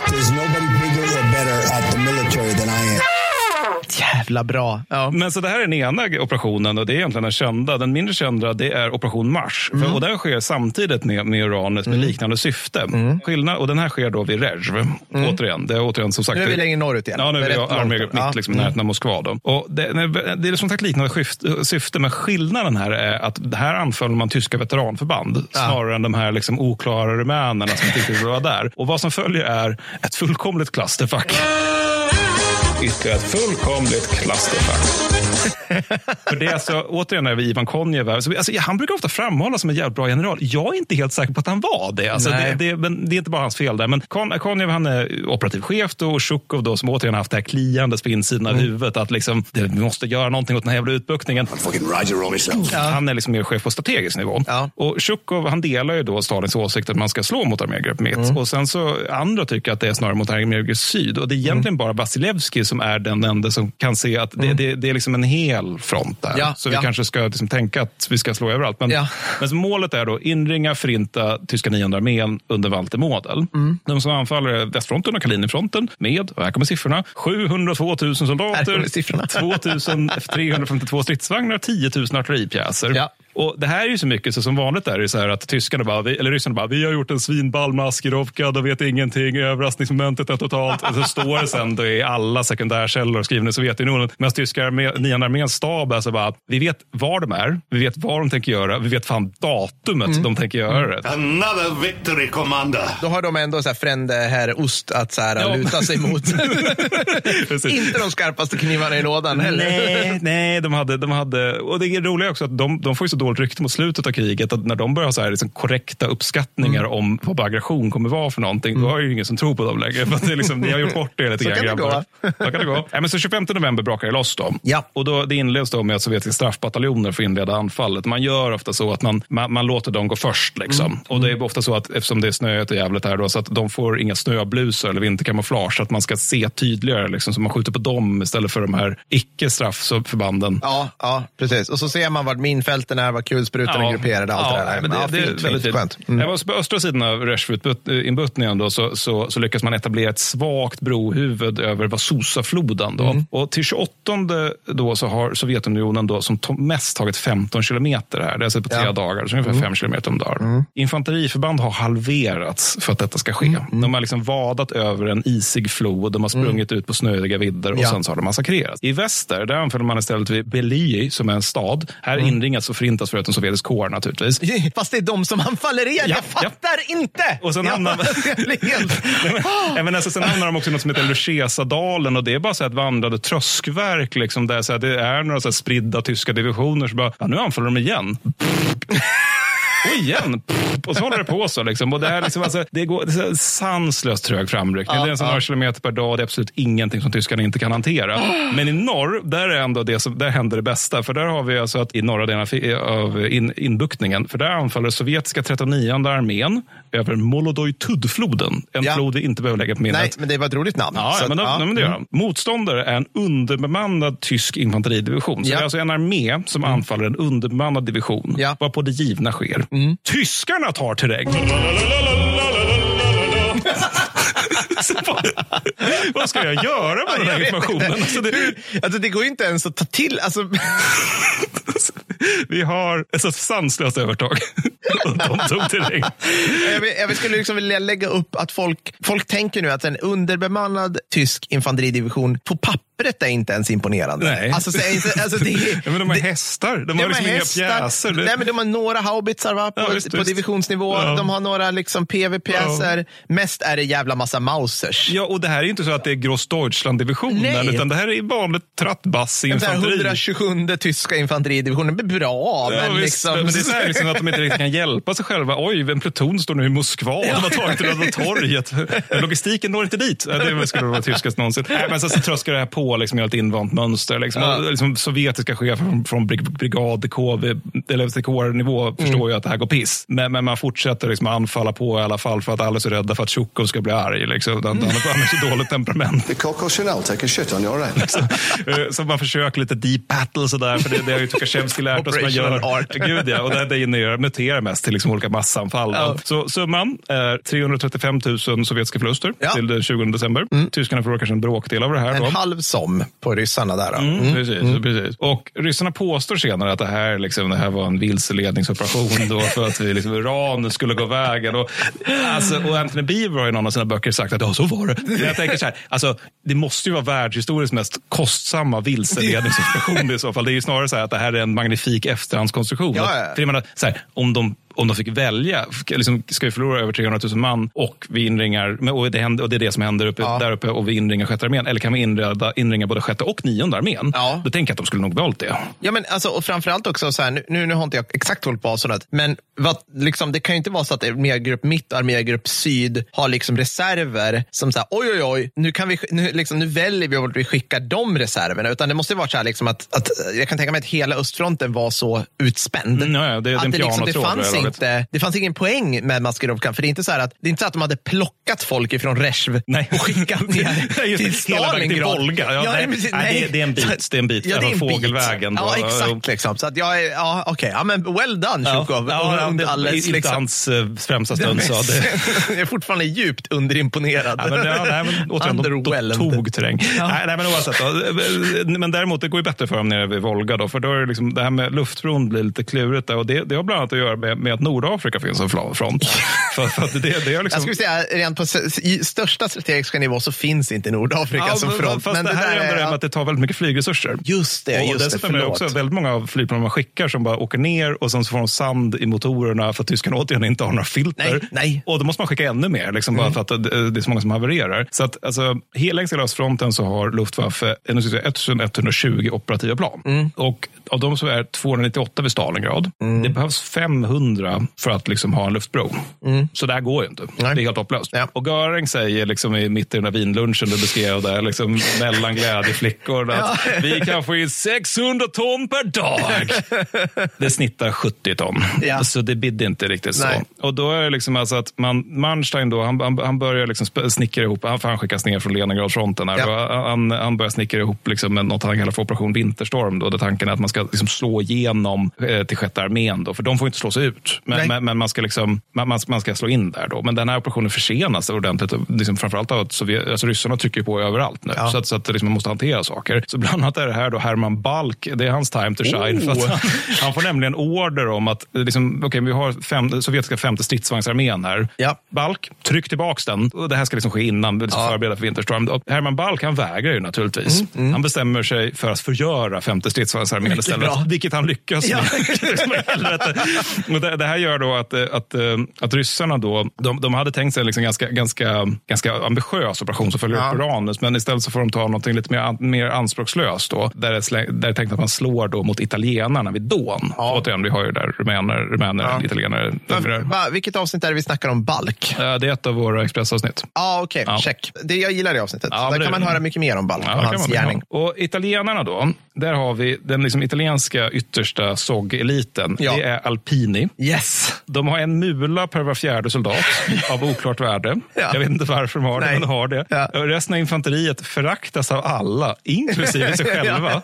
ja. det, alltså, utvecklingen sen första världskriget, det är så här, vi slutade utvecklas 1918. Ja, det, det, var, det var så långt. Liksom, vi vann ju. Ja, ja vi, vi vilar på våra lagrar. Det, det är inga konstigheter. Och så, precis som med, med så mycket annat när det gäller Italien, Italien så är det också naturligtvis så här, omfattande svarta börshandel i alla bakre områden som alltså italienare. Den enda fördelen har i det här jag var inne på tidigare, att de är inte hatade av ryssarna. Nej, just det. Så, så att det, liksom, när, när, framförallt i den här perioden så är det liksom så att när ryssarna tar tyska krigsfångar, då skjuts de ofta på plats och ställe. Liksom, ja. Eller liksom torteras. Med, med, och vice versa naturligtvis. Mm. Men, men i det italienska äh, fallet så är det ofta att man bara, ah, ni är italienare? Ja, men absolut, varsågod, där borta i fånglägret. Liksom. Ja, ja. Och jag hittade också en liten incident som var så här att det, vid ett tillfälle så är det några italienare som bara möter liksom massa ryssar. Bara, ah, Okej, okay, men det är kört, vi kastar våra vapen, vi ger upp, så liksom, ta oss bara till fånga. Ja. Och sen så säger liksom ryssarna, ja, absolut väldigt allvarligt här, ni slåss mot oss och sådär, men givetvis så fångenskap och så vidare. Sen går deras purofficer, ja. var på ryssarna då slänger sina vapen och bara, vi kapitulerar till er nu, vi vill fan inte vara kvar i den här skiten. så så kan det vara.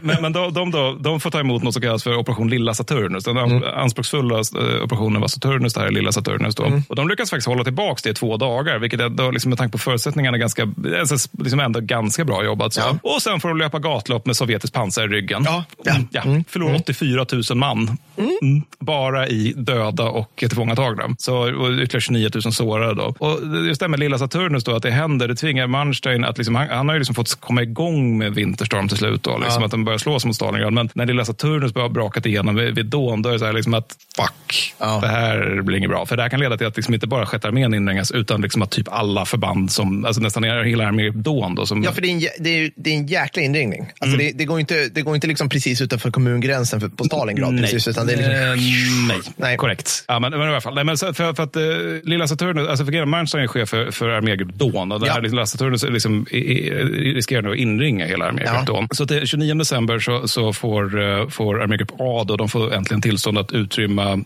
eh, Kaukasus. Just det, för de har stått där nere och varit typ så på georgisk retreat. Ja, men typ. Liksom. Ja, men typ. Mm. Och, och, och, det här sker också när Mansteins styrkor är fyra mil från Stalingrad. Alltså det är liksom bokstavligt att de hör radiomeddelandena från Stalingrad. Så det, där var nog, det var nog lite bittert för dem kan man ja. tänka sig. Men de måste göra det, för vad ska de göra? Så, och Manstein då, medan Kaukasus utstryms, så då, då ger han sjätte armén order att fortsätta slåss. Ja. Och det är inte för att han tror att de ska vinna, utan det är för att han, han måste tillse att drivmedel kan liksom skickas ner till Kaukasusförbanden så att de kan sticka. I ja, ja, ja. Och under tiden då så fortsätter ju Sovjetunionen att slå. Mm. För nu invänder de återigen vid Don och återigen vid de här liksom mm. Axis Minors. Mm. Så det som heter Ostrogorsk Roche-operationen. Vi är glada över att det här inte är en så känd operation för att ja. den är väldigt svår att uttala. Ja. Och de här slår då mot ungrarna. Det, alltså här är ja. de verkligen smarta. Att man bara, tyska förband, hur brukar det gå? inte så bra. Vi petar på ungrarna och ser vad som händer. Vilka är de enda som får oss att framstå som kompetenta i krigföring? Jo, minor axis. jamen, jamen. För man har ju då ungrarna då, de är så primitivt utbildade. Men, men de, har, de har numerär, det har de. Ja. Men de, de liksom, alla deras divisioner räknas som lätta för att de ja. har så lite material. Alltså de, har, de har fått några pansarvärnspjäser av tyskarna, mm. men ingen i ungerska armén vet hur de fungerar. Så Nej. de mest står där och ser liksom balla ut. Jag, jag, gillar ju, liksom, det här är ju största missförståndet ever för oss som är nördiga. Det är liksom att, säger vi att ett förband är lätt mm. idag, då ja. tänker vi K3. Ja, ja, alltså, såhär, svinvältränade, mm. as, awesome, liksom, bär massa tungbaggar. De är lätta. Liksom. Det är mm. air mobile. Mm. Eller, så lätt då. Det var bara att ni har inget. Nej, nej, ni, nej. ni kan väl lika gärna vara uruselt utbildade, liksom, motiverade. Typ liksom. polisiära uppgifter, ja. det ni kan sköta. Liksom. Alltså det, nej, men så det, det är föga förvånande så faller ungrarna samman helt och mm. hållet. Och de, får liksom stärkas upp av italienska förband, men det är liksom stärkas upp av italienska... Det, det, är liksom, det, det, Oxymoron. Ja, men det är ju det. Det är ju verkligen det. Ja. Så att, så att eh, båda då drivs bakåt och massakreras ja. under ordnade former av ryssarna. Då. Bra. Ja. Så italienarna och rumänerna tappar så här kanske 120 000 man eller någonting. Ryssarna har tappat 33 000 man. Och det här ja. är ju liksom faktiskt för övrigt ganska ovanligt, men det här är också vad som händer alltså med, med ration, där, att mm. den är positiv för ryssarna. Men det här är vad som händer när de slår mot, uh, mot de minor, minor axis. och det är liksom så här, det är uselt väder, liksom, sovjetisk logistik och dåliga vägar gör att armégrupp A faktiskt kan ta sig ut ur Kaukasus. De kan ja. genomföra en ganska ja. ordnad reträtt därifrån. Och under hela den här tiden så här, konstant käbbel mellan Hitler och Manstein om så här, var ska vi sluta retirera? Manstein tycker om vi liksom oss tillbaka ganska ordentligt ja. så kan vi korta fronten. Mm. Är mer så här, jag gillar terräng. jag gillar att ha tagit terräng. Det ser bra ut på mina kartor. Ja. För du vet, man kan ha det här in, alltså så här, stryka över mm, och så här. Mm, mm. Vilken färg hade de? De måste ha haft blått och fienden var röd. Säkert. Var det på Svart tror jag de hade. Svart kanske de hade. Ja, mm. ja men precis. Nej, men också att han har mycket, mycket resonemang, men liksom att om vi släpper terräng nu, då är liksom hela, he, hela poängen med det här fälttåget 42 är, liksom, går ju att stå om intet. Just det. Mm. Men, men å andra sidan kan man ju tänka sig att poängen måste vara någonstans så att man fort, kan fortsätta operationer. Mm. Så det är ett konstant käbbel. Då. Återigen, mm. där Manstein hela tiden flyger till Hitler och håller på och skriker på varandra. SAS aerobonus. Ja. Precis. Luftwaffe aerobonus.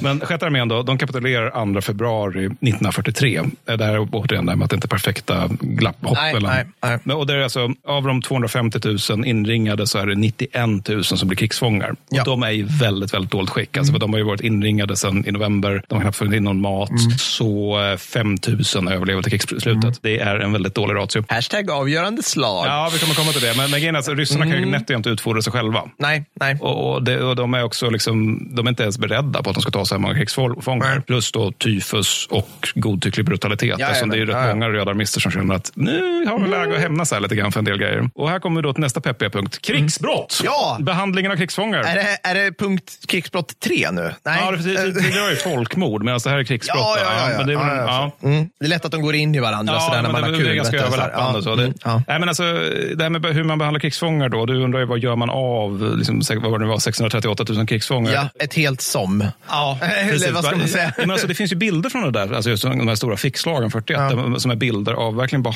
hav av människor. Mm. Så, som, som är just, vad gör vi med dem då? Men, men det här har vi pratat om i ett tidigare avsnitt. Alltså, gå in och kolla typ när, när fan är Iron Maiden spelar i Rio, mm. eller de här mm. världens största ja, konserter. Ja. För så får ni se typ så här hur hundratusen människor ser ut om man samlar dem på ett ställe. Mm. Alltså, det, det, är mycket folk. Det är mycket folk, det är, det. Det är väldigt mycket folk. ja. Nej, men just det med den dåliga behandlingen av krigsfångar, ja. dagens underdrift, det är ju liksom ett brott som båda sidor gör sig skyldiga till. Mm. Men sen är det naturligtvis som alltid tyskarna värst när det gäller det här. Ja. Alltså, för, 41 så tar tyskarna 3,3 miljoner sovjetiska soldater som fångar enligt ja. deras mm, bokföring. Då. Ja. Två miljoner av de här är döda till februari 42.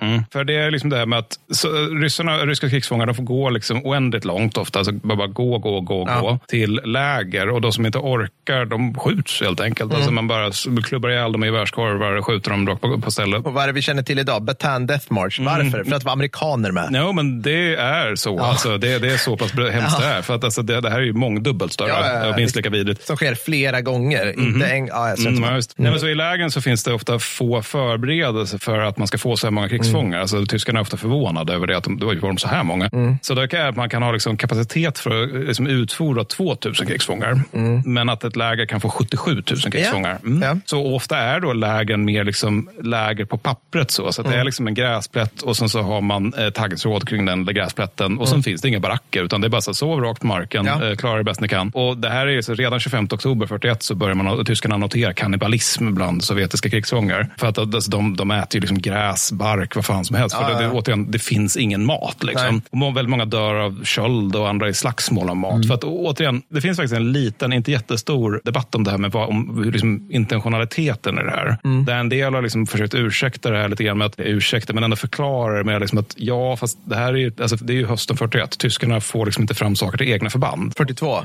Alltså, just de här exemplen från ah, 41. Okay, okay, ah. Så hur ska de då kunna göra det för liksom miljontals krigsfångar? Och fine, det var säkert svårt för dem, men samtidigt får man också komma ihåg att de såg ju alltså, ryska medborgare, slaver som de uttryckte saken, som djur, eller liksom knappt bättre än djur. Så det, de, de, de, de liksom sa så här, synd, ansträngde mm. sig inte allt för mycket. Nej. gick liksom inte den där extra metern för att lösa ut problemet. Nej, men precis. Nej. Nej, men precis. Nej. Nej, men så liksom dagliga dödligheten i de här lägren i november 41, det är mm. en procent. Och om du tänker på hur många de är som mm. de har tagit, och en procent av väldigt massa människor. Ja. I december så är det i vissa läger 2,5 procent. Oh, och sen så i mars 42, då går dödligheten ner. Men det handlar inte om att tyskarna blir snälla, utan det handlar om att det är så många krigsfångar som har dött. Ja. Helt enkelt. Och överbelastningen av logistiken leder liksom till döden, även ifall lokala liksom, fånglägerchefer faktiskt, alltså vissa gör faktiskt sitt bästa och försöker hitta mat. Alltså, ja. Det minns man att jag läste någon så här, förstås, österrikisk överste som bara var så en, en farbror i uniform. Liksom, ja. som, som, var liksom helt förtvivlad över att han inte kunde skaffa käk till, ja. till fångarna. Så. Men ja, återigen, frontförbanden är prioriterade för, för, för logistiken. Ja, och, ja, nej, men så det blir som det blir, höll jag säga. Sen bättrar sig tyskarna 42-43, men det är liksom framförallt för att de vill ha krigsfångar som slavar. Just det. Och sen alltså, ryssarna är inte särskilt milda själva. Alltså, det är värst är för de som tas i Stalingrad, för att de, de är liksom den största stora batchen. Så. Och att de, liksom att, de, att de är bättre, det handlar mest om att de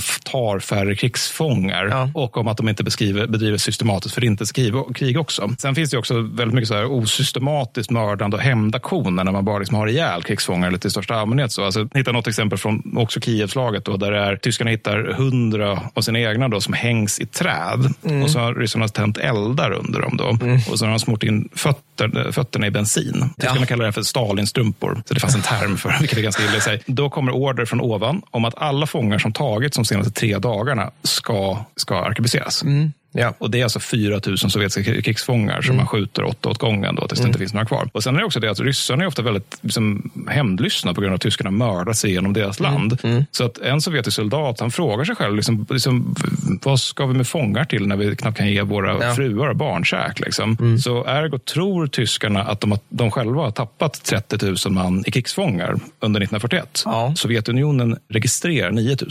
Aha. Och man kan nog tänka sig mm. att glappet där till ja. stor del är att man bara skjuter folk helt ja enkelt. Så. Såklart. Och det här leder också till att tyskarna är helt jävla livrädda för att bli krigsfångar. Det är nog en del anledningar till att de slåss så pass hårt som de gör. För att de ser det som rena självmordet. De ja. tenderar att spara en sista kula till sig själva ifall ja. det skulle vara att de kan bli krigsfångar. Och det är väldigt, väldigt vanligt soldatberättelser just hur kvarlämnade sårade som man liksom inte kan bärga med sig. Nej. De, de ber om att få bli skjutna för att man ja. verkligen inte vill hamna i, i uh, ryssarnas händer. Då. Nej. Och Stalin måste liksom offentligt säga att fångar ska tas för att det ska, bli liksom, för att det ska ske till 1942. Ja, ja, men framförallt strategiskt smart mm. av äh, gamle Joe. Ja. Liksom, för då, så här, då vet han att då kommer de inte slåss. Lägre chans att de slåss i sista man. Exakt. exakt. För, precis, det, det, det Man vill ju ta fångar, alltså på något vis. Liksom. Det, ja, men det, men det finns ju en så ganska bra ekvation för det. Att soldater tenderar att kapitulera i väldigt stor omfattning om de vet att den egna sjukvården är dålig. Och de Just tenderar att slåss extremt fanatiskt ifall de vet att behandlingen av krigsfångar på andra sidan är dålig. Ja,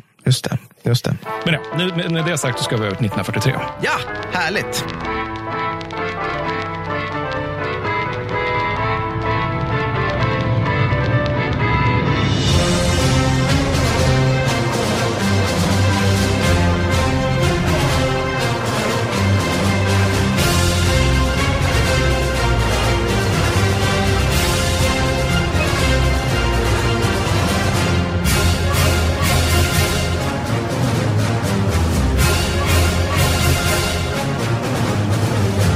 1943.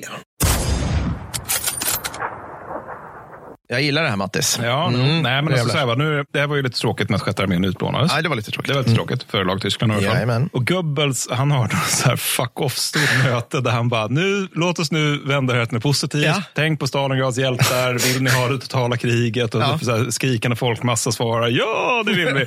Mycket termopel och trams och där. Men ja, och samtidigt, det är ganska deppig stämning i Tyskland där. För att, alltså, de har ju, de har ju liksom förlorat tidigare, men det här är första gången som det är rakt av en hel jävla armé finns inte längre. Nej. De kommer få vänja sig vid den känslan kan jag säga. Ja, men precis. Och det, det, var det jag tänkte slå mot vår egen tes, det här att avgörande slag inte finns. För när man tänker på det så är det liksom det första, som du säger, första gången alltså regementsledningar, divisionsledningar, arméledning faktiskt förintas. Ja, ja. Det är inte bara liksom som Ter Ferenbach säger, liksom den eviga förintandet och ersättningen av skyttekompanier som är definitionen av krig hittills, utan nu, nu, nu är ledningsstruktur mm. borta, vilket är liksom huvud, det är mycket, mycket, mycket svårare att ersätta för yep, tyskarna det är, än den här nivån. Absolut. Nej, men, men det är det.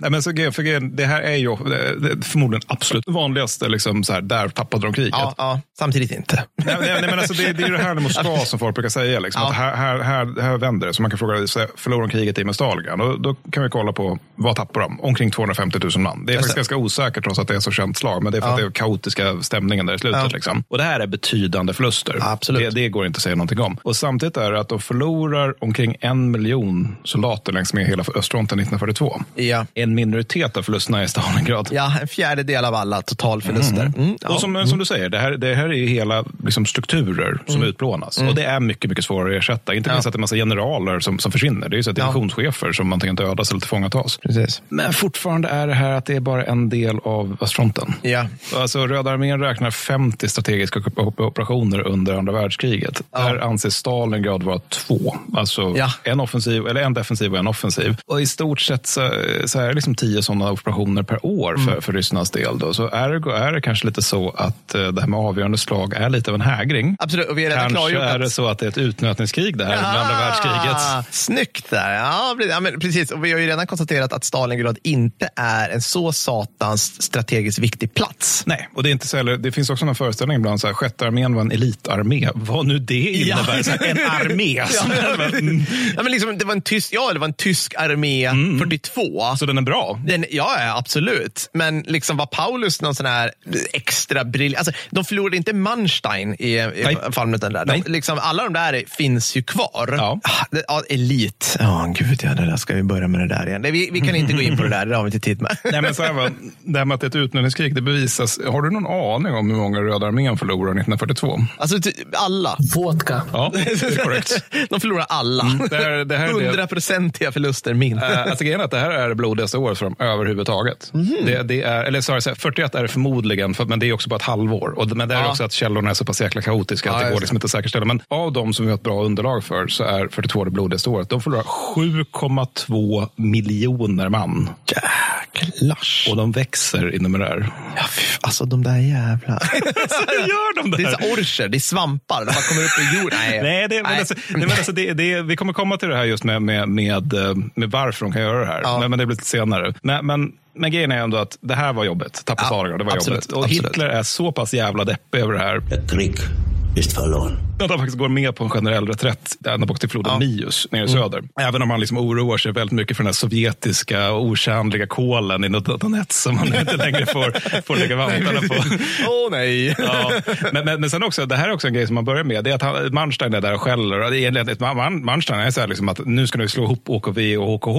Ja. så vi, vi ska göra det här. Det, ska under Det hade ju varit rationellt. Det hade varit rationellt. Och Ja, Manstein ja. är så här lite, och du kan göra det med mig som en bra general. Ja, så där. ja, ja. Men när Hitler sitter där och bara, det här var eventuellt mitt fel. Alltså att han faktiskt, för han säger det, att det här, är mitt fel. Och, och då, då blir Manstein så chockerad av det att han helt kommer av sig. Bara, Jaha, ja, men, eh, och det, är 39, så ja, men det, det är en bra idé. Liksom. Han börjar nästan trösta. Men då är det också det här med att, att, eh, att Hitler är ju som han är då, så att han har gått med på en reträtt, men han, han vill ändå att man ska, man ska vänta lite innan Ja. man börjar agera. Och det där kan Ja. vara en återkommande grej. Men, men, så, men så redan 6 februari så förklaras Charkiv som en fästning. Där- Ja, nu börjar, nu börjar fästningarna dyka upp här. Det här känns tryggt. Ja, är SS-generalen Paul Hauser bara, jag tar det här, jag ska hålla till siste man. Jag ska återkomma till vad som hände sen. Ja. Och det här också är tre aspekter som vi- belyses av den här incidenten. Då, det som kommer vara återkommande drag i Hitlers hashtag ledarskap. There's nobody bigger or better at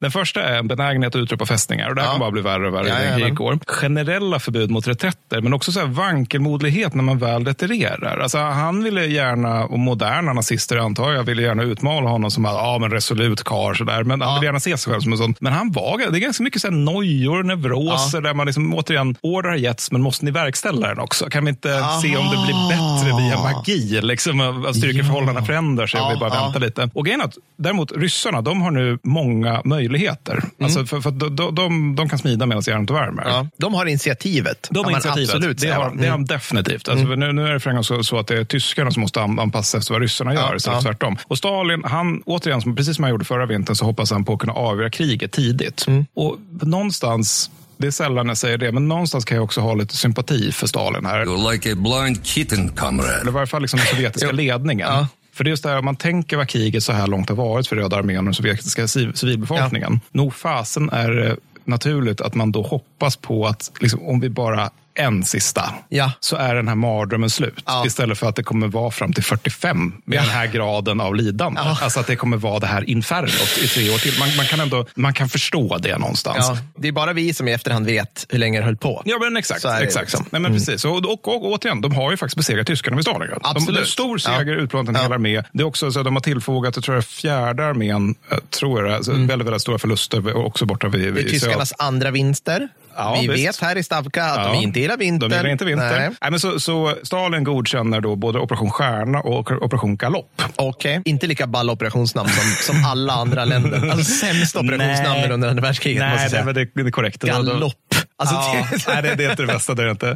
Nej, men målsättningen är då att man ska ta Charkiv och sen ska man utplåna stora tyska förband eller åtminstone tvinga dem att ge upp så mycket materiell så att våren blir ohållbar. Det är liksom Ja. tanken då. Och som alltid, de som ska göra det här sydväst, sydvästfronten, sydfronten och Borhonesfronten. Då, och som nu glömmer vi bort alla fronter. Ja, nej, men, det, men, men det är som hör till, man ska säga. Alltså, då anfaller då första februari 1943. Ja. Det man glömmer är alltså uppståndelsen. Och det, här, det här handlar i grund och botten om segeryra, tror jag. Alltså att man, man känner att nu har vi vindsegel. Och då glömmer vi samtidigt att vi vi har slut på ett, reserver, två, drivmedel, tre, ammunition.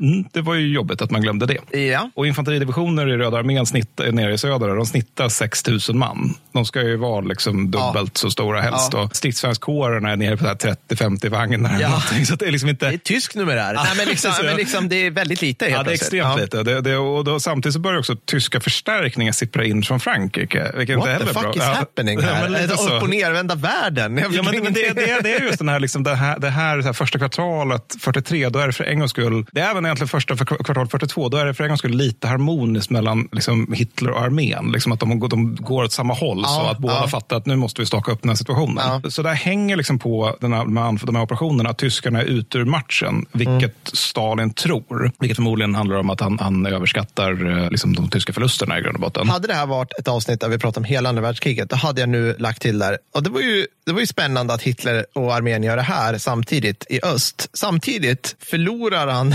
slaget om Atlanten definitivt. Strategiska bombningarna över Tyskland tar fart så här. Japp, japp. Och allting annat går åt helvete för honom. Exakt. Det är bara Ja. så roligt. Ja, Alltså jag, bara, mm. jag, jag skulle lägga Ja, in men det om vi hade så, tid. På så vis är det ja. dumt att vi, vi kör östfront som ett isolat. För att det, det, det förstärker nog den där tanken om att ryssarna tog det här själva, vilket Ja. de absolut inte gjorde. Nej, men vi, det, får, det får lyssnarna fixa. Ja, man, man får ta det. Man får ta det. Nej, men, men så, som vanligt då, det är liksom totalt 515 000 sovjetiska soldater. Det är 815 stridsvagnar mot kanske hälften så många tyskar och kanske en åttondel så många stridsvagnar. Och stjärna, Operation Stjärna går mot Charkiv och Operation Galopp går liksom längre söderut. Där då. Och som sagt, det här är liksom ett mönster för Stalin i tidiga kriget. Att man liksom, man vill, ja, han vill avgöra så snabbt han kan och då är det för att han underskattar den tyska styrkan. Men problemet är att han underblåses lite grann i de här tant- eh, tankarna av en väldigt övertänd Vatutin. Som är, han vill liksom... Vatutin? Förlåt. Nej, men alltså, ett roligt Ja, men namn. han, men han framhålls så ofta som en av de bättre sovjetiska generaler och han är ju det på så vis att han liksom har många bra idéer och så där, men han har en tendens också att vara lite överambitiös. Ja, liksom. ja. Och nu, nu är det verkligen ett sånt läge för att han vill liksom inringa alla tyskar i sydöstra Ukraina efter Charkov. Det är liksom, Ja. du, jättestor ficka här. Ja. Och Stalin han bara, jag gillar din energi. My son. Positiv, kör hårt mad bastard. Vatutin, Nu my! Putin. Broom, broom, motherfuckers. ja, precis. Nej, men så det som följer är naturligtvis så här, mardrömslikt långsamt Ja, ja. tröskande fram, framryckning. Då. Där, liksom, Operation Galopp behöver vi inte ens beskriva för det fastnar bara i så här massa småbyar och småstäder i Ja. Ukraina. Jag har läst liksom, om det här jävla uh, operationen. Det är bara, vi kom till en by, det var 50 tyskar, vi förlorade 500 man. Vi kom till nästa by, det var 13 tyskar. Alltså, de liksom bara, det, det hamnar där. Liksom. Men uh, istället så kommer vi då till, till Operation Stjärna, då, vilket också sen blir muterat till tredje slaget vid Charkiv. Och då är det att vid Charkiv, där finns det nu jättemånga sovjetiska soldater. Ja, hashtag fästning. Hashtag fästning och Paul Hauser då, återigen SS-generalen Ja. som sa vi håller över Ja. sista man. Ja. Han tittar på dem och bara nope! evakuerar liksom. Nej. Jo, jo, han bara aldrig helvete. Och det är också lite lustigt för att alltså, Hauser, han, han är nog den enda SS-generalen som faktiskt är riktigt bra. Ah, Men det är också att han har genomgått arméns utbildning. De, andra. de andra är så här mer så här liksom bar, barfyllon som man liksom fått lära sig på jobbet. Medan Hauser han kommer faktiskt från armén. Ja. Men det gör också att han är liksom lite mer rationell än de här som liksom bara heilar sig genom hela Ja, kriget. Liksom. Även han är ju i högsta grad nazist också, inte så. Men, det, men, men så han, i 19 februari så evakuerar han då på eget initiativ mot Hitlers uttryckliga order. Charkiv, för att han bara, "Nej, vi kan, vi kan inte vara kvar här. Nej. Och då är det då att tidigare då så har Manstein fått bas över armégrupp Dawn. Ja. Och eh, nu slår man ihop det med armégrupp B och delar av armégrupp A. så att vi äntligen kan komma ifrån de här jävla armégrupperna. Så att vi återigen har armégrupp Syd igen. Ja, och det, är- det. Ja, visst känns det tryggt. Armégrupp A finns med fortfarande. Då, men, och, men nu är nu måste vi vara, om vi tänker oss kartan, nu är ju armégrupp Syds högra flank förankrad i Svarta havet igen, va Mattis? Inte väl, liksom där, neråt. där är Aga, liksom. de, de, de är lite längre söderut. Och sen så...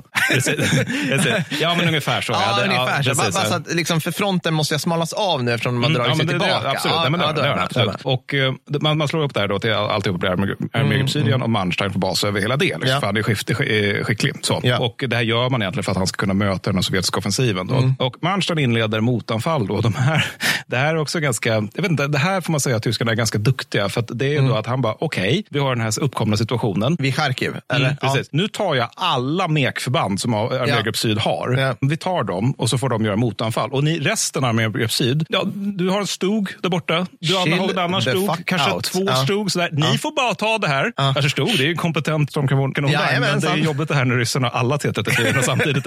Och, menar, och, och, så, och sen så börjar han köra då, tuta och köra. Och ryssarna de tolkar det här tyska anfallet då som, alltså, okej men de anfaller, men vi har ju vunnit kriget nu så det måste vara ett motanfall innan de genomför en till reträtt. Varför ryssarna bara, vi anfaller djupare in i vad som kommer bli en säck.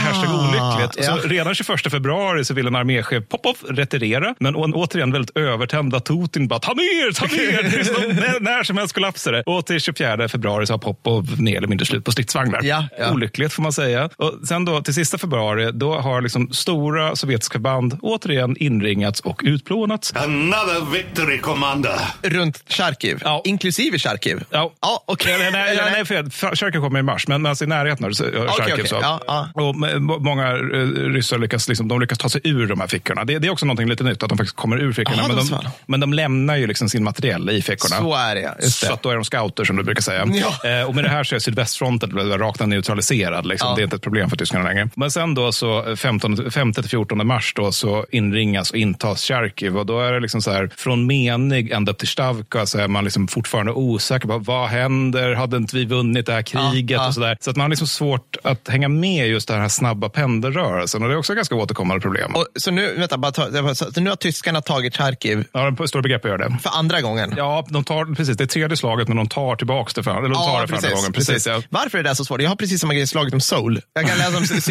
om Koreakriget hur många gånger som vänta, vem tog, i vilken år? och drar en pil så för att jag ska fatta. Så min Nalle Puh-hjärna Ja, men i alla fall skriker. jag liksom. tänker jag säga att andra, andra slaget om Charkiv, där tar ju inte ryssarna Charkiv. Jaha, de tar in. Inte, inte i andra slaget, men i tredje. Vänta tag nu. Okej, tyskarna anfaller västerifrån. Ja. Från början. Mm. Då tar de Charkiv, första slaget i Charkiv. Ja. Sen tar ryssarna tillbaka det, andra slaget. Nej, de, de misslyckas med att ta det andra Ja, men slaget. det är ett slag? Ja, det är ett slag. Ja, okej. Det var det där när det var två, ett av de här två arméer blev inringade och utplånade ryssarna anföll. Aha. Sen tredje slaget evakuerar tyskarna Charkiv. Aha, okej. Och sen så tar de tillbaka det nu då i mars. Ja, Ja, jag vet. Det är rörigt där. Det, det, det är inte konstigt att det här manuset blev långt om jag säger så. Ja, men i alla fall så, och Waffen-SS, de är så här, vår general övergav den här staden, Ja, vår ja. ära kräver Ja, att vi tar nej. tillbaka den för att vandra i Pyrens gust- gunsten. Och Manstein bara, sluta, vi ska inringa staden, inte gå in i den här dumma jävlar. vi har liksom testat det på här dem. förut vid Stalingrad. Vad var det för in någonting? ja, nej, men så det som följer, det, det, det slaget är så här, 86 000 sovjetiska förluster kring, kring och i, i Charkiv Mm. kontra 11 000 tyska. Det, det är liksom en av de sista stora, verkligt framgångsrika tyska operationerna som Ja. är framgångsrika. Och här någonstans är fronten, det är liksom en stor utbuktning mellan Orel och Charkov slash Belgorod. Ja. Och den här kallas Kurskbågen. Yes. Nu vet alla var vi börjar när det var så här- Killmyset Ja, börjar. killmyset börjar. Kan vi få höra lite larmfötter och bandaggregat, Fredrik?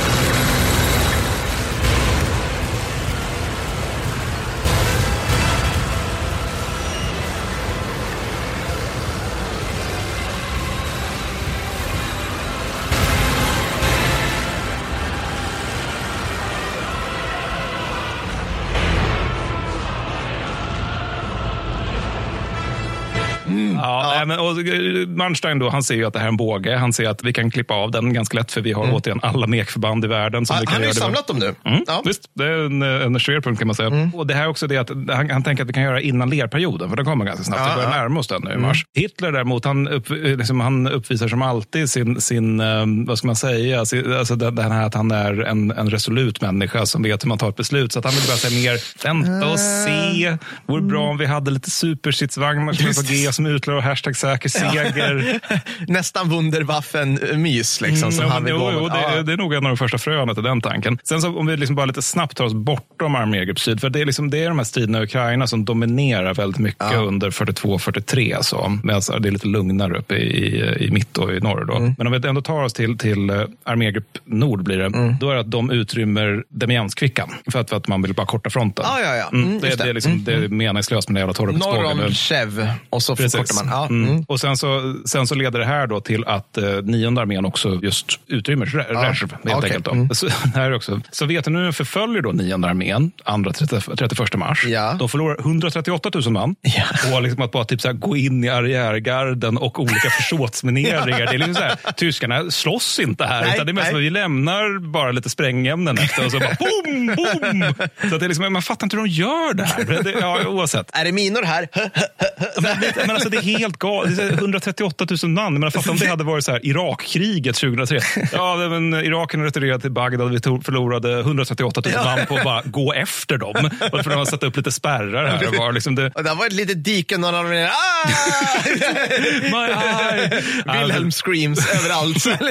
ja, men alltså, det, det, är just det, det är ju så parodisk mängd. Ah, ja, skitsamma. Ja, men, så resultatet av att man utrymmer Rezh efter väldigt mycket mm. omvänd, det är att 20 eh, tyska divisioner friställs och, eh, som reserv och mm. att man kortar fronten. Det är nice, 20 mil. för dem. Ja, ja visst. Men alltså, så det, det, är ett bra exempel bara för en bra idé att inte ha de här stora utbuktningarna i fronten för att, Adde har lite, eller för att Hitler har lite feeling. Mm. Liksom. Men, men sen nu kommer vi till vad som är egentligen den lugna perioden. Mm. Att det här är andra kvartalet 43, det är den lugnaste perioden under hela kriget. Ja. Och, och för våren präglas av att båda sidor intar en slags efter er-inställning. Alltså, kan, ja, kan, efter er, ja, vi jämför först, det var lite artigt ja, ja. Medan man framförallt återhämtar sig och bygger upp. Ja. Och, och eh, för att liksom stryka under hur alltså, lugnt inom stora citationstecken ja, det här är, så är liksom att under andra kvartalet 43 så tappar då tyskarna 43 110 man. Mm. Det är ingenting östfrontsmått. Vilket om man jämför med första kvartalet där de tappar 498 000 man. Ja. Det är lite mer. Det är, det är lite mer. tecken på intensiv stridsperiod. Så. Mm. Ryssarna de tappar under andra kvartalet 43 682 000 man. Ja, men ett som då igen där. Mm, ja. Ett som. Men, men det, det, är också den lugna, lugnaste perioden på hela östfronten.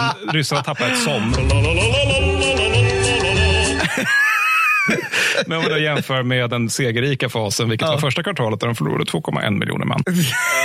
och det är nu, alltså, tyskarna de har ju tidigare haft den här inställningen om ryssarna att vi kommer ta de 41, vi behöver inte oroa oss för, för de 42, men nu jävlar 43. Ja. Nu tar vi det här på allvar. Ja, mm, nu jävlar, mm, nu satsar vi. Vi skruvar upp vår industriproduktion en procent till. lite så, lite så. Så man stärker upp östfronten så man nu har 3,1 miljoner man. Wow! plus 3500 stridsvagnar.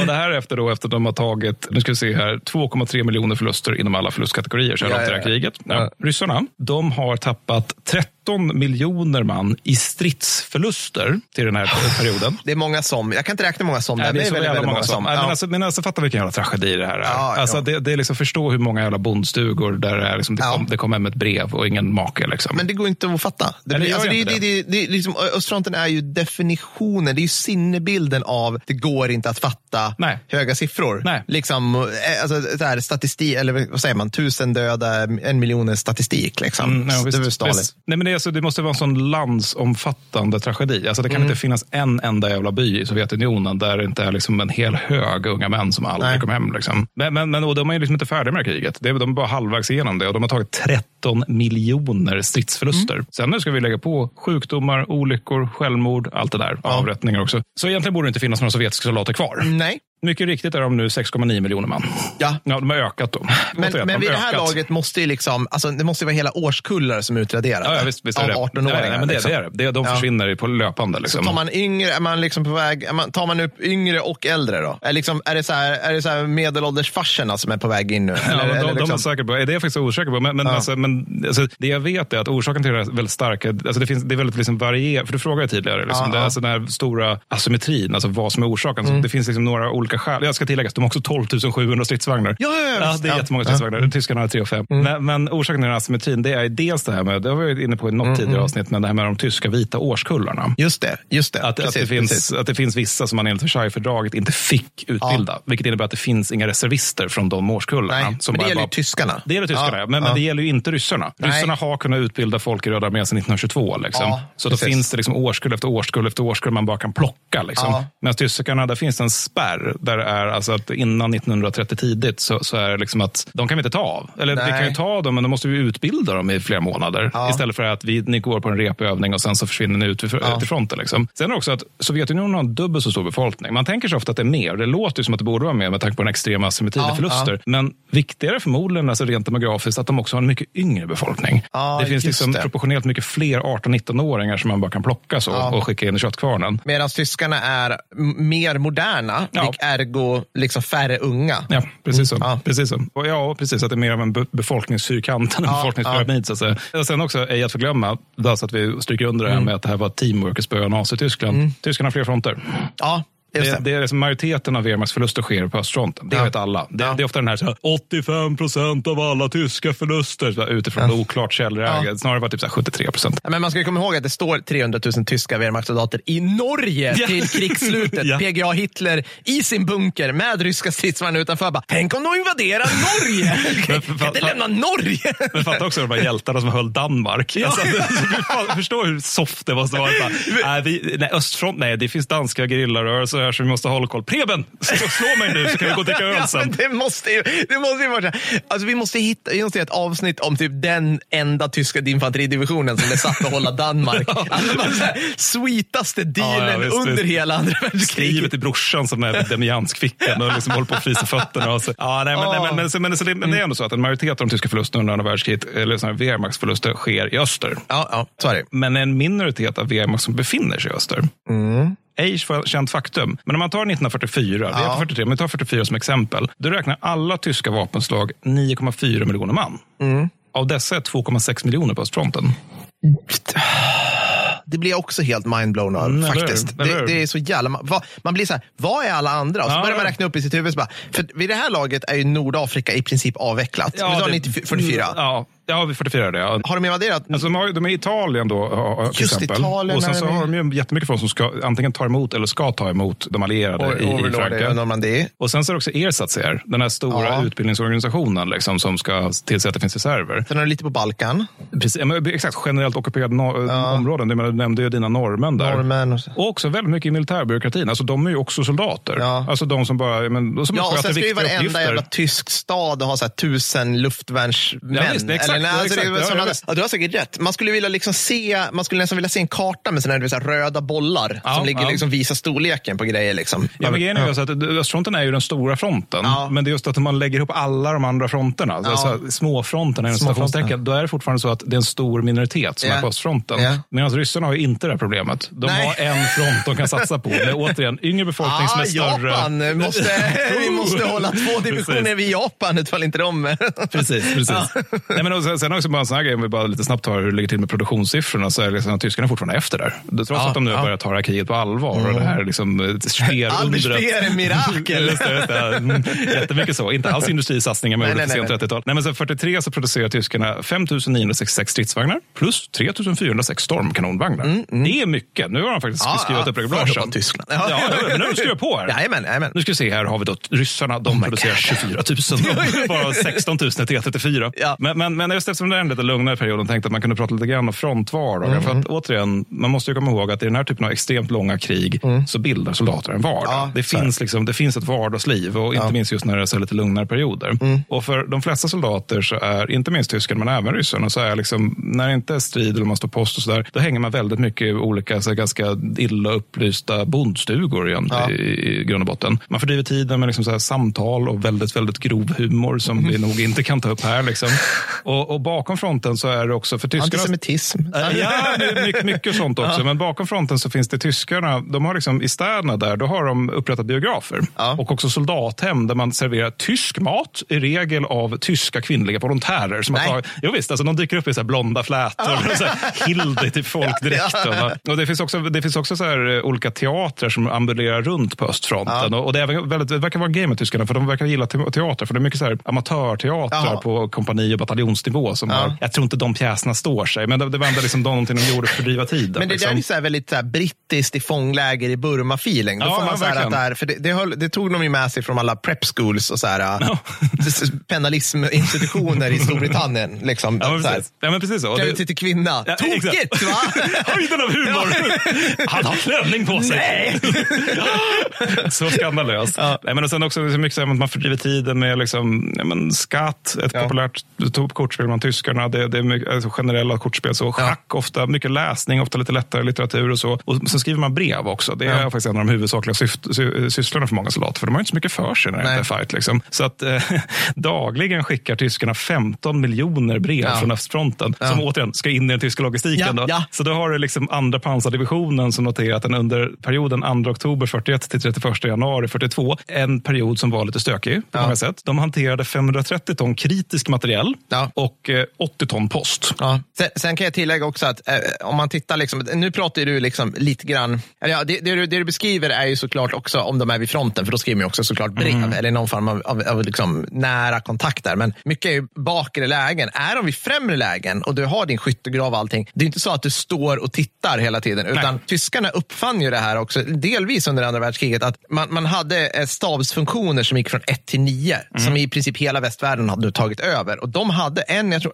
om det är fjärde funktionen eller mm. något sånt där i den, är just liksom i princip så här översatt till håll soldater igång. Ja, Training kallade vi det. Liksom. Ja, jag tror det kan vara att de inte bara fuckar runt. Ja, men fuckar runt. Så att, det är, bland annat är det så här, du ska ha ett rätt tajt dagsschema mm. för menige Hagelin, Hagelini, nej, vad blir det på tyska? Friedrich och Mattich. Ja, så här, ska man ha, så ni har liksom scheman. Mm. Då är det liksom revel, köp, och sen är det gymnastik, köp, och sen ska ni, okej, okay, du är GG-skytt och du är KSP-skytt. Mm. Nu går ni, du går till hans skola, han går till din. Så, nu kan ni de här vapnen. Ja, nu, mm. är det, nu är det lunch och sen är det lektion i, fan vet jag, skriva. Alltså, du vet, där. Mm. Alltså, så man, höll, man hade rätt ordentliga scheman, för man visste ju i det här laget redan att lex soldater fuckar runt avsnittet. att så här, uttråkade soldater fuck shit up. Ja, visst. Liksom. Och, om de dessutom är så här, liksom, beväpnade och på östfronten ja. så kan det få förödande konsekvenser. Ja, precis. Liksom. Nej, men precis. Men, men, men sen också i bakläge så det är ju där beredskapen ja, sker. Ja. Men samtidigt också, det är väldigt viktigt för moralen. Att, oh, ja, alltså, för det där är också en prioriterad grej för, för, i många förband. Eller nästan hela armén tror jag. Att liksom, postgången ska fungera. För man vet, man vet att om de får de där breven från där hemma så kommer de bli glada. Liksom. De kommer ha lättare att stå ut med det här eländeskriget. Liksom. för de håller på att bli bombade till smulor nu av britterna och amerikanerna. Precis, och det stärker, stärker faktiskt kampviljan mm. i många fall. Men så något annat som är uppskattat är ju sång och musik. Ja. Naturligtvis. Mm. Och, och, då är det liksom... Alltså, Inte jazz. ah, det är ju det. Alltså, jazz ansåg man vara eh, svart musik, för att uttrycka det diplomatiskt. Ja. Ja. Så då var man tvungen, efter ett tag, då, som det ändå var så här att tysk ungdom gillade jazz, då var man tvungen då att uppfinna vad man kallade för tysk jazz. Aha. Efter en väldigt eh, livlig debatt inom partiet. Så det här spelas på radio. Det är, liksom, det är, det är jazz på ja. tyska. Liksom. Det, men, men sen också, den här och det här är egentligen, det här är, det här är liksom oberoende om du är sovjetisk soldat eller tysk i grund och botten. Men det, det är liksom att hygienen är väldigt, väldigt svår att, att upprätthålla ja. i grund och botten. Alltså att eh, alla har löss. Varför ja. är det liksom väldigt vanligt tidsfördriv på kvällarna? Det är att man har lusjakt i grund och mm. botten. Mm. Och så loppor, fästingar, alla sådana mm. obehagliga smådjur är vanliga. Och problemet är ju då att löss leder ju till tyfus. Mm. Och det är först 42 som tyskarna har liksom avlusningspuder och mobila avlusningsstationer ja. och sånt där. Så att man har alltså faktiska tyfusutbrott och även kolera och dysenteri. Ja. Lyssna gärna på våra bajsvatten-avsnitt. Avsnitt 70. Sen, sen en annan grej, så här, så här små saker i vardagen som jag tänker skulle vara så här jävla jobbiga att leva med. Det är ju just det att man har brist på tandkräm, tandborste. Ja. Alltså bara fatt, tänk själv. Toapapper. Nej, ja, jag menar, nej, men absolut, absolut ja. toapapper också. Och, jag menar så brevpapper och all, all, liksom, all, allt sånt här som inte rakblad för den delen. Ja, just det. Det är, ganska, det är, ofta, det är nog därför som ganska många bilder på tysk trupp på östfronten är just att de är ganska skäggstubbiga. Så där. Ja, det. det är svårt att fixa det där. Helt Så ska man inte se ut enligt propagandan. nej, men det är ju det, liksom, allt det här är saker som är svårt att plundra sig till. Ja. Och det gör att det liksom, ja. Det är inte det man prioriterar. Det är så här, sprit och mat, rakblad. precis. precis. men sen man vänder sig till ryssarna, då, då är det liksom att de har vid det här laget gott om vapen, men däremot brist på vitaminer. Liksom. Varför ah. de har så här, hemorrojder, tandvärk, ögoninflammationer, skörbjugg, allt ah. sånt där. Det är, liksom bara, det är bara en del av vardagen för ja, Röda armén. Ja. PTSD, det erkänns inte varför det översätts till självmord, olyckor och straffbataljon. Ja, så, så skötte man det. Mm, yes, yes. Och även ryssarna, de, de, de, gillade, de tyckte väldigt mycket om just sång och poesi. Det var någonting de fördrev tiden med, väldigt mm. mycket att liksom sjunga och, och uh, dikta för varandra. Och uh, den mest kända sången är ju om lilla Katja som väntar trofast hemma på gården, i vanliga fall i sången. Och den sången, Katusha, den var så vacker att tyskarna kom över och frågade om texten. men, men eh, NKVD då, de, de, är också så här, oh, de diktar, det, det känns bra, rimligt. Ja, liksom. ja. Det, det, känns liksom anständigt, ja, bra, fint. Så. Platonskt kommunistideal som mm, vi pratade om. Det var, jo, men precis. Att de, mm. de, de, samlade ihop de dikter som var anständiga mm. och tystade ner de flesta för att de inte var det. och sen så liksom gav man ut de här i konvolut som var uppbyggliga och liksom karaktärsdanande på olika sätt. Och sen har jag faktiskt två, två små kortavsnitt här som handlar om sexualitet. Spännande. Ja, ja, jag tänkte att det kunde vara kul. Ja. Eh, eller intressant om inte annat. Ja. För att alltså, och det är också lite uppdelat för att det, det, vi har liksom den tyska, tyska, sexualiteten och den sovjetiska sexualiteten som, som uttrycks på lite olika sätt. Ja. Liksom. För att alltså, ett vanligt tidsfördriv om vi börjar med tyskarna, det är ju helt enkelt onani. Ja. Man har ingenting att göra, man sitter, ja. och, man sitter och tajar lite helt ja. enkelt. Och dessutom är det det här med att de har ju ganska riklig tillgång till fransk porr, vilket de här kyska rödarmisterna gör ett stort nummer Åh herregud, depraverade! och sen är det också att alltså, homosexualitet är ju någonting som förekommer inom tyska armén. Ja. Antingen på grund av kärlek eller också på grund av att det är praktiskt. Liksom, att det, man, man, man, behöver närhet. Sa du röda armén nu? Nej, tyska armén. Tyska, ah, förlåt. Ah, mm. Röda armén vet jag inte, men det måste jag ha gjort det också. Och i SF, SS är det ju naturligtvis dödsstraff på det här, för att SS är galna. När armén är man sådär lite mer att vi sköter det här lite snyggt. Don't inom... show, don't tell. Ja, men lite så, men då, de är liksom, Vi kommer inte avrätta någon för alltså, Vi sköter det lite snyggt inom förbandet. Det är, det är faktiskt först våren 43 som det här så kallade brottet då leder till koncentrationsläger inom ja, armén naturligtvis. Men innan det är det mer så liksom att man bara men, sköter bara lite snyggt. Så. Ja. Gå inte runt indräpt i en prideflagga. Nej, alltså, nej, men, precis, så här, precis. Det, liksom. nej. nej. men, nej, precis. Och, och, det förekommer också kärlek, vilket också är lite jag vet inte, förvånande och rörande på samma gång. Alltså, det förekommer faktiskt kärlek mellan tyska soldater och sovjetiska civila.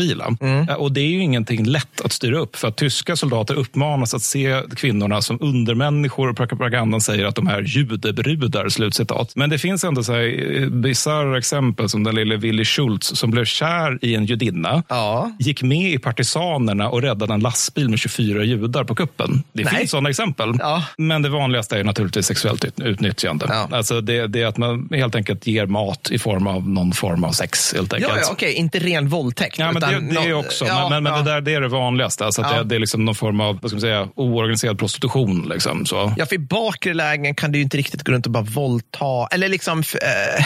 Nej, men alltså det, det förekommer också, absolut. För att det här är ju en laglös zon, östfronten. Alltså totalt så fälls 5300 tyska soldater under hela kriget för, på östfronten för våldtäkt. Ja. Men det är naturligtvis avsvärt fler våldtäkter. Ja. Men jag menar, tyskarna var ändå, var ändå mån. Jag, försöker, jag ska inte förklara, försvara mig. Men jag inbillar mig liksom att i och med att de hade fält bordeller under VK1, alltså förstår du, att mm. det fanns en viss uppstyrdhet. Ja, men det kommer till dem också. Ja. Men, men, mm. det blir ju alltid som alltid med östfronten mycket mörkare. Ja, ja, ja såklart. Ja, jag glömde men, det. Men just när det gäller våldtäkter så är det liksom att ur tyskt rättssystems perspektiv så var liksom sovjetiska kvinnor både heders och rättslösa. Ja. Så varför, brottet är egentligen mot den tyska arméns heder snarare än kvinnan. Mm. Så så sjuka var de. Ja. Men, men man har, man har fält bordeller under det här kriget också. Mm. 500 stycken med ungefär 50 000 kvinnor i. Ja. Och det här är framförallt för att få bukt med veneriska sjukdomar. Då. Och väldigt många av de här kvinnorna är naturligtvis slavar. Ja. Så det är ja. sexslaveri i grund och botten. Sen när det gäller den sovjetiska sexualiteten, det, det, är liksom, det är lite annorlunda eftersom Sovjetunionen ju faktiskt har kvinnliga soldater. Ja, just det. Mm. Och, och, och, vi kommer ha mer om dem senare. Men, mm. men det, liksom... det finns ju en kärlekshistoria där i, i heter Gates, va? Gör det inte mm, det? Ja, visst. Och, men, och det finns också,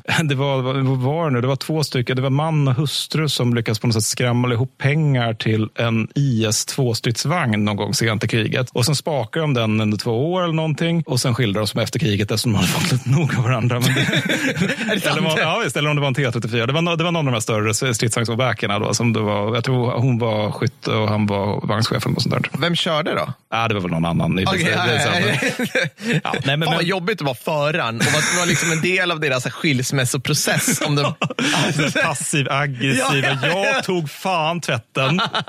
Du säger alltid sånt här. Alltid sånt här. Uh, vi har, vi har, vi har pass i tre där. Tyst! Vi pratar. Panter! precis. Även just när det gäller de här kvinnliga soldaterna så liksom sexuella trakasserier, det är vanligt. Våldtäkt ja, talar man inte om och kärlek förekommer. Mm. Och det, de har också till och med ett begrepp då som är PPSH, eller PPZH, som okay. är efter k-pisten PPSH. Ja, eller hur? Jag tyckte, ja, PPZH, vad är det då? Ja, det är ju fältfruarna då. Och det här är ganska vanligt liksom, från kompaniofficerare och uppåt. Det är ja. att man har någon så här tjej som är signalist eller någonting och då har man liksom, alltså man kallar det för fältfruar men det är mer, mer som så här beständiga flickvänner. Ja. Och det är alltså Tjukov har en till exempel och han får också 45, då har han liksom där hårdför pansargeneralen Katukov. Katukov. Ja. Katukov han hänger så mycket med sin fältfru att han får, Tjukov får bara säga, nu får hon gå, du kan inte sköta dina uppgifter. Liksom.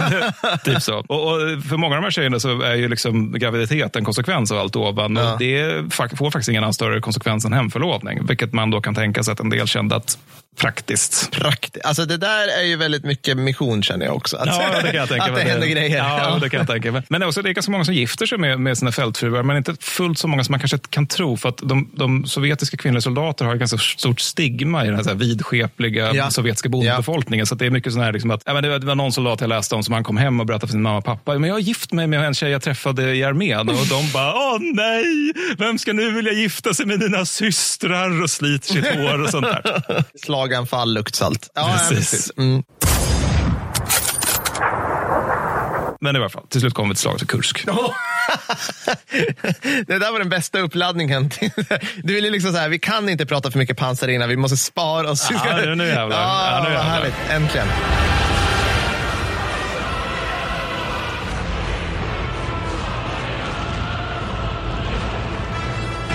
Men så här, va? Det här är ju världshistoriens största pansarslag. Jajamän, det finns de som har försökt utnämna, jag tror det är något vid Brode i 41 eller något sånt där, till en utmanare, men det är Kursk. Så. Mm. mm. Och det, men det är samtidigt slags två slag i slaget. För i norr där har du ett artillerislag i grund och botten, där mm. nionde armén anfaller och i söder så ett pansarslag, där fjärde pansararmén anfaller tillsammans med arméavdelning Kempf. Kempf. Kempf. Och de som håller är då Central, Vorchones och Steppfronten under Rozjkovskij, Vatutin och Konjev. Ja. Så det är liksom, de har satt ihop bra generaler här ja. för att hålla det hela. Nu är Roskovski ute på fältet, för mm. han var väl stabschef förut. Och nionde armén är tillbaka. Nionde armén är tillbaka. Mm, det. Det, är det fortfarande Model? Ja, det är Model. Ja. De, de, mm. han, han, är kvar ganska länge där. Ja. Och steppfronten då, de är tänkta som en, en reserv då ja. egentligen. De ska liksom kunna vara motanfall ifall ja. det händer någonting. Då. Och det grejen är att de har ju fått så jäkla mycket tid på sig, ryssarna, att bulla upp här, så att de ja. har gjort det också. Det är alltså, I söder så är det först tre linjer av, av försvar. Då. Alltså tre linjer av död som är liksom på 40 kilometers djup. Efter det så är det ytterligare befästa bemannade linjer om 60 kilometer. Så det är ett sanslöst djup på det här försvaret. De har alltså drivit ut 300 000 civila som får hjälpa till med att bland annat gräva 4 240 kilometer ja. skyttegravar. Ja. Och man lägger, slänger ut ungefär en miljon minor också för säkerhets skull. Då. Och tyskarna då, de, de, det här är ju deras sista stora strategiska offensiv och till den har de bullat upp ja, men 770 000 man, 777 000 man, mm. 2451 stridsvagnar mm. och eh, stormkanonvagnar. Mm. Varav några är Tiger. Och sådär. Ja, några är Tiger också. Men ja. i den här siffran ingår även liksom Marder och Panzer 2. Ja, ja. Och sen har de även 7500 artilleripjäser och granatkastare. Ja. Ryssarna möter detta med 1,9 miljoner man. Of course they do. Mm. Ja. 5128 stridsvagnar. Ja, ja. Och ska vi se, 31 000 artilleripjäser och granatkastare. Det är jättemånga. Jätte, jättemånga. Och det är, i det här också ganska många äh, spännande fordonstyper. Alltså, Tyskarna de sätter ju in äh, Panther för första mm, gången. Mm, 200 mm. stycken till och med. Man har svinstora förhoppningar på den här. Mm. Det blir en svinstor för, besvikelse Jajamän. inledningsvis. Bland annat på grund av läckande bränsleslangar som gör så att blir det en penetration i den här jäveln, då har vi den här sörjan med liksom drivmedel ja. som är på golvet i vagnen. Ja. ja det blir en total förlust då. Ja. Och sen blir den här betydligt bättre senare under kriget, men det är fortfarande så här liksom att besättningarna säger typ fram till 45 att jag känner fan lukten av drivmedel här inne. Det är liksom något som inte stämmer i den här vagnen. Och sen har man också, som du nämnde, 146, 146 tigrar. Mm. Plus att man, också, man har, liksom, man har kvar de här alltså, till exempel Panzer 4, men man håller på att modda den väldigt mycket. Så att nu har man Panzer 4G då, ja, som har lång kanon då, som kan bekämpa T34 på en kilometers avstånd. Ja, bra. bra. Man har också Strug 3 med 7,5 som är långa. Och sen har man 89 stycken av den supertunga Ferdinand-vagnen. Och jag tror man byggde 90, så att man, det, det är, man sätter in de man har. Vi sparar en. Samlar man de här, framförallt kanske tigrarna i förband Yep, som liksom yep, är slagna? Ja. Yes. Mm, och mm, eh, även eh, Ferdinand-vagnarna. De, de finns bara i norr. Enligt eh, David M. Glans och vår BMW Prokhorovka, vilket är söder. Vilket är söder. Vilket de inte var. Men vi kan var. skita i det. Prokhorovka för övrigt, det är ju liksom hipsterpratet i det här Mm. med Kursk, ska vi säga också. Eller? Nå, Är det inte det? Är det mera känt? Jag, jag, jag inbillar mig att vi pratar mest Prokhorovka när vi har snackat. Ja, ja, men precis. Ja, jo, men, jo, men, alltså, det, men det är ju på något sätt att det är kulmen på slaget. Men vi kommer Ah, till, vi kommer okej. till Prokhorovka. Ja, mm. Men och, och, ryssarna, de, de, de, är liksom lite, de är ju liksom mer rationella när det gäller med så här, mängden vagnstyper Mm. man kan producera. Liksom. Så att de, har liksom, de har framförallt T34, det är liksom två tredjedelar av de vagnar Ja. Eller det är T34 76, alltså den med det. 7,6 cm kanon. Och sen så den näst vanligaste vagnstypen är T70, vilket är liksom en lätt smidig liten Ja. jävel. Som. Men de har också en del Lend-Lease-vagnar och sen så har de också Su-122 och Su-152. Ja, de har börjat... Di- oh, Ja. Och vet du vad de här siffrorna står för? Det är kaliber. Det är kalibern. Ja. Så att Su-152, den tycker jag är skön. Ja. För då har man tagit en 15,2 Ja, centimeters ja. kanon och så har man bara liksom dunkat på det på ett Ja. KV-chassi. tryckt in den i ett torn Ja. som ser helt weird Ja, ut. Eh, Och sen så granaterna väger alltså 50 kilo Ja. styck. Ja. Så det är en jävligt stark arbetare Ja. och soldat som får använda dem. Och de här grejerna, de kan slå ut en tiger på en kilometers avstånd. Men det gör de alltså via rent tryck. Ja, Alltså. Det är så oerhört tunga grejer där, men så oerhört stor, stora. Så det, Det är typ så att de bär fyra granater, de tar tror jag, tre minuter att ladda om. Eller, men det är liksom helt Mm. Jag vet, och det är också så här, varje gång man skjuter med dem så är det så enormt, det är som en, en orkan av damm som Ja. stiger upp, så det är väldigt att se vart de är i terrängen också. Men, nej, men, men samtidigt är det så också att kurs kommer visa att T3476 är ålderstigen redan nu. Mm, så att, så att det, det är också ett av, ett av skälen till att T3485 kommer att komma till våren 44. Ja. Och det, det jag tror egentligen det är 85 man många tänker på när de tänker på T34 som krigets bästa vagn. För Ja. den, den här är var- alltså, markant bättre. Mm. För nu har ju ryssarna, alltså, de är inte i den här liksom, de kommer mörda oss alla situationen längre. Nej. Utan de är liksom, vi har ändå lite tid att utveckla nya grejer. Ja. Så 85 man har liksom, det, det är liksom en T34, men den är, liksom, den är bekvämare för besättningen. Ja. Liksom, Fyra man. Ja, och Mm. det, det också låter chefen vara chef. Ja. Det är inte det här med att han... Ja, vet, Också ska sköta kanonen. Ja, precis, dra igång kaffemaskinen och Precis. så vidare. Och den har också en kraft, kraftfullare pjäs, vilket Ja. inte är så dumt det heller. Radio kanske? Ja, ja, men det den, ja, absolut. Men i alla fall, natten den 4-5 juli så inledde Sovjetunionen slaget, snarare än tyskarna, med ett massivt artilleribombardemang som ska störa tyskarna. Det här beskrivs i sovjetisk historieskrivning som en hisnande framgång. Tyska rapporter beskriver det som en citat lugn natt.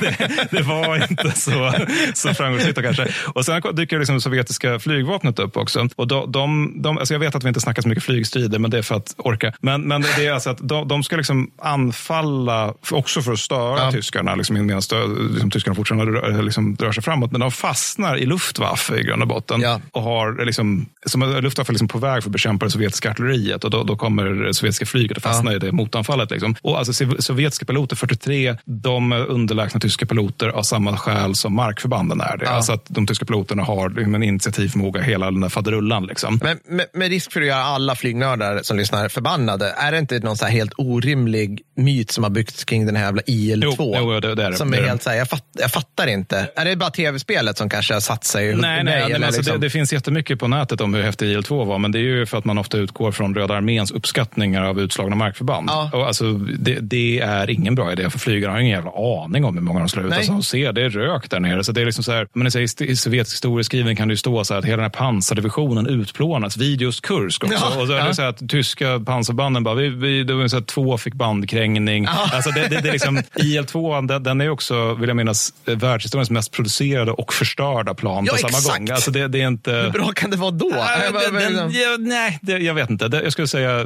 den, den hör till lite mer överskattad. Ja. Alltså, den, den är bra så att den är bra på att störa, men, men det är ju så, precis som med, med allierat flyg i Normandie. Alltså, Mm. De är också väldigt bra på att störa, men att, på att förstöra, då vill man snarare ha markförband och artilleri. Liksom så. Eller ja, i Normandie även sjö, sjöartilleri. Då. Men norra, norra sektorn av Kursk, det blir ett slags gemensamt clusterfuck i grund och botten.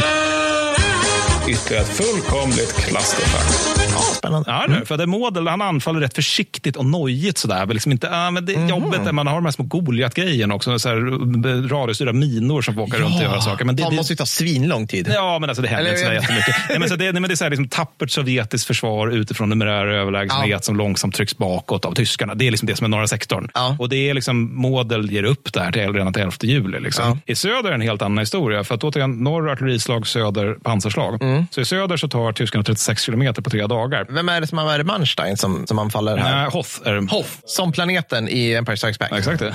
Precis. Där fick jag in en populärkulturell referens. Fredrik ser nöjd ut. Eller i alla fall, det är han som är operativ chef. Men sen så är väl Manstein den som är chef, chef för styrkorna i söder. Ja, ja. Nej, men så, så tyskarna tar 36 kilometer då som sagt och är, liksom, har brutit sig igenom den tredje linjen av sovjetiska ja, ja. Eh, försvaret. Då, eller står i begrepp att göra det. Och första och andra SS-grenadjärdivisionerna möter då femte gardestridsvagnsarmén vid Prochorovka den 12 juli där man försöker hejda ty, äh, tyskarna. Då. Gardes vet man är bra. Då, ja, då, då ja. påstås de vara duktiga. Ja, ja det kan ja. komma lite till Gardes förband också. Men, men, och det, det, finns någon ganska suggestiv beskrivning av det där med hur det är några SS-pansarsoldater som sitter i sin, sin vagn liksom, ja. och äter frukost. Liksom. Och sen så är det en av dem som tittar ut över, över liksom, fälten framför dem. Och då ser han helt plötsligt hur det bara liksom börjar stiga upp alltså, violett rök från pansargrenadjärerna som ligger framför vagnarna, ja. långt framför. Ja. Och då så hinner han tänka, violett betyder pansarvarning och sen så låter det bara och sen kommer gardestridsvagnsarmén. Ja. För ryssarna kommer här med 860 jävla stridsvagnar ja. och stormkanonvagnar. Ja. Och tyska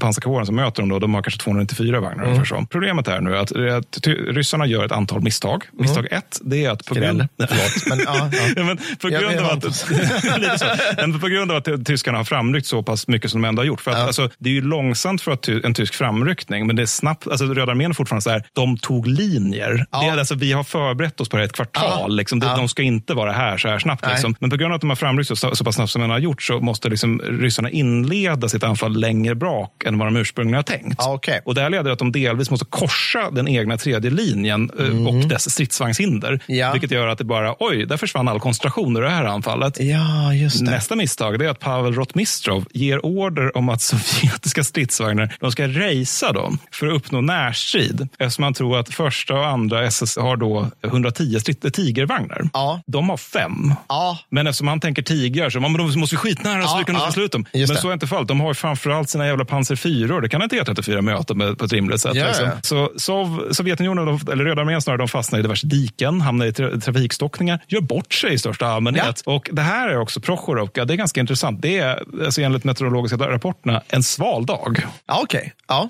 Veteranerna minns den som varm. Ja. Och jag hittade ett citat här som, från en kvinnlig sovjetisk soldat som var med vid Prokhorovka. Och hon beskriver då hur, citat, jag trodde inte att jorden kunde spricka, men allting sprack, allting röt. Hela världen tycktes vara i gungning. Närstrid är inte för människor. Männen slår, kör sina bajonetter i magar, magar, ögon, stryper varandra, ylande, ropstönande. Det är något förfärligt till och med för att vara krig. Slutcitat. Alltså det finns sovjetiska skildringar av det här som man nog ska ta en nypa salt, men som beskriver luften fattar eld. Alltså att ja. jorden rämnar. Att vi är liksom ja. i, i uppenbarelseboken det är ja. där snarare än ett modernt krig. Då. Men till den 12, den 12 juli så är det också så att samtliga sovjetiska motanfall förintas. Alltså Rotmistrov han förlorar 334 jävla utslagna stridsvagnar. Yep. Mm.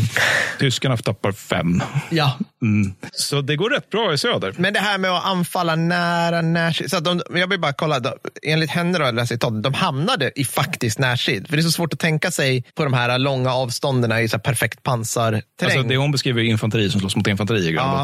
Så det, det, är väl liksom något kompani som Gud glömde som lyckas liksom faktiskt ja. komma ner i någon skyttegrav någonstans. Ja. Annars, måste, annars inbillar jag mig att liksom, alltså, tyskarna tar emot det ryska motanfallet. Ja, det är ju en skjutbana för dem. Ja, det, precis. Liksom. Och så står de där med fem. Och så, ja, mm, ja. Men så det går rätt bra i söder. Då. Men då är det ändå så att operationen måste avbrytas. Och det är på grund av att det sker helt plötsligt stora sovjetiska anfall i norr, vid Orel och i Mius vid söder. Mm. Och äldre historieskrivning om Kursk det är att det här är pysk, alltså tyska pansarvapnets död. Mm. En rimligare historieskrivning eh, som inte utgår från sovjetiska folksagor mm. det är att det är ett stort slag, mm. men inte ett katastrofalt sådant för tyskarna. Nej. För att vi landar här på 56 000 tyska förluster och 280 totalförstörda stridsvagnar. Röda armén, inte så farligt för dem heller för Röda armén. Faktiskt. 177 000 förluster och 1600 till 1900 totalförstörda stridsvagnar. Knappt märkbart. Nej, men alltså, i stora hela är det här, alltså, det är inte, alltså, inte manskapsförluster i varje fall. Nej. Men, men, men sen har vi det här, vi har varit inne på det tidigare någon gång, just kurs som avgörande slag. Just det. För det är här man hamnar liksom i det här industrikoncern-tjabbet ganska snabbt. För det är liksom att, återigen, de har ju alltså i mars 43 3500 stridsvagnar längs hela fronten, tyskarna. Ja. Och de koncentrerar majoriteten av dem till Kursk. Ja. Och av de insatta stridsvagnarna förloras en tiondel. Ja. Samtliga pansardivisioner är insatsberedda alldeles efter slaget. Ja. Och tyskarna har också fler stridsvagnar vintern 43 till 44 än de har sommaren 43. Med andra ord, vad då tyska pansarvapnets död? Det är så bisarrt att den, alltså det är fortfarande ganska många som verkar tro det. Ja, för jag menar, det, det du nämnde i början där liksom också. Ja, men 200 panter, pantervagnar. Okej, okay, mm. ja, det sög. Men då upptäckte de ju felen också. Ja, visst, och så visst. åtgärdade de Ja, då, visst. i Visst. senare modeller. Ja, visst. visst. Så att liksom, ja, och. Alltså, så här, liksom, Jo, jo, jo. Så här, 44 var ju det en bra vagn. Ja, liksom. absolut. För då får de ut, det är då de får ut A-versionen av någon anledning. Just det, för den börjar på G. Ja, och sen, de.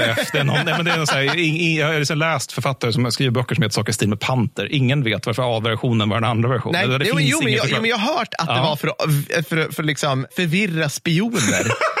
ja, den här oklar. Big brain Hitler. Eher von der Akademie. Ja, Nu har jag en idé. Nej, men alltså grejen att det viktiga med, med, med kurs det är snarare just det här med koncentrationen. Alltså att Sovjetunionen koncentrerar kanske två femtedelar av sina stridsvagnar vid Kursk. Det innebär att de har många, många fler som kan Mm. sättas in någon annanstans. Och, och det är det som är det viktiga. Det är det som är väldigt Ja. viktiga. För att Sovjetunionen har nu så många soldater och så mycket material i linjen att de till skillnad från tyskarna kan göra flera anfall. Just det. Tyskarna har det här. De kan vid Ja, Kursk. Det är ja, inte så mycket de kan punkt, koncentrera. Tyskarna har med andra tappat det strategiska initiativet. Och, de tapp, alltså, och det är ju på något sätt så här, alltså, man ska beskriva det här återigen, när förlorar de kriget? Då är väl liksom, någon form av tanke man kan ha då är att de, det är nog så att de tappar möjligheten att vinna hösten, våren 41-42 där någonstans. Mm. Sen så slutar ryssarna förlora någonstans kring vintern 42-43. Och sen kring sommaren 43 så börjar de vinna. Mm. Ja. Mm. Alltså det är nog snå, snar, alltså det är det som är progressionen i min värld snarare än att det finns något en, enskilt avgörande slag. Så Där allt ändras. Ja, liksom. Precis. Ja, Nej, ja. för det handlar inte om det. Det handlar om liksom, styrketillväxt, förmåga att ersätta förluster från. Sovjetunionen och tyskarnas ackumulerade förluster. Egentligen. menar, nu är ändå, kriget är tråkigt. Ja, kriget är tråkigt. Och jag menar, nu har vi ändå sett en viss, inte, möjlig, möjlig kompetensökning i att ryssarna har, istället för att typ så här, odla potatis och vara fulla, har de gjort, som du sa, ett försvar på djupet. Mhm. Sen gick inte det så bra som de trodde, men Nej. de har gjort det. De har gjort det. Någon har lärt sig. Absolut. Den generalen blev inte skjuten. Rosokovski finns där ute. Och, men liksom, Ja, visst, visst, och. Tupolev, alla de här roliga namnen. Liksom. Eh, Vatutin. Vatutin. Ja, det, det jag tycker är fascinerande att Rotmistrov inte blev skjuten. Alltså, du gjorde vad sa du med din stridsvagnsarmé? Nej, men Du får fortsätta ha den, det är lugnt. Kör.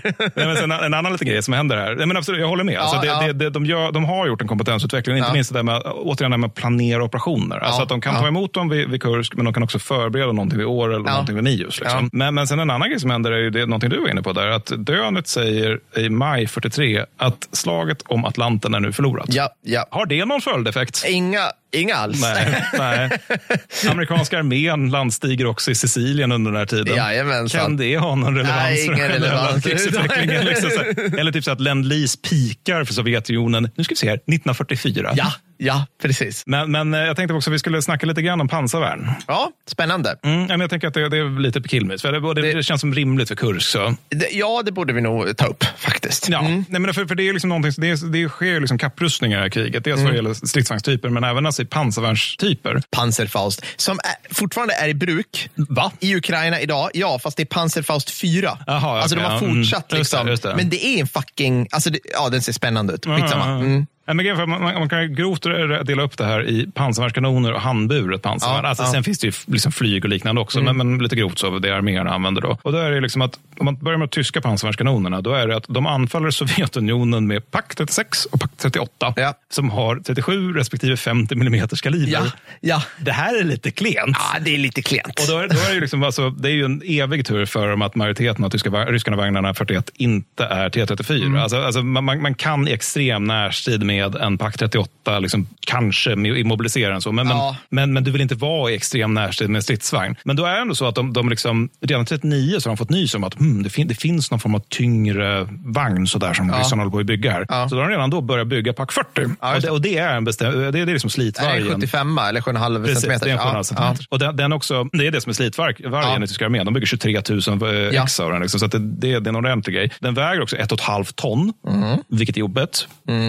Och det är även det faktum att det här fortfarande är klenaste laget. Alltså Ja. Du kan ta ut en T34, men det, det, är liksom inte, det är inte friktionsfritt. Nej. Ergo kör man pack 43. Yes. Det är en 8,8 fast som Nu, PV. nu börjar det snacka här. Ja. Äh, Ja, de, de, de, är, och de, är, de är jävligt bra. Alltså, Ja. de, de, är, de är snabba att packa upp. De har en granat som väger 10,4 kilo. Mm. Färdas över 1000 meter per sekund. Ja. Mm, 2000 meters avstånd så slår de igenom 159 mm pansar. Ja, ja. Det är liksom, det är, så- alltså, Det är jättebra. På, men på 40-talet, vad i helvete, T34 har Det är inte en under- railgun på men det är ju 40-talet. det. Ja. Boom, boom, boom. Eh, Liten nackdel, den väger 3,6 ton. ja, men så kan det vara. Så Så det, det men, vara. i och för sig, Niklas Zetterling argumenterade någon gång för att ja, det gör den svår att flytta. Å andra sidan har den räckvidd och verkan som gör att du behöver inte flytta den här. Nej. Du ställer den någonstans och så vrider du den där fiendevagnarna Ja, är. Liksom, ja. Så att det, det finns nog en poäng i det.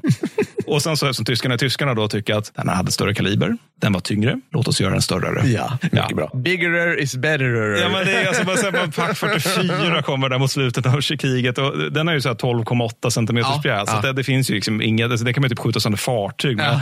Vet du vad den jäveln vägde? Nej,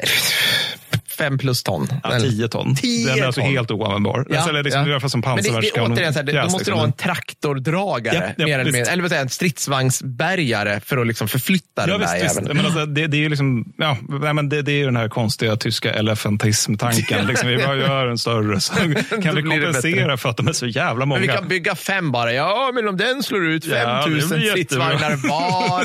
Nej, men, men sen så har vi då de sovjetiska pansarvärnskanonerna och de tycker jag är lite roliga. För att alltså, ryssarna ser det som så att om om ett, en artillerister ser stridsvagnar, Ja. då är de pansarvärn. Ja, Punkt. ja, ja. Det är liksom, så. här funkar det. Så alla pjäser som har en kaliber på under 15 centimeter får PV-granater som bara, mm, nu ska vi... Ah, men kunde de dumpa så mycket då? Eller var de de gjorda för att kunna användas som PV-pjäser de, också? de, de använder dem som sådana, så jag antar det. Liksom. Och sen, de har också en del liksom, särskilda pjäser. Till Mm, exempel så här, 44 får de någon grej som heter D44 som är en 8,5 som har liksom god effekt mot det mesta ja, tyskarna sätter i fält. fält så. Men de blir också de blir ganska skickliga på att använda pansarvärn. Det här är också ett tecken på att de faktiskt lär sig. För Mm. Ja. det, det är liksom, de, de har ju liksom, nej men det har jag undrat tidigare, de, bryter i, de blir anfaller och blir inringade. Hur går Ja. det till? Ja, alltså till 43-44, då har de bör- börjat med vanan att upprätta flankskydd Ja. liksom, när de slår igenom. Liksom. Ja. Så någonting slår igenom, då har de flankskydd och det här består bara av pansarvärn. Det här är också vad vi kallar för elementa.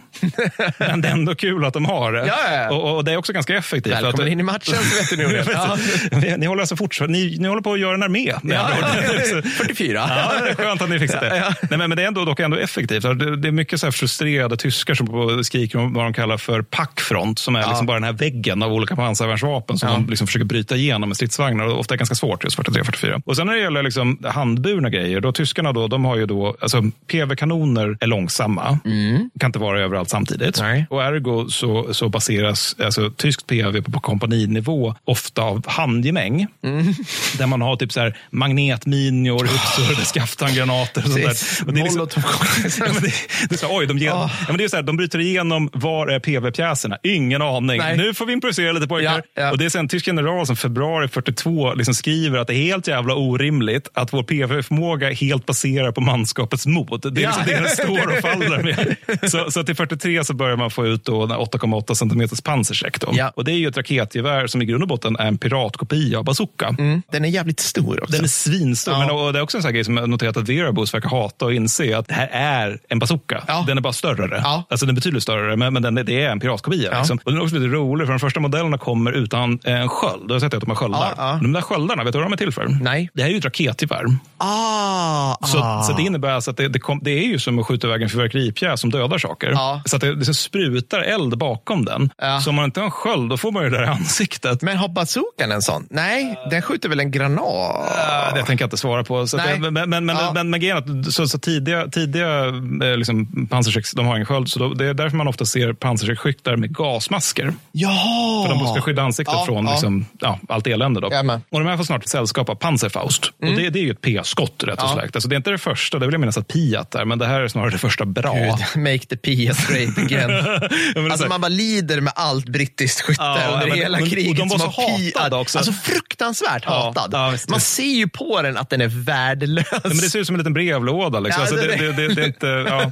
Nej, men, och de, här, de här är väldigt, väldigt bra och de görs i jag tror 8 miljoner exemplar. Vilket är, det, är, det är mycket. Alltså, det, är mycket. det, är liksom mycket på riktigt. Alltså, det, det, det, är inte som tyskarna brukar göra, att vi gör fem av den. Nej. Och de här, tyskarna är också lite roligare, för de ser inte det här som ett vapen, de ser det som ammunition. Ja. Eftersom det är ett pansarskott, man slänger bara bort ja. det när man har färdigt det. Och de har utvecklats också hela tiden under kriget för att få bättre, liksom, så att det finns liksom, ja, men, Panzerfaust 60 tror jag det är, och mm. så, så slutar de på kanske 100 eller någonting. Och siffran indikerar, vill jag minnas, hur långt de går. Ah, okay. Mm. Men, men, men, det, men det är dock så att alltså, de får bättre räckvidd, men det är, det är liksom kriget genom ett närstridsvapen. Ah, ja, ja. Men det kan också bränna ut alla allierade Träffar på 100 meter med en har, alltså bara, liksom, det är pyttelitet sikte.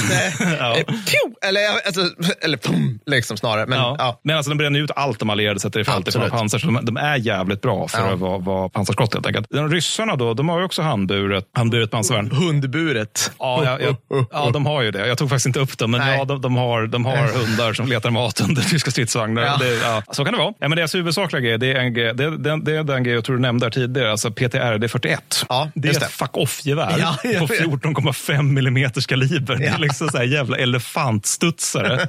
Varje kula väger 39 gram. Det är tungt för att vara en kula. Så har de en liten stålkärna i. Tyskarna hade tidigt i kriget en motsvarande, men där hade man inte stålkärna utan då hade man en liten tårgasampull i den. Tanken var att man skulle liksom penetrera fiendevagnen och sen så skulle det komma ut tårgas. Ja, intressant. Men i alla fall, den här jäkeln kan, eh, PTRD 41, den kan penetrera 30 mm pansar på 500 meters avstånd och 40 mm på 100 meters avstånd. Vilket innebär att det är från sidan ett hot mot mer eller mindre alla tyska mm. vagnar. Ja, min enda känsla är att alla spel, ja, precis, alla spel jag spelat om andra världskriget, då suger alltid alla pansargevär. Det är det enda jag mm, vet. Det, det, det är inte helt orimligt. För att, men alltså också att tänka, du ska ligga liksom, jag menar, så här, du ska ligga 100 meter från en panter. Ja, det är också nära. Det är väldigt, väldigt ja. nära. Du måste ha ganska stora cojones för att det där ska funka. Liksom. Ja. Men, men oavsett så, alltså, just, just PTR, den, den, den leder till att tyskarna känner att okay, men nu måste vi, den är jobbig att göra med mm. för att den faktiskt är farlig. Så de bland annat så uppgraderar de nu ska jag säga, pansar 4 G ja. med kjolar av stål liksom, som ska, som, över banden som mm. ska liksom tas emot. Det där. Och den där även används också i Ukraina-kriget idag. Jajamensan. Alltså, det är väl typ så här, du vet de här Donbass-milisförbanden ja. som har dem. Men, men alltså, de, den finns kvar, kvar i bruk. Mosin Nagant används under... Alltså, ja, det, det, det, finns det liksom ju... ingen bakre gräns. Nej, nej. Det är någon som bara så här, vi kommer se T55-or,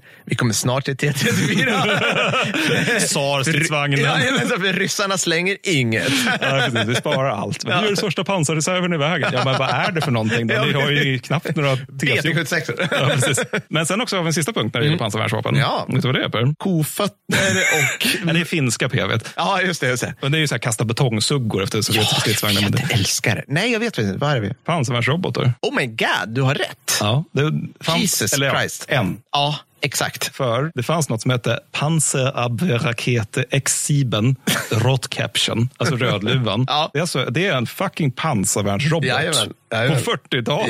Ja, ja, ja, ja. Because Tyskland. Ja, men, alltså, det, är liksom... det, är som är så mycket annat de gör. Att det här är militärt sett en bra idé. Ja. Det är bara synd att ni, liksom, ni har andra idéer som inte är fullt så bra. Liksom. Alltså, typ så här, hur massproducerar vi den här? Men de, de, de, de, testar den jäveln i september 44. Så tidigt? ja, jo, eh. jo visst. Nej, men absolut. Den, den, ja. den är ju tänkt för massproduktion, så, men, men, men, problemet är att hösten 44 så är det delar av den tyska planeringen som inte kanske håller helt ut. Nej, så. nej, nej, precis. Så att, eh, den används, bra är den? Alltså, det är en pansarvärnsrobot. Den är ja. rätt bra. Det är bara det att man vet inte ens om den användes någonsin. Den, kan ha sett skarp användning vintern 44-45, ja. men, men, den är liksom... Hur siktar man? Hur sik ah, skitsamma, ja, man alltså, får det, googla. Men det är coolt. Ja, men, det är lite coolt. Det är det, på det här wearable möp-sättet. Liksom. Men, men om vi ska tillbaka till fronten så ja. är det ju att flera offensiver följer postkursk. Mm. Och det här kommer bli en sån här lite grann där det blir en del siffror för att de här är så stora och så kaotiska mm. att det går liksom inte riktigt att beskriva. Och ni har redan fått, ni har just fått en hyfsat detaljerad genomgång av Kursk. Liksom. Så att, men det är Kutus-operationerna mot Mios och Rumjantsev. Ja. När är vi nu i tid? Nu är vi alltså andra halvan av juli 43. Okay. Yeah. För Model han angrips av 1,3 miljoner ryssar och mm. 5 000 stridsvagnar vid Orel. Då. Så mm. att han, är liksom, han, har, han är anfallare liksom mot norra kursbågen. Ja. Och så kommer de här då i hans vänsterflank. Han bara, men det var jag som skulle...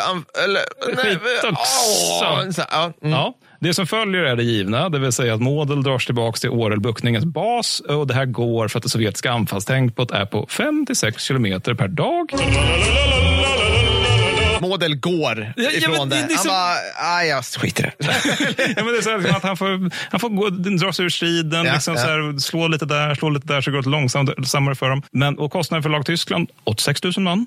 Kostnaden för lag Sovjet, 429 000 man. Ah, nu börjar vi närma oss som nivå ja, igen. Här. Den brittiska Nu känner jag mig trygg. Ja, i magen här. mm, Ja, mm. Men, men sen är det där återigen att de, som sagt, ryssarna kan göra fler offensiver. Så att 17 juli så anfaller de då sovjetiska sydvästfronten tyska styrkor vid Mius. Mm. Och, och de här, vid Mius, de har alltså marscherat nästan oavbrutet sedan Kaukasus. Ja. Det är, liksom net, det är nätt och jämnt divisioner längre. Men det är, det är de här Gebirsjäger som var på Erebus och sen går de... Ja, men typ. Alltså, Ja, det, ja. det är också där, du vet, så här, 839 infanteridivisionen som bara, vi har, inte, vi ätit upp alla våra hästar, vi har inga kängor längre, vi har typ gjort, gjort ved av våra gevär. Alltså, de, Det är svinvarmt, jag har inte druckit vatten på fyra månader. ja, men, Ja. de, de är inte i bästa skick. Nej. Så det givna händer, det vill säga Sovjetunionen tar tre kilometer på en dag. Another victory, Commander.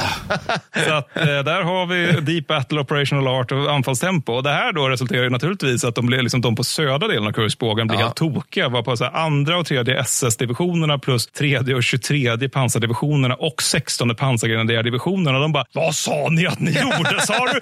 Och dras ut från, från södra Kurskbågen, vilket återigen, alltså de är ju bundna i strid. Jajamän. men de bara, ja okej, men då, då får vi göra motanfall där då istället. Ja. Då. Och så tillfrågar de ryssarna 100 000 förluster Ja, men det- och det- trycker det är bak så- dem till deras utgångspositioner. Det är underbart. Det är som att, tyska, det är som att ryssarna liksom bara så här, så här, du vet, muckade med någons, något råskins lillebrorsa på skolgården. och sen dyker de upp och bara, ja, vem fan är du? ja, men liksom, det är ju typ så. Ja, men det är liksom. lite så, för det just det här när det kommer, alltså, det, det är ju lite det att alltså, 42 och 41 då är det liksom tyska pansardivisioner, det innebär att, att eh, man tar terräng. Ja. 43, det med att tyska pansardivisioner, det innebär att det är här sovjetiska anfall slutar. Ja, ja, men precis. Det, det är ungefär så det är. Men för nu, det är nu vi börjar, eller vi kanske har redan passerat det, men där, där liksom, som du sa, det börjar bli så brandkårsstyrkor. Ja, ja nu, precis. liksom. Yes, absolut. Zonförsvar mycket också. Ja, mm. Men, men sen så kommer då den, den som är väl egentligen den mest framgångsrika av de här tre och det är då eh, Vatutin återigen. Batutin! Vatutin, ja, men den där liksom energiska snurrespett-generalen. Liksom. Sätta det här på en, på en mugg eller någon. Jag, jag har inte jag har det framför mig. Svårt att Finns det visualisera. bilder på Vatutin? Fredrik, ta fram bilder. Med. Han ser inte så rolig ut. Alltså, Nej, det- vad synd. För jag har så här rolig så här word art font. Du vet som så här 90-tal. Ja. Fest! Utropstecken, frågetecken. Vatutin. Vatutin. Nej, men Vatutin han sätter igång det med Volchanesfronten 3 augusti. Då. De sätter in sju arméer, vilket inkluderar två stridsvagnsarméer i söder. Då. Ja. Det här motsvarar nu ska vi se, 1,1 miljoner man plus 2400 stridsvagnar. Mm. Tyskarna möter upp det här med 200 000 man och 237. Så att det är alltså 1 till 5 förhållande Ja, i anfallet. Sovjetunionen då, under en av dess bästa generaler, uppvisar hashtag operational art, hashtag deep, deep battle, framrycker 3 kilometer per dygn. Alltså jag vill bara stryka under att när vi beskrev ottomanska framryckningar på 1600-talet på Balkan i lera, Ja. då var det typ fem kilometer. Men det är helt sjukt. Alltså jag, sitter och så här, jag sitter och tänker så här, Tutenbergsskogen alltså så här, mot germaner. Hur snabbt gick det för romarna då? Täftebergaskogen? Ja. Alltså, jag, jag har ingen aning. Det är inte ens vägar. Det är antiken. Ja, visst, visst. Nej, men alltså, det måste väl gått snabbare. Ja. Det, nej, nej, men så att, så att det, det här leder, så det här, otro- det, så orsaken till att jag hakar upp med det här med framryckningstempo, det är att om man har lågt framryckningstempo, Ja. då innebär det att man trycker fienden bakåt. Ja. Och Det innebär att man kommer fortsätta lida höga förluster. Ja. För att det måste man, okej, vi fick ut honom i första ställningen, men så är vi så långsamma att vi inte inringar och förgör honom. Så att då innebär det att han kan ta sig till nästa ställning. Ja. Och då måste vi ner och grisa i den också. Och så måste vi göra så här tills alla är döda. Liksom. Det är därför jag är liksom lite upphakad på det här med framryckningstempo. Ja. Nej, men så tyskarna de, de gör just det. Alltså, de retorerar i god ordning medan liksom så här, sovjetiska stridsvagnsarméer fastnar i diverse här, meningslösa spärrar. Där, Ja. så här, men här har vi en bataljon, får, får stå där. Liksom. Men det tyskarna måste göra det är att upprätta nya stridsställningar egentligen. Ja, alltså, rullande Det- ja, bakåt. det är det de Medan liksom, ryssarna under 41-42 måste ju bara ha fly! Alltså, så här, jag, jag vet inte, Ja, de har men- dragit liksom en mil eller något. Jag Mm, vet ja, inte men, riktigt. Ja. Precis. Nej, men också, så, tyskarna är också så utspända över det här och pansardivisionerna är så överbelastade Mm. att liksom, Sovjetunionen trots den här extremt långsamma framryckningen faktiskt kan ta Belgorod och också närma sig Charkiv. Mm. Ja. Så, och eh, Charkiv befrias dessutom. Charkiv igen. Ja, Jag nu är det fjärde slaget. nu är det fjärde slaget. Ja. Mm. Ja. Men det befrias 21 augusti. Då. Liksom den här stora offensiven, Rom- Romantia, vet jag den då. Den är slut två dagar senare. Ja, okej. och, alltså, general Kempf, då, som eh, anförde av- avdelning Kemp, han, eller arméavdelning Kemp, Mm. han ville utrymma den här staden redan 12 augusti, men Hitler kontrade med att kalla den för fästning. Så det var liksom, Ja, ja, det var det klart. Liksom feelingen så. Ja. Eh, staden hölls då av så här 4 000 demoraliserade tyskar som bara vi har så få granater att vara artillerister får sättas in som infanteri Ja. istället. Ja. Och de, de är så här, liksom, de får höra att ja, men ni, det är klart ni kommer få förstärkningar. Ni ska, vi kommer inte bara lämna er där Nej, nej, naturligtvis. nej, nej. Det vore ju Nej. tokigt. Liksom. Var på, det mycket riktigt få det i form av några tåglaster bandaggregat. Mycket bra. Men inte mycket annat. Det bara dyka upp lite i fronten och bara, har vi stridsvagnar? Vi är infanterister. Vad ska vi det här till? Nej, men så ser då, eh, det är och den mest framgångsrika är när man ser liksom tagen terräng av de här tre, skulle jag säga ändå. Och det är då att de, för de tar terrängen vid Årel också, men det är liksom Ja. inte meningsfullt med terräng. Medan här, här nere är det liksom ändå de tar städer. Ja. Så. Och det kostnaden då för lag Tyskland är 25 000 man. Eh, Kostnaden för lag Sovjetunionen är 255 000 man. Det är utifrån att de är fem gånger så många. Ja, och de slåss mot demoraliserade... Men, Alltså- jag fattar inte det. Alltså för, för de är fem gånger så många. Ja. Deras förluster är 20, eller är 10 gånger så höga. Ja. Det måste ju innebära då att det, alltså det krävs 50 rödarmister för att tillfoga fienden en förlust. Eller tänker jag fel? Alltså, eller det, det blir liksom, eller inte, inte så, men det är snarare att tyskarna är 50 gånger så effektiva. man- Eller något åt det hållet. Så måste det ju vara. Jag tittar på Fredrik som kan matte.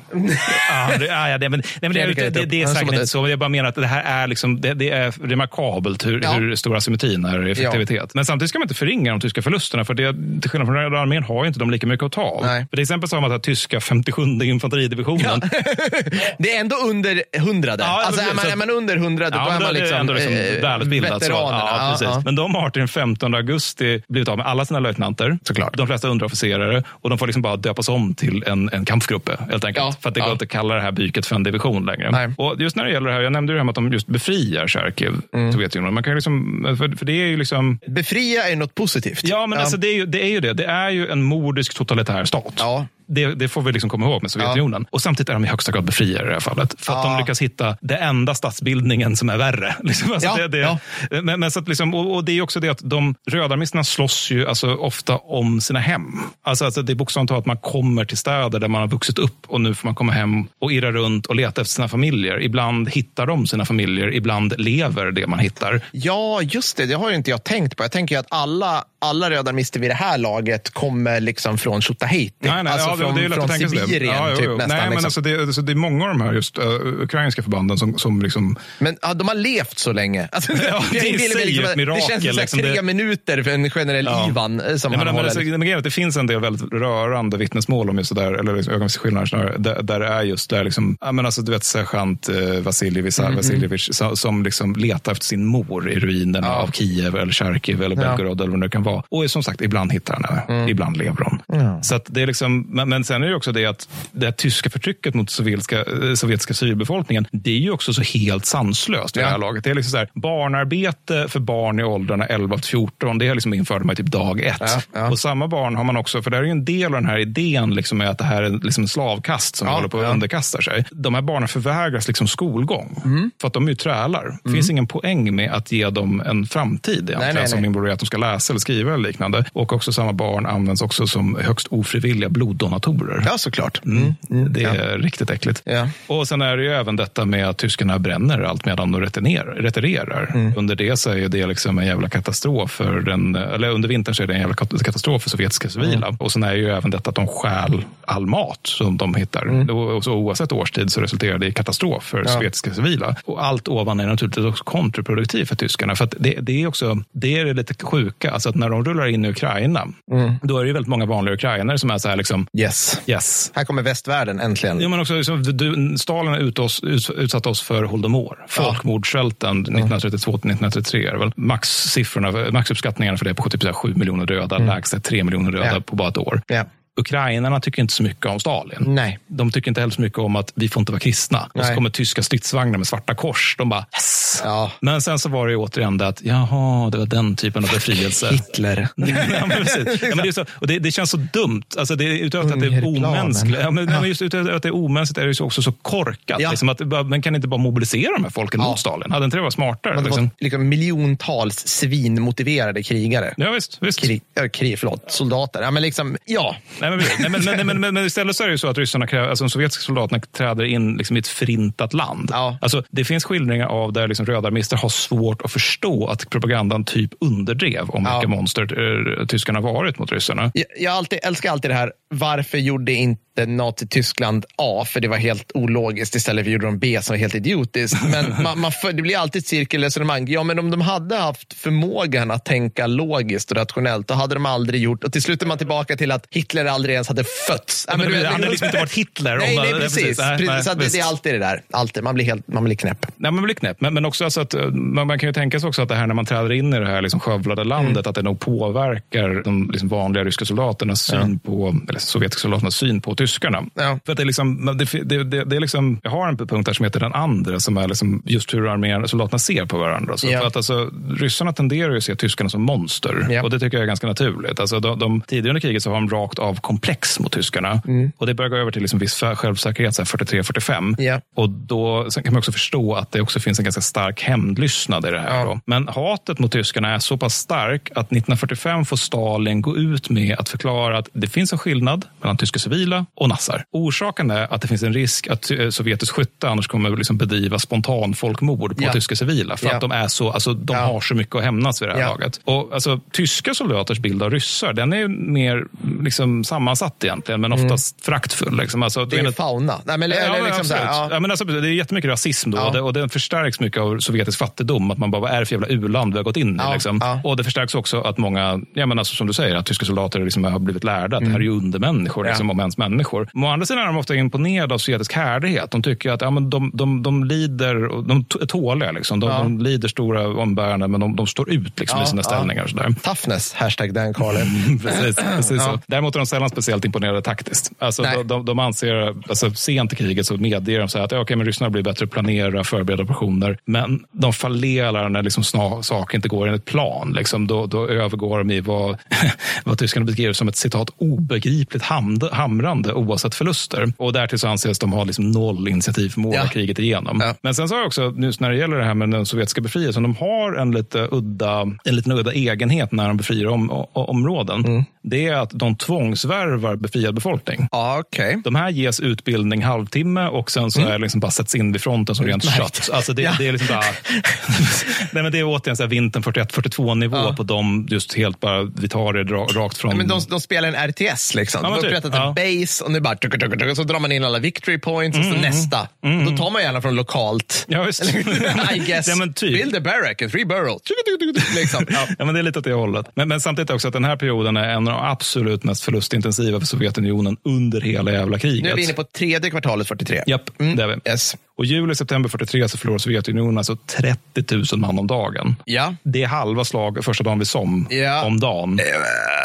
Jag blir så här, jag vet som britt. Ja, mm, ja, det. det är ja. alltså mm. totalt 2 633 522 stridsförluster, exklusive oh. som vanligt sjukdomar, självmord, olyckor och så vidare. Det är 150 stridsvagnar per dygn. Vi ska inte börja prata om de... 9294 totalt. Ja. Fucking, de, jag bara sitter och tänker på alla psykiatriska förluster som finns här. Ja, ja visst. Ingen ingen kommer ju oskadad ur det här. Det finns ingen som har... Ja. Nej, men så är det Och ja. det är återigen det där med att man inte erkänner PTSD eller stridsutmattning som Nej. ett faktiskt fenomen i Röda armén den här tiden. Och tyskarna, då, alltså, de kommer ju betydligt lindrigare undan. Mm. Men det är fortfarande, alltså, deras förluster är också betydande. För de mm. förlorar 532 929 man under mm. den här tiden. Så ungefär en femtedel och kanske 1300 stridsvagnar där någonstans. Vilket är en niondel. Eller nu trycks de tillbaka ju. Mm, de trycks bakåt. Och då, vad, vad händer när man trycker någon tillbaka, Mattis? Ja, alltså de dör. Ja, men de förlorar materiell också. Ja, Jo, men precis. Det, mm. det, det, är tvärt vad tyskarna, alltså vad ryssarna gjorde förut. För då, kunde de ju, då förlorade de ju vagnar som de aldrig kunde bärga. Ja, precis, och nu precis. är det tvärtom. För Exakt, tyskarna ja. förlorar de vagnar och deras vagnar är ju så helvete mycket mer värdefulla per vagn ja, visst. än de ryska. Liksom. Ja, men, och det där är en väldigt bra poäng. För det, det är just det där att en skadad vagn, när man, alltså när, när man, när, om, man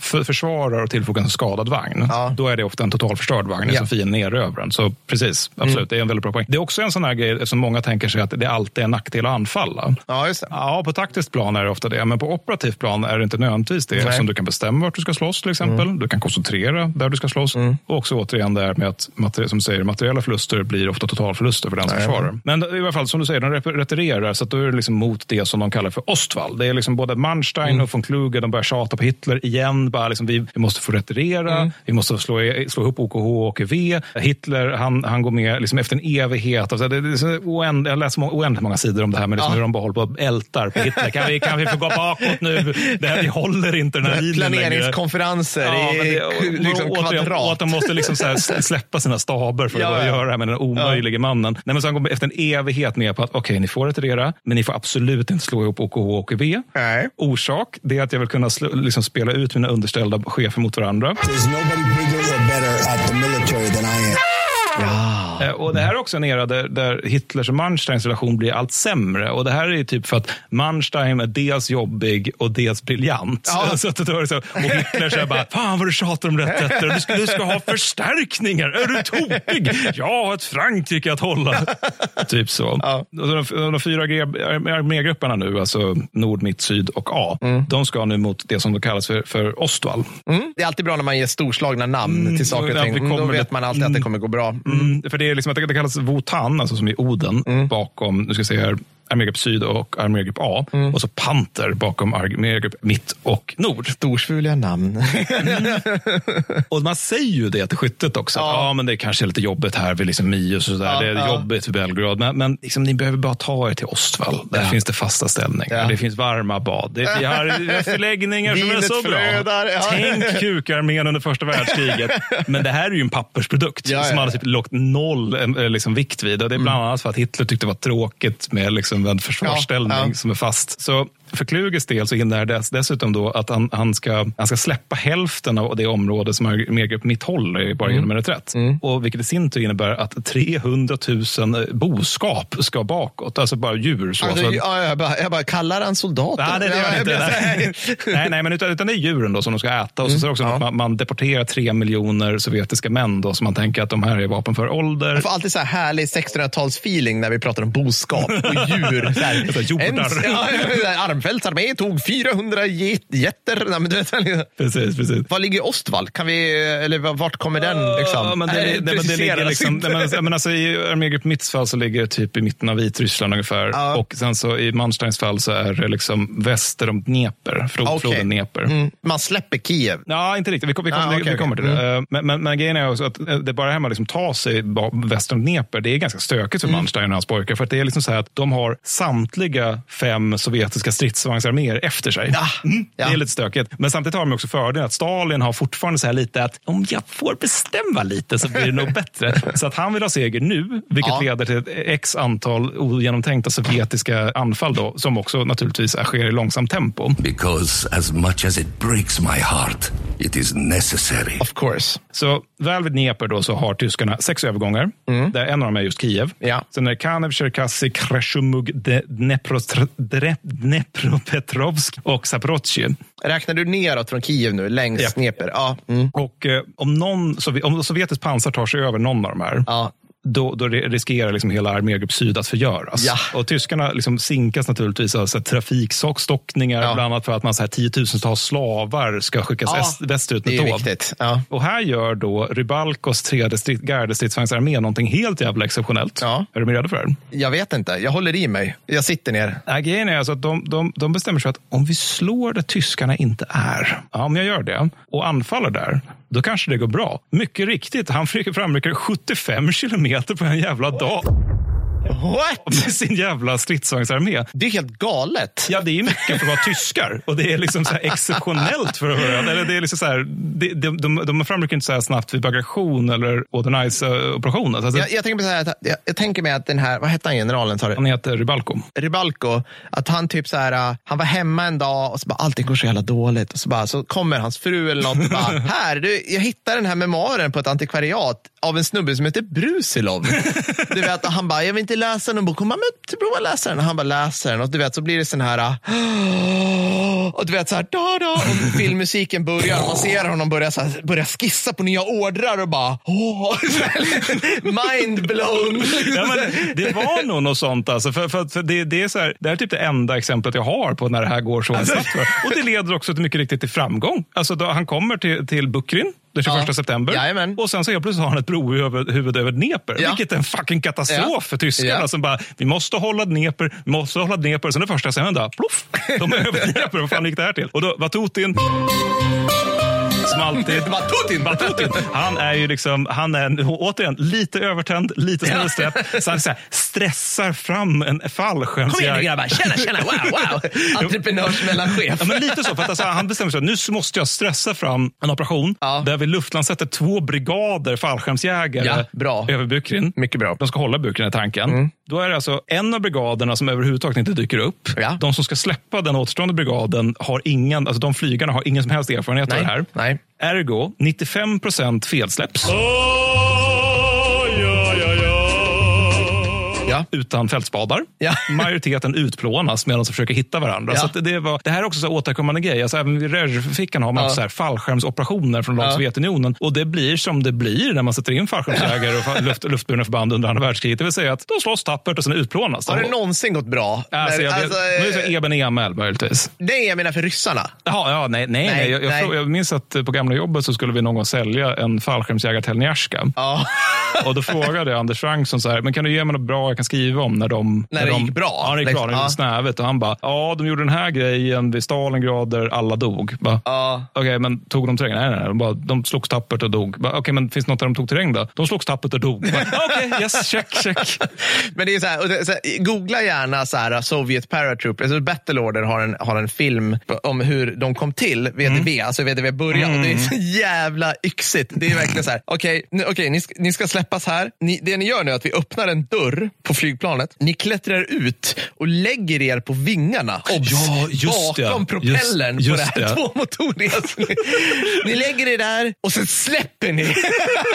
och så flyger ni bakåt. Just det, just alltså, det. det ser helt sjukt ut. Liksom. Ja, de måste ha cojones. Jag låter Alltså, de var helt, Det var ja, ja, verkligen. Ja. Ja, men i alla fall snart så har vi liksom, så är vi, nu är vi Dnepr här. Då har Ja, liksom ja. Båda sidor har snart liksom brohuvuden. Så liksom tyskarna försöker liksom evakuera sina brohuvuden och ryssarna försöker expandera sina brohuvuden över Dnepr. Så, så liksom har på båda sidorna av floden och så är det massa grisiga strider följer av det Mm. här. Då. Och grejen är också att båda sidor är slitna. Men återigen är det med att vid det här laget så har den sovjetiska numerären verkligen börjat genomföra resultat. Alltså snarare än att de dör i stor omfattning. Ja. För nu är det så här, okej, du kå- skyttekår där. Ja. Ni är slitna. Vi tar er ur linjen. Så kan ni vila. Snyggt. Kan vi skicka in en annan skyttekår? Ja, det kan inte tyskarna. Nej, vi- nej alltså Grossdeutschland-divisionen då som alltså stridit och marscherat sedan Orel. Alltså de Ja. var uppe vid Orel, nu är de nere vid, eh, vid eh, Dnepr. Ja. De, de har eh, exempelvis då ett spaningskompani. Ja. Ett spaningskompani låter imponerande. Det är två underofficerare och sex meniga. Jajamän. Mm, yes. Mm, de, får- de ska vara kvar i linjen. Ja, Det, det är liksom ja, det- otänkbart att ja. annat sker. Så i oktober, redan i oktober börjar Manstein så här vara lite så här, ska vi kanske släppa den här linjen vid Dnepr? Vad säger då Hitler? Nej, nej, nej, nej, nej, nej! Ja. Ja. Nej, det blir ingenting mer. För att han, det- han vill hålla landvägen öppen till Krim och Ja, Nikopol. det. Och det, är liksom, och det här är vid, vid nedre Dnepr. Ja. Och orsak förstnämnda, alltså att vi ska ha Krim, det är man ska begränsa den sovjetiska möjligheten att bomba Rumänien. Vilka bombar redan Rumänien, Det, Mattis? det, det finns ju andra det här. då, men- Eighth Air Force, nej, men liksom alla andra. Ja, ja, ja. Det, det, det var så här, liksom bara ambulerande bombcirkus Ja, över Rumänien. ja. Men sen så orsak sistnämnda då att vi ska hålla Nikopol, det är att det finns mangan vid, vid, vid Nikopol. Och det är det här som man gör manganes i stål av. Alltså Ja. det, ja, det är bra om man Det ska bra, bygga det saker av stål. Så det är jättebra. Konsekvens av besluten, enormt lång font. Ja. Det här är som återigen, den sträcker sig liksom... Som liksom går ner i, på Krim. Liksom. Ja, Du alltså måste ännu lite längre österut. För att Ja. alltså, Nikopol ligger en bit österut om Krim. Så att de ska liksom hålla, alltså, det är så jävla långt där. Ja. Och det här är liksom utifrån kraftigt numerärt tyskt Ja. underläge. Ja. Så att det här är återigen ett exempel på hashtag ledarskap. There's nobody bigger or better at the military than I am. Ja. Det känns som att det är en återkommande hashtag. Men sen då, liksom, så det här är, det här är, liksom, det här är ingenting man kan förvänta sig att det här ska, den här linjen ska vara speciellt bestämd. Så redan så här 15 oktober så börjar Conny bara, liksom, bara pressa sig över tre arméer. Han ser ut, alltså Conny ser så lustig ut. Han, han har liksom ingen nacke Det är liksom bara så här stor, stor liksom stenbit som är hans ansikte ja. och så, så här framtunga medaljer. Så. Ja, men det, det är precis, Tjukov ser exakt likadan ut. Handsome devil. Ja, ja, visst, ja, visst. Ja. Men Konjev ser ut som en extrem variant av Tjukov. Ja, det, är det, det, är som en karikatyr på Tjukov, det, fast med rakat huvud också. men så, så här, rörliga och röriga strider följer, så, en liten Kriov Rog. Där jag vill minnas att de faktiskt slåss i Ukraina idag alla, också. Alla de här ryska generalerna som jag har sett, de ser ut som roddare till något så här polskt metalband. som följer med. Man bara, man bara förväntar sig att de har halstatueringar. Och, du vet, ja, men är och inåt helvete är så starka också, rent fysiskt. Ja, ja. Man kan, han kan brottas med en björn. Ja, liksom. Kan du skriva? Nej. ja, men så, men så att det är en massa röriga strider följer. Ja. Då. Tyskarna lyckas få stopp på det här genom att sätta in fem jävla pansardivisioner. Ja. Var två liksom bara, vi skulle egentligen haft vår panterbataljon. Mm. Det har vi inte. Nej. Nej, så att vi dyker upp utan den. Så. Ja. Och de sovjetiska förlusterna är som, som alltid så löjligt höga. Då. Ja, det är så här, Rotmistrov, han är återigen i gasen. Han har liksom här, femte gardestridsvagnsarmé. De har man liksom lyckats få upp här så i Jensen Prokhorovka. Och det är ju liksom bara ett kvartal sedan. Då. Men nu, återigen, de ska ha 500-900 vagnar. Han är nu efter Kiev Rog och de striderna nere på 75 vagnar. Och här undrar jag väl lite grann, varför får Pavel Rotmistrov sitta kvar? Alltså, det är liksom, ja, Igen? Det smalt om bort. Gick det? Han, han DUC till Vatutin. Vatutin? Han, alltså, han underställd till Vatutin? Nej, Konjev. Konjev, okej. Okay. Mm. Jag bara tänkte Vatutin kanske hade fått, bara, men han är, han är entusiastisk. hey, hey. Och Stalin tycker Vatutin är entusiastisk. Man gillar de här med som lite positiv inställning. Ja, det tycker jag är bra. Ja. Ja, men, men, samtidigt så, det här, alltså just det här med motanfallen, det gör att det tyska pansaret nu, fin, in, liksom, alltså, det finns ingenting där när tredje ukrainska fronten börjar brytas igenom. Depnopretovsk, nu ska jag inte säga det här jävla ordet, Dnepeprot Petrovsk. Så ja. liksom, där kan de börja slå sig igenom då, ja. över Dnepr. Och då tar man som vanligt liksom, någon enskild kilometer per ja. dag på grund av att de slåss med sin egen logistik och lera i grund och botten. Och dessutom så får Konjev höra att han ska avdela soldater till att skörda kring Charkiv. Vilket drar ner anfallstempo på Tyskland. Och till november så har Rotmistrov återigen supit bort några hundra stridsvagnar. Vodka. Det är så ja. återkommande grejer när ah, Rotmistrov gör saker. Att, men, men sen så i väster borta vid Bukrin, där är återigen Vatutin.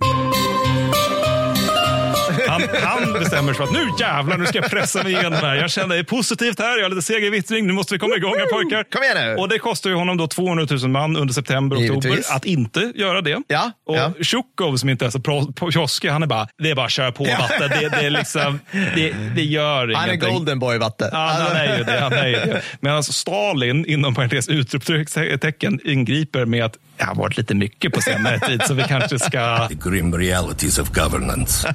men, men det här är också lite ovanligt för Stalin, för att alltså, ju längre 43 går, desto mindre lägger han sig i vad ja. han gör. Han börjar let, lita på dem allt mer. Medan som sagt, det är den här, den här axeln vi pratade om tidigare. Ja, just det. Men han är också på G, nu ska vi se, 43. När fan är Jalta och de här? Alltså, han börjar, han börjar bli liksom lite mera så här, jag, jag måste bearbeta Churchill och Roosevelt. Ja, jo, alltså, jo, han är mer, mer det, för nu börjar de inse så här, vi, vi kommer inte förlora det här, Nej. utan vi kanske till och med kommer vinna. Och så det är redan då 40... vill vi ta lite göttiga bitar. Exakt, så, det, så ja. han har nog annat att tänka på, om jag minns mina, min, eh, min Truman-memoar tillräckligt bra. ja, men, men, helt klart så. Men det är ju på något sätt så att han, han intar liksom en strategisk roll allt mer som är liksom på den högsta strategiska ja. sfären. Att han ja. börjar tänka diplomati och liksom så här, vilka länder kan vi äta upp här? Medan han... Hitler går åt andra ja, ja, men Han är mer så här, liksom, ja. bataljonerna där borta. Alltså, För det är också så att äh, jag vill veta vad liksom femte bat eller fjärde bataljonen gör. Vad gör den nu här? Och, och då måste liksom någon stackars tysk general, ja, stackars, måste säga, åka till honom, berätta.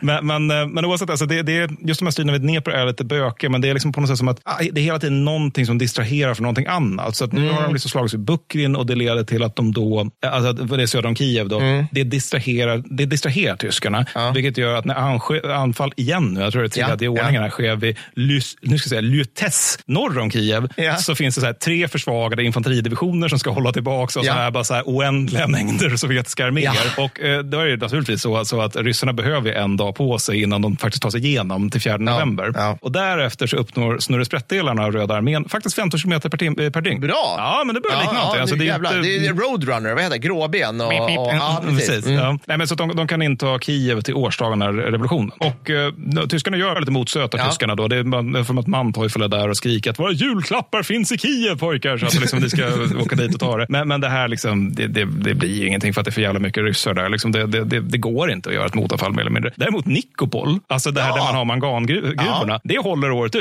Vilket är så här, och, och, men det är också så här att striderna där är, alltså, alltså, ryssarna där är så pass många och så trattiga att general Huber som ska hålla Nikopol, han rapporterar att jag har brist på finkalibrigt. De är så jävla många. liksom bara... Men Nikopol, alltså, så återigen, så liksom, typ, så här, Ukraina har i princip fallit till ryssen. Ja, fast inte, alltså, det, nu ska jag säga, sydvästra Ukraina ända bort till Nikopol hålls fortfarande av tyskarna. Ja, men Nikopol låg väl på Krim? Nej, det, nej, nej, det ligger öster om Krim. Alltså det, det, det, är på landbacken en bit öster om Krim. Ja, men återigen, det är, alltså det är, ja, ja, jag förstår. Det är fortfarande en jävla lång onödig front ja, ja, ja, att nej, hålla alltså, allt det här. Det här är helt, helt orimligt. Ja, ja, men det, är helt det, är som, det är som en slags båge som går liksom genom halv... Som skär, ja. ja, men det är så här, världshistoriens största inbuktning i fronten. Typ. Nej, men alltså med allt detta sagt, sagt om alla liksom förfärliga förluster Mm, och umbäranden och sådär, så alltså jag tycker ändå det finns någon form av poäng med att ställa sig frågan, hur fasen står soldaterna ut med det här? Ja. För, för att alltså, det är ju liksom Armageddon vi beskriver här. Ja. Största brutalskriget i världshistorien. Ja, liksom. så att, och då, då har de ju olika sätt beroende på armén och några gemensamma. Mm. Alltså tyskarna, de har, alltså om vi börjar med dem återigen, då är det liksom att de har ju sin V-kris. Mm. Det kan vi beskrivit tidigare, men det är att man ersätter alltså per kompani och per bataljon. Ja. Omer Bartov som skulle bevisa att uh, massa konstiga, eller alltså, hans bok står sig inte jättebra om man säger Nej, så. nej. Han tror att det handlar om individer. Ja. Men det är inte, utan, utan det är liksom att man tar en bataljon eller ett kompani från, från samma V-kriser. Mm. Och innan 44 så gör man det här då efter, eller snarare så här, innan 44 så gör man så att om man drar ut förband ur linjen Mm. och sen så skickar man till det förbandet bataljoner och kompanier Mm. då, så att de kan liksom infogas i, socialt i en större grupp. Just Så, så. alltså när det är ganska lugnt så de möter Mm. liksom slåss. Så. Och dessutom så kan, kan då veteranförband utbilda nykomlingar. Att Ja. Så här går det till i ett riktigt krig. Liksom. Mm. Sen 44 framåt så är det allt svårare att göra. Varför är det liksom oftare så att förstärkningar liksom bara sätts in rakt i fronten, rakt av. Mm. Men det är fortfarande det där med att de har ju liksom åtminstone varandra. Alltså de, de, det, är just, det starka med VR-prisen är att man har ett kompani där alla känner varandra redan. Alltså det är väl från samma ort Ja, men, fortfarande? ja, men precis, liksom. det är ju Ja, det. det, är ja. det. Så att man, man har liksom att, ja men du vet så här, jag vet inte, om man tänker sig återigen så här bayersk byidyll, liksom Ja, att slaktarsonen som har känt smedsonen och de här bondsönerna, då, alltså de, de går ut tillsammans. De, de pratar samma dialekt, de känner varandra sedan tidigare, de, de tycker också illa om preussare. Alltså det, det är liksom, alla känner alla och det gör att man, man behöver liksom inte upprätta en buddy group, vilket man måste göra i typ alla andra andra världskrigsarméer, utan de finns redan där. Och det här leder också till extremt tajta band inom gruppen, plutonen, Mm. kompaniet, till och med bataljonen. Alltså när tyska soldater säger kamrat, det här har alltså gjort... Alltså, Kameraden. kameraden. Alltså, det här har faktiskt gjorts, jag tror det är sociologiska studier av det här, om det är om sociologi om det är språkvetenskap. Men det, det, är som det ordet kamrat, det är liksom inte bara att du är min kompis, som Nej. att du och jag är kompisar, liksom, eller jag och Fredrik är kompisar, utan det är så här liksom, Kollegor, jag vill ha lite Ja, ja, distans. precis, Nej, precis. Vi ska inte vara för nära. Nej, men det, det, det är snarare som avser asexuell kärlek. Och det, här, Ah. och det är också så här, återspeglas i att tyska soldater har en tendens att, att vara- liksom, uppvisa väldigt mycket fysisk närhet med varandra. Att Det är Ja. typ så att man sitter och klappar på varandra och håller om varandra. Alltså bara, och det finns också i begreppet väldigt mycket så här uppoffring och liknande för just kamraden. Ryssarna, de är faktiskt, alltså det, nu låter det som att det ska bli rena mardrömmen här, men det är faktiskt inte, det är inte så illa som man kan tro. För att de, de, de rekryterar också från samma områden, precis som tanken med V-kriser. Ja. Det är dock mer för att det är enklast att slussa folk till fronten på så vis. Ja! Ja. Och, och, och sen är det också... Återigen mer rationell. Ja, Ja, jo, jo. Men samtidigt är också att de, och och nackdelen är också att de här katastrofala förlusterna som de lider genom hela kriget, det är ju att primärgrupper har väldigt svårt att bildas. Det är, Ja. som, alltså, de finns, det, det är klart de gör det. Liksom. Men det är mer liksom, istället för att det är ett helt kompani där alla känner alla, Ja. så är det mer som liksom handfullar av män, av väldigt tajta vänner. Så. Ja, men om det kompaniet tar 200-procentiga förluster rullande ja, under visst, två visst, år, då är det liksom... Nej. Nej, men precis, men alltså, det blir mer liksom att det är vänskaper, liksom, alltså, de blossar upp och släcks som tomtebloss. Ja, liksom. alltså, det är ja. någonting ofta som är väldigt tillfälligt men väldigt intensivt för Ja. de ryska soldaterna. Och de ersätts per kompani som utbildas vid fronten. Då. Alltså, då, då, Ja. De dyker upp per eh, liksom, ersättningskompani Ja. och sen så får de utbildas fronten. Men efter det så splittas de upp. Och det är här, det, är här det blir dummare liksom, med tyskarnas Ja. Mm. variant. För att de splittas sen upp i plutoner eller till och med individer som skickas Ja. till förband. Ja. Och är förbandet i strid så är det bara rakt in i smeten. Ja. Och enskilda liksom, elskilda som slängs in i strid har väldigt låga överlevnadsmöjligheter. Ja. Alltså, ett regemente kan gå igenom liksom, flera ersättningskompanier per slag ifall det är riktigt illa. Och det här systemet är inte lika dåligt som det amerikanska. Nej. Men det är inte lika bra som det tyska. Men, men det intressanta är att amerikanerna är faktiskt sämst där. För det är ju så Ja, här, de blir, de, enda gången de är ännu sämre i Vietnamkriget. de lyckas bli ännu Ja, sämre. precis. vi tar Joe och så slänger vi in honom i främlingar som alla har olika tjänstgöringstider. och sånt där. Dör. Ja. Men sen också den gemensamma är ju naturligt, alltså den gemensamma coping-grejen. För det finns ett antal sådana, men den stora gemensamma det är ju sprit. Jag tänkte precis säga det. Ja, men alltså, självklart. Och det är inget konstigt. Alltså, det är klart de super. Och det är för att knark inte var uppfunnet än. Ja, men ty, Eh, ja, men, eh, det i och för sig. Ja, det har de i och för sig. Men... Nej, men sprit är lätt att få tag på. Ja. Alltså, och då, ryssarna, de, de, det då gick vi igenom avsnitt 69, mm. soldater som fuckar runt. Men återigen, de får 100 gram vodka per dag. Vodka. Ja. Det är väldigt mycket. Och de sparar i regel ihop till en riktig jävlig skrikfylla. Liksom, så att de, de får, kan få ur sig all ångesten. Ja. Och till 44 är de rakt av alkoholister. Ja, ja, ja. för då är det så här, kyla vätska, det funkar absolut. Ja. Däremot så tenderar de att rata tysk erövrad champagne för att den är för svag och bubblig. De behöver det här laget ganska starka grejer. Liksom. Fort.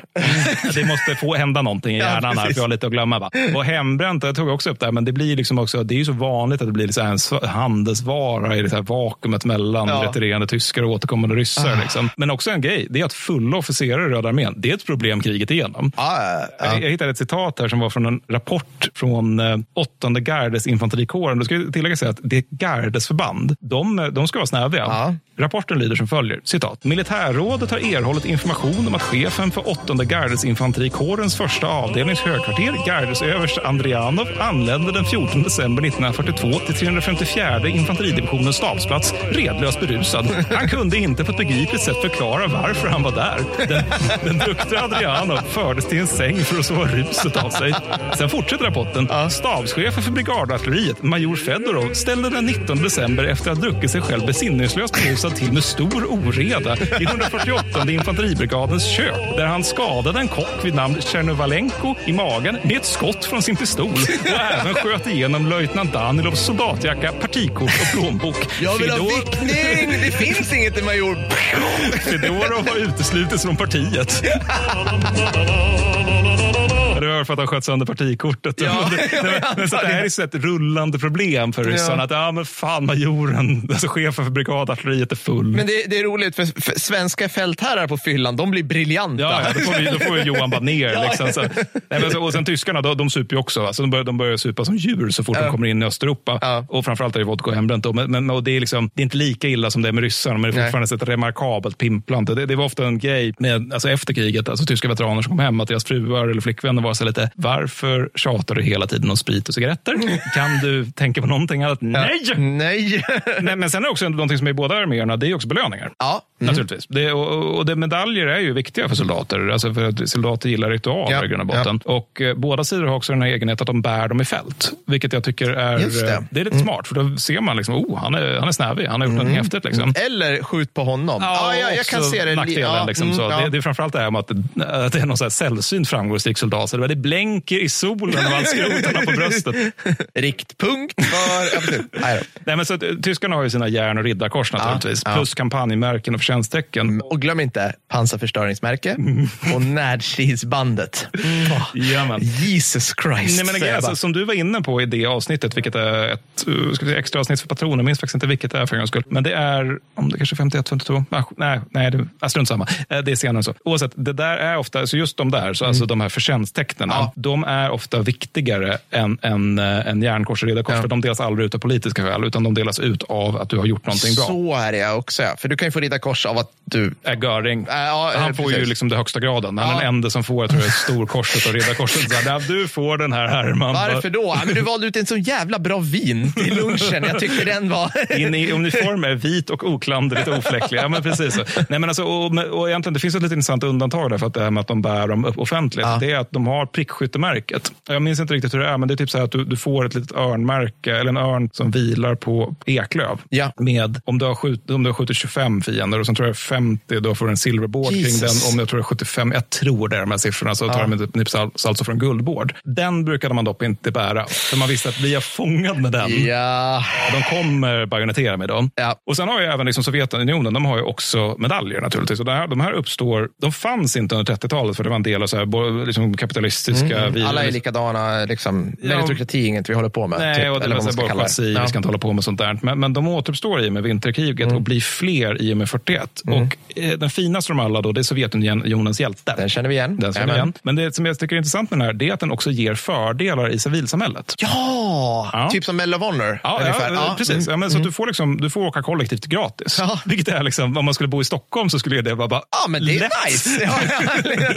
Ja, du får också företräde i sjukvården, vilket Ja. är inte så dumt i Sovjetunionen. Nej. Du får också förtur för husköp och sådär. Och om du får två av den här jäveln, Ja. då får du dessutom i din hemby eller hemstad så får du en dödsbyst. det är bra. Bra Big D-aura. Ja. Men sen så också, till skillnad från tyskarna så får också ryssarna rakt av cash för goda insatser. Ja, mm. Så att det är liksom, om du är en PV-skytt så får du 500 rubel per utslagen vagn. Ja. Och de som sen bärgar en utslagen T34 till exempel, de får dela på 2000 rubel. Ja, okay. Mer ifall det är ännu tyngre vagnar. Mm. Så att, sen är det mer problemet att det finns ju ingenting att göra med de här pengarna. Men sen, när vi ska över till själva krigkriget så är det att nu så har vi... Krigkriget? Eh, alltså, men vi har ju varit nere i söder nu mycket. Ja, ja. Orsaken till att vi har hållit oss där, det är att vi nu, jag ska nu försöka Manstein beskriva... är där. Och det här, Manstein är liksom, där. Det är lite mer pansar. Mm, clickbait och sådär. Mm, liksom. men, men alltså i Vitryssland. Ja, mitt. Mm, precis. Mm. Där, för det är ju liksom att i söder så tar Sovjetunionen och tar terräng men till mycket högt pris i öst. Yeah. Om man ska sammanfatta det. Liksom. Under samma tid, från typ oktober 43 till mars 44, så mm. genomförs en oändlig mängd trattiga och groteska anfall i Ryssland, Vitryssland där man strider i och om frusna kärr. Oh. Det här det är ja. alltså primitivt på en nivå som inte sett denna tid sedan Persen. Sidan Persen det, för ja. det är liksom, mycket på grund av att de sovjetiska pansararméerna, de, eller stridsvagnsarméerna, de är ju nere i Ukraina ja. för att det är bra pansarlandskap där. Men det här leder till liksom att det finns typ ingen mekanisering här uppe. Alltså det, det, är så, det är så basic.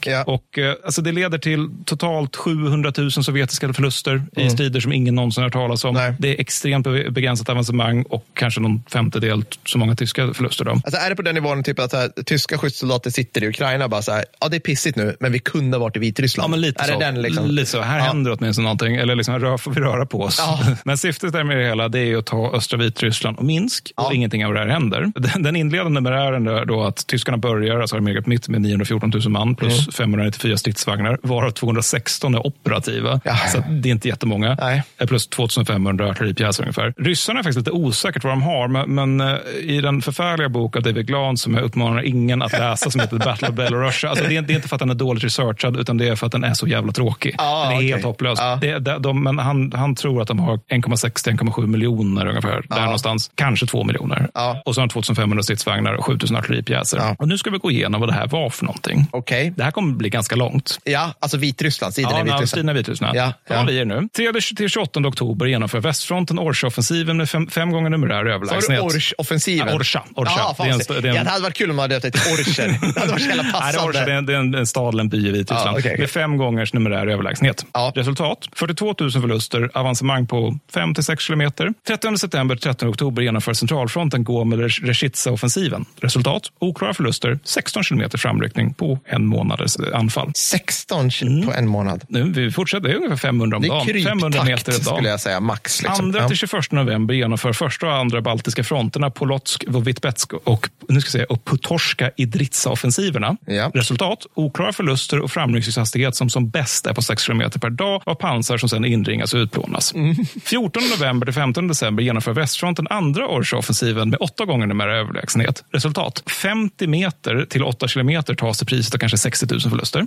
10 till 30 november genomför vitryska fronten Gomel, Rechitsa och Novibikov-Propetsk-offensiverna. Resultat? 17,5 kilometer per dag tas av stridsvagnsförbanden. Gomel intas. 66 500 går förlorade. Det här är den framgångsrika. Då. Ah, ja, ja. Mm. Vi låter oss fortsätta. Ja. 13 till 23 december genomför första baltiska och västfronten och västfronten Vitebsk-offensiven. Resultat? Tar sig lite närmare Vitebsk. Oklara förluster. 24 december till 15 januari 1944 genomför första baltiska fronten och väst, eh, västfronten Vitebsk-offensiven igen. Resultat? Tar 8 till 12 kilometer. Framryck eh, till priset av 35 500 förluster. 5 till 24 januari genomför första baltiska fronten och västfronten Vitebsk Bogushkev-offensiven. Resultat? 2 till 4 kilometers framryckning, nota bene över 20 dagar. Bara västfronten tappar 25 000 man. Vänta, 2 till 4 kilometer? Mm. Man kan januari. se så långt? Mm. Ja, och det är okay. inte färdiga heller. Nej, nej, det är mycket nej. operational art kvar ja, verkligen alltså. 8 till 14 januari genomför vitryska fronten Kalinkovich mot Syroffensiven. Resultat? Framryckningstempo på 7 kilometer per dag, oklara förluster. Mm. 16 13 januari genomför vitryska fronten Oshari Pitch-offensiven. Resultat? Framryckningstempo på 2 kilometer per dag, 56 000 förluster. 16 januari till 23 februari genomför vitryska fronten Parashai Bobrjusk-offensiven. Resultat? Vissa terrängbrister, oklara förluster. vissa terrängvinster. Mm. Det är typ så här, vi tog en buske. Nej, nej, men exakt. det är som i, det är som i, i Blackadder. Så här. We captured this. Oh, is this a terrain skiss? No, no, no, this piece of land. Japp, japp, japp. 3 till 16 februari genomför första baltiska fronten och västfronten Vitebsk-offensiven igen. Ja. Resultat, framryckning på 3-8 kilometer, 89 000 förluster. 21 februari till 29 februari genomför vitryska fronten Rogashev-Shlobin-offensiven och Mormal-Parichi-offensiven. Resultat, 2-20 kilometer erövras, 50 000 förluster. 22 februari till 5 mars genomför västfronten Babenikchiv-Vitebsk-offensiven. Resultat, framryckning på några hundra meter, 12 000 förluster plus de sista stridsvagnarna går förlorade. 5-29 mars genomför västfronten anfall mot Orsha och Boguskevsk. Resultat, ingen framryckning överhuvudtaget vid Orsa. En till 3,5 kilometer vid Bogurskev. 47 000 förluster kostar, kostar denna magnifika insats. Om jag då ska sammanfatta det här, för den bok jag läste på det, om det här var på 700 sidor och det var ungefär så här det lät. Jag, jag hoppas att alla lyssnare förstår vilken uppoffring Mattis har gjort nu att läsa den här boken. Ja, för oss alla. Liksom. Uppoffring för Röda armén. Ja. Alltså, notera hur ofta det är jag säger Vitebsk eller Orska ah. i de här. Alltså, det, de tar sig nätt och jämt någonstans. Nej. De förlorar 700 000 man. Det här är liksom första första världskrigsnivå på den här skiten. Ja. Alltså, västfronten, de tar en halv kilometer per dag ja. till priset av 381, förlust, 381 000 förluster. Another victory, commander. En halv mm. kilometer. Mm. Det, det, det, liksom, det, det, det, är inte ens gångtakt. Nej. Det är ålning medels hasning takt. Hur såg, hur såg det alltså Var det för att de följde genom kärr eller för att tyskarna var bra? Eller vad fan, hur kan det vara liksom? Ja, vi, kommer, vi kommer till det. För, okay. för att det är alltså, Rosokovskij är också här och han är ju som sagt en av de bättre generalerna. Ja, ja. Han lyckas ta en och en halv kilometer per dag. Ja. Så, så det är ju tre gånger bättre bättre, men det är fortfarande en och en halv kilometer per dag. Och förvisso lägre förluster, men det är, alltså, det är en av de bättre generalerna. Inte ens han kan faktiskt ta Nej. speciellt mycket Nej. terränger. Och alltså, det, det, hans soldater kallar honom också den oblodige generalen för att det är typ så här, ja men det var bara 300 000 man som gick åt där. eh, och han lyckades... Låg citat, ribba. orsaken till att han lyckas citat bättre, ja. det är för att han tänkte att hm, om stridsvagnar skulle exploatera istället för att bara dunka in i fronten, det, det, det kanske kunde vara ja, något. Ja. Och också att han på allvar, en delanledning till att det går bättre för honom, det är att han bestämmer sig för att mina soldater soldater kan inte visa initiativ, så jag måste detaljstyra dem. Ah. Då går det bättre. Ah. Det är liksom så jävla låg nivå är här. Om jag låter lite upprörd är det för att jag blir lite upprörd över liksom här, den här sanslösa mängden folk som dödas ah. eller blir lemlästade och så händer ingenting. Det, liksom finns inget, det, det, blir ingenting av det här. Och du frågade varför det är så här. Jo, det finns ingen koordinering mellan de tre sovjetiska fronterna som är med här. Varje frontbefälhavare kör liksom sitt eget race och liksom hoppas på det bästa. Sen är det också förfärligt jävla väder. Det är snöslask hela tiden. Mm. Terrängen som sagt är så här frusna kärr ja. och lika frusna skogar. Det är också förfärlig ledning med generaler som är så här, liksom, inte har någon aning om vad som händer vid fronten. Alltså, Rososkovskij får ibland skrika på dem. Kan ni flytta er stabsplats så att ni åtminstone kan liksom få samband med soldaterna? Bara, nej, nej, vi vill ha Konrad-avstånd ja, till det här härket. Liksom. Ja, det,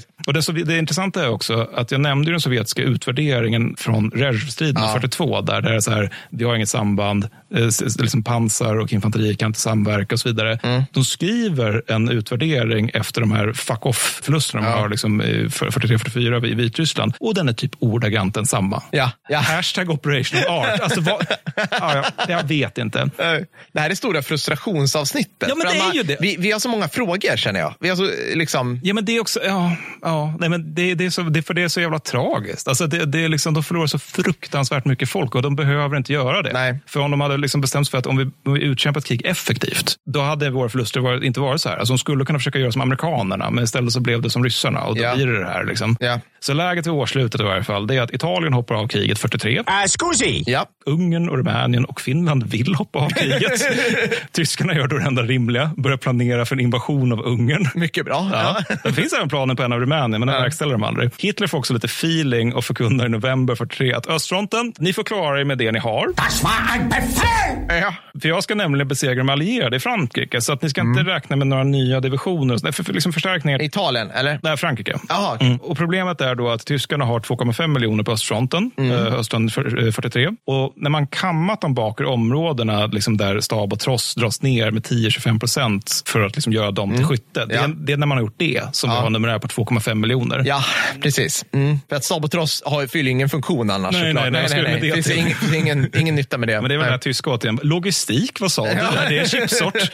Nej, men däremot, ryssarna är däremot ett utmärkt läge, för att Lend-Lease går inte längre för tyskarna att hejda. Nej, just det. Nej, men nu är det fritt blås över Atlanten ja, i praktiken. Köra, liksom. liksom. Ja. Och eh, Sovjetarmén har ju, liksom, trots att de har förlorat 6,6 miljoner man, 43, återigen växt. Ja. Alltså, de har tappat 2400 stridsvagnar, 43, men de Ja. producerar 27 300. Ja. Så att det, det är bättre. Ryssarna, tyskarna där producerar 10 700 och eh, förlorar 9 000. Så, att Ja. det, de, Nej, men så att de har nått ett numerärt övertag nu, ryssarna, där tyskarna inte längre kan hejda ett sovjetiskt anfall trots att sovjetiska förluster förblir groteska. Alltså, Nej. de är nu på så pass många att de kan liksom bara bröta på i grund och Ja. botten. Så att den sovjetiska numerären vid årsskiftet är lustigt nog då just 6,6 miljoner plus 50, nu ska jag säga 5 357 stridsvagnar och stormkanonvagnar. Och det är vid fronten. Ja. Sen finns det nästan dubbelt så många liksom längre bak i Ja. olika vilolägen och sånt där. Medan ja, tyskarna är inte så många. Tyskarna.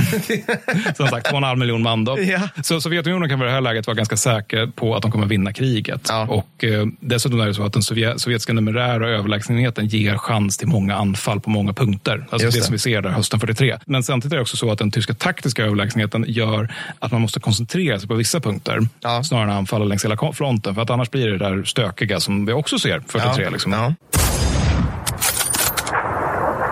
Jag tänkte att vi skulle avsluta året 43 med att prata lite om kvinnor i uniform. Ah, spännande. Ja.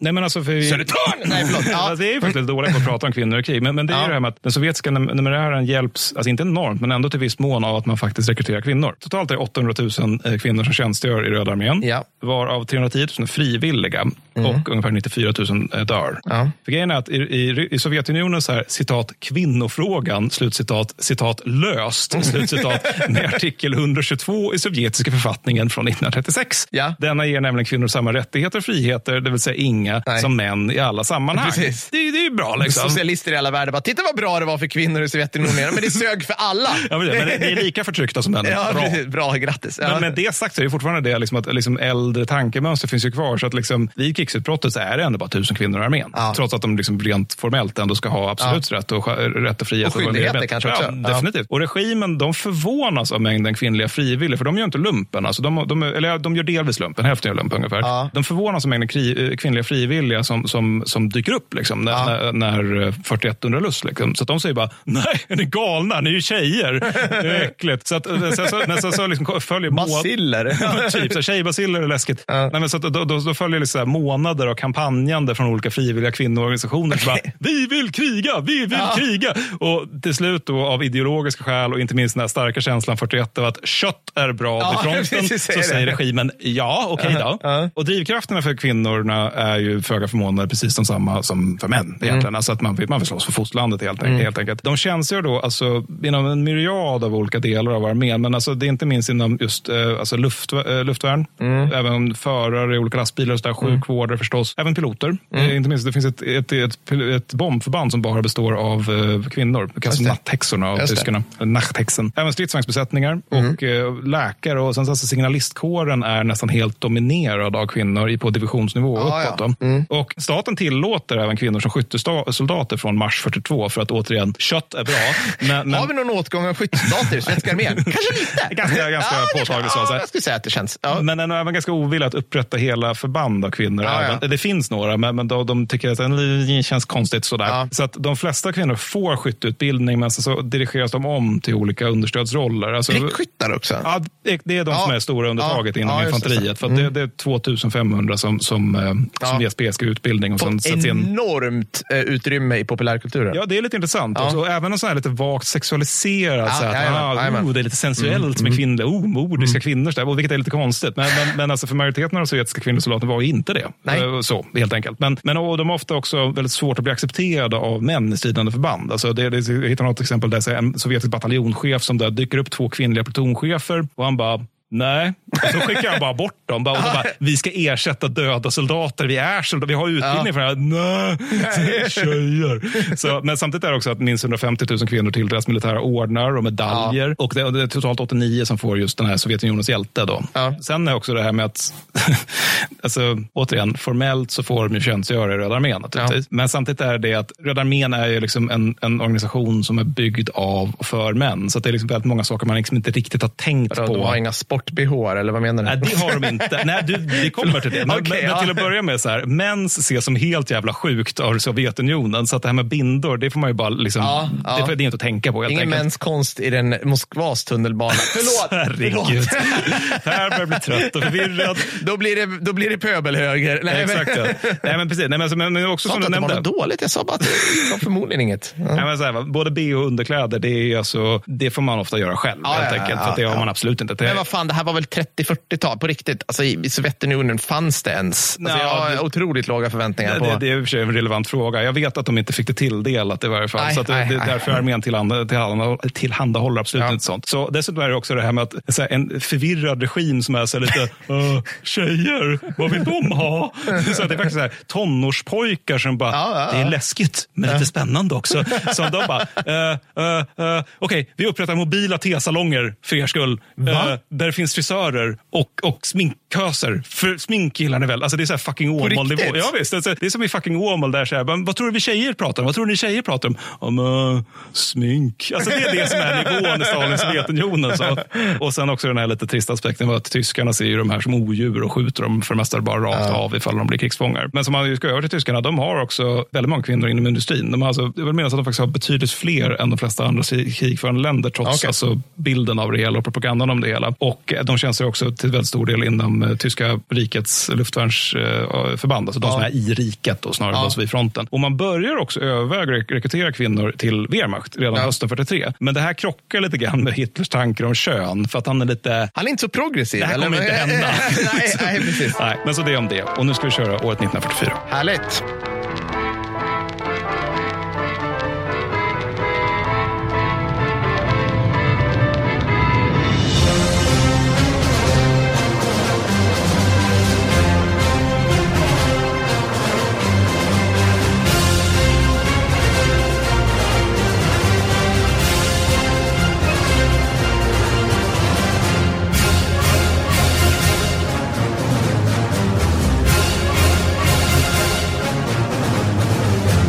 –1944.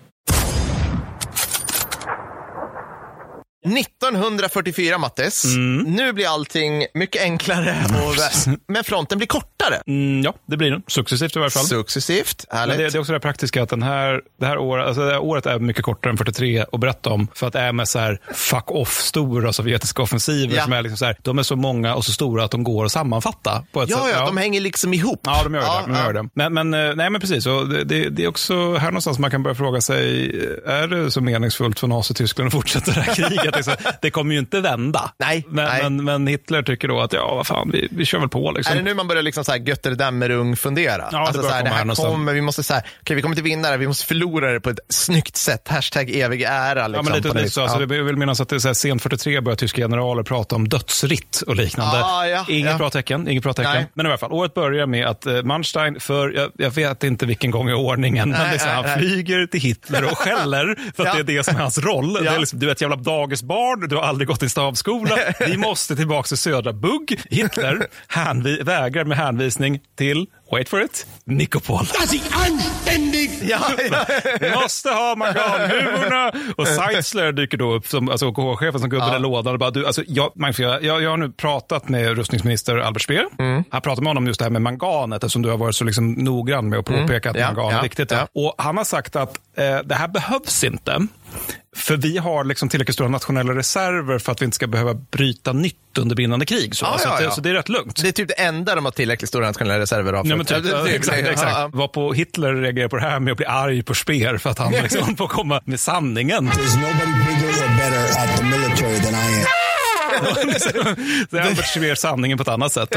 Men, så, så det här är ju liksom, som sagt, alltså, det är ju liksom att 41-42 så är det ändå så att det finns tillfällen där, där um, ja, tidigare 43 också, Ja. där Hitler och hans generaler ändå har, så här, men nu är vi på väg åt samma håll, men här börjar det verkligen detonera Ja. på allvar. Ja. Medan på andra sidan taggtråden så är det liksom att eh, Sovjetunionen, de har liksom rätt har- harmoniskt ledarskapsmässigt. Det är liksom så här, Stalin bara, nej men Tjocko och Vasilevski, ni, ni kan sköta det mesta. Liksom, jag står med för övergripande ambition om att erövra hela jävla världen. Eh, så mycket det bara går i alla fall. For our vision of a better world to succeed, we must weed out the insurgents.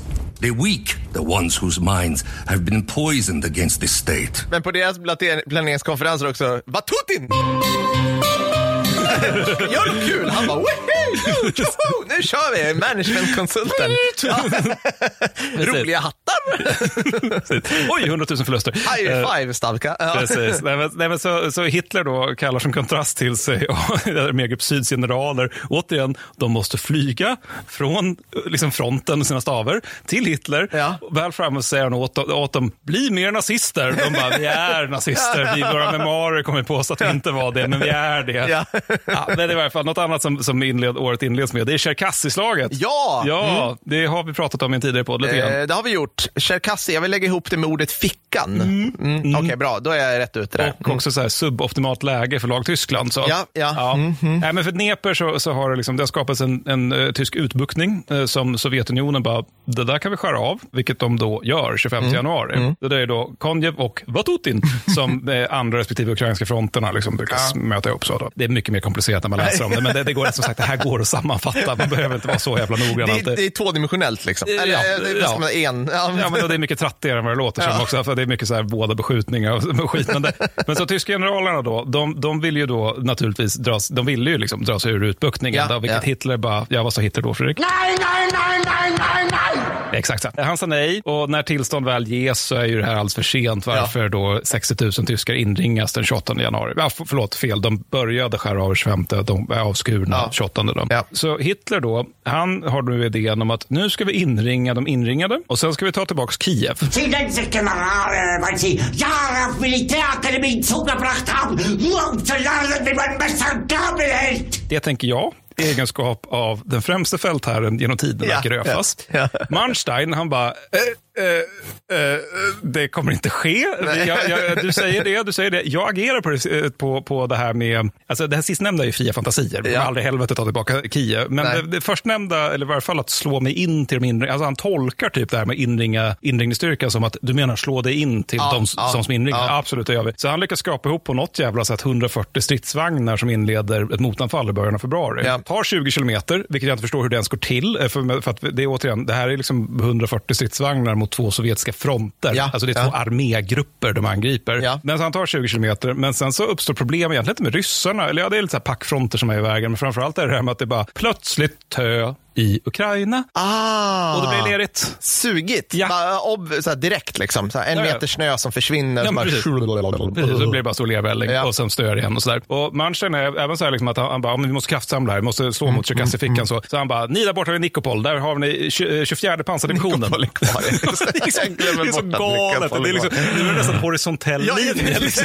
Det- men, men, eh, men, eh, han bara, det är liksom, ni där, 24 pansardivisionen, ni ska över hit till Tjerkassy. Och eh, då när de, när de har kommit fram, då, återigen att de har åkt genom vinter och lervälling hela Ja, vägen, ja. vilket är så här, pantervagnar vill inte marschera så här långt. Det är så här, diktan, gräns, eller Men- diktan men fronten. men, typ, liksom. ja. då är det liksom så att då, då dyker de upp till Hitlers ja-sägare Theodor Buser som bara, vad fan gör ni här? Ni ska vara vid Nikopol. Så, kontraorder, åk tillbaka, annars blir ni arkebuserade. Och resultatet är då enligt Pritt Butler då att 24 pansardivisionen lider 50-procentiga förluster bara på att marschera fram och tillbaka. Då.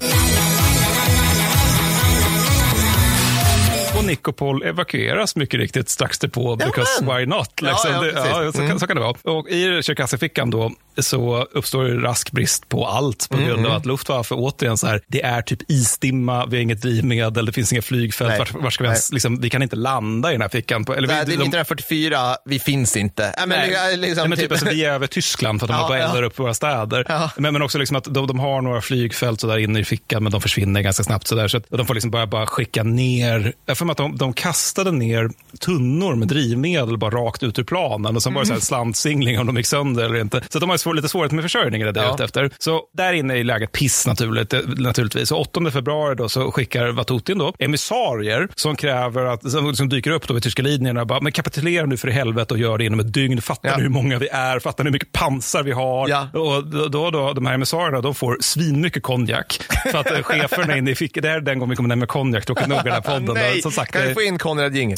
Tack. Ja, vi, behöver, vi behöver den för att muntra upp Ja. oss i det här mörkret. Nej, men så att, så att, då, då, för det är liksom, chefen i fickan är så här, om vi ger dem mycket tom på konjak så tror de att vi är mycket starkare än vad vi är. Genius. Eller hur? Ja. Och sen får de också ett nej. Ja, Eh, för ja. att du vet, slåss sist man, allt det där. Ja. Men så, och sen då efter väldigt mycket om och men så sker 16 februari då en utbrytning klockan 23.00 med, och den här citerade jag tidigare, men det var bara till patroner så att ni i allmänheten som lyssnar på det här kan också få höra på den här anfallsordern, för den är bara, okej, läget börjar nog bli lite desperat för tyskarna nu. Anfallsordern lyder, citat, omotiverad eldgivning ett brott som äventyrar hela operationen. Den soldat som möter en fiende och inte omedelbart angriper och dödar honom ska själv avrättas ljudlöst. Slut citat. Så eh, du där tysk trattbasse 1, om din kompis trattbasse 2, om han inte dödar en fiende, då ska du döda honom. Ljudlöst dessutom. Ljudlöst Ja, också. visst, visst. Bara så sakta bara...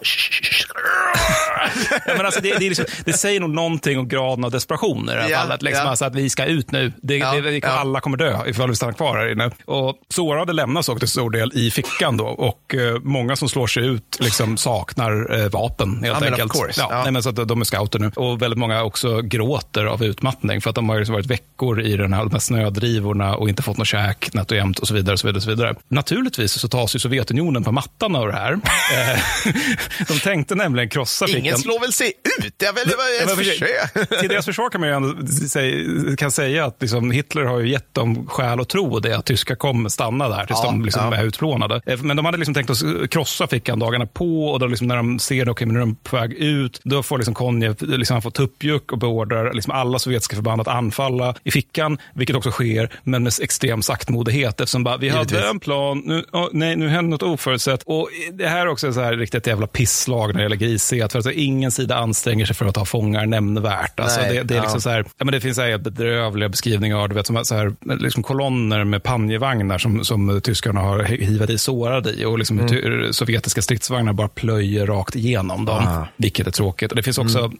någon skildring, vill jag minnas, med just från Cherkassy, hur man släpper lös kosacker med dragna sablar liksom, och hur de Ja. själva beskriver hur, ja, tyskarna sträckte ju upp händerna, men då högg vi ju av armarna. Ja. Ja, saker i Ja. den stilen. Ja. Medan tyskarna, de är ju inte bättre de. De massakrerar ju så, ryssar som ger sig, liksom bara Ja. rakt där då. Pang, hej då. Och sen tys, tyskarna då lyckas liksom mot all förmodan ändå pressa sig ut i det här, men så kommer de till en jävla flod. Ja. Och då tänker de att det vore bra med en bro här, för att det här är ju ändå februari Ja. i Östeuropa ute på steppen. Det är ganska kallt där. Ja. Hittar de någon bro Per? Nej. Nej, det gör de inte. Så de får simma. Ja. Och sen så är det gå några kilometer i alltså, helt genomblöta kläder Ja. i vintern. Så Ja. att, eh, suboptimalt kan man säga. Ja, men de kunde inte, det var inte frusen flod. Det var inte så bra. Nej, det var inte så bra, utan det var liksom perfekt två plusgrader eller någonting som, som, ja, det är Ja, snömobb, ja, men skiten. vinterbad är ju trendigt nu. Så att, eh, var det, var det, var det, ja. Det, det var länge sedan jag sa det, men det, det, här är återigen, det börjar bli lite real och jag skämtar bort nej, nej, jag vet inte. Jag tycker jag, jag, tycker jag skämtat rakt igenom allt real. Det, Ja, börja det- skämta bort real-grejer, det gör Ja, jag nej, men det är faktiskt en poäng. Ja. Nej, men så, ry- ryssarna, de, tyskarna då, de, det är 36 000 som tar sig, som tar sig ut totalt Ja, ja. Och sen så är det 11 000 av dem är sårade. Ja. Och sen så är det ytterligare 4 000 som man har flugit ut successivt under slagets gång. Så totalt så är det ungefär 19 000 som antingen dödas eller tillfångatas. Då. Ja. Plus kanske 10 000 förluster för de här kårerna som försökte bryta sig in. Ja. Lag-Ryssland tappar på något jävla sätt som ingen begriper 80 000 man i det här. Alltså, ingen vet. Det, och sen också det att sovjetiska planen var ju, och det som sägs offentligt också, och även i sekundära källor i sovjetisk historieskrivning, det är ju att ingen tog sig ut ur fickan. Då. Nej, men nej. så det, det, här, det här är den typen av lite udda slag där, där det är liksom att båda sidor förklarar sig segrare på något Ja, sätt. ja. Och båda sidor har ju lite rätt, för att alltså, ryssarna tar ju terrängen. Liksom. Ja. Så det är ju en De, seger. de tar ju bort Cherkassy-fickan. Ja, alltså, så men att utbuktningen försvinner. Ja, och liksom. de, de har ju tagit någon form av terräng. Liksom. Medan tyskarna, de är ju segrare eftersom de överhuvudtaget överlever. Ja. Eller liksom större del. Sen är det också att de som, de som överlever är så här, alla ni har köldskador över precis hela kroppen, eh, ni är undernärda, ni får vara i Polen i någon månad bara så att ni kan äta upp er lite grann Ja. igen. Och väldigt många är så där också att ni kommer aldrig vara soldater igen, för att Nej. ni har inga tår längre. Nej. Men, men jag visste inte riktigt vad jag skulle lägga in just den här punkten, men udda förband tänkte vi kunde prata lite grann om. Lars-Åke stickspår. Ja, men ja, Okej, udda förband östfronten. Vad kan det finnas? Jag tänker ju automatiskt på mitt italienska kavalleri om vi backar tillbaka till 42. Mm, ja, men jag tänkte framförallt ska- tyskar och ryssar. För ita- Ja, it- italienarna, ru- rumänerna, ungrarna och Vart är här- de nu? Men alltså, de försvinner ju vid dån. Och sen Ja. är det liksom att de staterna bara, vi skickar inte mer va? Nej, vi är inte så sugna på det. Vi har, vi har också problem hemma vid Ja, i många fall. ja. Så, Oj, vi är inte med i kriget längre, säger Italien. Eller vi har bytt sida. Mm. hej, men det är också grej, när de sticker, hoppar ur kriget, och är tyskarna är ju så helt vansinniga. Bara, ärelösa svin. Och, och, jag är helt med i Italien här. Bara att det är klart ni ska hoppa av den här skiten. Ja. vi måste snacka, vi måste bara snacka italienska fronten någon gång. Ja, ja, ja. Mm. Avsnittet kommer heta Bopidi Bapidi. Babidi Bopi! just det.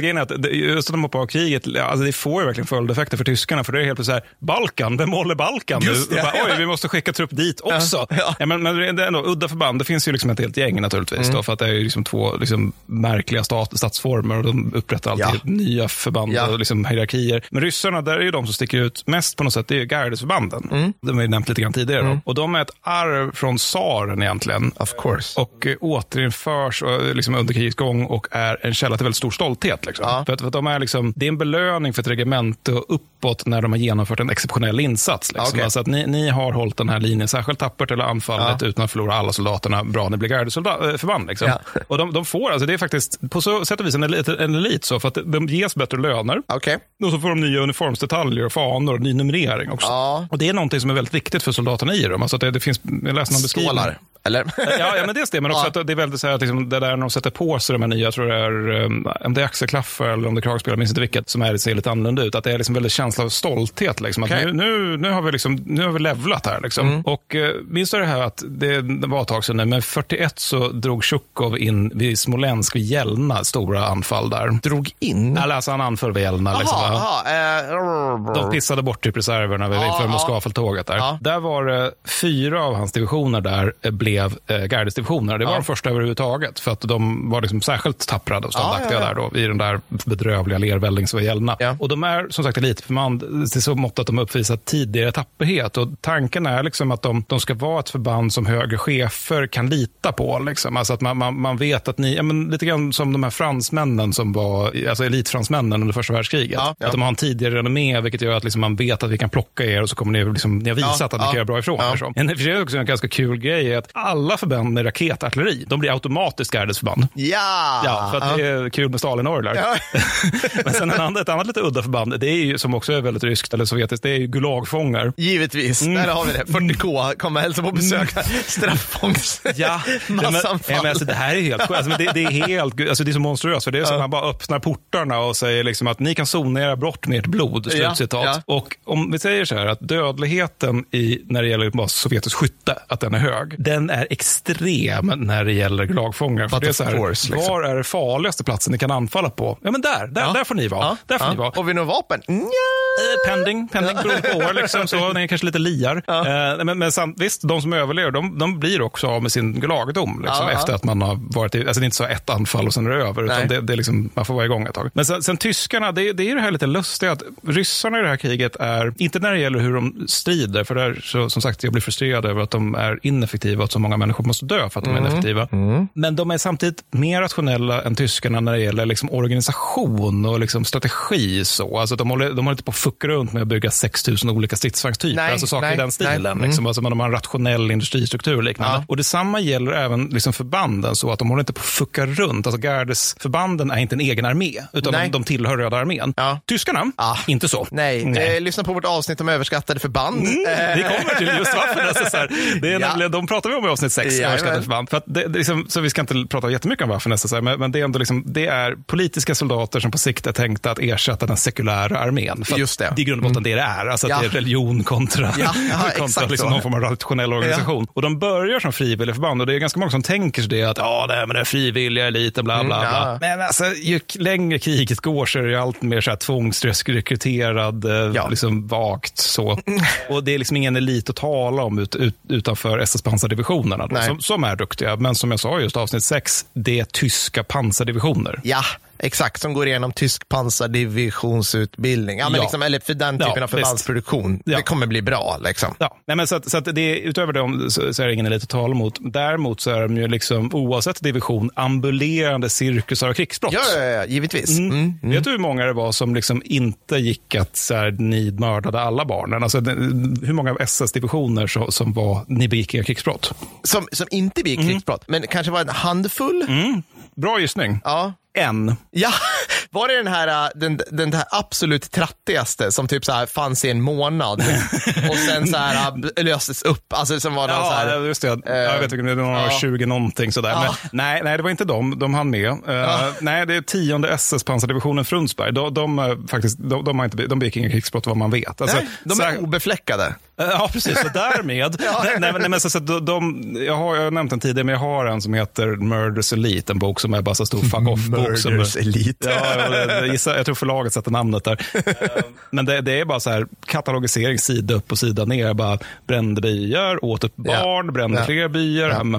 Ja. Bajonetta, dagis efter Nej, dagis. precis, liksom. så här, Ja, Det mm. blir riktigt grisigt när vi kommer till så här fjärde SS-divisionen Polizei. För, ja, Bara för att den heter polizei. Alltså vet man ju att det blir inget bra. Nej. Men Frunsberg är liksom bara, mm, nej. Eh, Nej, och okej. det, sen är det ju säkert fullt möjligt att det var så här, no, no, vid något tillfälle sköts krigsfångar hit eller dit. Men Mm. det är samtidigt en typ av krigsbrott som tråkigt nog är ganska vanligt och som sker inom alla arméer. Men i övrigt, som sagt, ambulerande cirkusar, krigsbrott. Mm. Jajamän. Och därtill så finns det också det här lite intressanta. Jag undrar om det är därför för många går igång på Waffen-SS, att det finns ett ganska stort icke-tyskt inslag. Aha, på vilket sätt då? Ja, alltså, alltså- eller ja, icke-tyskar som slåss, Ja, eller som strider. Ja, ja, visst. För du har ju dels alltså tyskar, sen så har du också Volksdeutsche, alltså de Mm. som är tyskspråkiga och kommer från ockuperade områden. Men sen så har du ju till exempel en del fransmän. Vi får inte höra Marseljäsen där. Nej. Och du har en del holländare, jag tror det är typ 20 000 holländare. Och sen så är det också de största kontingenterna, de är från baltstaterna. Mm. Så Lettland har uppåt 80 000 man i SS-uniform. Mm. Danskarna har en del också. Kan vi få höra danska jävlar? Dansk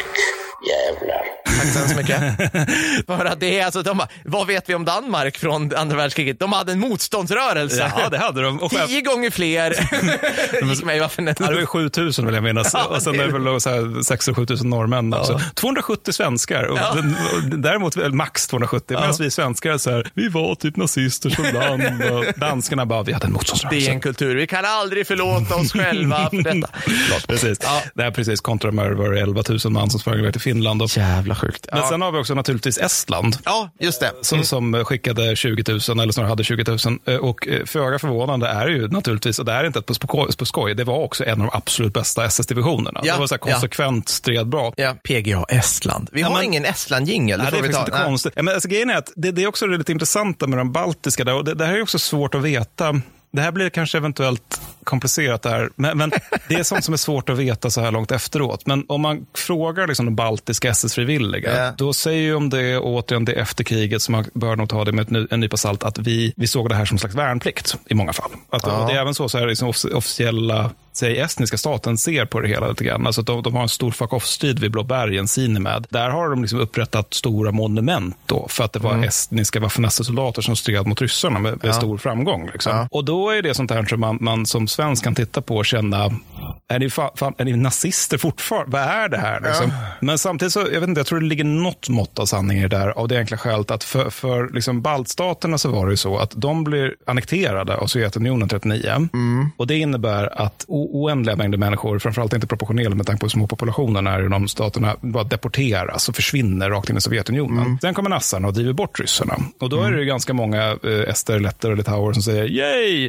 Och också ganska många av dem som liksom aktivt hjälper till med förintelsen. Men det innebär på något sätt att liksom det baltstaterna och dess befolkningar vet, det är att nazisterna, det kommer leda till att vissa minoriteter garanterat kommer utplånas. Ja.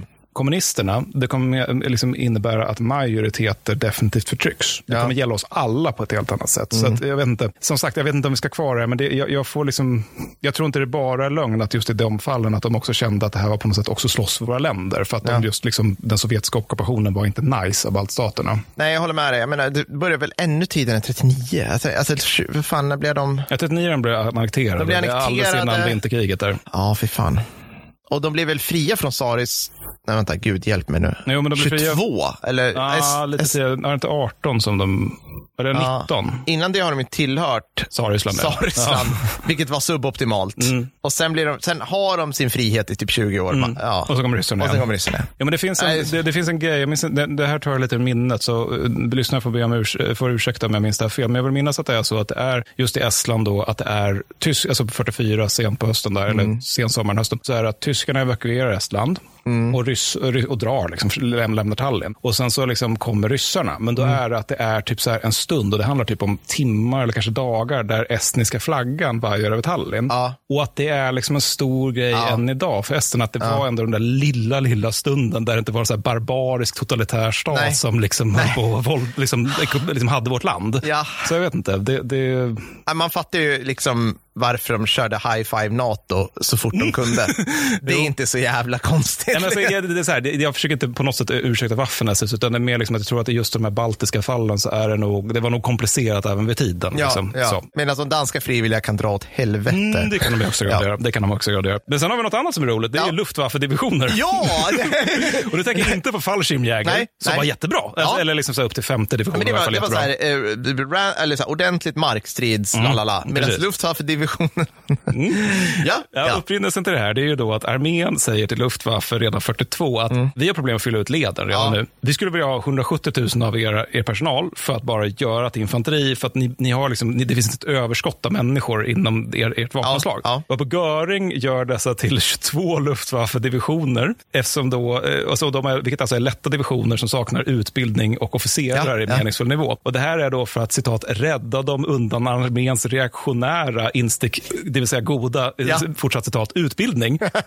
ja, så att man ska liksom utbilda dem mer på feeling då. För att, eh, däremot så ska de naturligtvis ha materiell då, som, eh, vilket försenar återuppbyggnaden av arméns egna divisioner. Ja. Och alltså, Sovjetunionen är inte jätteimponerade av eh, Luftwaffe-markdivisionerna. Tvärtom så kallar de det för armégrupp Mitts-rumäner.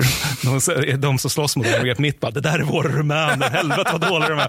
Eh, Och, det, det, och så är de också väldigt glada över att Luftwaffe-förbanden har liksom blå divisioner, för det är bara, okej nu ska vi säga grått, grått, grått, blått. Ja, men det är där den svaga punkten i, i försvaret är. Det, det är alltså bara de, att de köra. har på riktigt blåa Ja, uniformer. visst. Det fattar inte jag. Tänkte bara att de gick runt i fältgrau som alla andra. Nej, liksom. de har på. Det, det, så att, och det är bra, för då ser man ju vart man ska slå, Ja, där ja, det ja, kommer visst. kollapsa. Liksom. Men nu ska vi för första gången på väldigt länge till armégrupp Nord. Oh, spännande. Mm, ja. Mm. Vart är vi nu i tid ungefär? 44, tidigt 44. Tidigt 44. Mm. Vi kommer faktiskt börja lite 43 för att det var så länge sedan vi var i vid armégrupp Nord. Ja, men, ja. men det är liksom bara för att lägga upp kattamanegen. Så här uppe så är det ju fronten mer som första världskriget. För Ja. att det är, liksom, det är stillestånd. Alltså att artilleriet har bara skalat bort skogarna. Det är ett Man har hängt där sedan liksom 41. Ja, typ, och liksom, skjutit Ja. på varandra med alla upptänkliga kalibrar. Liksom. Så, det, så i september 43 så börjar man då, precis som eh, Kluge och Manstein gjorde lä- längre söderut, börjar man förbereda sig och, och, och liksom dra sig tillbaka till Ostwall. Alltså Ja. det som för ar- armégrupp Nord kallas för Panterlinjen. Ja. Och det här inbegriper också förflyttning av en miljon ton potatis och säd. Ja, för det tänker vi fan inte lämna bakom oss. Nej, det, det, det, så vi har inte... Käk är bra. Käk är det det här Ja. kriget handlar om. Jajamensan, Så för oss. Ja. En halv miljon liksom bara boskap i största allmänhet. Materiell naturligtvis, inklusive så att man plockar ner telefonledningar och sånt där. Och det här kräver liksom så här 4 000 tåglaster varje dag som bara boom, boom, boom. Plundring. Ja, Vi ska inte lämna någonting till ryssarna. nej, nej. Och sen är det också så här 900 000 Sovjetmedborgare som man bara, men ni kan ju rekryteras när det här är återerövrat, så er ska vi kidnappa. Ja. Men det här blir liksom så jävla eländigt att eh, chefen för armé- armégrupp Nord, Küchler, han får liksom bara, alltså inte ens jag är med på att det kan vara så här jävligt, så att han får liksom ge order om att vi måste vara lite mildare, annars så... Ja, det var för jävligt för de som de kidnappade. Ja, Ah, ja okej. precis. precis. Men det, det här är ju också en armégrupp som inte är just pri- prioriterad när det gäller pansardivisioner, utan Nej. totalt har man på hela gruppen 100 stridsvagnar i december 1943. Ja. Ja. Jag vill påminna om de där sovjetiska numerärerna, där så här, vi kommer med 1700. Ja, 100. Alltså, ba- bara man, så här, man kan ställa upp dem och se, titta på dem och bara, men gud vad tant. och det är inte 100 pantrar eller 100 tigrar eller 100. Nej, det är det inte. Och, och grejen är att du, du har ju helt rätt för att många av de här befinner sig på, på, på verkstad. Ja, ja, ja, såklart. Ja, såklart. Mm. Och de, för de här, alltså Armégrupp Nord, eftersom det är liksom en stillestånd där uppe, så är de hela tiden alltså de är nerprioriterade vad gäller förband och utrustning. Så att det liksom, de blir hela tiden av med riktiga divisioner. Ja. Så här, vad, får, vad får vi som ersättare? Eh, här är en Luftwaffe-division. Möjligtvis en högnumrerad SS-division också. Som, ja. Nej, men så, så läget är ju perfekt då, 14, för tyskarnas del 14 januari 1944, när Volkov och Leningradfronten angriper. Ah, nu har de vaknat. Ja, nu liksom. har de vaknat till liv. Då. De kommer då med tre gånger så mycket infanteri, tre gånger så But mycket artilleri och sex gånger så mycket stridsvagnar. Ja, ja. För, och med det då, med de anfallen, så är Leningrad nu äntligen befriat, så det där jävla helvetet kan ta slut. Mm. Liksom man, har, man har tidigare börjat slå upp liksom isbroar och sånt där, så att man har liksom lyckats underlätta lätta eller liksom dra ner lite grann på lidandet. Men, men Ja. nu är det verkligen befriat. Ja. Och Küchler, naturligtvis, han vill ju backa för att han, han är liksom rationell Mm. militärt. Så. Men han får så sent tillstånd med, till det att flera ty, tyska förband hinner liksom utplånas innan han får tillstånd att backa. De utplånas Ja, alltså? ja visst. Alltså, Åh, alltså, det är inga stora förband, men alltså, det är ändå så att det några bataljoner som har försvunnit Ah, i skogarna. okej, okej, liksom. ja. Så, så då, då gör ju Küchler, han, han bara, men Manstein brukar göra med att han flyger till Hitler. Mm. Om jag gör samma grej, då kanske det går vägen. Hitler har glömt att han finns. ja, men det är ju det. Nordica. Kommer inte in i bunkern med... Küchler, what now? men, men, men lite så. Alltså, och det är också att eh, Küchler glömmer att Manstein är liksom återigen liksom Manstein. Ja, men Manstein är briljant och han har liksom många segrar bakom sig och liksom kan, kan skrika på Hitler. Men, så att Küchler får istället nej och återkommer till fronten helt förstörd. Küchler plockar potatis. Det är vad Küchler har gjort. Nej, men alltså, Nej, var- men han är liksom så, här, typ så här, helt förstörd. Han kan liksom bara prata om beslutsamhet och strid sista patronen när han är tillbaka i fronten. Ah, vi måste hålla. Det är liksom som att Hitler har liksom raserat honom på något sätt. Så 29 januari så är tyskarna nu så pass försvagade Mm. att de knappt kan hålla linjen även om de får retirera till den. Alltså knappt, om de får äntligen liksom komma hela vägen till Panter så kommer de inte kunna hålla den. Nej, nej, nej. Och samma dag så får Walter Model, som, han får släppa nionde armé, armén och få ta armégrupp Nord istället. Då. mm. Han dyker upp där då. Och han får då till slut tillstånd att retirera till Panterlinjen. Och det, är Ja. så, det, är så, det är så perverst där, för det är så här att om vi gör det med en gång så tar vi inte onödigt höga förluster. Nej, nej. Men Hitler har lite feeling.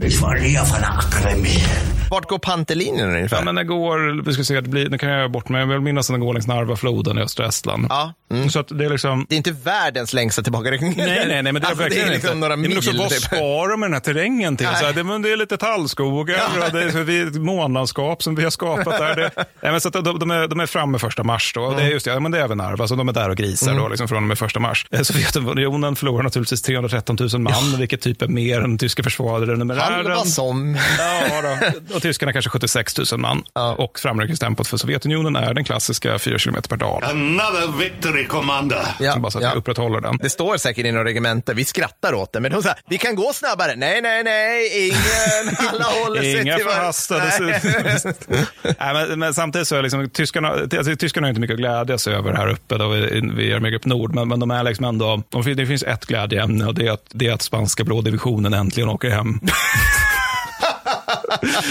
För det är ju det här jävla franska frivilligförbandet som Franco har skickat och de, de har varit så här ineffektiva vid fronten och oregerliga bakom den. Det var bara så här rytmiska gatudemonstrationer. Alltså det, det har allt varit bra. Så tyskarna bara, åh gud, skön, gud vad skönt att vi slapp dem åtminstone. Sen 28 mars så får Åd- Model, han, blir- han blir uppgraderad en gång till. För alltså AG, Armégrupp Nord är ju liksom lite av ett eh, bakvatten då. Ja. Men 28 mars, då får han bara, sådär ja, jag ska ta Armégrupp Syd från Manstein. Aha. För det är ju en prestigeposition Absolut. Verkligen. Ja. Så. Och innan det här så ansåg Model då, som är ju liksom lite av en rövhatt han också, han ansåg att ja, men Armégrupp Nord kanske, kanske ge upp liksom max två infanteridivisionen om front, fronten lugnar ner sig. Vi kan släppa max det till de andra armégrupperna. Nu då när han är Armégrupp Syds Ja, då är då det så här, bara- vi slä, kan släppa fem divisionen och en pansardivision. Och med tanke på att de har hundra vagnar så är väl också alla vagnar då. Så Seitzler han bara liksom bara, alltså ni andra chefer i Armégrupp Nord, ni ska inte lyda här. Liksom, ni tar det piano, ni skickar en infanteridivision, vi måste kunna hålla den här delen av fronten Precis. också. Säg att de blev försenade, skoskav, någonting liksom. Ja. Precis. Nej, men så Model han blev chef från och med 31 mars. Han, var inte, han var inte länge på Nord. Nej, det var han inte. Han kallades ofta för fyrens brandman för att han liksom fick nya postposteringar hela tiden. Han fick liksom lösa kriser. Men det är också lite på något sätt, det är lite utmärkande att Model är en väldigt duktig defensiv chef. Medan Manstein är en väldigt duktig offensiv chef. Ja. Och då är det ju på något sätt någon form av rimlighet att Models stjärna är stigande. Ja. nu är det nämligen på defensiven Nu är det jävligt mycket defensiven. Ja. Nej, men för att, eh, då kan man fråga sig vad som händer med, med, med Manstein då. För att, eh, det är liksom att under första kvartalet av 44 så trycks Armégrupp Syd bakåt längs med Svarta havskusten i. Och Hitler vägrar släppa Krim naturligtvis. Ja, ja. så man förstärker upp med rumänska förband som är så usla att tyskarna bara, vi vill inte ha dem här. Och Hitler bara, vi ska ha dem!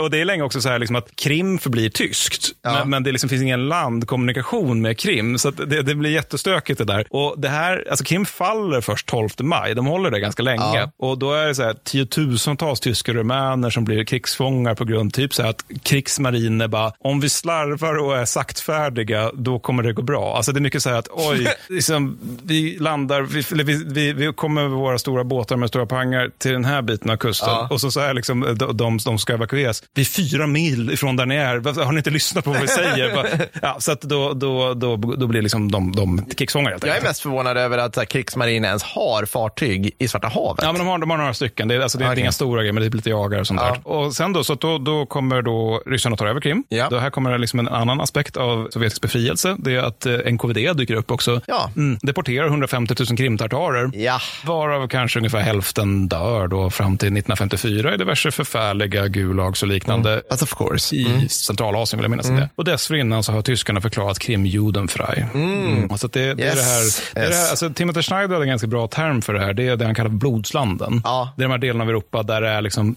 de båda totalitära systemen har, har ockuperats. Mm. Man har valt sina liksom, etniska grupper som man ska utplåna slash deportera. Mm. visst. Och liksom, mm, Mm. yes. Och sen om man liksom, de båda får liksom verka på samma område. Ja, ja. blir inte bra. Nej. blir väldigt, väldigt dåligt. Det blir väldigt, väldigt hemskt. Då. Och sen då, Sovjetunionen då, de fortsätter vältra sig fram i mars med så här framryckestempo, så här 4-8 kilometer Ja, per, eh, per dag. Det är ett framryckestempo som Konjev i sina memoarer skryter om.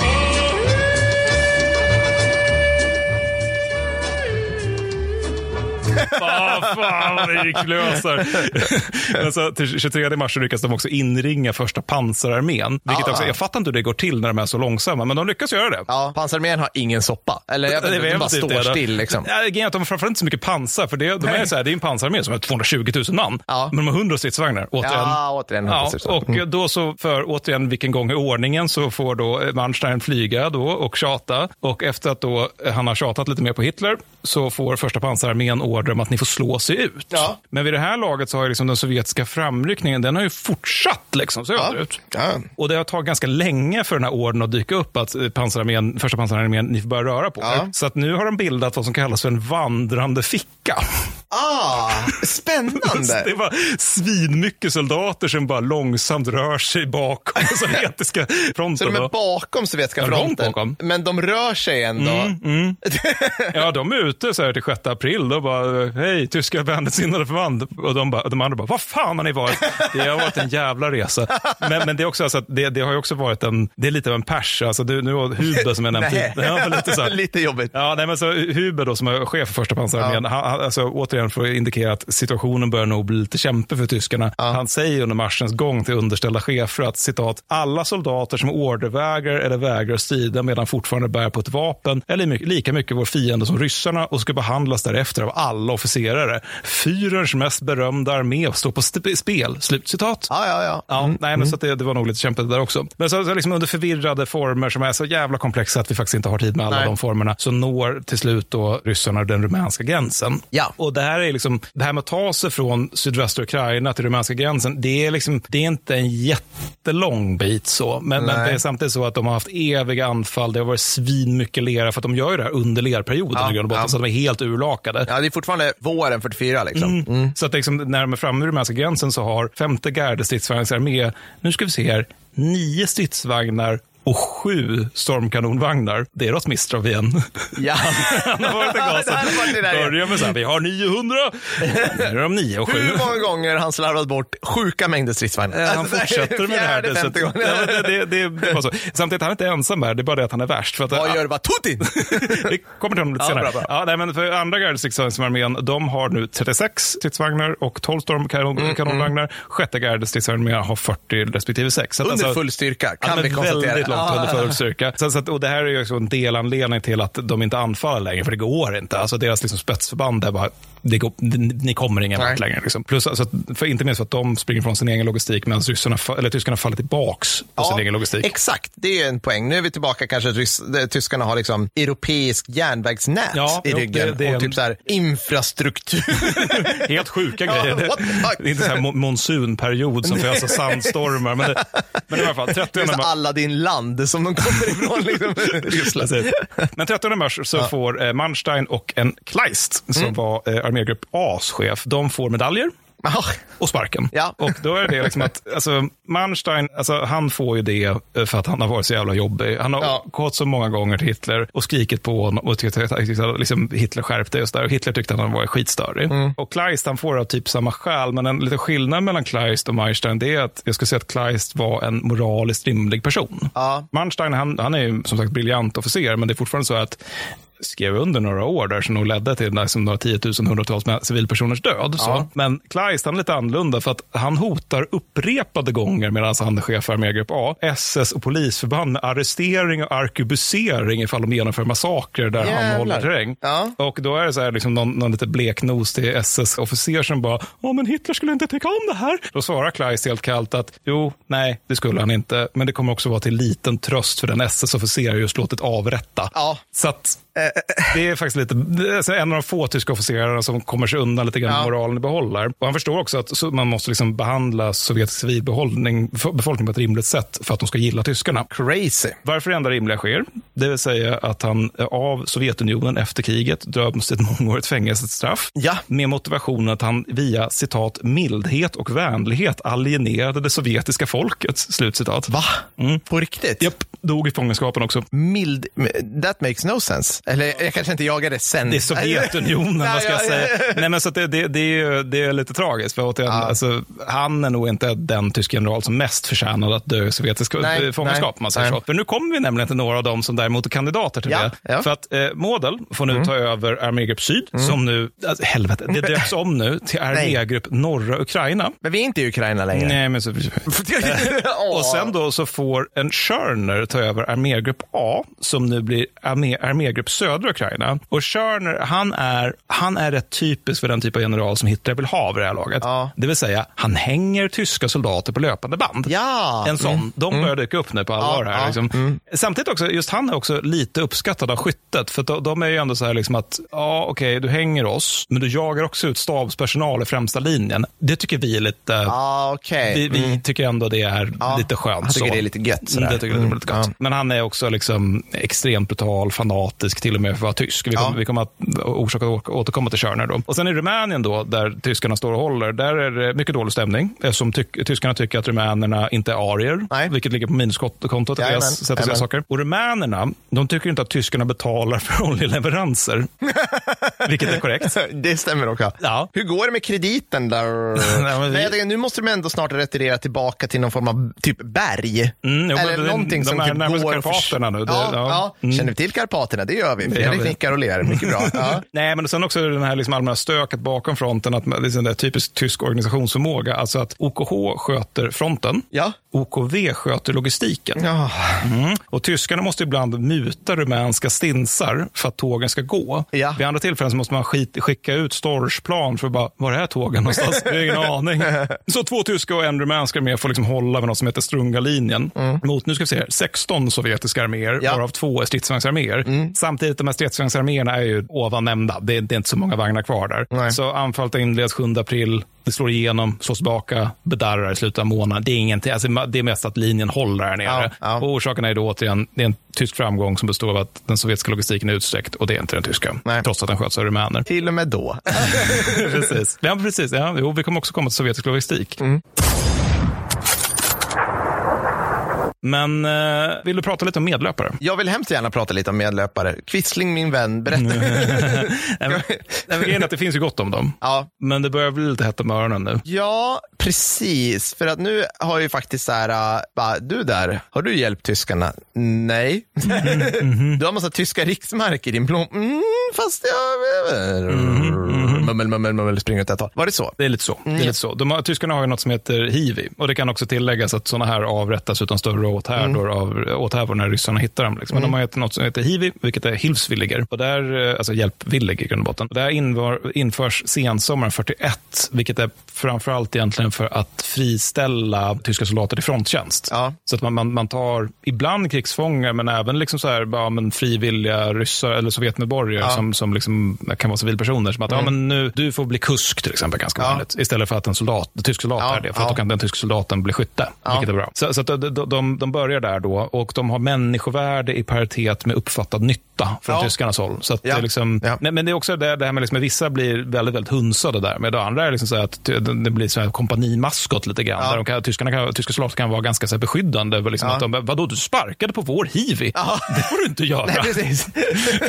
det var ju vår hivi. Ja, lite så. Lite så. Alltså, att det, det är ju det här lite hemska, att det låter ju lite sött, men det, man får också lite intrycket att de såg dem lite grann som husdjur. Liksom. Alltså ja, det, ja, ja. absolut. Kan du dansa om du får en brödbit? liksom? ja. Precis. Nej, men, och de flesta hivis är egentligen det på grund av strikta politiska skäl, alltså i stil med hunger, mm. det vill säga att man får mer käk ifall man är hivi. Mm. Och det är också tråkigt med tanke på att nu får man en, ofta en kula ifall man är tillfångatagen. Och sagt. Sen är det också 300 000 sovjetiska krigsfångar som blir, hamnar i tysk arbetstjänst i Tyskland. Och arbetstjänst, det är inte som under första världskriget där du bor på någon bondgård och har det ganska bra. Och så där, utan det är mer så här, ni är slavar, vi, ni får inte vara i skyddsrummen när de allierade bombningarna kommer. Saker i den stilen. Mm. Och snart är det även också miljontals civila, för att det är ju återigen det, de har ju evakuerat väldigt mycket Mm, folk, så de, de är liksom som bara drivs till Tyskland och liksom typ kidnappas för att agera slavar de också. Sen har vi någonting som faktiskt är ganska märkligt aktuellt och det är OUN, Organisationen för ukrainska nationalister. Ah, spännande. Det här har ju varit på tapeten för oss någon gång, vet jag. Mm, det har det varit. Men det är också att det är på tapeten generellt, för att när Putin idag håller på att kriga i Ukraina, Mm. så hänvisar han till vad han kallar för nazister och banderiter. Just och det. banderiter är de här, efter de här, Ja. efter ska säga Stefan Bandera, så Ja. att han hette Stefan i förnamn, som då var chef, eh, organisatör för Ja, OUN. ja. Och de, de här gossarna kategoriserar Ukraina efter ukrainare och vissa minoriteter Ja. kontra ryssar, judar och polacker. Ja. Och de tre sistnämnda kategorierna ska förintas. Ja, Alltså, s-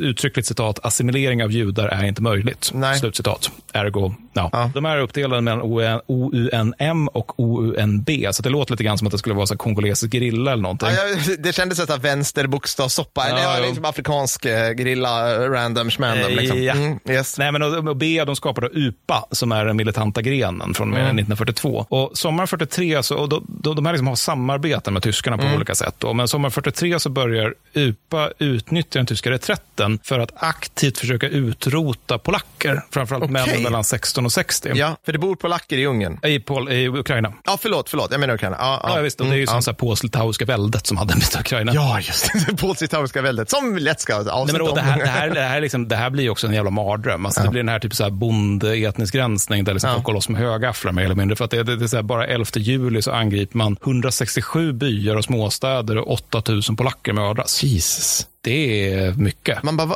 man bara, har ni inget bättre för er? Ja, det är en brinnande krig. Ja. Odla mat eller någonting. Eller vad Ja, fan, visst, visst. Alltså, jag blir helt... Eller, eller slåss för någon av sidorna. ja, liksom. ja, liksom. Alltså, Men, men det är ju det att de uppfattar det i grund och botten som att de slåss för ett självständigt Ukraina och att varken ryssarna eller tyskarna kommer ge dem det. okej. Så att, eh, ja. Och det som gill- ogillar UPA att eh, alltså, ryssarna tvångsrekryterar ukrainsk civilbefolkning. Mm. Och det, är liksom så här, det kan man för sig förstå att de ogillar, för det är så här 3 av ukrainare födda 1924 till 1926 överlever det här kriget. Ja. Resten dör. Så de vill döda Vatutin på grund av att han har bara rakt av tvångsrekryterat 250 000 ukrainare. Då. Vatutin! Exakt ja, till första ukrainska fronten. Fattar de inte att han är en soft snubbe med energi? jag gillar inte det här. Precis. Ja. Nej, men alltså, de, de fattar det så pass lite att de den 29 februari genomför ett eldöverfall mot honom eh, som skadar honom svårt i benet och han dör faktiskt av infektionsskador till den 15 april. Vatutin. Ja, men sen då så går UPA över till att enkom bekämpa Sovjetunionen och fortsätter med det brutalt ända fram till 50-talet. Alltså det här håller i sig länge. Oh shit. Ja, Ja. det är lite så skogsbröderna-feeling. Ja, där, men, liksom. ja, men Ja. fast mer eh, läskiga. Alltså, Ja, okej. Ja. Så här lätt radikaliserad. Nej, men alltså, det är bara ett av många så här, konst... Är de liksom nazister fram till Men de är 50-talet? snarare, Eller liksom, alltså, vad, vad jag vet inte om de är så länge, men alltså det, vad jag vet är att de definitivt under den tyska ockupationen går att betrakta som någon form av fascister. Ja, precis. Och de är så här starkt antisemitiska och inte minst återigen liksom bara, det mördar så mycket polacker av dem så att det, Men det, är, det, är liksom lite, galet. det är blod och jord-snubbar. Ja, precis. liksom. Ja, okej. precis. Mm. Nej, men så extremnationalister kanske man kallar dem. Men, men, men, men det är alltså, de är, eh, men det är bara ett av många exempel på bisarra grupperingar som, som underblåses av tyskarna för att de vill liksom bara ha liksom folk, lite anarki. Så. Men du, nu, ett, ett ord dyker upp i mitt huvud. Osttruppen. Ja, vi kommer till dem. Ah, Okej, jag vet dem från Close Combat. Ah. Man får Osttruppen, de är ingen bra. Nej, de är ingen bra. Svindåliga. Men man, bara, man har många av dem, så man bara så här slänger dem. Ja. Eh, det är en korrekt beskrivning. Mm, ja. Nej, men bara en sista grej. För, för det här är det här som är, alltså som vi var inne på lite grann när vi pratade om baltstaterna. Ja, ja. Att för, för väldigt många länder i Östeuropa är det här med andra världskriget, ska vi säga komplicerat, är väl det snälla sättet att uttrycka det här. För att det är nämligen så att UPA, alltså för detta UPA-soldater, om man ska, ska kalla dem, de får tillsammans med alla andra ukrainska partisaner, för det fanns många olika grupper, de får, har fått veteranstatus i Ukraina sedan 2019. Vilket alltså, tingar pension och lite andra så här Det kan inte fördelar. finnas så många kvar. Nej, det finns inte så många kvar. Men det, men det är en sån här typisk grej där man är lite, ja, vet inte om just de behöver Nej, det. nej, ja, fair enough. Ja. Men, men, men oavsett då, så, och det där är också någonting som är naturligtvis underblåser den här ryska vansinnet om att moderna Ukraina är nazister. Ja. Det, det, är så, Men så kan det vara. Men du nämnde Osttroppen. Ja, Vlas, Vlasoviterna är ju de stora på östfronten. Osttroppen sätts ju av fullt rationella skäl framförallt in mot amerikanerna där de bara, vi kapitulerar, så vi ska inte... Men det är liksom alltså, det, Vlasov, det, det är nämligen så att det är en general Vlasov som har fångats av tyskarna. Och tyskarnas propagandamaskin, liksom, de jobbar på högtryck 43 för att skapa idén, framförallt åt ryssarna, om att det finns en rysk befrielsearmé som heter Roa under Vlasov. Ah. Och, och Hitler, han är bara, beväpnade slaver, det låter inte som mitt tusenåriga rike. Nej. Nej, så det händer inte så mycket, utan det är mest en propagandaskapelse. Men sen så lagom till hösten 44 så får Vlasov till slut Himmlers tillåtelse om att nu ska du få göra två divisioner till en början. Och Ja, sen... han vill det, Vlasov? Ja, ja, visst. Jaha, visst. okej. Han bara, jag Ja. plockar ur lägren. Alltså, ni har ju svinmånga krigsfångar. Alltså, Ja. det, och sen så, och just återigen, propagandaorganen tycker att oh, coolt, coolt, coolt. Då kan vi liksom hetsa den ryska civilbefolkningen och tänka att ni kan komma över till oss och sådär. Har ingen som helst effekt att tala om. Men, men, men, men ändå, liksom, då, han får tillåtelse att göra två divisioner sådär och sen så ska man utöka till fem Mm, divisioner. mm. Perfekt stridsvärde, förstår jag. Mm. Ja, och det är också det är två divisioner. Ja, exakt. Det, hur går det Det är typ Tyskland? att de inte existerar ens på Nej, liksom, men det, är liksom, så det spelar ingen som helst Nej, roll. nej. Utan det, det är liksom, effekten för de här divisionerna är framförallt så här, efter kriget enkelresa till Gulag Ja. eller nackskott. Ja. Det, det, det är liksom typ så det är. Men sen kan man fråga sig, finns det några tyska överlevare? Såklart. Ja, det gör alltså, det. en, kommunismen var ju en, en, en het ideologi ja, jo, det var det. under delar av det. 1900-talet har jag förstått det som. Jo, men, jo, men precis. Men, Mm. men sen också, alltså det är inte lika många som i det ryska fallet och det handlar ju framförallt egentligen för att det är färre tyska krigsfångar än det sovjetiska Mm. och det är också, alltså tyskarna ockuperar Sovjetunionen eller delar av Sovjetunionen längre än vad ryssarna Ja. gör, vice versa. Liksom. Men du, för du nämnde ju faktiskt, det stannade ju inte upp dig på, men du nämnde ju desertörer alltså under, under när Barbarossa inleddes, Mm. vilket fick mig att så här, fanns det verkligen liksom, alltså 41, Mm. om, du var, om du var med i Wehrmacht 41, bara en jävla vinstorganisation, det är som att hoppa av New York Rangers Ja, ja. till liksom AIK Hockey. Ja, men, jag, eller, jag, ja, men det är liksom vilken jävla dipp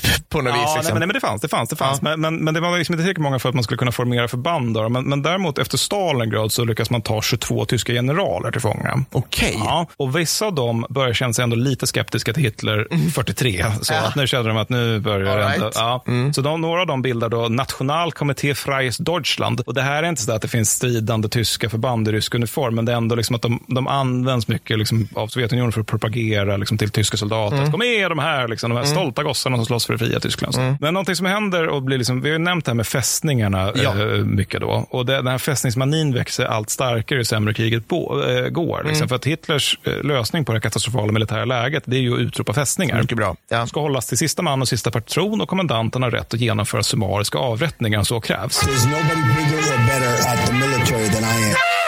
Säker seger, Säker garanterat. seger, absolut. Och de här väljs ofta på feeling snarare än lokala förhållanden. Ja. Att liksom, en så här, vet, Hitler har inte sovit någonting, har fått preparat Ja. X av Theodor Ja. Mordell. Bara, jag pekar på kartan, fästning! grälat med Eva.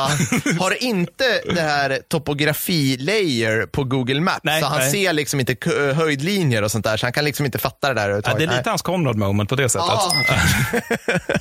Nej, men så, så till exempel i ett land så är det liksom att, eller i ett fall så är det att en fästning, eller någon liksom ortsförklarad fästning, är i en dal. Ja, ja. Med, med, med liksom möjligheter att placera artilleri kring, men Ja. inga möjligheter att gruppera artilleri i Nej. dalen. Så att man kan liksom bara ösa ner eld som inte går att besvara. Då. Och det som, vi ska inte upprätthålla oss för, vid det här för mycket, för att det är så många fästningar som liksom blir till och sen faller. Men Tarnopol är ett ganska bra exempel hur det brukar gå, för där har vi liksom en garnison som består av 4 500 så kallade man.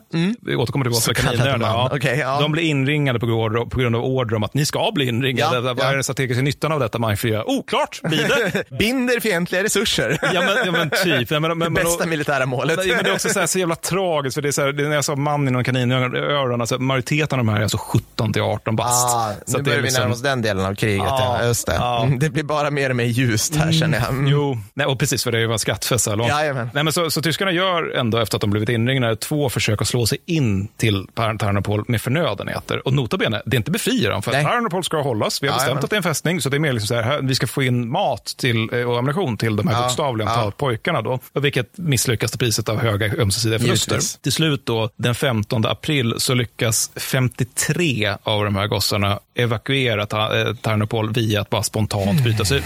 Det är alltså 53 av 4500 som överlever här. Och det är så här fästningarna går till Ja. i regel. Ja. Det, fin- det finns vissa undantag. Alltså, till exempel så har så Kovels garnison, de överlever till sommaren. För det är så här lokala chefer som får höra av Hitler och hans, eller som egentligen bara skiter i Hit- Hitler och hans nycker och bara, vi slår oss in helt enkelt. Och sen så, alltså vi, vi, har order om att vi inte ska göra det, och så att, men vi gör det i alla fall. Liksom. Ja. Alltså, hur beter sig ryssarna mot de här typ tonåringarna? Mular de dem också liksom? krigsfångar, alltså de, de, de blir bättre att ta krigsfångar ju längre kriget går, men, men, men alltså, det är så svår, återigen, det är en så stor organisation och det är även alltså, tyskarna själva är, har, tycker att det är svårt att förutsätta, säga hur rödarmister ska bete sig. Ja. Alltså att det, ibland är de som ser att det här är i praktiken barn, liksom. och ibland så är det, ja, du är en jävla hitterit, skjut dem. Ja. Förmodligen handlar det väldigt mycket om liksom, vad rödarmisterna själva har sett eller hört. Liksom. Om det är så att du är så här, ukrainsk soldat som marscherat igenom ett helt söndersmult Ukraina, det är nog ganska troligt att man då skjuter rätt mycket krigsfångar, skulle jag tänka mig. Men jag har ju nämnt det här med sovjetiska logistikproblem. Det har du nämnt. Du har, du har teasat mig länge nu och jag har bara suttit som på nålar och fått tänka på att prata om sovjetisk logistik. Jo, men det är också på något sätt lite förvånande nästan, för det är väl tyskarna som har dålig logistik. Ja, fast det känns som att ryssarna är typ sämst på allt. Alltså, det, kan, kan de vara sämre än tyskarna så är det ju de. Ja, Liksom. lustigt att du säger det, för att alltså mycket av segheten, de här episka fyra kilometerna Ja, som de ofta ja. tar per, per, per dygn, så det beror, ju- beror ju på att de liksom är oförmögna att förse frontförbandet med livets nödtorft Ja, botten. ja. Så, och det här börjar också tidigt, ofta på grund av ren inkompetens. Alltså exempelvis, alltså redan i september 41, då är det någon som snubblar över 233 000 fältbyxor som ligger och mö- möglar i någon depå, bortslarvade Ja. sådär. Och till vintern så är det många, 41-42, så är det många sovjetiska soldater som strider barfota. Vad fan, logistiken orkade inte. Ja, Barfota? Nog. Har de inte såna här fot... De, har- de har inga strumpor ryssar, de har ju fotlappar på något Mm, jävla jo, men det var inte alltid, äh, fotlinningar blir Fotlinningar, det. ja. Nej, men det är inte alltid i varje fall. Alltså, det, det förekommer då. Och det, det, jag tänker att de var nog insatta i strid ganska kort tid. Ja. Fast sen försvann nog fötterna helt enkelt. så, så Stalin han gör ju det enda rimliga då, alltså att han redan 1 augusti 41 sparkar alla logistikgeneraler. För ni, ni har inte gjort ett jättebra jobb. Nej. Det finns ingenting vid fronten. Nej. Varför gör inte det? Och, då, och han sparkar dem på grund av inkompetens. Men det är liksom inte så att det verkar ha hjälpt. För att alltså, mat har svårt att ta sig till fronten alltså, under hela kriget. Varför hungern är konstant och demoraliserande under Mm. Ja. hela kriget. Ja. Det är alltså, sovjetiska soldater kan gå, alltså återigen, in mer eller mindre hela kriget. Alltså det är så sent 44, nästan 45. Som de bara så här, det gick några dagar, vi hade inget käk, vi fick plundra. Och det, och det är ingen så här, det är ingen så här medvetet så här chattmäg som Nej, för nej. fransmän. Liksom. nej, nej, nej, utan det är bara att mat inte är prioriterat för att vi är inte amerikaner. Men man, man undrar ju liksom i det här läget, är liksom, är, är liksom korruption och inkompetens, alltså är det, är det liksom endemiskt? Är det, man blir ju nästan, man blir nästan liksom, alltså så här, rasist mot liksom det genetiska arvet inom Nej. ryska. Ja, men liksom bara, kan, för det, så här har ju varit sen Ivan den förskräcklige tiden. På Ja, vis, liksom. jo, nej men alltså det, det, jag tror det har mycket att göra med att de ofta har större arméer, alltså jättestora arméer, men att de tycker liksom trist med logistik. Alltså, Ja. de, de bygger inte ut logistiken lika mycket som till exempel amerikanerna gör. Nej. Alltså, att de bara, men nu har vi så här många soldater, då måste vi ha så här många logistiksoldater för att förse dem med grejer. Nej. Men det är också så så här, alltså, undernäring är liksom ett faktiskt problem i Röda armén Ja. och ren svältdöd förekommer. Ja. Alltså, 43 så springer, liksom, då springer de ifrån sin logistik flera gånger om. Ja. Och då är det liksom meningen i vissa förband som lever på 300 kalori, kalorier per dag. Ja. 300, det är inte jättemycket. Ni kan, liksom. ni kan lyssna på vårt Mat i krig-avsnitt om ni vill höra ungefär hur mycket kalorier en soldat ska ha. Ja, Eh, ja. Nej, men alltså, så är det hela divisioner som förklarar icke stridbart skick på grund av undernäring och bristsjukdomar. Alltså, Och det här är typ 43, 44. Mm. Ja. Och så, orsaken är ju så här, brist på lastbilar ofta. Ja. Och det här är trots Lend-Lease. Och USA bara, vi har gett er så jävla mycket lastbilar. Ja, alltså, hur kan ni, vad har ni slarvat bort dem? Det- vi- det är omöjligt. det. De bara, jag vet Nej, men sen en annan förklaring är naturligtvis också Ukraina. Alltså att det är, Ja. det är bökigt att ta sig fram i Ukraina. Samtidigt kan man konstatera att tyskarna hade inte det här problemet när de anföll genom Nej. Ukraina. Så Men, ja, men sen är det också så här mycket svinn bara i logistikkedjan. För det är liksom så här att du har, om, som sagt, omfattande svarta, svarta börshandel ja, ja. i sovjetiska bakre områdena. Nu spär du på min rasism igen, Mattis. Nu, nu, ja, men alltså, det, men det är också väldigt många stölder. Så. Alltså det, det var, och det här är egentligen det sjukaste. Det är liksom så att 42 så är det liksom 172 000 paket som doneras till Leningrads försvar. 172 000 ja, paket. Och de är det 166 000 som aldrig kommer i närheten av Leningrad. för att liksom så här, rare echelon motherfuckers tar dem. För att de bara, ska de här, den här svältande staden ha någonting? Oh, Eller ska dess försvarare man. ha någonting? Men, nej, jag behöver kakorna. Fy fan. Ja, nej, men så att det, det, Sovjetunionen är i regel bra på till 44 och det är de mycket bra på. Det, mm. det är därför antar jag som rotmistrov fortfarande har ett jobb. Ja. Det är att få fram stridsvagnar och granater till fronten. Ja. Och annat har inte samma prio. Och, och återigen, låt oss jämföra nu med USA. Där är liksom... Glass, hashtag glassfabrik hashtag i Stilla havet i det här laget. Ja, men nu kommer vi då till det som jag antar att många väntat på, det vill säga den stora sommarvilseledningen. Ja, underbart. Mm. För det, det, är ju ett av de få kända slagen för 44, men det är ju bagration. Mm. Och det, det, börjar man planera redan i april. Mm. Och det inbegriper just en omfattande vilseledning, eller försök till vilseledning. Mm. För det, det, här är återigen en grej. Det är väldigt svårt att veta om en vilseledning lyck, lyckas eller inte. Ja. För återigen, man kommer alltid säga om det går bra. Det är klart den lyckades. Mm. Men, ja. men, det, är alltså, men, men det är ändå, de är väldigt ambitiösa, ryssarna. För att mm. man har liksom så att samma divisioner flyttas till fronten om och om igen. För att påvisa konst, eh, koncentration vid punkter där man inte ah, tänker ja. anfalla. Fram och tillbaka. Liksom. Ja, precis. Ja. precis. Mm. Alltså, det är typ så att de, ni ställer upp på dagen, ni åker bort på natten och så ja. Man har också så att det är mycket så här fake materiell som byggs på en, för, en, en punkt. Man kamouflerar mm. annan materiell. Mm. Det är jätte, mm. jättestor fokus på maskering. Mm. Och alla order om bagation får bara ske muntligen. För man, man vet ju vid det här laget att vår sambandstjänst när det gäller OPSEC lämnar lite att önska. Liksom. Det, det, det finns ändå sådär. Ja. Och planen är då att slå mot eh, nu ska armégrupp norra Ukraina. Jag hatar oh, att de har gjort man. det här, ja, namnbytet. Ja, som inte befinner sig i Ukraina längre. Ja, nätt och jämnt. De kanske har någon tåspets kvar. Liksom. Och Lviv. Jo, men precis. De, de, de, har, fortfarande Lviv. Så, så att det, okay. det, det, är ju trots allt Ukraina. Samtidigt som bagation. Mm. Men de vill även att tyskarna ska tro att det här är huvudanfallet. Ja. Och tyskarna stärks i, det här, i den här tron av att första ukrainska fronten helt misslyckas med att dölja sina rörelser. Så tyskarna bara, helvete vad många de är. Samtidigt är det också värt att komma ihåg att Sovjetunionen har vid det här laget så pass mycket folk och så mycket materiell vid fronten att de, de, de kan liksom angripa vad fan som helst. Ja, ja. Alltså, första juni 1944 så har de 7,2 miljoner man i fronten. Ja. Mm. 9 000 stridsvagnar, 108 000 artilleripjäser och granatkastare och 16 000 flygplan. Det här är vid, vid fronten, ja, nota ja, bene. Sen ja, finns det mer bakom. Ja. Tyskarna har istället mäktiga 2,6 miljoner man, ja. 3 059 stridsvagnar, varav 2511 är, är insatsberedda, resten är på verkstad. Liksom. 1886 flygplan. Ja och dessutom den här lilla grejen, tyskarna tror att ryssarna är fem miljoner, så att de liksom underskattar fiendens numerär. FO har ja, gjort det igen. Ja. Liksom. Det är, miss på två miljoner. Ja. ganska, ganska många. Sådär. Ja. Och sen är det naturligtvis att Hitler, han, han, han vill ju alltid hjälpa. Liksom. Han, han, han är en värnde själ när det ja, gäller den sovjetiska stridsinsatsen. Liksom. Så att han bara, Vitebsk, Orsha, Mogilev, Bobrusk, ni är fästningar nu. Varför, mein Führer? Därför. Klart. Bra, tydlig order. Han är en handlingens man. Nej, det är just det, liksom, det är nästan så här, i väntan på att det ska fungera. Ja. Liksom, man gör det tillräckligt många gånger så kanske det blir ett annat resultat. Ja. Did I ever tell you the definition of insanity? Och sen också naturligtvis att armégrupp mitt får ju absolut inte övergå till rörligt försvar. Det är en uttrycklig order att ni ska hålla. Varför då? Det finns skogar i Vitryssland som vi håller. De är fina att titta på, ja, så där ja. måste vi ha kvar ja. dem. Taktiska tallreserven, kärrreserven. ja, men precis. precis. Nej, men och sen är det ju det också att alltså, Klug är inte kvar vid, vid armégrupp mitt längre för att ja. han var återigen så här kompetent och jobbig. Ja. Så att istället har man då ersatt honom med en Bush mm. som mest är intresserad av att taltratt åt Hitler snarare än att leda. Liksom. Där kommer han. Ja. Så, så att, och det är också lite intressant med just den här vil, vilseledningen för att alltså, Bush underställda arméchefer, ja. de, de liksom dyker upp och säger att det finns så jävla mycket ryssar framför våra ställningar att det är löjligt. Alltså det, det, de är så galet många. Vi hör liksom bara ljudet av stridsvagnar dagarna ja. ända. Alltså, trots att de maskerar sig så är de så många att det går inte att missa det här. Nej, nej. Då, då säger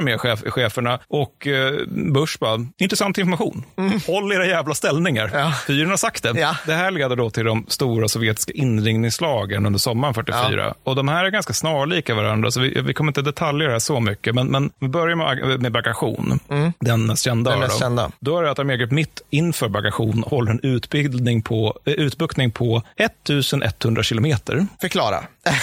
Du- Okej, du har en tänkt linje Mm. och framför den går en utbuktning på 1100 kilometer. Alltså det är hela deras område, liksom mängden front de ska hålla. Ja, okej. Och den är en utbuktning framför. Okej. För att det, det har ju gått bakåt i söder och i norr, men där är fortfarande en utbuktning av tallskogar som Hitler har liksom den här känslan för att det är bra Ja. med tallar, det är bra med kärr. Ja, låt, oss okej, hålla, låt oss finna evig ära i dessa kärr. Ja.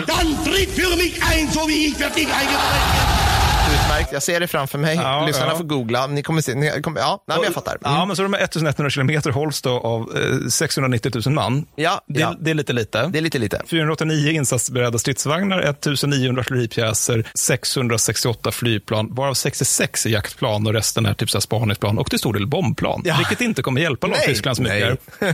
Lag Sovjetunionen sätter mot detta in 2,5 miljoner man. Ja. Vilket är alltså lika mycket som tyskarna har längs hela fronten. Ja, ja, precis. Yes. Eh, 6 000 stridsvagnar, 11 000 artilleripjäser och 7 000 flygplan. Vet vi, får jag bara fråga, vet vi om, tys, om ryssarna vet hur många tyskarna faktiskt är? Eh, de skulle jag säga ändå har bättre koll än, Ja. vad, vad, än vad tyskarna har. Ja. Eller både och på något sätt, för de tenderar i sina rapporter för, förklara förluster med att men de var svinmånga tyskarna. Alltså, de har en tendens att liksom ofta beskriva så här, men det är otroligt djup i det tyska försvaret. Det ja. var därför Rotmistrov återigen blev av med 800 stridsvagnar. Ah. Så att de, de, jag skulle säga att de vet nog, men de säger det inte med nödvändighet. Nej, för att nej. alltså, på samma sätt som det är liksom falsarier att både tyskarna och ryssarna underdrev egna förluster, Ja. så är det ju också så att de konsekvent överdrev fiendens förluster. Ja, men där var ju som ryssarna mästare. Då kan det vara så här att ja, men tyskarna förlorade 20 gånger så mycket som den tyska rapporteringen säger att de gjorde. Men så man sätter igång det här 22 juni då. Och innan, innan anfallet då så får naturligtvis infanteriet rycka in för att hjälpa till med skörden. Mycket bra. Hör till, så att man kommer i stämning. Liksom. Jajamän. Och det de gör då, det är att de smart nog slår i sömmarna mellan de tyska arméerna som ska hålla den här stora utbökningen då. Och sen går de på djupet mellan de här. Gå på djupet. Mm, ja, vi börjar likna lite Deep Operational Battle här. Ark, ja, Deep men, Battle. ja, men här, Mm. här börjar det likna någonting. ja.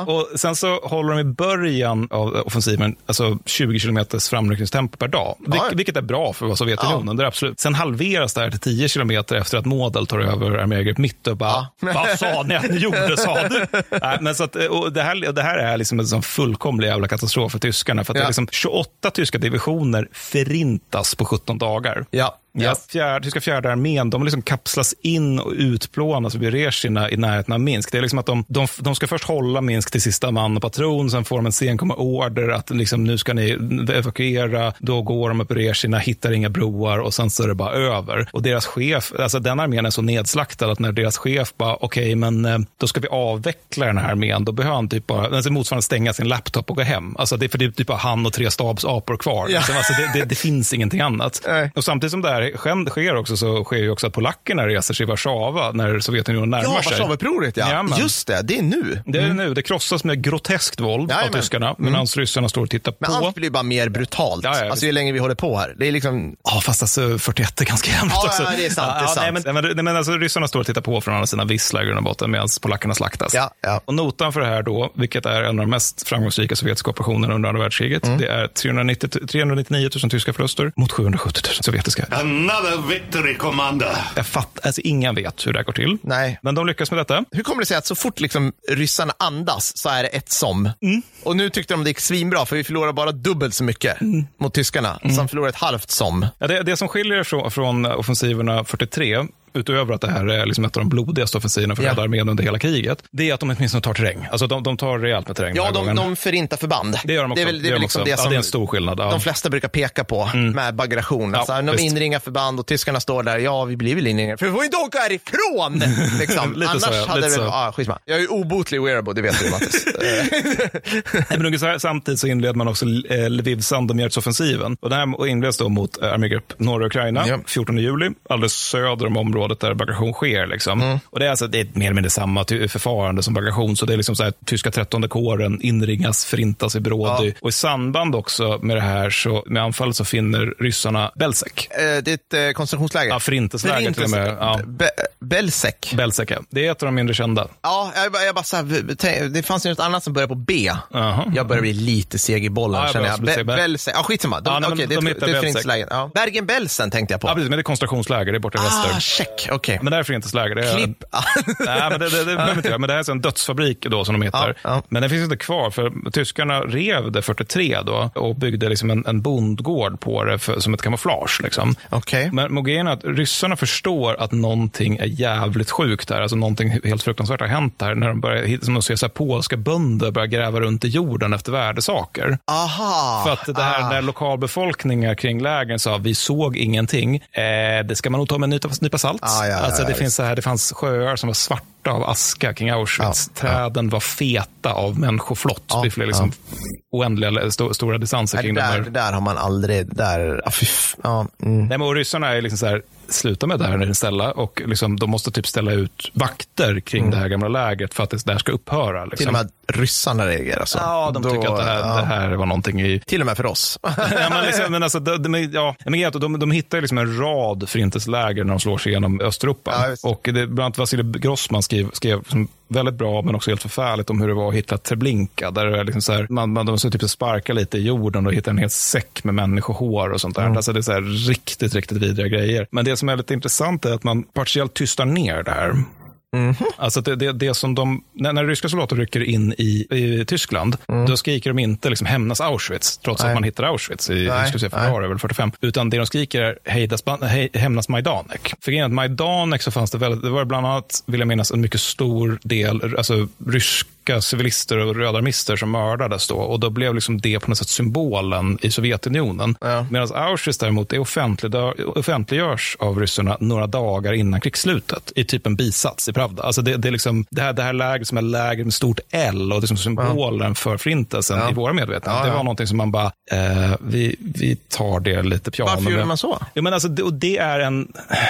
Det är intressant för att det, det är att Moskva helt enkelt ogillar tanken på att ett annat folk har lidit lika mycket eller till och med mer än vad det sovjetiska folket har gjort. Ja, offerkoftan är ju svinviktig för dem. Ja, men alltså, så det, det är klart det finns en offerkofta Jo, jo, här. men menar nej, liksom, men, nej, men visst, nej, men alltså, de, de, de, Sen var han ju antisemit, så det kanske det var var så han liksom, också. Det ja. var han också. Men, men, men jag tror helt ärligt att det handlar mycket om att de har, alltså, eller jag tror, det, det är på det sättet att de har verkligen den här starka känslan vid det här laget att det är vi som är det stora offret i det här Ja, kriget. ja, ja. Det liksom fullt rimligt.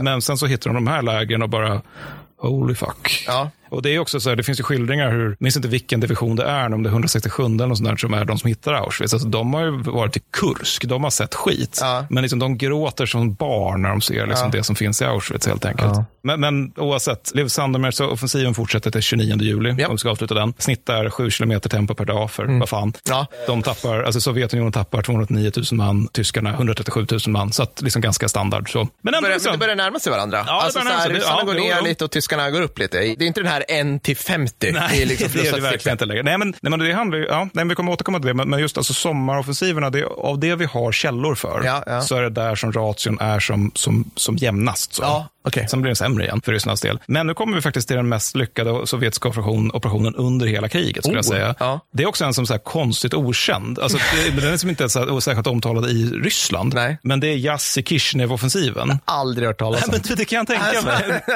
nej, men, alltså, nej, men det är så här, liksom, 886 000 sovjetiska soldater mot 430 000 tyska och rumänska soldater. Ja, då. ja. De sätter igång 20 augusti. liksom, nu jävlar kör vi. Två till ett där. Ja. Ja, liksom, ja. Ja. Och då är det ju den här grejen då att linjen hålls av tyska sjätte armén ja. som har rumäner på sidorna. Är Tyska sjätte armén återskapad nu, Ja, va? nu har den Stalingrad. rumäner på sidorna. Ja, ja, ja. ja. Känns det här bekant, det här scenariot?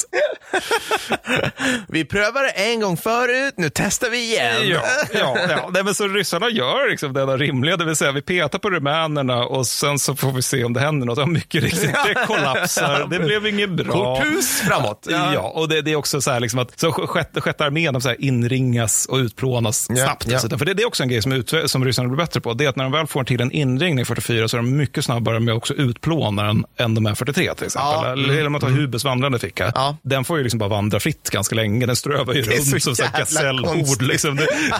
Men, men, men, men till den här tiden så börjar de liksom fatta hur man ska göra för att liksom knipa åt och utplåna. Ja. Liksom. Och nu får det återigen då naturligtvis, och armégrupp södra Ukraina får ju byta namn till armégrupp syd då och försöka Igen. hålla, ja, igen Ja. då, för att de får, de får försöka hålla Karpaterna nu. då, Just det, just det. ja. Nu är vi tillbaka där i varje fall. Vi, vi är inne i Östeuropa proper som jag skulle se det. Liksom, Ja, precis. precis. Mm. Och sen så då får, de, de här får det som gis- viss hjälp av vad vi skulle kunna kalla alltså, eh, hipster-armégrupperna. Det vill jag säga armégrupp E och armégrupp F.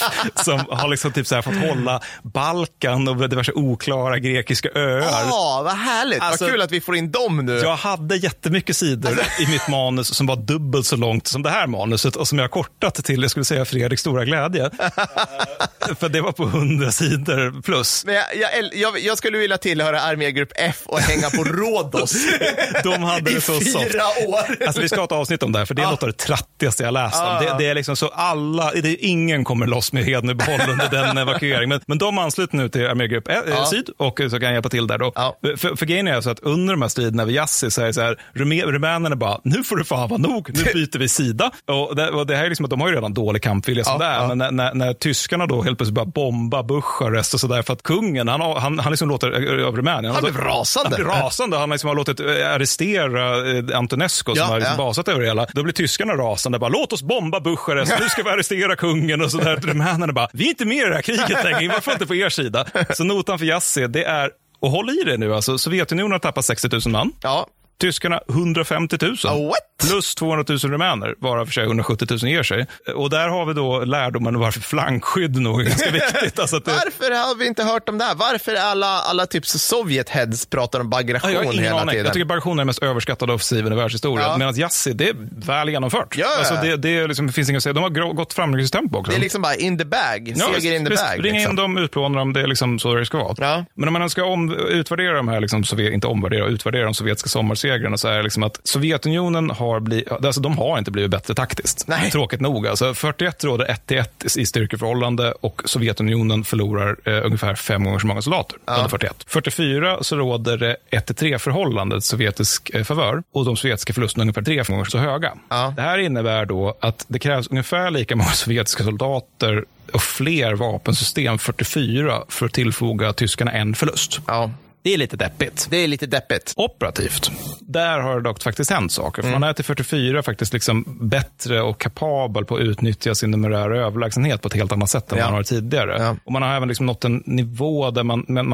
har liksom så mycket vid fronten att det är svårt för tyskarna att kontra det oavsett vad de gör egentligen. För liksom, som ett exempel, alltså till 44 så har man i regel från sovjetiskt håll 150 till 200 eldrör och 20 till 50 stridsvagnar per frontkilometer Ja. när man anfaller. Ja. Så har vi då en tysk infanteridivision. Snittar kanske håller ungefär sådär 25 kilometer eller något åt det hållet. De blir då beskjutna av minst 3750 eldrör mm och 500 stridsvagnar. Hoppas ni har grävt bra, kan jag, det kan säga där liksom. Mm, Det blir lite stökigt kan man Eh, säga. ja. Och liksom att tillse att allt ovan liksom faktiskt finns på plats. Ja. Det krävs ju faktiskt en hel del förmåga. absolut. Så att de är absolut bättre på att se till att förutsättningarna för seger där. Sen är det med att liksom så fort man kommer ner på lägre nivåer, det är det fortfarande mardrömslika förluster. Men så ska man sammanfatta sommarstriderna, så tycker jag en ganska bra sammanfattning är att tyskarna är bra ifrån sig taktiskt, endast tills de besegras operativt av strategiska skäl. Ja, ja. Så det är liksom det tyskaste någonsin. Det, det, det, var- det känns som att vi har gått full circle till Ja, typ visst. avsnitt nio eller vad det är vi brukar visst. prata om. Liksom. visst är det så. Visst är det så. Nej, men och sen, eh, Hitler då, han har ju sin egen utvärdering av sommarkatastroferna Ja. då, och även då 20 juli-attentatet där x antal Ah. tyska officerare försökte mörda Hitler. Då. Du, han som, eh, vad hette han? För när du har nämnt vissa, då har jag tänkt så här, vem spelade honom i Valkyria? Ja, Stauffenberg. Nej, nej, inte Staffan, men det var någon annan som är typ så här, som spelar så typ Eddie Izzard eller någon Ja, av de här bri- det. andra det- britterna. det Det- det- Vem- Han som var trevlig men dog i fångenskap. Ja, Klu- eh, Kleist. Kleist. Ja. Är inte han med i den? Eh, det är mer än jag vet. Ja, ah, skitsamma. Det, Mm, jag det, skulle, bara... ja, det skulle för inte förvåna mig. Nej. Men, men, men eh, Hitlers utvärdering av allt ovan då är ju ganska enkel. Ja. Det är att ny chef för OKH, det är Guderian. Han får liksom komma ut ur det här med att vara inspektör för pansartrupperna. Mm. Ja. Och Seisler får liksom bara gå och typ vara någon annanstans. För han har också varit jobbig. Ja, jobbig. Ja, jättejobbig. Ja, haft åsikter. Och, och, och Guderian, han är ju sån där som så här, i sina memoarer bara, jag var aldrig nazist. det handlade om pansar och det var spännande med pansar. Ja. Han kräver då att generalstabsofficerare ska inta en citat exemplarisk naziattityd, slutcitat, samt gå på diverse så här, meningslösa nazistföreläsningar när tillfället ges. Vilket är, så här, Ja. är inte du så här pansarkrigets fader? Vad, vad ska det här hjälpa? Ja, ja. men så det är ju han. Sen har vi då Körner då. Han skickas med fria händer slash snaror för att hålla Mm. baltstaterna och reträtt för armégrupp Nord är ju naturligtvis nu otänkbart då. Ja, givetvis. Bra. Och Körner han delar ett dödsfall liberalt naturligtvis. Ja. Men samtidigt är det här med att det är nu lite av ett strategiskt problem. Va? Att armégrupp Mitt och armégrupp Nord, de saknar liksom snart kontakt med varandra. Ja, ja, Och precis. det är även ett strategiskt problem det här med att Finland har hoppat av kriget. Perkele, se et koske saatana vie. Just det. Eh, För det gör ju armégrupp Nord till en ö. det är lite... vi sitter här. Oj, där kommer ryss-sovjet-stridskrafterna till eh, Östersjön. Ja, det är lite, lite olyckligt så. Mm. Ja. Men så Armégrupp Nord är liksom tillbaks, snart tillbaka tryckt till Kuland. Mm. Och till och med Körner tycker nu att nu, alltså och när Körner tycker det, han är fullkomlig fanatiker. Ja. Han, till och med han tycker att liksom, nu måste vi evakuera det här. Ja, Alltså, ja. Vi måste få ur oss, komma ur den här skiten. Ja. Liksom. Hitler, ja vad säger Hitler Fredrik? Nej, nej, nej, nej, nej, nej! Ja, det säger han. Ja. Eftersom Kuland det kan vara bra att ha som en förhandlingsbricka. Ja. Och dessutom så vill han inte att krigsmarinen ska tappa övningsområden. Nej, nej, nej, nej, men det kan vi inte vara med. Det kan, så, det kan absolut inte gå. Det är hösten 44. Ja. Det finns krigsmariner fortfarande. Det är väl så här, liksom så här, Vem bryr sig? Det är väl så här, Dönitz finns kvar. Liksom. Tre ubåtar lever, så här, två minsvepare, liksom, så här, gömmer sig i någon jävla bukt. liksom, precis. är en, liksom, norrländsk fjord, eller Ja. nor, norsk fjord eller någonting. Ja, men, men kulan fickan, som det sen kommer att kallas, det överlevde faktiskt hela kriget, trots upprepade sovjetiska försök att utplåna den. Var ligger vi- Ja, men det- Jag har jobbiga geografiska frågor. Men det är typ, vad blir det? Det är väl typ, det är väl sydväst om Estland där, så jag tror det blir dagens Litauen. Ja, Även, eh, vi säger pass på den. Ja, okej. för att jag, jag börjar bli lite sås i skallen. Ja. Jag vill bara på, påminna att vi har suttit här sedan klockan åtta och nu är klockan 17.25. Mattis, du ska aldrig klaga inför lyssnarna. Nej, förlåt lyssnare. Som tur är jag fortfarande rätt engagerad i det här ämnet.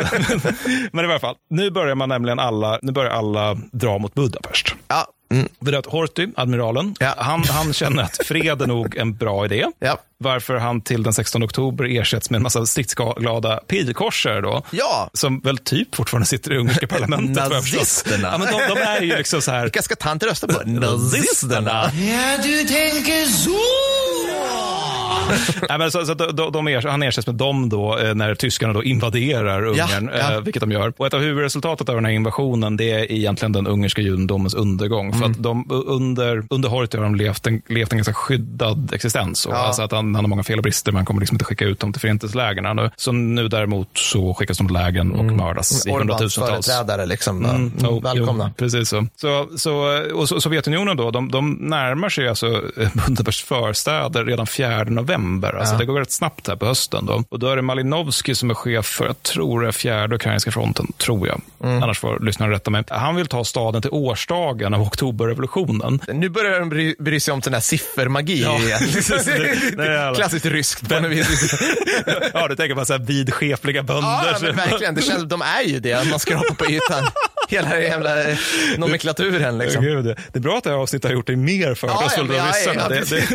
det- Ja, men i alla fall så är det liksom att han vill ju det, så han hejar på sina soldater med följande ord. Kamrater, ansträng er så att vi kan lägga den ungerska huvudstaden vid den store Stalins fötter. Ja, ja. Ära och belöningar väntar er. Om ni misslyckas så oroa mig för er hälsa. Slutcitat.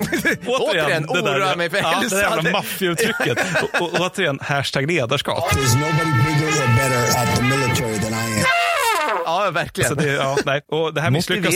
Mm. det här misslyckas de naturligtvis med också. Givet- givetvis. Så, och tyskarna då, de lika med naturligtvis börjar då förbereda försvar. Bland annat genom att de så här kammar igenom staden Budapest efter så här resterna av tredje ungerska armén som tidigare har liksom förångats via Stimuli. Det är liksom lite längre sydöst, men jag orkar inte gå igenom det. Nej. Men det är typ så här, ryssarna kommer och säger hej, var på ungarna, bara, åh herregud, och försvinner liksom för alla väderstreck. Så i början av december så börjar andra och tredje ukrainska fronten, eller om det är tredje Malinovska chefer, ah, skitsamma. De börjar inringa Budapest då. Ja. Inringen sluts då 26 december. För Hitler, för att han är ju nu liksom helt inne i sin egen drömfabrik. Ja. Alltså det går inte att kontakta honom längre. Doch habe ich allein, allein das Beste stellt. Nej. Så här, Budapest nu är en symbol och Givetvis. han är även liksom besatt av att hålla bauxitgruvorna vid Balatonsjöarna. ja. det blir hans nya Nikopol. Har ni liksom. varit vid Balatonsjöarna? Nej. Jävligt mysigt där faktiskt. Åh, fan, ja, nej, nej, det är det- sådär man det- skulle kunna åka och semestra. Liksom. Ja, nej, Budapest har jag varit i, men inte, inte Balaton. det har jag inte varit. strax väster om, eller ja, några Ja. mil. Nej, men där finns det tydligen bauxitgruvor Okej. och. Hitler vill ha dem.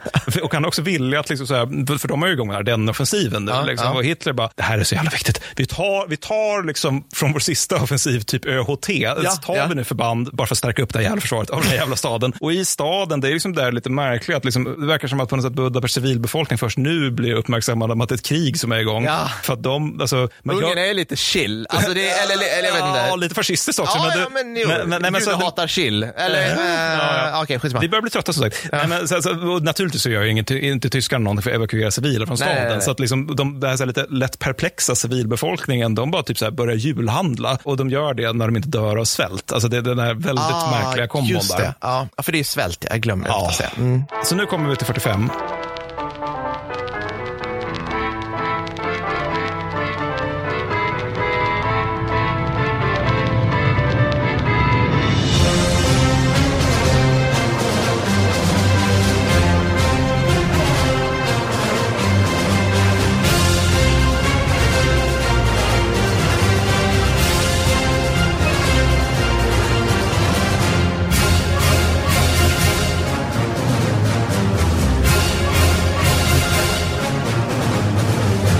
1945.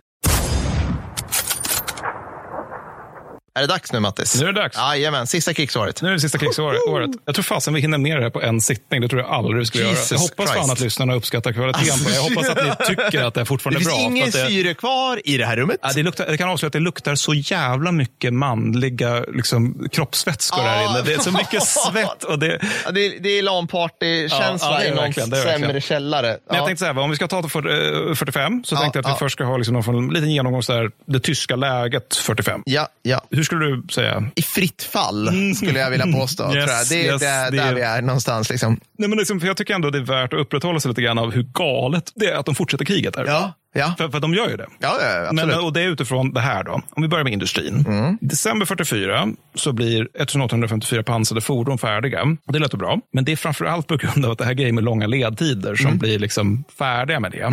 Och sen så är det också i september 44 så är det typ så här 3000 flygplan som blir färdiga av typ samma skäl. Ja. Ruhr har dock bombas. Ja. Och det här sänker ju liksom produktionen av till exempel du vet, stål. Ja, kan ja. vara bra om man ska ha fler stridsvagnar efter december. Sen har vi också det här med att jänkarna har ju varit vänliga nog att liksom satsa på att inte bara elda upp städer. Det är med britterna som bara, det finns kvinnor och barn nu, låt oss elda dem. Jajamensan. Medan jänkarna är mer så här, om vi hittar kullager och järnvägar så blir det mycket, mycket värre för tyskarna eftersom det finns ju fler civila liksom, Mm. Ja. än, än de som man kan bränna ihjäl med brandbombningar. Så att äh, jänkarna har ju då satsat så pass mycket på att bomba järnvägar att det liksom snart kommer omöjliggöra all produktion. Alltså, Ja. Exempel så är det liksom så att man har stridsvagnstorn i Tyskland som de görs i en fabrik Ja. och sen så ska de ta sig till eh, chassifabriken så att säga, eller de ska liksom monteras med sina chassin. Och då får man liksom genomföra den här operationen med häst och vagn.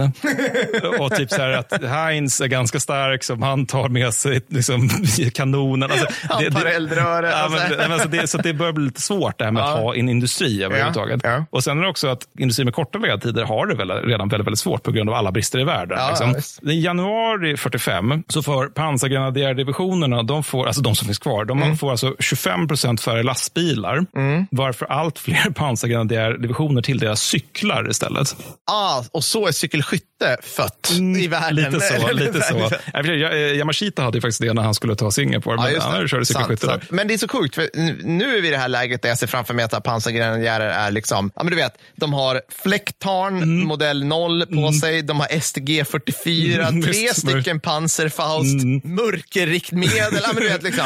Alltså, det, de, de är typ soggen. Ja, Nej, men, liksom, så här skäggstubb, Ja. lite undernärda, Ja. bara ser, ser, ser balla ut. men livsfarliga, men det ser balle ut. Jag, Ja, jag får inte, ja, jag vet. jag Men, vet. men, eh, men det är nog för att det delvis, är- alltså vid vissa förband var det ju lite åt det hållet, men, men det är också att det är ju väldigt stor spridning kan man säga. Mm. Ja. Eh, Det skulle man kunna säga milt. Ja. Och, det, det, men, och Hitler tycker ju ändå att det här är ganska lugnt, det här Mm. med cykelskyttet, för att han citat menar att rörliga divisioner ändå bara skapar trafikstockningar, slut citat. Bra, där har vi det. Så, eh, Gröfas har uttalat sig. Ja. Och grejen är också att redan i augusti så eh, tyskarna de rumänska oljefälten, eftersom de tappade Rumänien då. Just det, just det. Och sen har du då det här med att det finns finns ju ingen produktion av syntetisk olja i september 44 på grund av bombningar. Just det. Därefter så dyker det upp lite ny syntetisk olja, men det är liksom mm. på låg nivå. I juni 44 så dricker Luftwaffe 180 000 ton bränsle.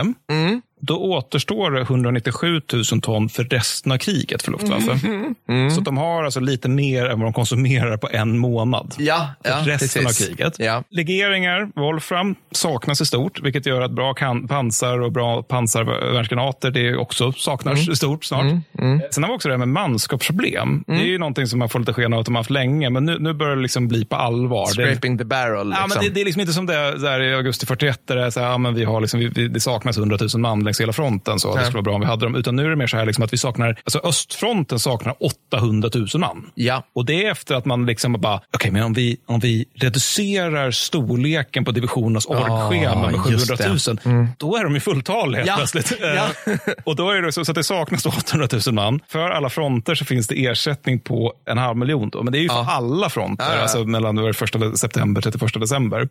Eh, ytterligare 500, kan man liksom, 500 000 kan man skaka fram genom att liksom bara ta så här halta, lytta, laktosintoleranta. eh, eller de har man tagit och satt och hållit Atlantvarmen. Nu är vi nere på glutenintoleranta. Veganer. Och mjölkallergiker. Allergiker. jag vet inte varför han hetsar mot dem. eh, men så, så kan man liksom aktivera Folksturm och sådär i oktober. Mm. Och man liksom, liksom allt fler ryska kollaboratörer via fronttjänst. Och allt det här tingar 1,5 miljoner man till alla fronter under ovannämnda period. Varav 600 000 anländer händer först efter 1 januari ja. 45. Så det jag försöker säga är att det börjar bli lite skralt. Men liksom det som finns är är inte det bästa soldatmaterialet alltid. Nej. Och moralen är ju det som nu faktiskt är direkt sjunkande på grund av alltså att man, ryssarna nu börjar ta liksom det som innan kriget var tyska delar av världen. Ja, liksom. just så det. det, det tar ja. ganska hårt på de tyska soldaterna. Ja. Liksom. Och då kan jag, det, orsaken till att jag tar upp det här är mycket att liksom konstatera att det är liksom inte läge att fortsätta krig under de här förhållandena. Nej. Nej. Och det, det är ju här också så ett av många tillfällen då den tyska staten under andra världskriget skiljer sig ganska radikalt från den Ja. första. För där var det så här, de är våra gränser, vi kan inte producera ett skit längre, de är svinmånga. Då gick- kapitulerar vi. Ja, ja. liksom. Men här, eh, mm, nej. Nej, nu, nu är det dags för liksom så nazi-ideologin att ramp up the shit och bara gå full on Mm. Götterdammerung.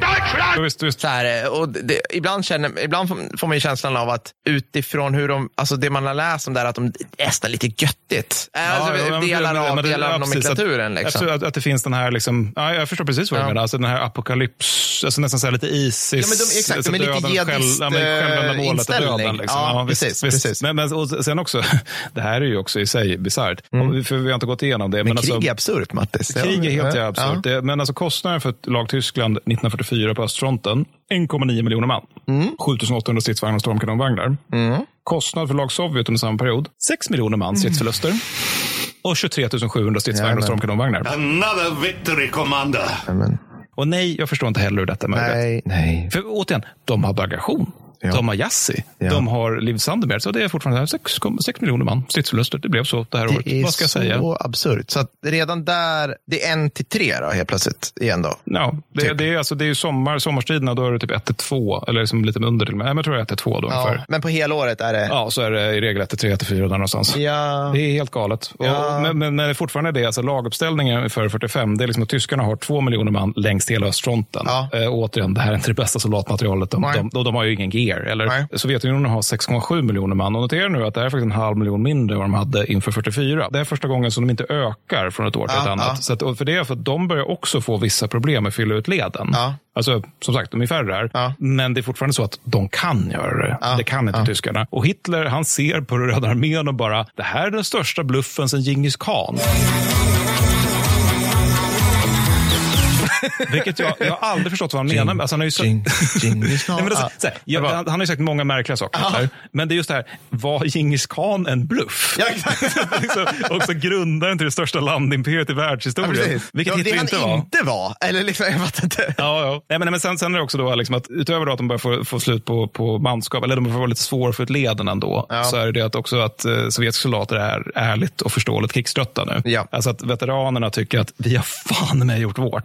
En del av oss har tjänstgjort sedan 41. Det är väl typ två per division eller Mm. Ja. men en del av oss har ju faktiskt gjort det. Och eh, liksom många tycker, känner att liksom, nu har vi kastat ut tyskarna ur, ur Sovjetunionen. Mm. Så nu, nu kan väl vi få göra någonting annat. Vi ja. kan väl få gå hem till våra familjer igen. Ja. Liksom, vi har inte sett dem på ett tag. Precis. Partiets nya slogan då, istället för att liksom driva ut eh, tyskarna, det är ja. istället att man nu ska driva in den fascistiska besten till sin håla. Slutcitat. Ah, och så mycket liksom, så trumma om hämnd och så vidare. Mm. Och det kommer vi återkomma till vad det får för resultat. Mm. Men vi ska ändå börja med det som kallas för Vissla Oder-offensiven. För då är det liksom då att vi har å ena sidan armégrupp Mitt och armégrupp A som står mot första, andra och tredje vitryska fronterna och första ukrainska fronterna. Vänta, vänta. Armégrupp A, är det söder om armégrupp Mitt i det här uh, fallet? Ja. Okej, okay, ja. tror jag. För det, det låter som en av de här strödivision, eller ja, ströarmégrupperna. Det, liksom. Den är liksom hipstervarianten av det. Det är inte så armégrupp E i och för sig, det är den sanna för oss finsmakare. Men, men, eh, men grejen är att Sovjetunionen har ju redan så fem brohuvuden ja. över Vissla. Ja. Så det finns ju inte så där jättemycket som kan hejda dem. Men, men 12 januari så öppnar, nu ska vi se här, 420 sovjetiska pjäser per en och en halv frontkilometer eld. Mm. Det är så inåt helvete mycket artilleri ja. sätter in där. Då. Och sen så anfaller de då på liksom den här enskilda punkten av fronten mm. med 2 miljoner man, 7 000 stridsvagnar och 14 000 artilleri, eh, artilleripjäser ja. granatkastare. Ja. Ja. Tyskarna har 2 miljoner man längs hela fronten. Och även då 1000 stridsvagnar och 1500 artilleripjäser. Där. Eh, det, det har de där anfallet sker. Då. På en, en punkt så står det sju tyska divisioner mot sex sovjetiska arméer. Mm. Det funkar inte. Nej, nej, till och med nu, nu har det nått liksom. Ja, nu, nu är vi nått vägs ände i ja. den här liksom förmågan att va, men de är fler. Ja. Nu är de lite, kanske väl många fler. Så. Men liksom upphöjt till nästan ja, men fler. Det, det, alltså, det. Liksom, det är så, så, så, det är klart de bryter igenom. Liksom. Så redan 15 januari så konstaterar FO i någonting som ändå sägas klar, klarsynthet att östfronten kan inte hållas utan att armégrupp syd slutar med de här jävla planerade anfallsoperationerna. Som, de, de ska ju anfalla. Och sen, det är ju tyskar. De, de ser ju alltid försvar som ett övergångsstadie. Liksom. Just det. Så liksom det måste ske och så måste vi också ha förstärkningar från väst. Ja. För att i väst är det så att tyska armén är bara i 45 att amerikansk krigsfångenskap låter bra. Ja. För vi fattar ungefär vart det här kriget är på väg. Ja. Alltså det är så extremt hög andel av förlusterna i väst 45 som är så här saknade enligt tyska förband som bara, äh, de sträckte nog händerna. Ja. Det, det, är nog liksom, rätt rimligt då. Och båda de här idéerna får naturligtvis avslag från Hitler för att han tycker det är liksom vansinne. Det är klart vi ska mm. anfalla, det är klart vi ska liksom hålla väst. Precis. Och Körner då, han får nu, eftersom han liksom får liksom komma upp med sina snaror och, och liksom fästa till stämningen lite grann för att ta över armégrupp A. Och 17 januari så är liksom, då, då har ryssarna slagits igenom så pass mycket att de mer eller mindre här bara härjar fritt. Mm. Och Hitler han blir helt jävla tokig över Warszawas fall. Han mm. arresterar sig plan, planlöst flera högre officerare och beordrar alla förband från armégrupp ner till division att de ska ge order med tillräckligt tidsspann så att han kan ge en kontraorder. Ja, ja. men vad skönt. Och här kan man nog börja ana att uppdragstaktiken nog är död. för, för det här leder ju också till att prio för den tyska krigskonsten här, det är att samband ska upprätthållas med Berlin snarare ja. att man ska genomföra liksom, operationer. Varför man dessutom skickar ut särskilda signalister som bara ska finnas med en radio som, vid frontförbanden så att man kan liksom, eh, informera Jaha, vidare, om hur vidare det går. Signalera, liksom. ja, precis. eller direkt ja, kontakt ja, man, man, vet liksom vad som händer. Då. Mm. Hitler är ju nere i bunkern nu. Nej.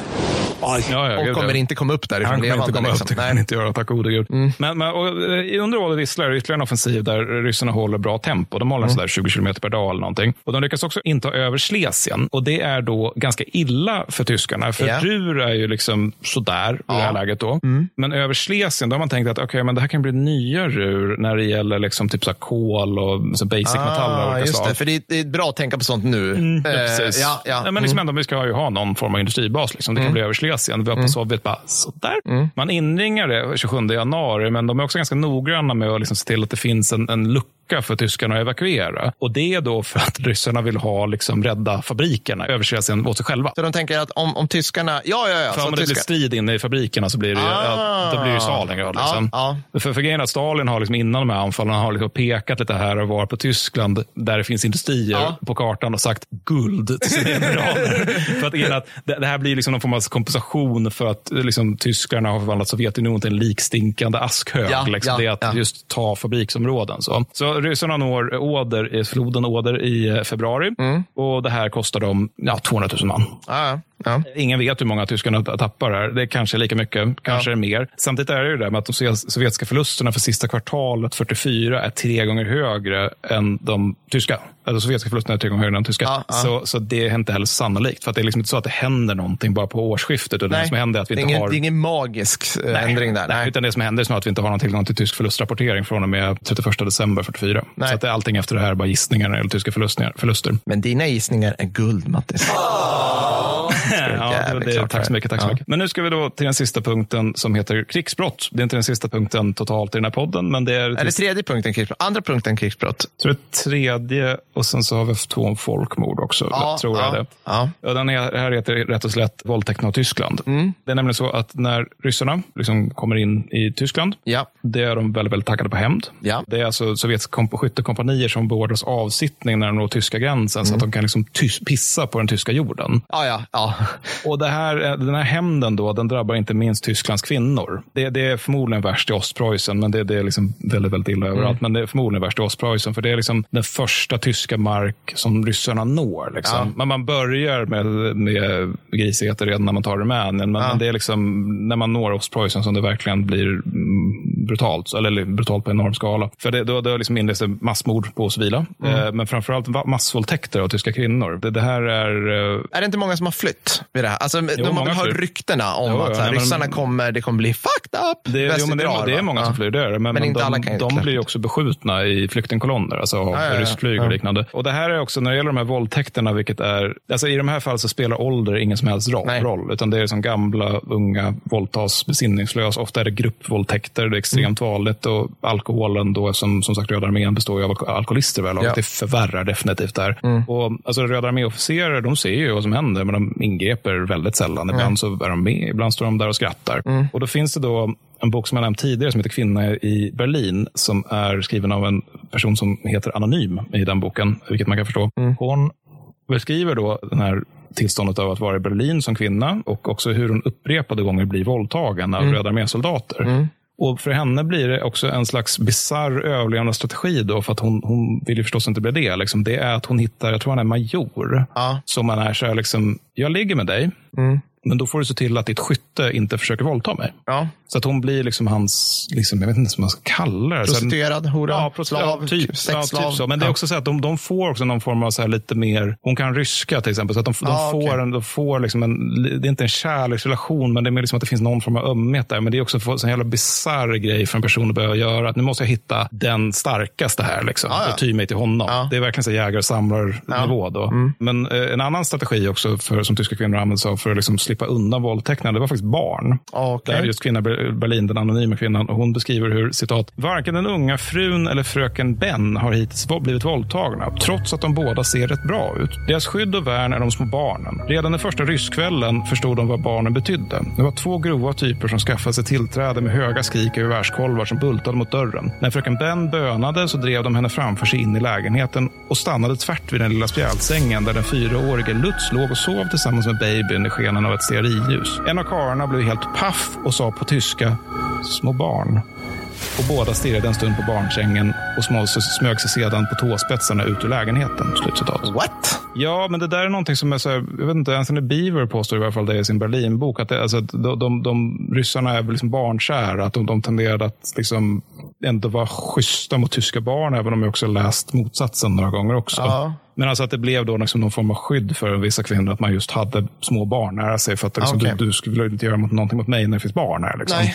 Och Stalin är också, han är ju tvungen i april att beordra mildhet, som man kallar det, mot den tyska civilbefolkningen. En order som tyska kvinnor också lär sig upprepa ordagrant, ofta på ryska, liksom att fuck off, kom ihåg vad storledaren sa. Ja. Och det är oklart hur många kvinnor som våldtas då, för att det är en extremt stor tystnadskultur kring det här bland både tyska kvinnor och sovjetiska soldater. Men, men det är också alltså, det är hundratusentals, en rimlig Ja. uppskattning, en vanlig som dyker upp på två miljoner. Ja. Alltså det Röda armén vill jag minnas skröt om att de lämnade två miljoner barn i Tyskland. Ja. Alltså det är väl så här, mm, ja, äcklande. Och det här är också ett extremt känsligt ämne i dagens Ryssland. Jaha. Extremt. Jaha. Alltså det är så här sanslöst. Alltså jag får- vadå, på, på, alltså, på vilket sätt är det, är det, är det känsligt om man men, så här, om man skulle prata med en ryss, bara, ja, men alla som, ni våld, alla som ryssarna våldtog då.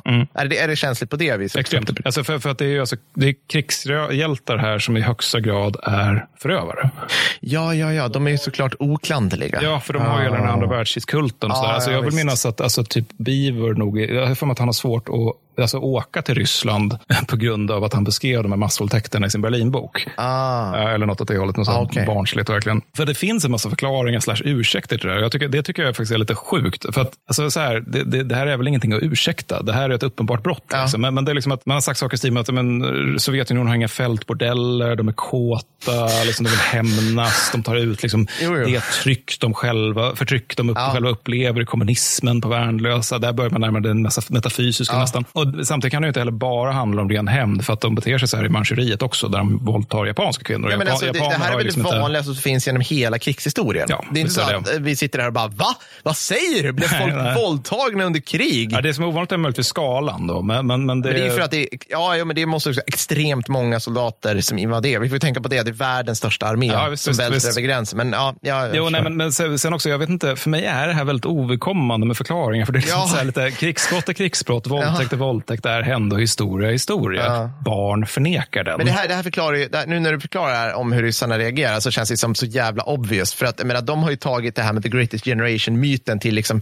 högsta tänkbara nivå. Som du säger, ja. de, är, de är oklanderliga helgon. Ja, Varenda en. Visst. De löste kriget själva utan hjälp utifrån. Så här, liksom. och det är också, och bara... också jag förglömma, de, de här gamla gubbarna, som de få som är kvar, liksom, de är ju också, och har varit länge, praktiska politiska symboler. Ja, visst. Alltså att mm. den sovjetiska, även till viss mån Putins stat, har sin legitimitet vilandes på segern i andra världskriget. Ja, ja, ja. Och då blir det det att man tar upp att ja, det är klart ni var offer, men i just det här fallet var ni även förövare. Funkar inte. Ja, jobbigt. Det... Problematisera. Mm, det går inte. Lite så. Men ett annat form av krigsbrott är också ren plundring. Ja. Eh, för, för det är ju liksom alltså 26 december 44 så tillåts sovjetiska soldater som har skött sig att skicka hem ett paket, 5 kilo per månad. Mm. Officerare får 10 kilo och generaler får 16 kilo. Mm. Och för generaler då är det här mer en rekommendation. Ja, liksom. alltså det, det är här, men det finns egentligen inget tak där. Nej, det är biljardbord och humidorer. Och... Ja, alltså det är väldigt mycket så här fint porslin. Ja men det är också så hela bilar som man skickar hem. men, men så konsekvensen av det här är att alltså, bara i maj 1945 så anleder 50 000 paket bara till Kurskprovinsen. Där det är så här, bygdens söner som bara, jag hittade de här grejerna.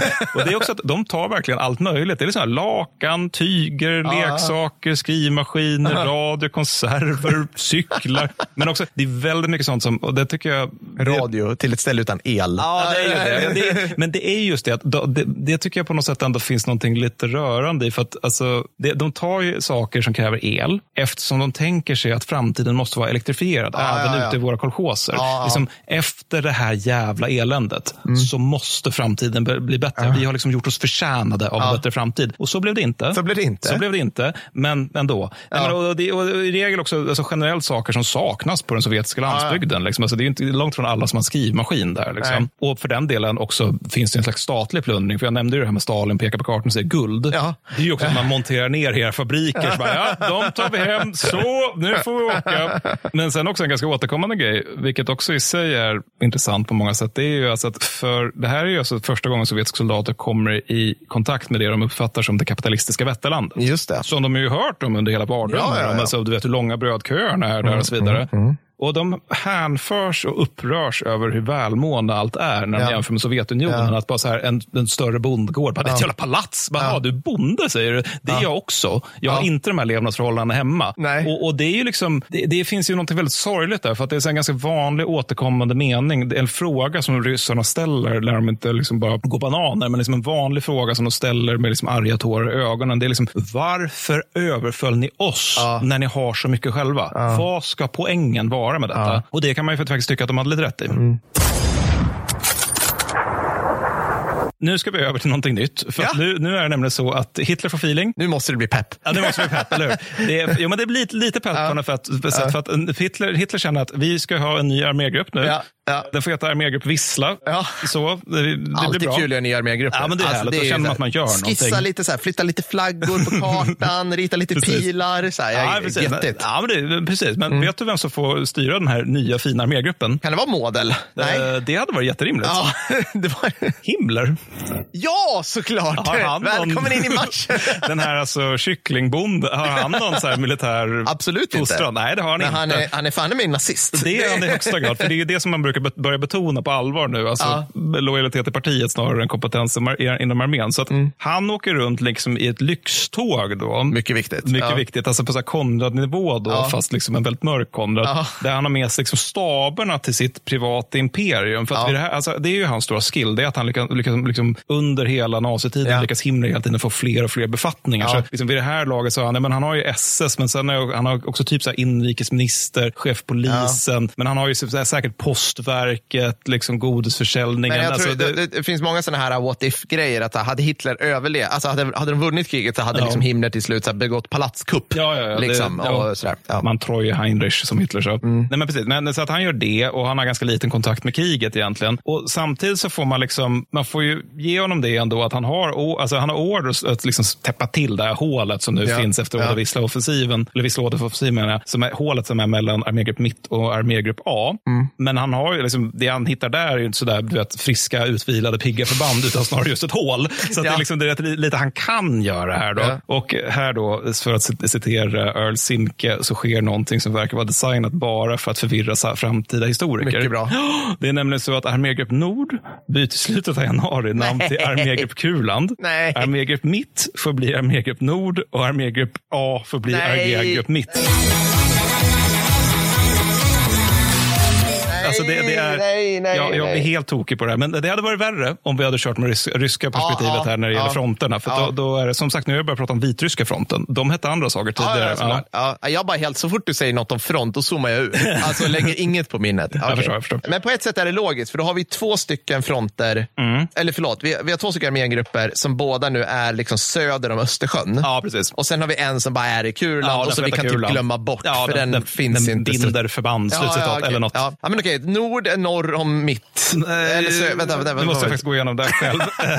Precis, nord och sen norr om, norr om mitt och, och ja. så, nere kring, kring Ungern då, så har vi syd som fortfarande är, liksom, ja, finns med i matchen. Ja. Och Körner, han är positiv. Han tycker att snart vänder det grabbar. Ja. Det, det är liksom bara vi, vi liksom tillräckligt positiv anda så. Han och armégrupp Vissla då under Himmler, de får tillsammans gruppera längs Oder någon form av citatfront. Det är liksom bara, det är så några med högafflar mer eller mindre. Men då är det då ändå liksom att ryssarna, de kan ju egentligen bara brösa på här. Men då är det det här med att det återigen är töväder och utsträckt, uh, utsträckta flanker för Rysslands del. Och ja. Det där är något de inte gillar. De är väldigt nojiga när det gäller de egna flankerna. Ja, det är kanske av goda skäl. sjätte armén två gånger. ja, lex de här offensiverna där vi anfaller. Vi är inringade. Alltså de grejerna. Man, man kan ja. förstå det. Så liksom, ja. ryssarna gör halt. Ja. Och armégrupp Nord då, de får en ny chef. Det är mycket nya chefer den här tiden i kriget. Ja. Som heter Rendulic. Mm. Han gör det enda rimliga, tycker han. Det vill säga han instiftar flygande militärdomstolar som ska kamra bakre områdena. Då ja. och skjuta alla soldater som är där utan att vara sårade. Ja, men det, det, är nu de här, det är nu de här goa dyker upp som är typ så här, våra typ krigets unga hjärtan och andra sådana här liksom, polisgen, eller så här, ja. bakre gendarmer som mm. går runt med VB-bricka runt bröstet och ja, skjuter de har folk. Tidigare, liksom. Men det är ju ja. också att de, de börjar, det börjar bli så mordiskt mot den egna armén nu. Det, det är liksom, tror det är Ian Kershaw som, MP. Nej, jag tror Ian Kershaw som beskriver det i sin bok The End, att liksom det som är grejen med 20 juli-attentatet, som är stora konsekvensen, det är att liksom det nazistiska förtrycksmaskineriet börjar vändas mot tyskar. Alltså tidigare ja. har det varit liksom vänt mot judar, ja. romaner, shinti, homosexuella och sådär, men nu är det liksom den tyska breda massan. Så, ja. som det, det, ja. Men 8 februari då så an, anfaller ryssarna igen, mm. slår sig utan några större problem till Neisse mm. Till slutet av den månaden och flera tyska städer blir liksom inringade på vägen och förklarades lite godtyckligt till fästningar.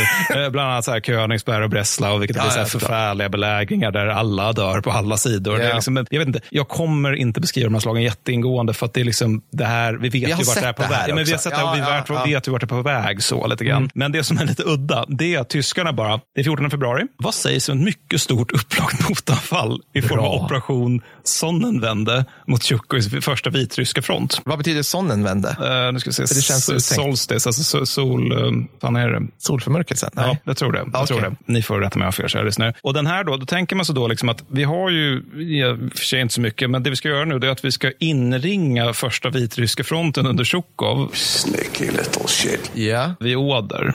Det ska vi göra. Det ska vi göra. I februari 45 ska vi göra det. Jajamensan. Det inga problem, inga, inga friktioner. Vad kan gå snett? Ja. Alltså, det är en helt bisarr operation när man liksom skramlar ihop sju så kallade pansar ja. pansargrenadjärdivisioner. Liksom Steiner får liksom försöka hantera det här samtidigt som han fjärrstyrs av Guderian som i sin tur fjärrstyrs av Hitler. Ja, ja. Topptung organisation börjar bli. ja, men det är det. Jag menar, de kommer ju naturligtvis ingen vart. Och så, till och med Himmler är så här, att det här går inte. Nej, så att han, han bara, okej, okay, men vi drar drar i bromsen 18 februari. Sjukt nog så är liksom ryssarna ganska omskakade av det här. Så att Mm. man, liksom, det här, Sonnenwende försenar anfallet mot Berlin en liten stund. Då. ja, ja. Typ Mm. två månader till och med. Oj. Kan man säga. För det är också så att de bestämmer att rensa sin norra flank, liksom östra Pommern upp till Östersjöns stränder. Ja. Och så där, liksom att de, vill ha lite stö- de tycker det är lite stökigt där, de vill städa Mm. upp lite. Nu ska vi gå tillbaka till Budapest. Ja, mm. Som eh, hålls fortfarande. Ja, ja visst. Oh, visst. Ja, det, det är ju är 100 dagar det hålls. Alltså det, Jesus. Ja. Men det, förbanden där, de, de, de håller ju nu liksom vad som i praktiken är en likstinkande grushög. Då. Ja, ja. Och de har alltså sämre tillgång till förråd än vad de som skulle hålla Stalingrad hade när de var inringade. Delanledningen till det här är att man hade 300 000 ransoner som slarvades bort när eh, Sovjetunionen stängde inringningen. Då. Och en båt med 400 ton, alltså generell förråd så, avsedd för garnisonen, gick på grund i Dona. Ja. Så då, det, det liksom blev inte så att den kom fram då. Nej, nej. Och först 18 januari så ger Hitler tillstånd att man ska evakuera, inte Budapest, utan bara pestsidan. Mm. Och det här leder ju då till så här fullsmockade och beskjutna broar över Donau som bara liksom är fyllda av, av soldater och civila som bara försöker pressa sig över. Blir väldigt grisigt på de broarna naturligtvis. och sådär. Men sen har vi också så här, nya förmågor. Fjärde SS-pansarkåren bara, vi ska göra inbrytningsförsök, två stycken. För Ja. vi, ska, alltså, vi ska ju liksom inte... De får Vi ska inte, befria, eller vi ska- ja, ja. De, de ska ju inte, får inte slå sig ut naturligtvis, Nej. utan snarare att vi ska in där. Liksom, så att de, ja, de kan vi få, vill liksom, hänga där. Ja, vi, Ja, ja. vi vill Eller vad de nu ska dit och göra. Ja, men det är ju liksom typ så här att vi ska, de har ju lite lite mat där inne så vi ska Ja. liksom få in förnödenhet. Nu, men de får nu inte är det Minas Tirith och vi ska häva belägringen Ja. alternativt ta oss fram Precis. och dö precis. Ja, exakt. Ja. Men, ja. så de gör två in- inbrytningsförsök. Det Ja. ena är 1-6 januari och det andra 18-25 januari. Och osannolikt nog, och jag förstår inte hur detta går till, Mm. så tar de terräng. Ja, ja, men såklart. Ja, nej, Men för varför inte? Ja. Men de hejdas liksom typ så här av egen indolens, töväder och sovjetiska motanfall. Och Mycket av det här med att de inte tar mer terräng, det är att eh, kårchefen, Herbert Gill, jag får att han heter Herbert, han är så här, han vill mest så här hänga med pojkarna. Alltså att han, han är inte så här, han är inte så mycket att han vill leda, utan han är mer så här, liksom, jag vill vara med troopsen, Ja, liksom, ja, ja, Soldiers ja. General har jag läst om. Och hans stabschef har en så jävla lättvindig inställning till pappersarbete, att Herman Balk som också är här nere och härjar, Ja. han bara, okej jag måste gå till fronten för att se vart den är. Ja. För jag får ingen underrättelse från SS vart Nej. de är någonstans eller Nej, de slåss mot. Och i Budapest lever garnisonen i februari på hästsoppa och 250 gram, gram bröd per man och dag. Ja, ja. Medan de civila naturligtvis får ännu mindre. Och både mora- moralen och ammunitionen har ju sinat sedan ganska länge i det här laget. Så att man försöker bryta sig ut den 11 februari. Och eh, av de 30 000 då som försöker göra det så överlever, nu ska vi se här, 700. Ja.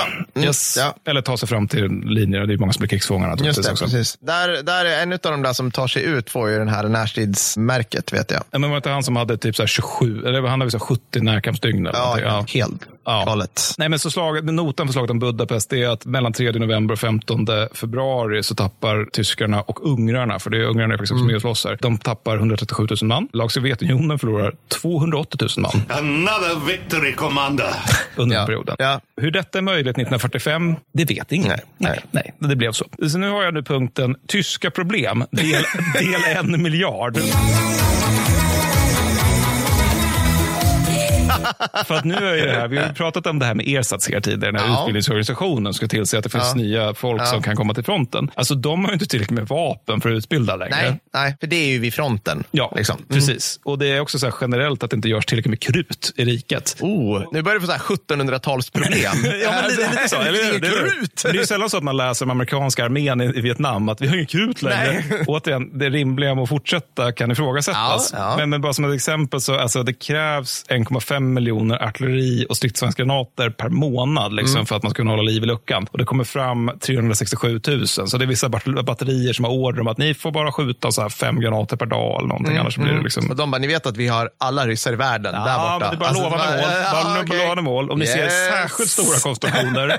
Hur menar du med särskilt stora? Ja, men division. Ja, Två fronter, då får ni... Ja, men då får det gälla. Liksom. Så Luftwaffe, de, de har ju liksom ingen soppa längre, så de, de får bara använda det i yttersta nödfall. Ja. Och när man har de här Leonidas-förbanden som ska kamikasa Ja. liksom broar och sånt där, Ja. vilket inte... Vi har tre M262 kvar, full efterbrännkammare rakt upp. Men de är jetplan, så alla Ja. Dearabos kommer hylla dem. Kan ni skjuta ner de här 1800 B24 B17 som kommer här? Precis. Ja, men det är, ja, precis. Ja, men det är också det här laget, så när det gäller bombkampanjen, är det typ att de västallierade bara, uh, vad finns kvar att Ja, bomba vi har inga ens? mål Liksom, kvar. vi bombar lite bara farten. Det här är en typ. potatisåker, den ska förintas. Ja, men det är lite den nivån. Telefon. Alltså. Men i det här laget, som sagt, så kan man ju ifrå- ifrågasätta det meningsfulla med att fortsätta kriget. Det har men, du sagt nu några gånger, Ja, Mattis. alltså, jag- jag- Du måste förstå gött är det med Ja, här. Liksom. Jag tror att jag är en liksom väl rationell människa. Ja, jag, jag känner ofta, eller jag läste om det här och kände just den här liksom lätta förtvivlan över att det är alltså faktiskt bokstavligt talat miljoner människor Ja. som dör. Vi har flera månader kvar av det här myset Ja, men det, nu. Liksom. så, Ja. Det är så många som dör för att tyskarna bestämmer sig för att vi kör på. Ja. Och, och det, det, är liksom, det är så fruktansvärt onödigt, för det kommer aldrig vända. Nej. Det liksom, finns inte en snöbollschans i helvete att det vänder. Men, Ja. eller jag kan ta det sen. Jag har, jag har en refle- slutreflektion som kommer göra allt det här värt. Ja, eller hur? Det kan jag tänka mig. Ja, men grejen är alltså att eh, tyska soldater, alltså man ska gå igenom varför man ändå fortsätter. Mm, ja. Då är liksom alltså, tyska soldater på alla nivåer har alltid till viss mån mer eller mindre varit drivna av ideologi. Eh, ja, eller jag säger jag. Ja, Ja, ja, men sen, okej. sen finns det Ja. de som är vrålnazister och de som är liksom så lite mer... Mm, men, men alltså, ideologi är en viktig drivkraft i hela armén. Det, det så är. Liksom. Och de som är ideologiska, de blir nu väldigt, väldigt ideologiska. Ja, just det. Sen så har vi också de här som är liksom så här att, ja, jag kanske inte är jättemycket nazist, men nu står de fan i Tyskland. De står i Heimat. Det börjar bli viktigt att faktiskt kämpa. Liksom. Det är Vaterland. Mm. Ja, men precis. Nej, men och sen finns det ju andra som också, och det, det är faktiskt en grej. Det är alltså vissa arméer slåss för att de ska kunna evakuera civila så att de kan ta sig till Ja, västallierade. det. Så är det. Hålla ryssarna så att Ja. de civila... Ja. Ja, men alltså, det är så, jag tror nionde armén som är ute så här, efter Selohöjden ute och drar med så här, liksom, så här, tiotusentals civila som bara, ja, följ med här. Det är liksom, det stor ficka i grund och botten. Ja. Och så ytterligare ytterligare andra fortsätter på rutin, alltså att man krigar för att man krigar för att man Ja, krigar. Liksom. Det, men ja, du hade en reflektion. Nej, nej, alltså jag menar slutet. Jag tar det när vi är klara. Jaha, ja, fan, ja, för fan. Ja. För nu ska vi mot Wien nämligen. Ja, äntligen. Ja, visst hade det varit härligt att det kriget hade en kan, vi, kan vi inte bara prata VK1 igen? Ja, det här mycket är så mörkt. Ja, det är så inåt helvete mörkt. Men, men apropå rutin då, att man slåss på rutin, så inleder tyskarna 5 mars ett motanfall. Ja! naturligtvis, vid namn Frühlingswarsche, vilket betyder typ vår, vår alltså så här, den väcks under våren. Har du tänkt på att vi har gått ifrån, de har gått ifrån att döpa operationer från så här vit och blå till nu börjar det bli liksom poetiska så här, ja, om vi döper det till mer genomtänkta storslagna grejer, då kommer det gå bättre. Alltså, de, de, de gör även så med divisioner vid det här laget. För det är så Ah. att de stampar fram så, liksom, nya eh, divisioner som består av att du är, du, du är 16 men du ser ut som 18, så bra du får vara med Ja, här. ja. Och de får namn som jag har för mig att det är typ så här, stil med så här Clausewitz, och alltså, så efter så gamla stora militära tänkare. Och de är inte så mycket bättre för det. Fredrik de Grosse, men så här, liksom, typ. 318 infanteridivisionen. Ja, men så i alla fall, de, de inleder här i närheten av Budapest. Ja, ja. Och då är det två pansararméer, där jag ifrågasätter om de kan kallas för pansararméer, Ja. då, som går till storms mot andra och tredje ukrainska fronterna. Ja. Kul grej. Sen då, syftet är då naturligtvis säkra ungerska oljefält Ja, som, som, som tyskarna vet att vi kommer liksom inte kunna hålla de här, Nej, nej. tar, om vi tar dem. Men vi, men vi måste ändå säkra dem. Ja. Och då här, händer det här också, liksom att, jag, jag vet inte hur det här går till, men de tar ju alltså 15 kilometer per dag i början. Alltså Jesus De anfaller två fronter. Ja, ja, men, ja. ja, men de, visst, de gör det ändå. De hejdas av lera sovjetiska motanfall och sen så är det där med att sjätte armén, som återigen existerar, Ja. Är nära att För inringas. tredje gången. Ja, ja. De, de är liksom Alltså, de är Sluta döp saker till sjätte det, armén. det är liksom lite olycksnamnet. Så. Nej, men så det- de, de hamnar vid ett ställe som heter, nu ska vi se, det är på ungerska, så jag ber om ursäkt för våra ungerska lyssnare, men det är, eller magyar heter det väl, Ceskesfarvar, eh, som, som eh, de har order av, att hålla den här hålan av Hitler för att han tycker att det, det är viktigt att vi Okej, gör det. ja. Och, men, men då är det liksom att de bara, nope, och drar sig ur. De bara, inte en gång till, inte en gång Jag har till. testat det här två tidigare. Och Balkan rapporterar uppåt då att de här soldaterna jag har nu, de vill inte längre sås på grund av vad han diplomatiskt kallar för brist på förtroende för den högsta ledningen, eh. Ja. Men och så vad som följer liksom... Bulk my man, höll jag på att säga. Men, ja, ja, ja. mm. Nej, men och så vad som följer efter Frühlingsvarseln, det är ju vad liksom ryssarna beskriver som förföljelse, men det är snarare liksom ett försök till aktivt försvar från tyskarnas håll, men med för små resurser för stora mål. Liksom. ja. Så, så att, eh, och Hitler, han vill ju hålla den här, och de här oljefälten. Då, liksom, så att, så att eh, det gör att tyskarna liksom retirerar i mitten men håller flankerna som också trycker bakåt. Och under tiden så förvandlas de här liksom pytteoljefälten mest till en serie kratrar Ja. egentligen. Då. Och Hitler naturligtvis kräver motanfall. Och när armégrupp Syds chef säger att det här går faktiskt inte, Nej. nu får du skärpa Ja. Hitler. Då så får ersätts han bara rakt av med Rendulic. Och när den här karln anländer den 7 april, då, då har ju liksom ryssarna redan börjat bryta sig in i Wien. Alltså Ja. de har inte tagit staden, men de har liksom börjat ta sig in i den. Och eh, Otto Skorzeny är där också. Ah, vår, allas vår favoritnazist. Ja, Ja, ja. Alltså han, han hänger ju tre officerare bara där och då för att statuera exempel för att nu jävlar ska jag hålla vin där. Jag minns att han är i Österrike också. Och Rendulic han tycker att Scorsese är osoft så hade han kastat ut honom med vin och när staden då intas den 13 april så har sjätte armén och sjätte SS-pansararmén och andra pansararmén lyckats upprätta liksom någon form av front i Alpernas utlöpare. Ja. Men det är liksom, front är ju ett fint ord för att säga liksom bara, ja, det här är ett klasterfack helt Ja. enkelt. Ytterligare ett fullkomligt klasterfack. Och Hitler nu, han har nu tittat på kartan igen och bara, helvete, det finns ett österrikiskt oljefält, vilket jag faktiskt inte visste att det fanns. Men det, men vid, vid en håla som heter Sistersdorf Aha. så finns det ett oljefält som jag tror vi kan utvinna några fingerborgar olja ur, kanske något decilitermått till och med. Nu ska vi ha ett nytt anfall. Mit dem Angriff Steiners wird das kommen. Ja. Men det här sker ju aldrig, bara för att Nej. han hinner ju ta död på sig själv innan det. Ja, okej. Och så nu kommer vi då liksom till, till det som är väl egentligen sluttampen och det försvaret av Berlin. För, för grejen att 15 mars, då, då inser Hitler att hans, hans intuition säger att Tjukov nu kommer gå mot Berlin. Eh? Vilket han tidigare sagt veta inte ska ske. There's nobody bigger or better at the military than I am. Så att senkommet då, och eftersom han har vetat att det inte ska ske så har man bara "Åh, stärker upp Oder-Neisse-linjen. Varför då? De kommer inte anfalla där. De, de, det finns väl ingen poäng för dem att ta Berlin, så Nej, bara huvudstaden och där Ja, fyren sitter. Men så lite senkommet börjar man stärka upp linjen där då. Och Himmler, han blir nu entledigad tacksamt, får man säga, Ja. i mitten av mars. Han åker iväg på sanatorium där han hänger resten av kriget och liksom bara har liksom så här, du vet, våt, våt liten duk på Mm. Ja, ja, huvudet. Och liksom bara, åh, där gurkskivor på ögonlocken. Åh, vad stressigt det var det där. För liksom, när han var chef för Armégrupp Vissla, det var ju sånt där liksom att ni får inte väcka mig innan åtta, Nej. oavsett vilka katastrofer som sker.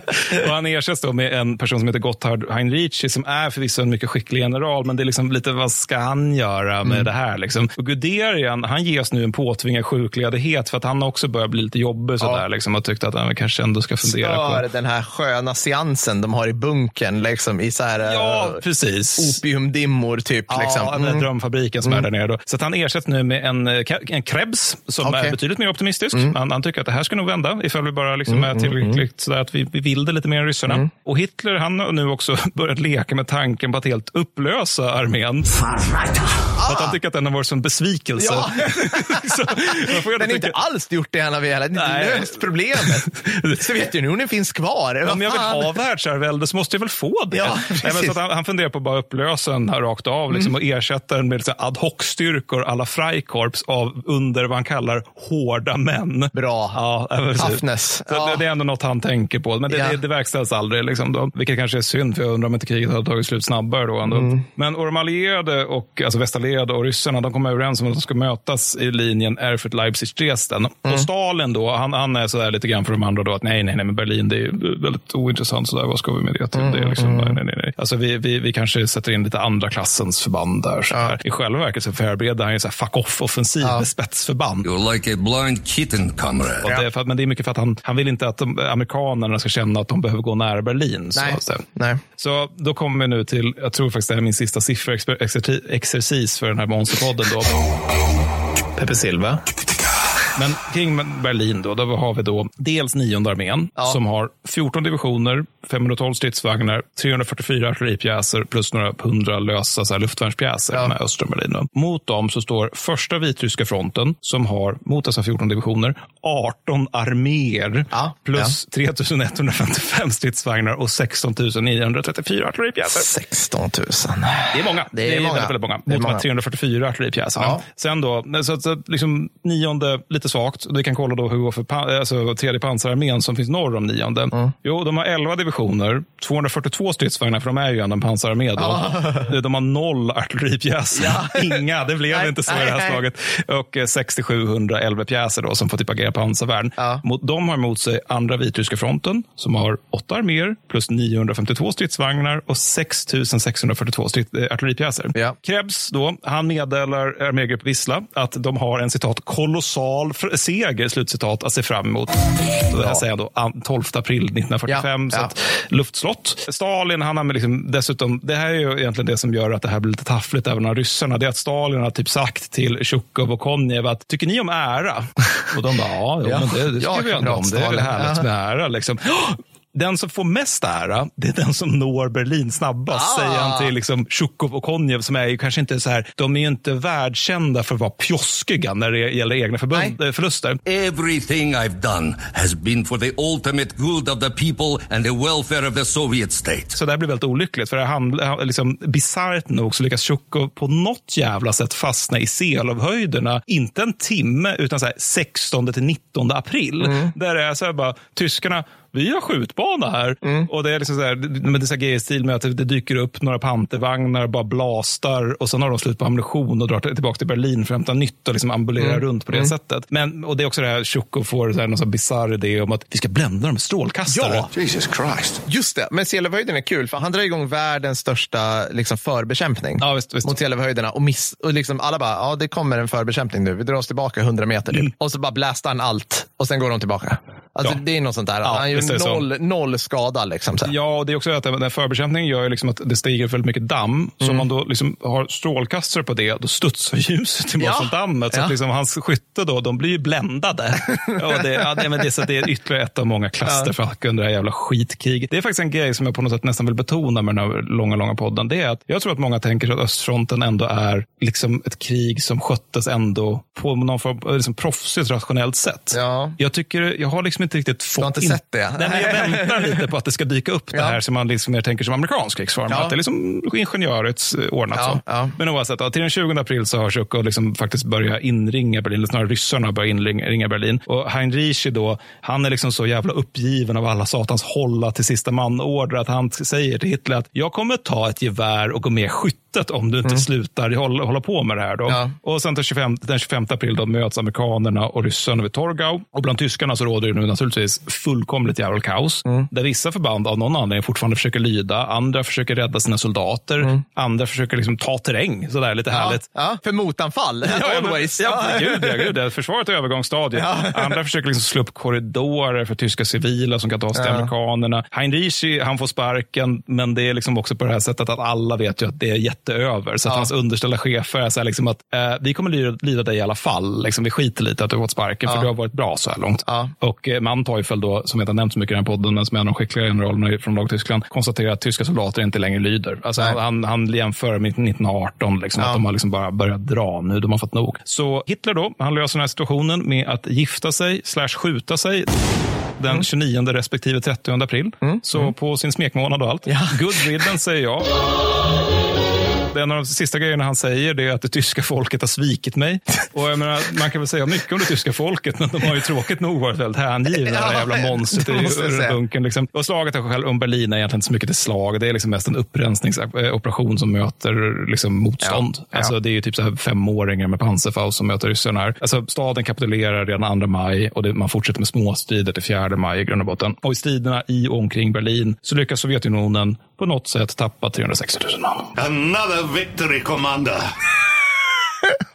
Och ingen vet vad tyskarna tappar, men det, det är säkert lika mycket eller mer. Det, det, är liksom, det vore konstigt om det inte är det. Men det spektakulära mer är hur, hur, Hur kan gör ryssarna- där? Alltså, Hur det, kan... man, man har hänvisat många gånger till det här med att det är den där kapplöpningen mellan och Ja. Tjukov, att de gör liksom oöverlagda grejer. då. Men det är fortfarande det är så otroligt mycket folk. Och de skulle nog så gärna vilja komma hem till sina kolchoser istället för att dö i den här jävla meningslösa tuppfäktningen mellan två marskalker. Liksom. Men som du, nu börjar vi faktiskt komma på slutet Ja. av det här, för nu kommer vi till den sega freden. För att det Ja. tar, alltså man kan ju tycka, okej, sista bossen dog, Hitler är död. Liksom. Nu ska vi sätta oss i Potsdam och dricka whisky eh, ett tag. Ja, nej, men det är ju det. Alltså Dönitz då, alltså krigsmarinchefen, kvar, han, ja. han Mm. blir ju Hitlers efterträdare. Och han kommer fram till att det här kriget är kört. Mm. Men han fortsätter ändå, enligt egen utsago i alla fall, för att så många tyska soldater ska kunna kapitulera till amerikanerna snarare än, än ryssarna. För han tänker att det blir nog inte så bra om Mm. Nej. de kapitulerar till ryssarna. Det har han rätt i. Och så att, eh, han ger order om att man får inte strida om, eh, mot amerikanerna givet att de inte försöker hindra det här. Så, Mm, okej. så att det är liksom slåss mot ryssarna men drar västerut och slåss bara mot amerikanerna om de försöker hindra er från att kapitulera till Ja. amerikanerna. Ja. Och då är det liksom flera arméer, inklusive tolfte och resten av nionde, då, alltså de som slogs i Ja, av, de lyckas med att ta sig västerut. Alltså, och egentligen, när det gäller nionde, då är det liksom så att de upphör vara en enad styrka Ja, ja. i och med att de, de hamnar i något som heter halvfickan som är bara liksom så här, en ring av eld. Där väldigt många människor dör, inklusive mycket civila. Mm. Ring av eld från ryssarna? Ja, Eller precis. från- ja, men det är här bland annat att de ska ta, ta sig över någon bredare väg och det är bara så jävla eldfest längs den vägen. Ja. Men det är fortfarande några tiotusentals, några tiotusentals av den armén då, som ändå lyckas liksom bara, "Oh, hej USA, vi ger oss. Det, var ingen, det var en pers det här. Ja. Nej, men så till 8 maj då så sker äntligen, äntligen, fucking äntligen den ovillkorliga kapitulationen. Mm. Tjukov firar detta med att dansa medan hans general, generaler klappar takten. What's a war hero got to do? Get some lubrication round here. Efter att Keitel skrivit på under freden. Då. De sovjetiska soldaterna firar tråkigt nog i ganska stor utsträckning med att dricka ihjäl sig på träsprit. Ja. För att det blev, ja. det blev så. Och det, grejen är att alla här, alltså både tyskar och allierade är så här lite, vad ska Schörner göra? Vänta, nu får du påminna lyssnarna och mig. Vem fan är Körner? Han som uppmuntrar till strid med att hänga soldater. Jaha! Eller en av dem. Han är kvar, ja, han är och kvar. driver han, är- runt ja, men han, någonstans. han är ju fortfarande armégrupp mitt. Va? Ah, ja, ja. Mm. det är den största armégruppen. Och han har också så här börjat tillverka egen ammunition och drivmedel. Så alla, liksom, det är rätt många som är lite... Motståndet upp. Alla, alla, alla uppgifter om att motståndet upphör är falska. Ja, och Ja. Då, då, alla, många är lite oroliga. Så här, vad ska han nu göra? För att han är lite av en fanatiker. Ja. Men det är faktiskt ingen fara, för att han överger sina soldater den 8 maj, flyr ett flygplan till Tjeckoslovakien, arresteras i Österrike. Så då var det slut. Vad var hans plan? Nej, det vet jag inte. Han skulle bara försöka bara fly, antar jag. Ah, Så han okej, kanske ja. hade Sydamerika i kikarna. Då. så mot det där sista då, och det här är ju då, alltså OKV gör en gissning om vad de har kvar på östfronten i form av iststärke, vilket alltså inklusive soldater på permission och som är sjuka och sådär, även om permissionen är ganska indragna 45. De gör, de gör en gissning, Mm. och det här, men det här är också en gissning, att de har en och en halv miljon kvar, soldater kvar på östfronten. Mm. Och det stämmer kanske hyfsat, för ryssarna tar cirka 1,39 miljoner man till fånga då, Oj, jäklar. efter freden. Ja. Eller liksom strax efter freden. Det är liksom de som inte lyckas ta sig västerut utan fångas då av ryssarna. Under det sista krigsåret 1945 så tappar Röda armén 2,7 miljoner man i stridsförluster Mm. och jag tror ytterligare ungefär 600 000 man i alla andra sjukdomar och allt möjligt Mm. skit. Och hur detta är möjligt vet ingen. För det här borde ha varit en jävla promenadseger. Men Nej, det blev det inte. du har sagt tappa, säger det är ditt favorit. Jag börjar nästan tro att det är tappa. Det är som att Ja, Tjukov jo, bara ja. tar upp så ett par hundratusen soldater och bara oj. Hoppsan, det Alltså, något. alltså som att det är liksom, som att de bara, bara dör. Alltså, jag kan inte, jag kan inte nej, förklara. alltså, det är liksom. helt obegripligt. Det det, det, det, jag, jag, tycker verkligen att det finns en så oerhört sorglig tanke med att tänka mig hur otroligt många sovjetiska änkor det finns under kriget. Och att de återigen inte, de behövde inte vara så många. Nej. Utan man bara hade liksom utkämpat det här kriget på ett Ja. rimligt sätt. Liksom. Men det här, min, min reflektion jag bara ba- bar på, Mm. som du nämnde där, varför avslutar man inte det här kriget? Liksom så. Det behöv, alltså vi, de, behövde, de krigar ju inte mot Tyskland, de Nej. krigar ju mot nazismen. Ja, och den behövde ju förintas. Ja, ja, absolut. Men frågan är varför tyskarna Ja, ja. fortsätter. Alltså, det, det, alltså, visst, varför visst. ryssarna fortsätter, absolut. Det, det är väl fullt rimligt. Men varför tyskarna liksom inte bara, bara kapitulera en masse. Eller, det finns ju sina förklaringar. Alltså att de, så här, För då hade de inte varit nazisterna. Alltså, det, Ja, det, nej, men det är ju det här cirkelresonemanget. Nej, men sen är också det här med att de är ju i Tyskland nu liksom, och liksom många soldater känner att de måste vi slåss för Heimat. Men- men det... Ja, jag vet inte. Men lite konsekvenser då. Nu är vi faktiskt inne på sluttampen av det här. Det är krigets skördar. Mm. Sovjetunionen tappar under det här förfärliga kriget 25 miljoner man i stridsförluster. Mm. Alltså nu är vi uppe i sådana här siffror så att det är Ja. liksom inte... Nej, men det är alltså Skandinaviens befolkning ungefär. Ja, just det. Precis. Plus Ja. eh, 96 500 totalförstörda stridsvagnar. Ja. Omkring 18 miljoner sovjetiska civila dödas också. Så 26, vad står det? 26 plus 18? Ja, 25, men det är alltså stridsförluster, så att det är döda och, och sårade Ja, och så vidare. Då. Ja. Men, men 18 miljoner civila dör. Jag har ingen aning om vem som såras. Alltså, det här är också, det är inte så att någon räknat, utan det här är typ Nej, en nej. demografisk uppskattning. Men är, vi börjar närma oss typ så här, eh, hur många bor i Frankrike? Liksom? Ja, lite mer, men alltså ja, 40 miljoner. Ja, nej, men det är väl som ett medelstort europeiskt land. Liksom. Ja, ja, ja. Överväldigande majoriteten av de här civila som mördas eller dödas, det är på grund av tyskarna, men sen är det även några miljoner som sker på grund av ja, Stalin. Då, eftersom han, han fortsätter med så deportationer av krimtartarer, tjetjener och sånt där. Ja, nu har han ju fått upp ångan. Han är ju Ja. segrare. Liksom. Men sen är det även så här 25 miljoner sovjetiska medborgare hemlösa. För att de har ju bränt, alltså, tyskarna har bränt ner hela Sovjetunionen, grunden, eller västra. Sovjetunionen. Så, att, så de har ingenstans Ja. att ta vägen. Och eh, sen så följer också en svält. Jag tänkte säga det, nu, nu börjar svälten för Tyskland. Ja, ja visst. Och det, ja, precis, det gör men även för Ryssland. Aha. Vilket tar ytterligare några miljoner. Liksom. Ja, och, ja. ja, de tyska förlusterna de är betydligt mer oklara. Och det handlar, vi har inne på det i avsnitt 63, men det handlar mycket om att det här sista krigsåret vet vi inte. Nej. Alltså, folk kanske kommer påstå att de vet, men vi vet inte. För Nej. vi har ingen dokumentation om det. Men förmodligen är det, förmodligen mellan tummen och pekfingret, kanske 3-4 miljoner döda för hela kriget. Det vill säga alltså dödade och döda i, så, i fångenskap. Då. Mm. Alltså inte riktigt stridsförluster nödvändigtvis. Men och sen kanske 4,7 miljoner sårade för hela kriget där någonstans fram till sen, sena 44. Ja. Så för, för östfronten totalt, för det här är liksom, Mm. de döda, är- döda i fångenskap i alla fronter, då, så är det kanske 6 miljoner förluster. Ja. Av alla typer. Ja. Men, men det är oklart och vi kommer aldrig få veta. Nej, nej, nej. Det, vi kommer absolut aldrig få veta. Sen är det också någon miljon dö- eh, civila som dör i Tyskland. Alltså dels är det på grund av allierade gärningar. Alltså dels de här massmorden i Ostpreussen och så vidare när ryssarna kommer, men inte minst också på grund av bombningarna. Alltså Ja. de, de, de tar en hundratusentals människoliv. Mm. Och sen också naturligtvis på grund av nazistiskt förtryck. Det tar ytterligare hundratusentals. Och efter kriget så genomför man också i Östeuropa något som inte talas så där jättemycket om, men man genomför vad som i praktiken är etnisk rensning av tysk front, tyskspråkiga i nästan hela Östeuropa. Ja. Vilket eh, leder till att upp till kanske två miljoner människor dör. Mm. Ja, vi, bara det här liksom att här, flyktingströmmar. Ja, visst, alltså visst. bara det liksom. Ja, visst. dör ju folk i liksom. Ja, För men- vi. Mm. flyr vi, eller ja, fördrivs och flyr och befinner sig någon annanstans och hela skiten. Ja, men just det här är också att det har funnits liksom tyska befolk det tyskspråkiga befolkningar snarare i, i, i nästan hela Östeuropa sedan medeltiden. Alltså balttyskar till exempel, eller volgatyskar för den delen. Mm. Men de, och de har ju liksom blivit så prioriterade som särskilt bra av nazisterna. Men nu när nazisterna har torskat så är det rätt många i Öst och Centraleuropa som tycker att vi ska inte ha så många fler tyskar. här. Så att eh, man hämnas i praktiken på dem i grund och botten. Ja. Invävt i de här liksom enorma obegripliga talen så är det naturligtvis cirka 6 miljoner mördade judar, hundratusentals mördade romaner, shinti, plus kanske så många som tre, eller det här är i och för sig exklusive ovan nämnda, det är tre miljoner polacker som dödas, varav många judar förstås. 600 000 serber, vi har knappt gått igenom Balkan här, men med flera. Alltså det, det, det, jag nämnde ju det där med Timothy Schneider, Blodslanden tidigare, men han har också en annan tanke i den boken. Det är att en delanledning till att det blir så överjävligt Östeuropa, det, är, det är att staterna försvinner där. Alltså han tar exemplet Danmark. Där över 95, överlever 95 procent av de danska judarna Ja, kriget. Okej. Som vid Estland, där överlever 5 procent av de estniska judarna. Ja. Och det är mycket sånt där för att i, i Estland finns det, det är liksom bara, det är bara anarki, laglöshet. Det, det, är liksom det som finns där en massa tyskar med vapen. Ja. Medan i Danmark är det liksom så här, men, jag minns inte riktigt helt, men man, man, det är så här, typ såna SS-chefer som bara, nu ska vi, vi ska liksom deportera judar. Och så dansk polis bara, nej men det kan vi ju inte göra. De är ju danska medborgare. För att dansk polis finns kvar och Danmark har liksom fortfarande någon form, det finns fortfarande någon form av civilsamhälle där. Ja, ja, men alltså, Ja, de är liksom- ockuperade, men de är inte liksom, det, är inte, det är inte som liksom att statsmaskinen är utplånat på samma sätt som det är i Östeuropa. alltså, man har liksom tyskarna låtit statsmaskinen vara. Eller det, har inte, och det har inte blivit de, den typen av...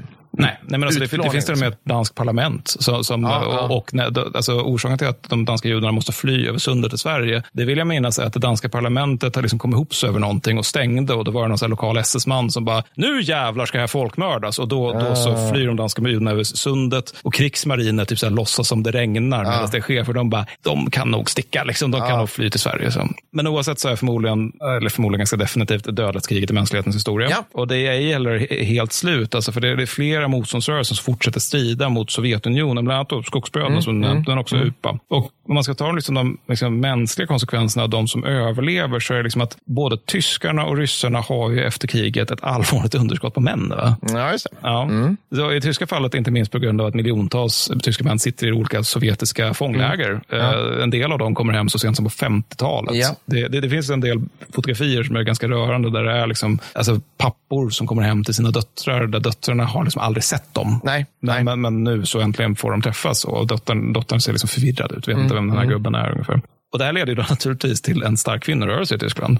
Eller framförallt Tyskland. Då. Det, det finns ett begrepp som heter Trummelfrauen och de, de har till och med fått bes- lite statyer och sånt. Och det, det är ju de här som liksom städade i Berlin. Alltså de som liksom bara tog undan alla lik och allt murbruk i ruinerna. Så. Och eh, tyska veteraner, när de kommer hem från knappast en, en hjältes välkomnande, liksom, för de har ju torskat kriget. Men samtidigt inte heller liksom någon så här rent hatiskt, för de flesta tyskar vill egentligen bara glömma när man är i det här läget. Ja. Däremot, så det tar ett tag innan man tar itu med, med, eh, med nazismen ordentligt. Men västtyskarna gör faktiskt det. De gör det först på 60-talet och forts, alltså fortsatt än, än idag. Egentligen. Ja. För att moderna tyska staten är ju att Västtyskland annekterade Östtyskland om man ska vara sån efter ja. Berlinmurens fall. Men då, så att västtyskarna kan man säga har egentligen den enda riktigt viktiga 68-rörelsen. Ja, För den går ut på att man frågar pappa, du sa att du var bergsjägare i Balkan. Vad innebär ja. det konkret? Ja. Och sen så har det varit en väldigt lång tid av tysk uppgörelse i grund och botten. Det är nästan en folksport där. I Sovjetunionen då, där får man, eh, alltså de successivt demobiliserade veteranerna får en hjältes välkomnande typ, alltså i alla fall de första batchesen, men sen är det några som stannar kvar på ockupationstjänst. Och de, de är mer så att de kommer hem till en station och de har turfamiljen där. Liksom. Men de första får ändå så att det är blommor och sånt där. Men sen alla purofficerare, de, de så uppmanar, uppmanar liksom de hemvändande veteranerna om att nu ska vi tala om frontens varma minnen där hemma. Vi ska hålla tyst om det fanns, kanske fanns liksom vissa mm. suboptimala mm. aspekter av det här kriget mm. för dig. För grejen är att Stalins stat föredrar naturligtvis döda hjältar framför levande. Ja, ja. Och många veteraner blir också bara rakt av hemlösa. Just det. För att det är ganska stor bostadsbrist i det här landet. Ja, var det inte en hel del som skickades i Gulag också? Bara rakt upp och ner. För att jo, de har då. sett jo, då. västerlandets dekadens och bara... Ja, ja de börjar få åsikter om saker. Ja. De, de vill ha förbättring och det ja. blir ingen förbättring. Och liksom till exempel så också att de blir ju hemlösa i stor del. Och 47 då bestämmer man sig för att städernas hemlösa ska nu deporteras norr om Ladoga i exil. Ja. Så det är liksom så här massa äktenskap som håller för att veteraner prioriteras för lägenheter snarare än kärlek. Alltså mm. kvinnor som söker om någon av de två, nu ska säga 2,75 miljoner krigsinvaliderna för att få deras pension. Ja. Alltså det är väldigt mycket av den här liksom, vad ska man säga, sociala bara, så misären ja, i största ja. allmänhet, även på det rent mellanmänskliga planet. Och på landsbygden så leker barn med handgranater. Ja. När det gäller PTSD så delar man ut eh, vitaminer ja. till Röda armé-veteraner så att de får det. Mm. Vilket leder till att bland annat då hjärtattackerna exploderar efter kriget. Och det är miljontals sovjetiska eh, veteraner som dör i förtid på grund av krigsupplevelsen och eh, hur den har påverkat deras kroppar. Och lista då, den känns nästan lite onödig, men har vi konsekvenser ska vi ändå ha det. Är de politiska. Aha. Men de politiska konsekvenserna... Finns inga. det händer inget. alltså det är noterat att det är betydligt kortare än första världskriget, för det skulle ja, jag säga ha betydligt större konsekvenser än östfronten. Ja. Eller i alla fall liksom mer omfattande. Ja, men första världskriget är ju 1900-talet, som vi ja, sa i podden. Det är, det. Det, det är, är faktiskt sant. Urkatastrofen. Mm. Men så här mer liksom på något sätt besegling av det. Ja. Nej, men alltså, konsekvenserna för Tyskland är ju naturligtvis att delas upp i öst och väst baserat mm. på ockupationszonerna. Ja. Det minns alla från högstadiehistorien. Berlinmur och kallt krig. Och... Ja, absolut. Ja. 5 000 tyskar döms för brott under nazieran, ja. varav 800 är dödsdomar varav hälften verkställs. Mm. Och det här är liksom, det här är någonting nytt, att man dömer folk på ett organiserat sätt efter mm. ett krig. Alltså, mm. Det är faktiskt någonting som inte förekom tidigare, i alla fall inte vad jag vet. Men problemet är liksom att... Eh, 5 000. Ja.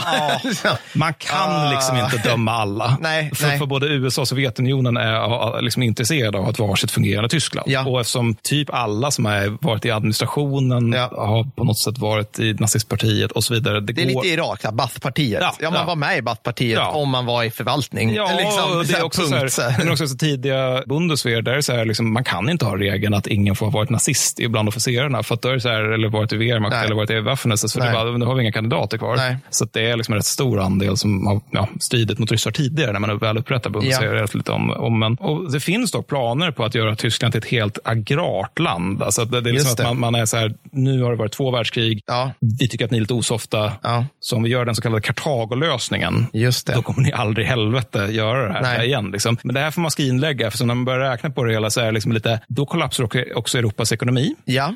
Det vill ingen. Nej. Nej det är inget bra. Så ergo så får de flesta komma undan och det är liksom inte tillfredsställande för någon, men det är så det blir. Och från och till liksom fram till typ 70-talet så hittar man någon gammal SS-officer som begått förfärliga brott mot mänskligheten ja. och som nu är poliskapten i någon sömnig liten byhåla eller någonting. Såklart. Däremot i Östtyskland, där glider man liksom rätt många från nazism till stalinism på ett rätt smärtfritt vis. ja, det, är liksom bara... det är likartat. Ja, alltså, vadå? Det har vi konstaterat i början av den här podden, ja, likheterna. Liksom. Ja, men det är så här, okay, ni är också koncentrationsläger, ja. ni är också så här totalitärstat. Jo, men det, det är inga större mm, problem. Stora ledaren, typ, hade vi, ni hade den som nu. Ja, ja. Mm, ja. Nej, men Östtyskland säger också så att man aldrig gör upp med sin historia, utan snarare betonar man mm. eh, Östtyska kommunistpartiet och att man typ så här, ja, men det stred typ med Röda armén, vi var typ med och tog Berlin, mm, typ mm, så. Vilket jag skulle säga nog en del anledning till att om du hittar så här modern, i det moderna Tyskland folk med ska vi säga, nazisympatier ja, och liknande, ja. man hittar ofta dem i Östtyskland.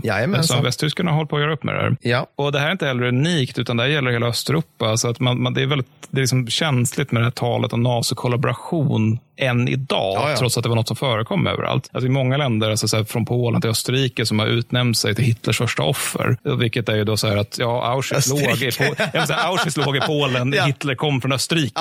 Så det, det är klassiskt. Och man tar just Polen, de har också så här 1946, en pogrom Ja. vid Kielce. Ja. Där det är så liksom att det, det är någon polsk pojke som kommer hem till sina för- föräldrar sent. Han, han får frågan var i helvete har du varit någonstans. Han svarar, "Ö, ö, judarna tog mig och tappade mig på blod i deras synagoga för att göra bröd. Var på den polske pappan bara, självklart ligger det till så. Ja. Och sen så drar han liksom ihop, alltså det är de här En arm... posse. Ja, men, det, ja, men verkligen. Och tänk de här arma stackars människorna som är i den synagogan, vad de har överlevt. Alltså. Och så kommer så här polska bönder och vill mörda dem. Och då, de där inne, de ringer polis. För att de Mm. bara, nej men gud, vi, liksom, vi överlevt så mycket. Det, så då dyker polsk polis upp. De joinar då Ja, ja, den här upprättade ja, mobben. Så det krävs liksom att Röda armén dyker upp och liksom typ skjuter i luften. Bara skärp er nu för i helvete. Fan, alltså. Och det är även liksom så här antisemitiska aktioner i Polen 1968 som leder till en ganska omfattande judisk emigration från Polen, bland annat till Sverige. Så att hellre så minns man liksom motståndsrörelsen, kollaboratörerna och under Sovjeteran betonar man även de som sam, eh, samarbetade med Sovjetunionen. Liksom. Idag är det vanligt i egentligen hela Östeuropa i liksom större eller mindre grad att man snarare betonar de som stred mot Sovjetunionen. Och det är ju som återigen, det är det här med liksom att nazieran var en kort era som re- resulterade i minoriteters undergång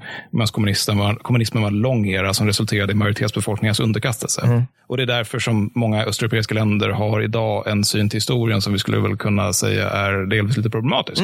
Mm. Men Sovjetunionen i alla fall, det är nu en supermakt. Ja. Det, det kan man ändå ge dem. Liksom. Det tycker jag man kan göra. Det kan man faktiskt. göra. Ja. Under en del av 1900-talet fick de vara supermakt. precis, Ja. är Tio år efter andra världskriget. Ja, ja, men sen Ja, men, började ja. det skrala till rätt fort. Men, ja, ja. Det var det med ekonom, ekonomin och alkoholismen. Ja. Men de är så pass mäktiga nu att man kan till exempel bara flytta Polen västerut på Tysklands bekostnad. Ja. Ja. Det var joink. Vilket är också för att förvirra alla framtida historiker. Mm. Mm. Så här, Lvov, Lviv, ja, fucking hell, vem? Så här, liksom, Galicien, Ja, återigen Detta Galicien. ständiga grisen. Men det är dock en koloss på lerfötter. För det är liksom så här, landet är helt, helt söndersprängt, det är svält och det är liksom helt eftersatt även efter segern. Mm. Och Samtidigt så har ju också en enorm krigsmakt makt som väst måste ta hänsyn till på Mm. något sätt. På fjärde sidan så har väst väldigt dålig koll. De över- övervärderar förmodligen den sovjetiska kapaciteten inom precis alla områden, förutom när det gäller förtryck. Mm. Där under, de- undervärderar man dem snarare. Och man, Sovjetunionen stöper också om eller Östeuropa till Warszawapakten. Och det Mm. gör man liksom från topp till bottom i grund och botten. Men det här vet vi redan. Så att, jag tänker på något sätt att man ska bara avsluta sig nästan. Det, det mest intressanta konsekvensen för Sovjetunionen det är liksom att själva traumat blir på något sätt viktigt för Sovjetunionen och den moderna ryska staten.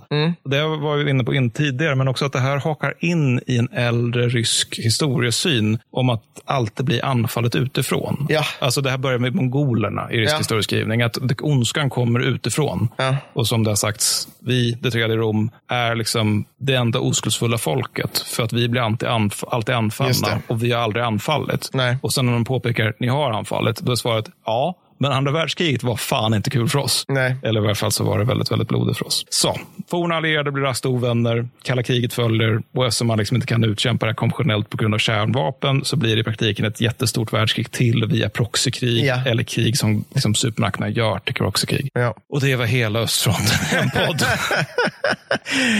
Tack Mattis. Ja, tack själv. Tack till dig som lyssnat. Ja, om du fortfarande lyssnar. Om du fortfarande lyssnar mot förmodan så här va. Mm. Om man tycker om det vi gör och vill höra fler sådana här monsteravsnitt typ nästa sommar och sommaren efter det och kanske sommaren efter det. Vi får se om Mattis lever så länge efter att han ska eh, göra det. här. Då kan man bli Patreon. Man Ja. kan bli arbetsfyrare till oss. Man går in på patreon.com slash kickstorypodden eller man går in på vår hemsida kickstorypodden.com och så finns det så här bli Patreon-button. Mm. Och så har jag glömt någonting. Jag är helt, alltså helt grötig. Jag, jag känner att jag nog inte kommer att prata så mycket om östfronten i kommande poddar. Nej, nej, precis. Men eh, det var allt. Tack för att ni har lyssnat. Stort tack. Ja. Jag hoppas ni tyckte det var okej. Hej då! Hej då.